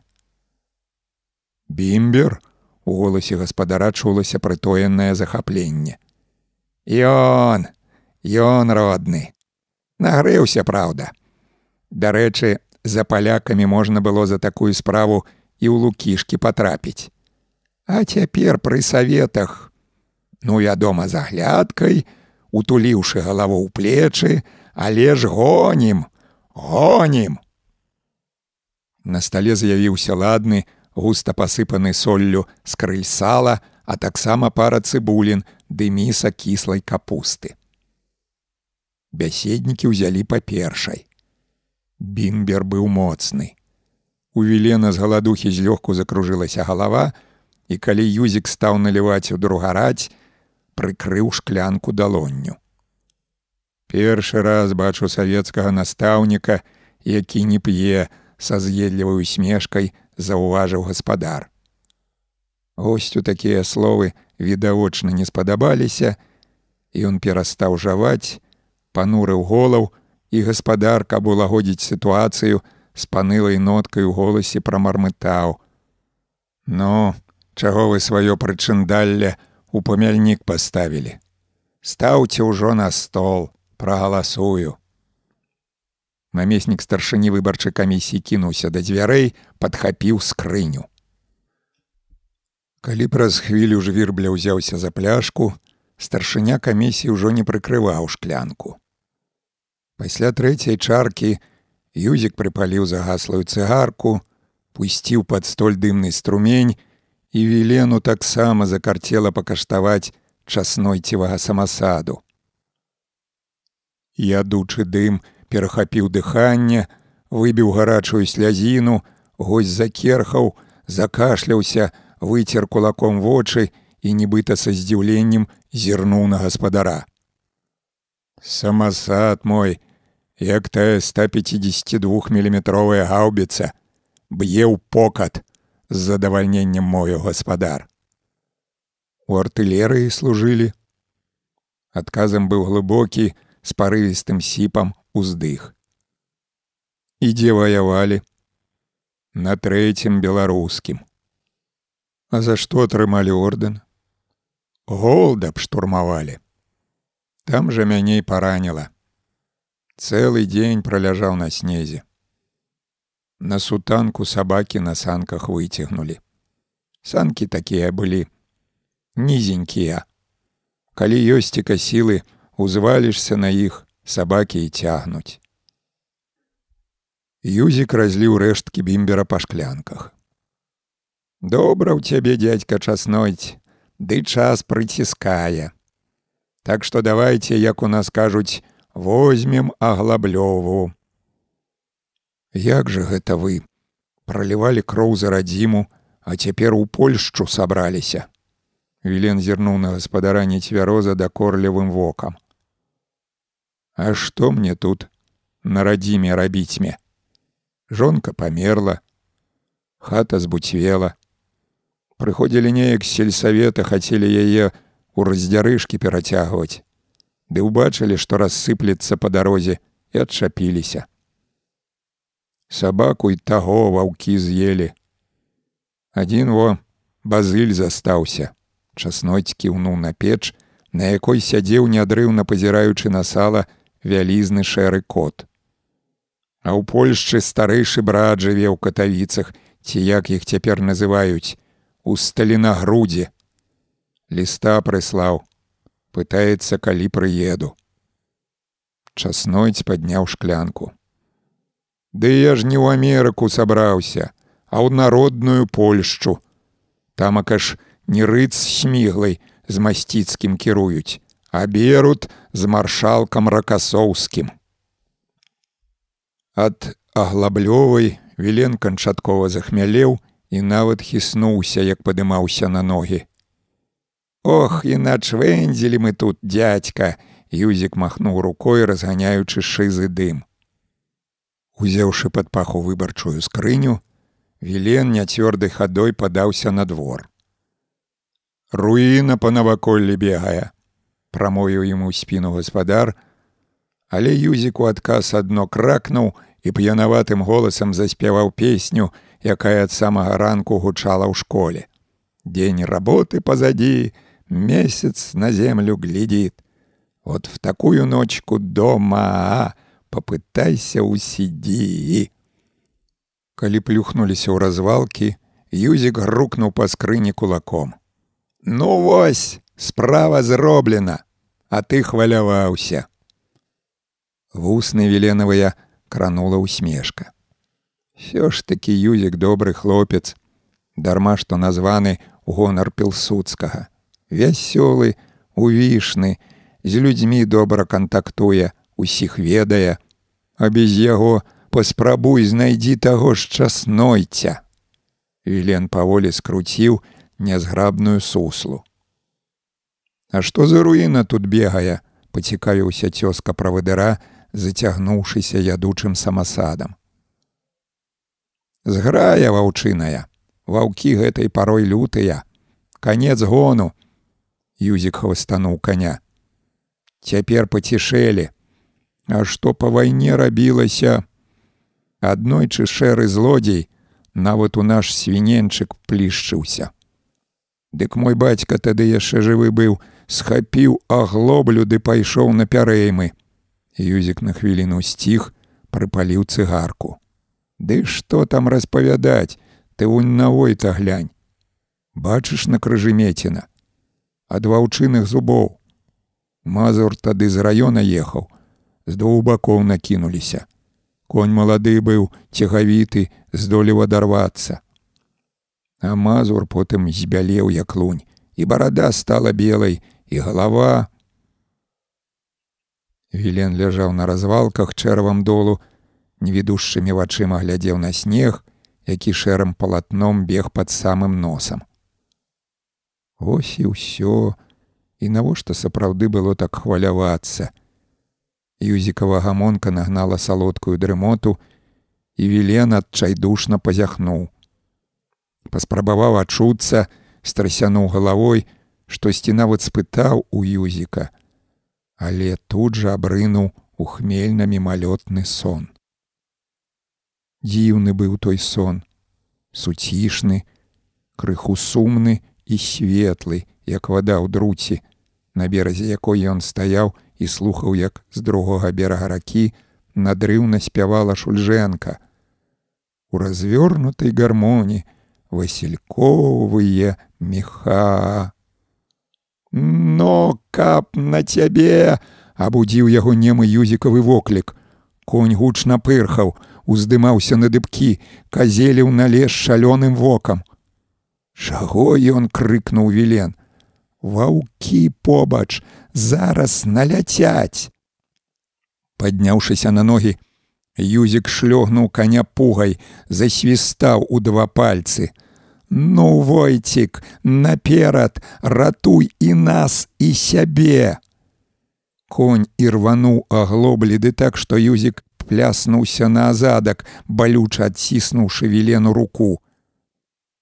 То пануруючы пысу да зямлі, то задзіраючы яе ўгору, войт пайшоў на ўскач.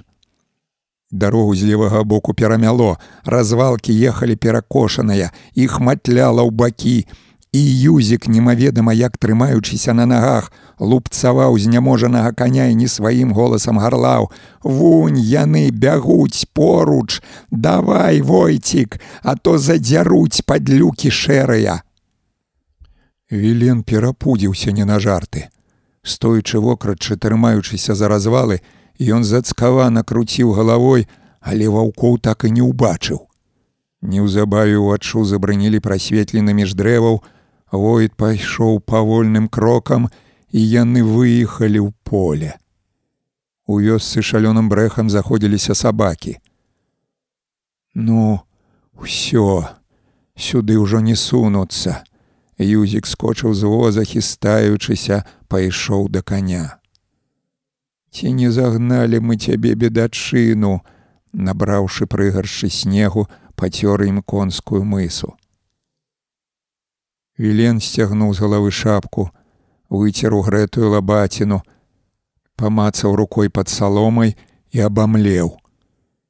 Паварочвай, скрыню згубілі.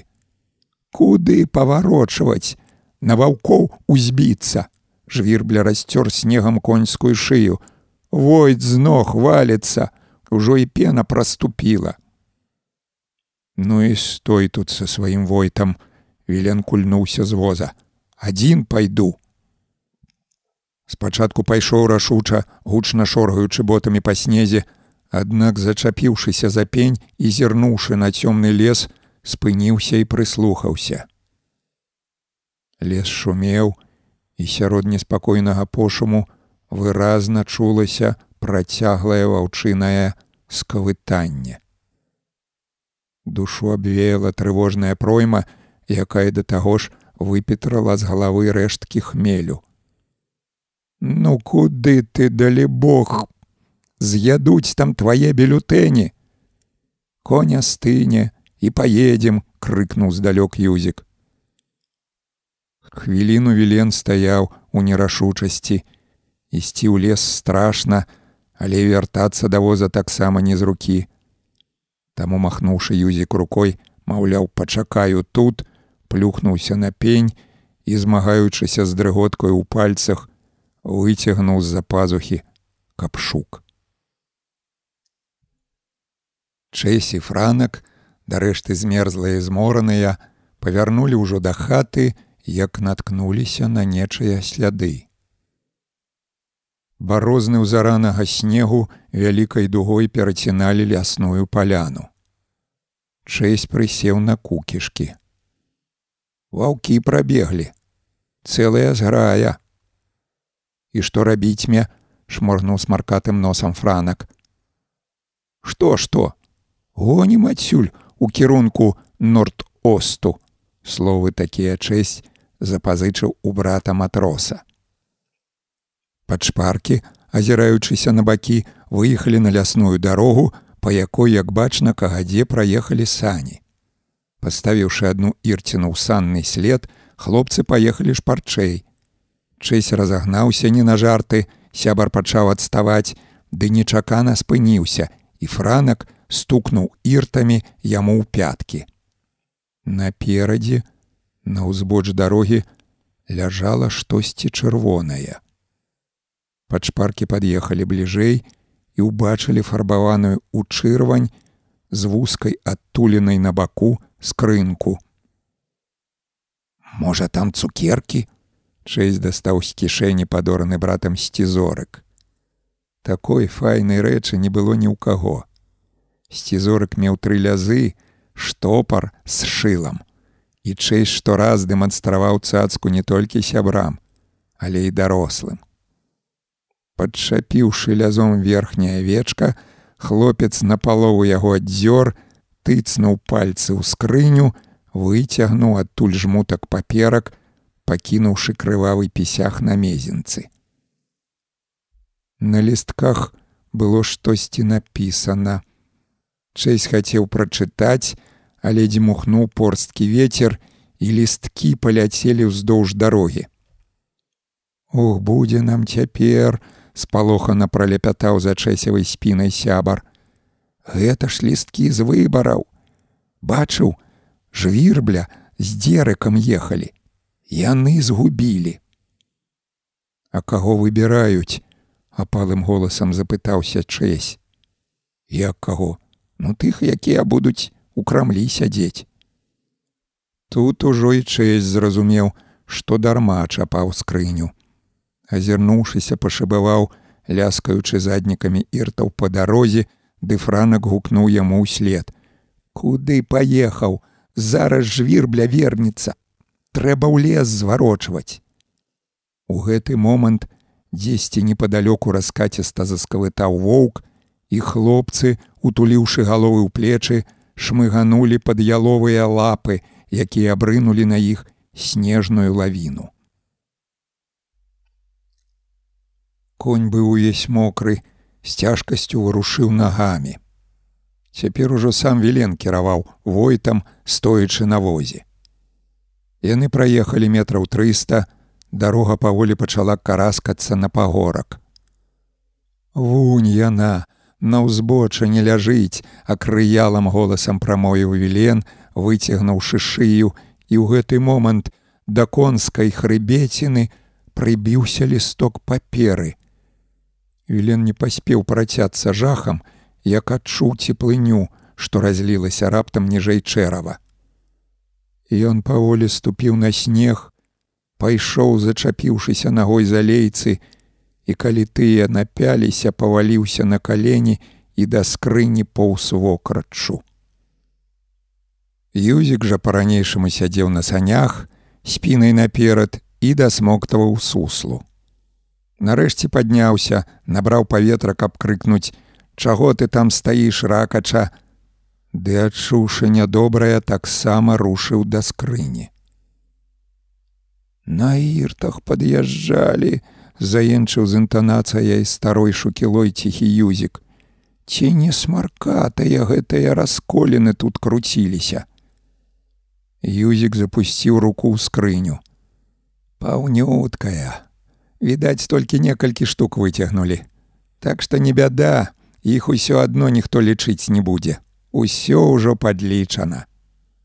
Вілен, які ўвесь час стаяў вокрач, падняўся на ногі. Ты што, абасцаўся? уражана запытаў юзік, паглядаючы на картовыя порткі старшыні выбарчай камісіі. Старшыня гэтага пытання як і не чуў. Павеўшы ашклянелымі бельмамі, ён ледзяным голасам выдыхнуў: трэба сабраць усе бюлютэні. Як жа збярэш, х ужо мусіць у літву занесла. трэба іх усе сабраць паўтарыў вілен. Ён па-ранейшаму не чуў кампаньёна. Ды падсыпля макалавіч тых бюлетэняў. Іх жа да халеры надрукавалі. Завядзеш яго ў рэстарацыю пасядзіце пад фікусамі як людзі Вілен павёў рукой, як гэта робяць, калі хочуць пазбыцца наслання і празмерна ўважліва, нібыта ўпершыню бачыў, глянуў на юзіка. Гэта ты падлюка ўсё падстроіў, падгаварыў скрыню вынесці, а потым, як я заснуў, ускрыў, ды выкінуў з возу, хацеў выбары сарваць, пілсудчык ты недарэзаны, Вілен схапіў кампаньёна за шыю, пачаў душыць, і кампаньён, выслабаняючыся, пхнуў вілена тварам у сумёт. І навошта мне былі ўсе гэтыя метрэнгі, сіпла з панікай у голасе прастагнаў юзік. У вёсцы пад сабачнікам клічуць, маткай дагэтуль плача, што я з камісарамі звязаўся. Ксёнсу яе нават ахвяру не прыняў. Нічога, хутка нашы органы разбяруцца і з табой, і з тваім ксянзом, і з тваёй маткай Вілен падняўся выцер твараць снегу, хацеў яшчэ нешта сказаць, ды юзік, пачуўшы пра матку, заехаў яму кулаком у лоб. Крыючы расейскімі мацюгамі, Юзік з усяе сілы хвастануў коня і тут жа зразумеўшы, што едзе не ў той бок, нацягнуў лейцы і на хаду ужо з польскімі мацюгамі на вуснах падхапіў са снегу выбарчую скрыню. Налівайку знайшлі раніцай наступнага дня. Ён сядзеў на дрэве, абхапіўшы рукамі стаўбур і не адгукаўся на воклікі. Ад ваўкоў ратаваўся, разважліва прамовіў упаўнаважаны, які адмыслова прыехаў з раёна. Усё навокал было здратавана ваўчынымі слядамі. Я ж кажу, яны на нас з двух бакоў накінуліся, запальчава выдаў жвірбля. Упаўнаважаны загадаў выпрашчы каня з санак, санкі ўзнялі, паставілі да дрэва і па іх спусцілі з калелага налівайку на зямлю. На пачатку падумалі, што ён мёртвы, жвірбля нават сцягнуў з галавы аблавуху, ды бедачына здрыгануў вейкамі, зворухнуў пальцамі, упаўнаважаны падхапіў жменю жарсцвянага снегу і стаў расціраць налівайку, спачатку руки і твар, а потым грудзіну. Затым дастаў з кішэні шыняля пляскатую беклажку, хуценька адкаркаваў, паднёс да веленавых вуснаў. У беклажцы відавочна быў нейкі моцны трунак, бо велен закашляўся, на вачах выступілі слёзы, і ён застагнаўшы, паказаў дрыжачай рукой на дрэва. Усе задзерлі галовы. Там, пачапіўшыся за тонкую галінку, асінавым лістом дрыжэў на ветры бюлетэнь тайнага галасавання. Жвірбля з запабежлівай хуткасцю шпурнуў снежку, бюлетэнь адарваўся ад галінкі, крутнуўся ў паветры і паляцеў насустрач зыркаму сакавіцкаму сонцу. Са слоўніка вілена налівайкі. Адпалянтаваць, адлупцаваць. Бімбер самагонка, бравера, балбатуха, брызгуль, лядзяк, гілазаваць, гізаваць, гілос, дурыкі, запрыдух, упарты чалавек, застрагнуць, захраснуць, ірты, лыжы, кубарка, пушка запалак, лемзаць, балбатаць, начвэндзіць, на куроды мець. Памяльнік месца ля печкі, дзе ставяць качаргу і рагач. Пасачка, невялічкі цэбар, расколена, нягоднік. Руіна, вучая зграя. Сутанак, шарая гадзіна. Так рок, летась. Хваравека, інвалід з дзяцінства.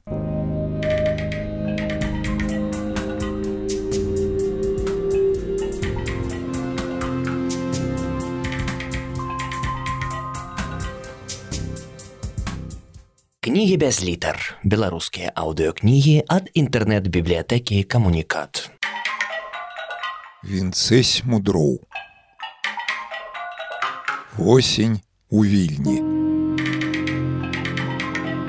Апавяданні. Перформанс. На беразе невялічкай ракі сядзяць два старыя сябры. Васька лабейка, і лёшка апейка.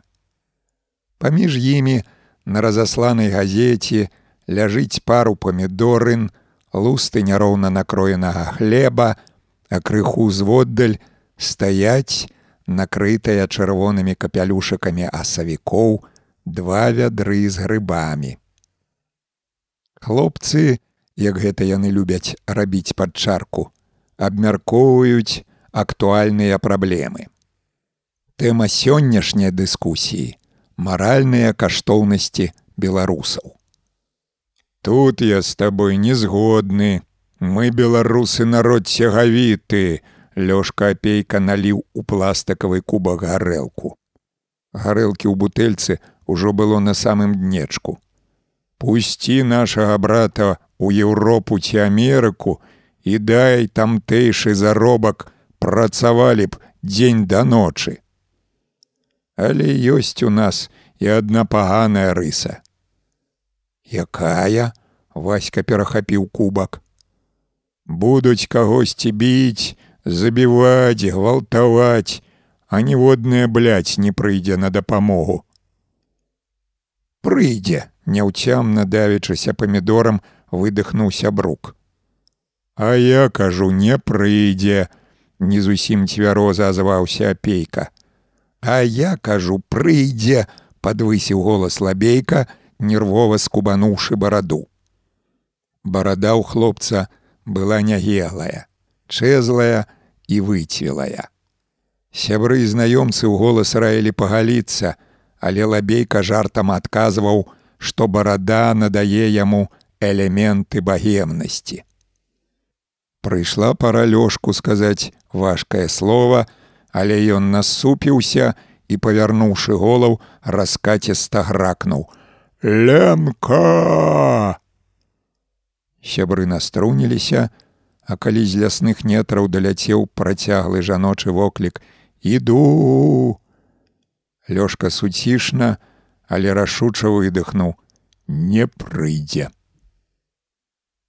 Неўзабаве за спінамі затрашчала ламачча, і з лесу выйшла апейкава жонка, ружавашчокая маладзіца ў чырвоным камбінезоне.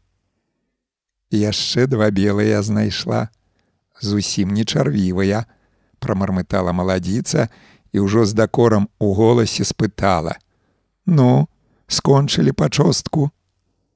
Хлопцы нічога не адказалі, адно пераглянуліся.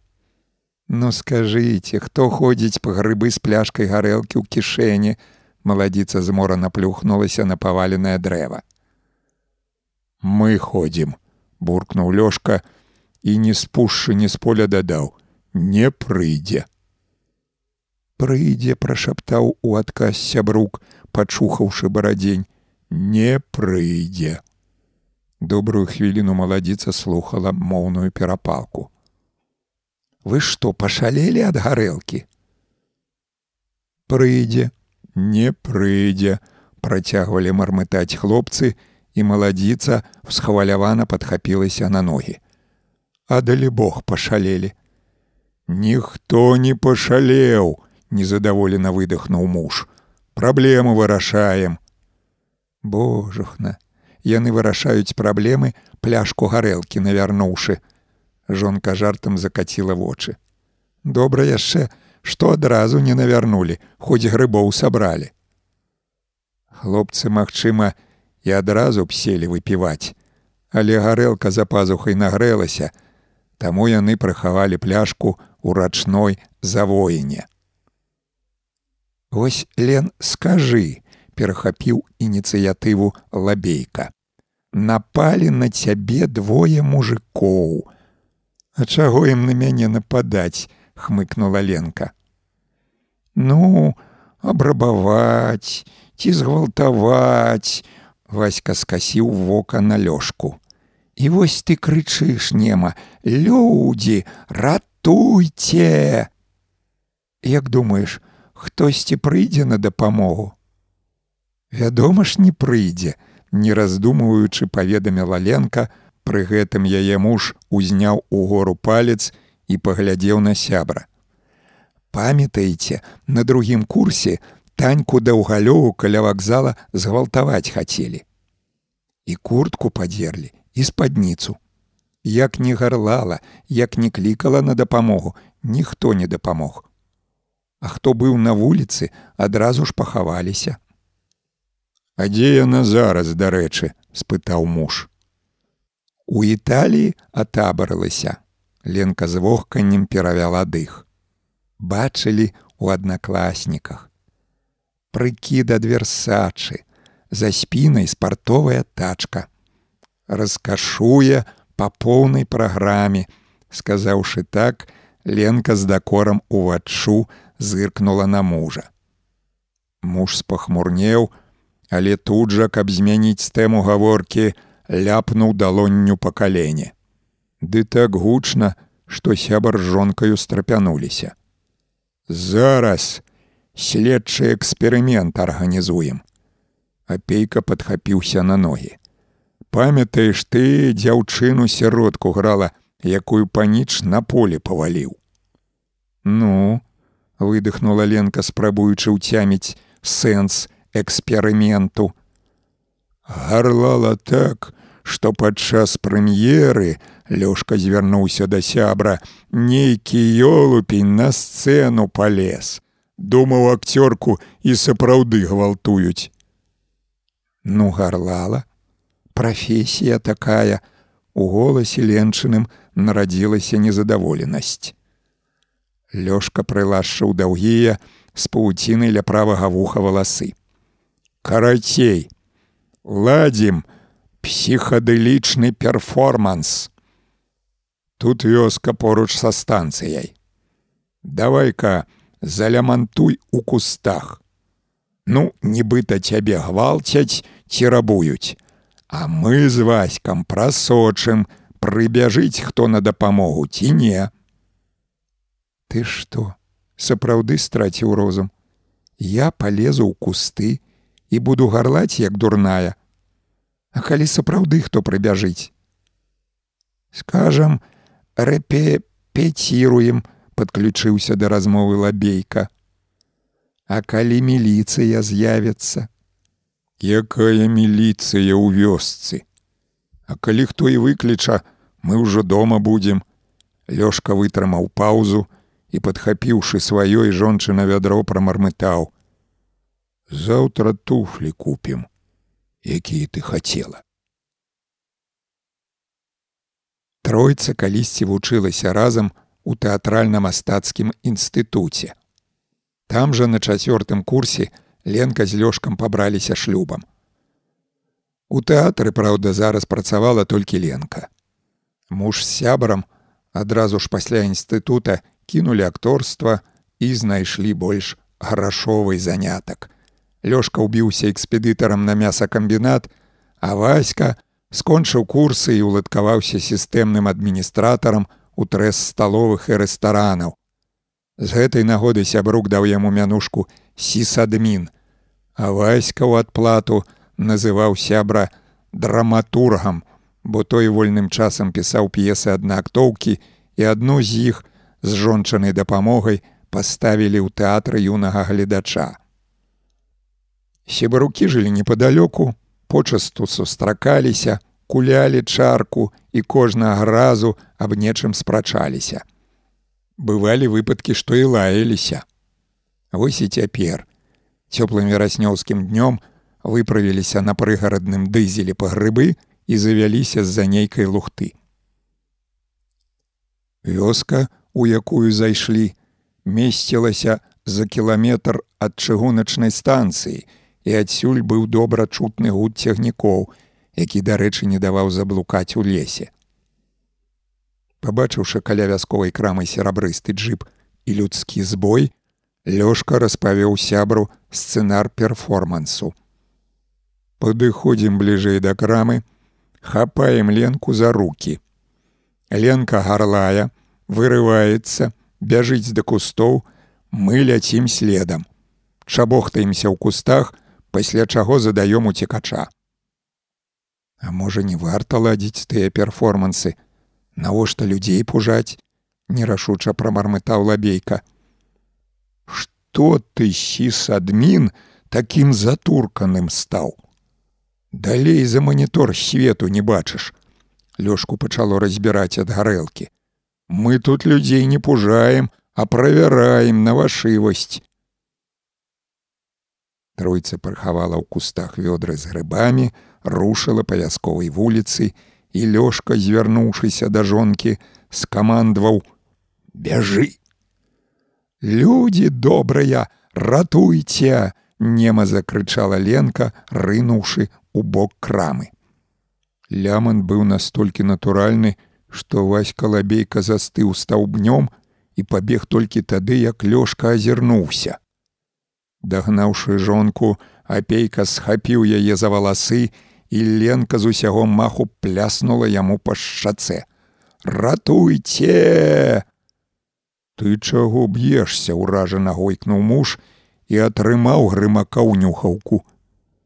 Будзеш ты мне тут з жонкі здзекавацца, прасіпела акцёрка і што сілы, адпрацоўваючы новыя туфлі, залямантавала: Людзі гвалтуюць! Апейка схапіў ленку за шлейку камбінезона, жонка паспрабавала вырвацца, і яны абое паваліліся на дарогу. Тым часам васька бегаў вакол, не ведаючы, што рабіць і за каго хапацца.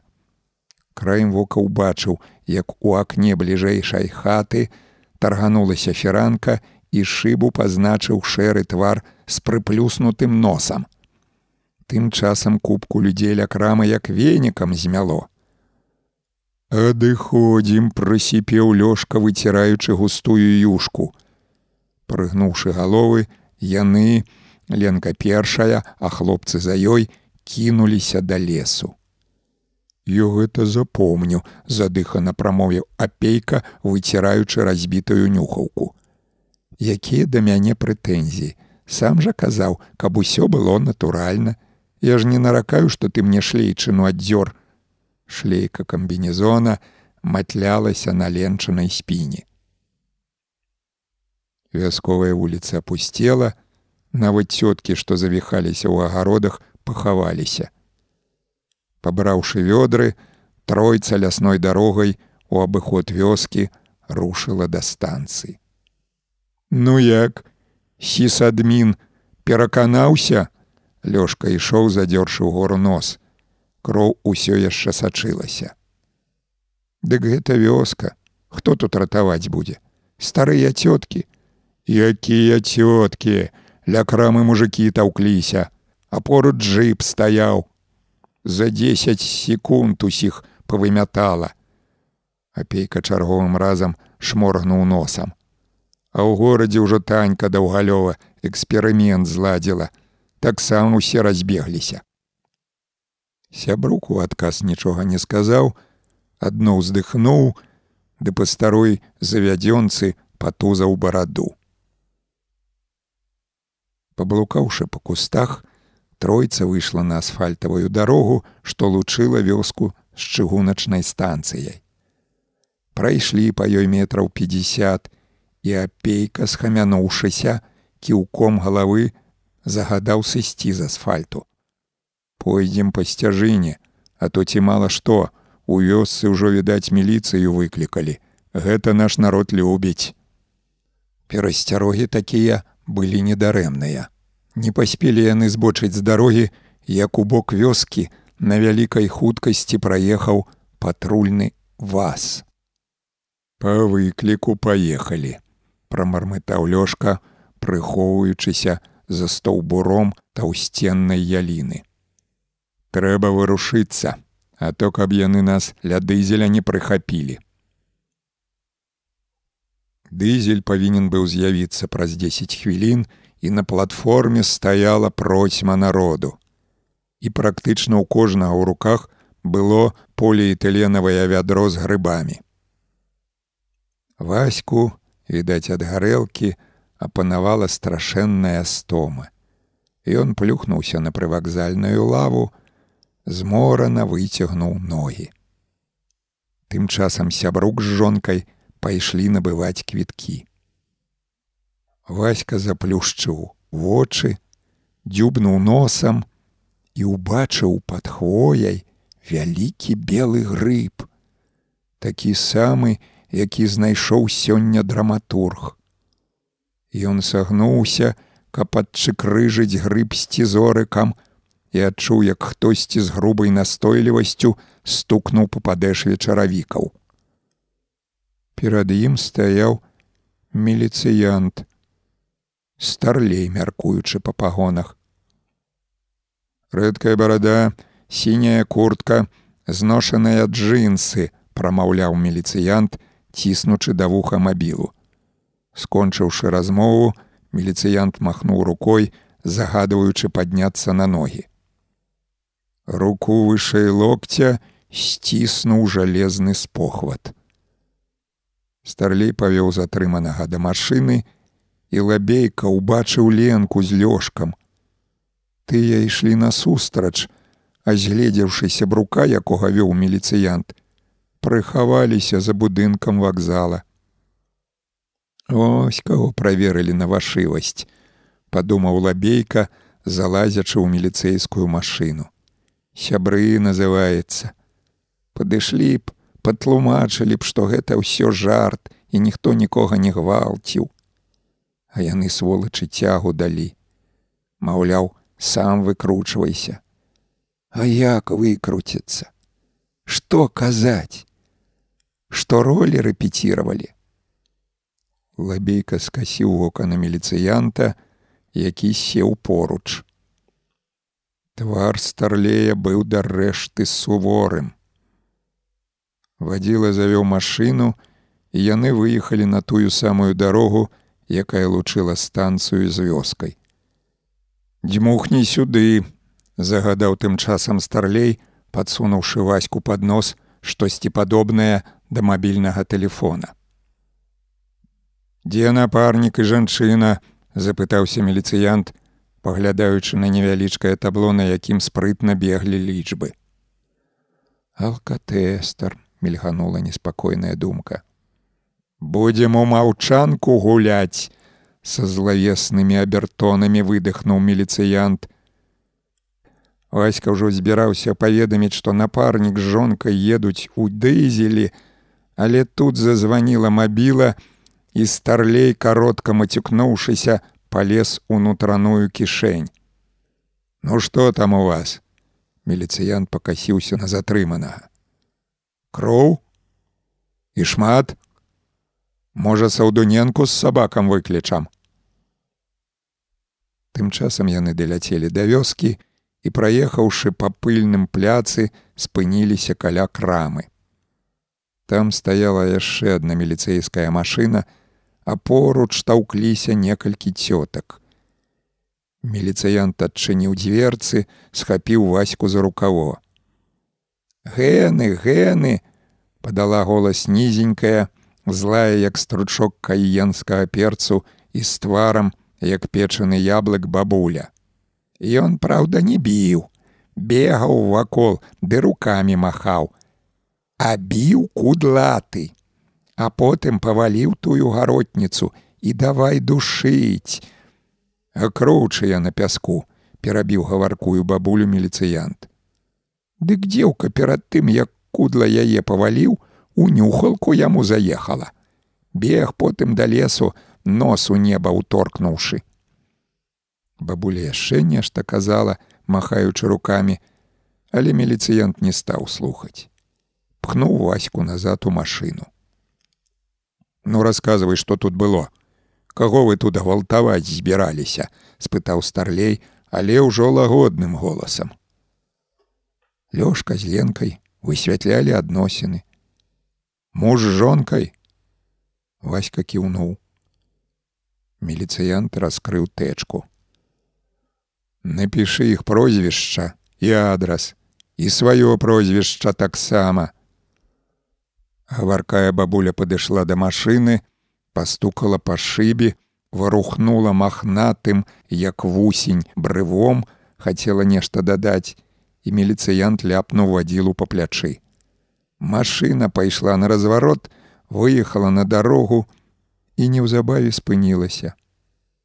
Васька няроўнымі літарамі напісаў адрасы і прозвішчы, і міліцыянт, гукнуўшы ў мабілу, трэба прабіць па базе, узяўся, блытаючы ў прозвішчах націскі, у голас чытаць нязграбную пісаніну. Яны стаялі акурат насупраць тоўстай яліны, за якой надоечы хаваўся сябрук.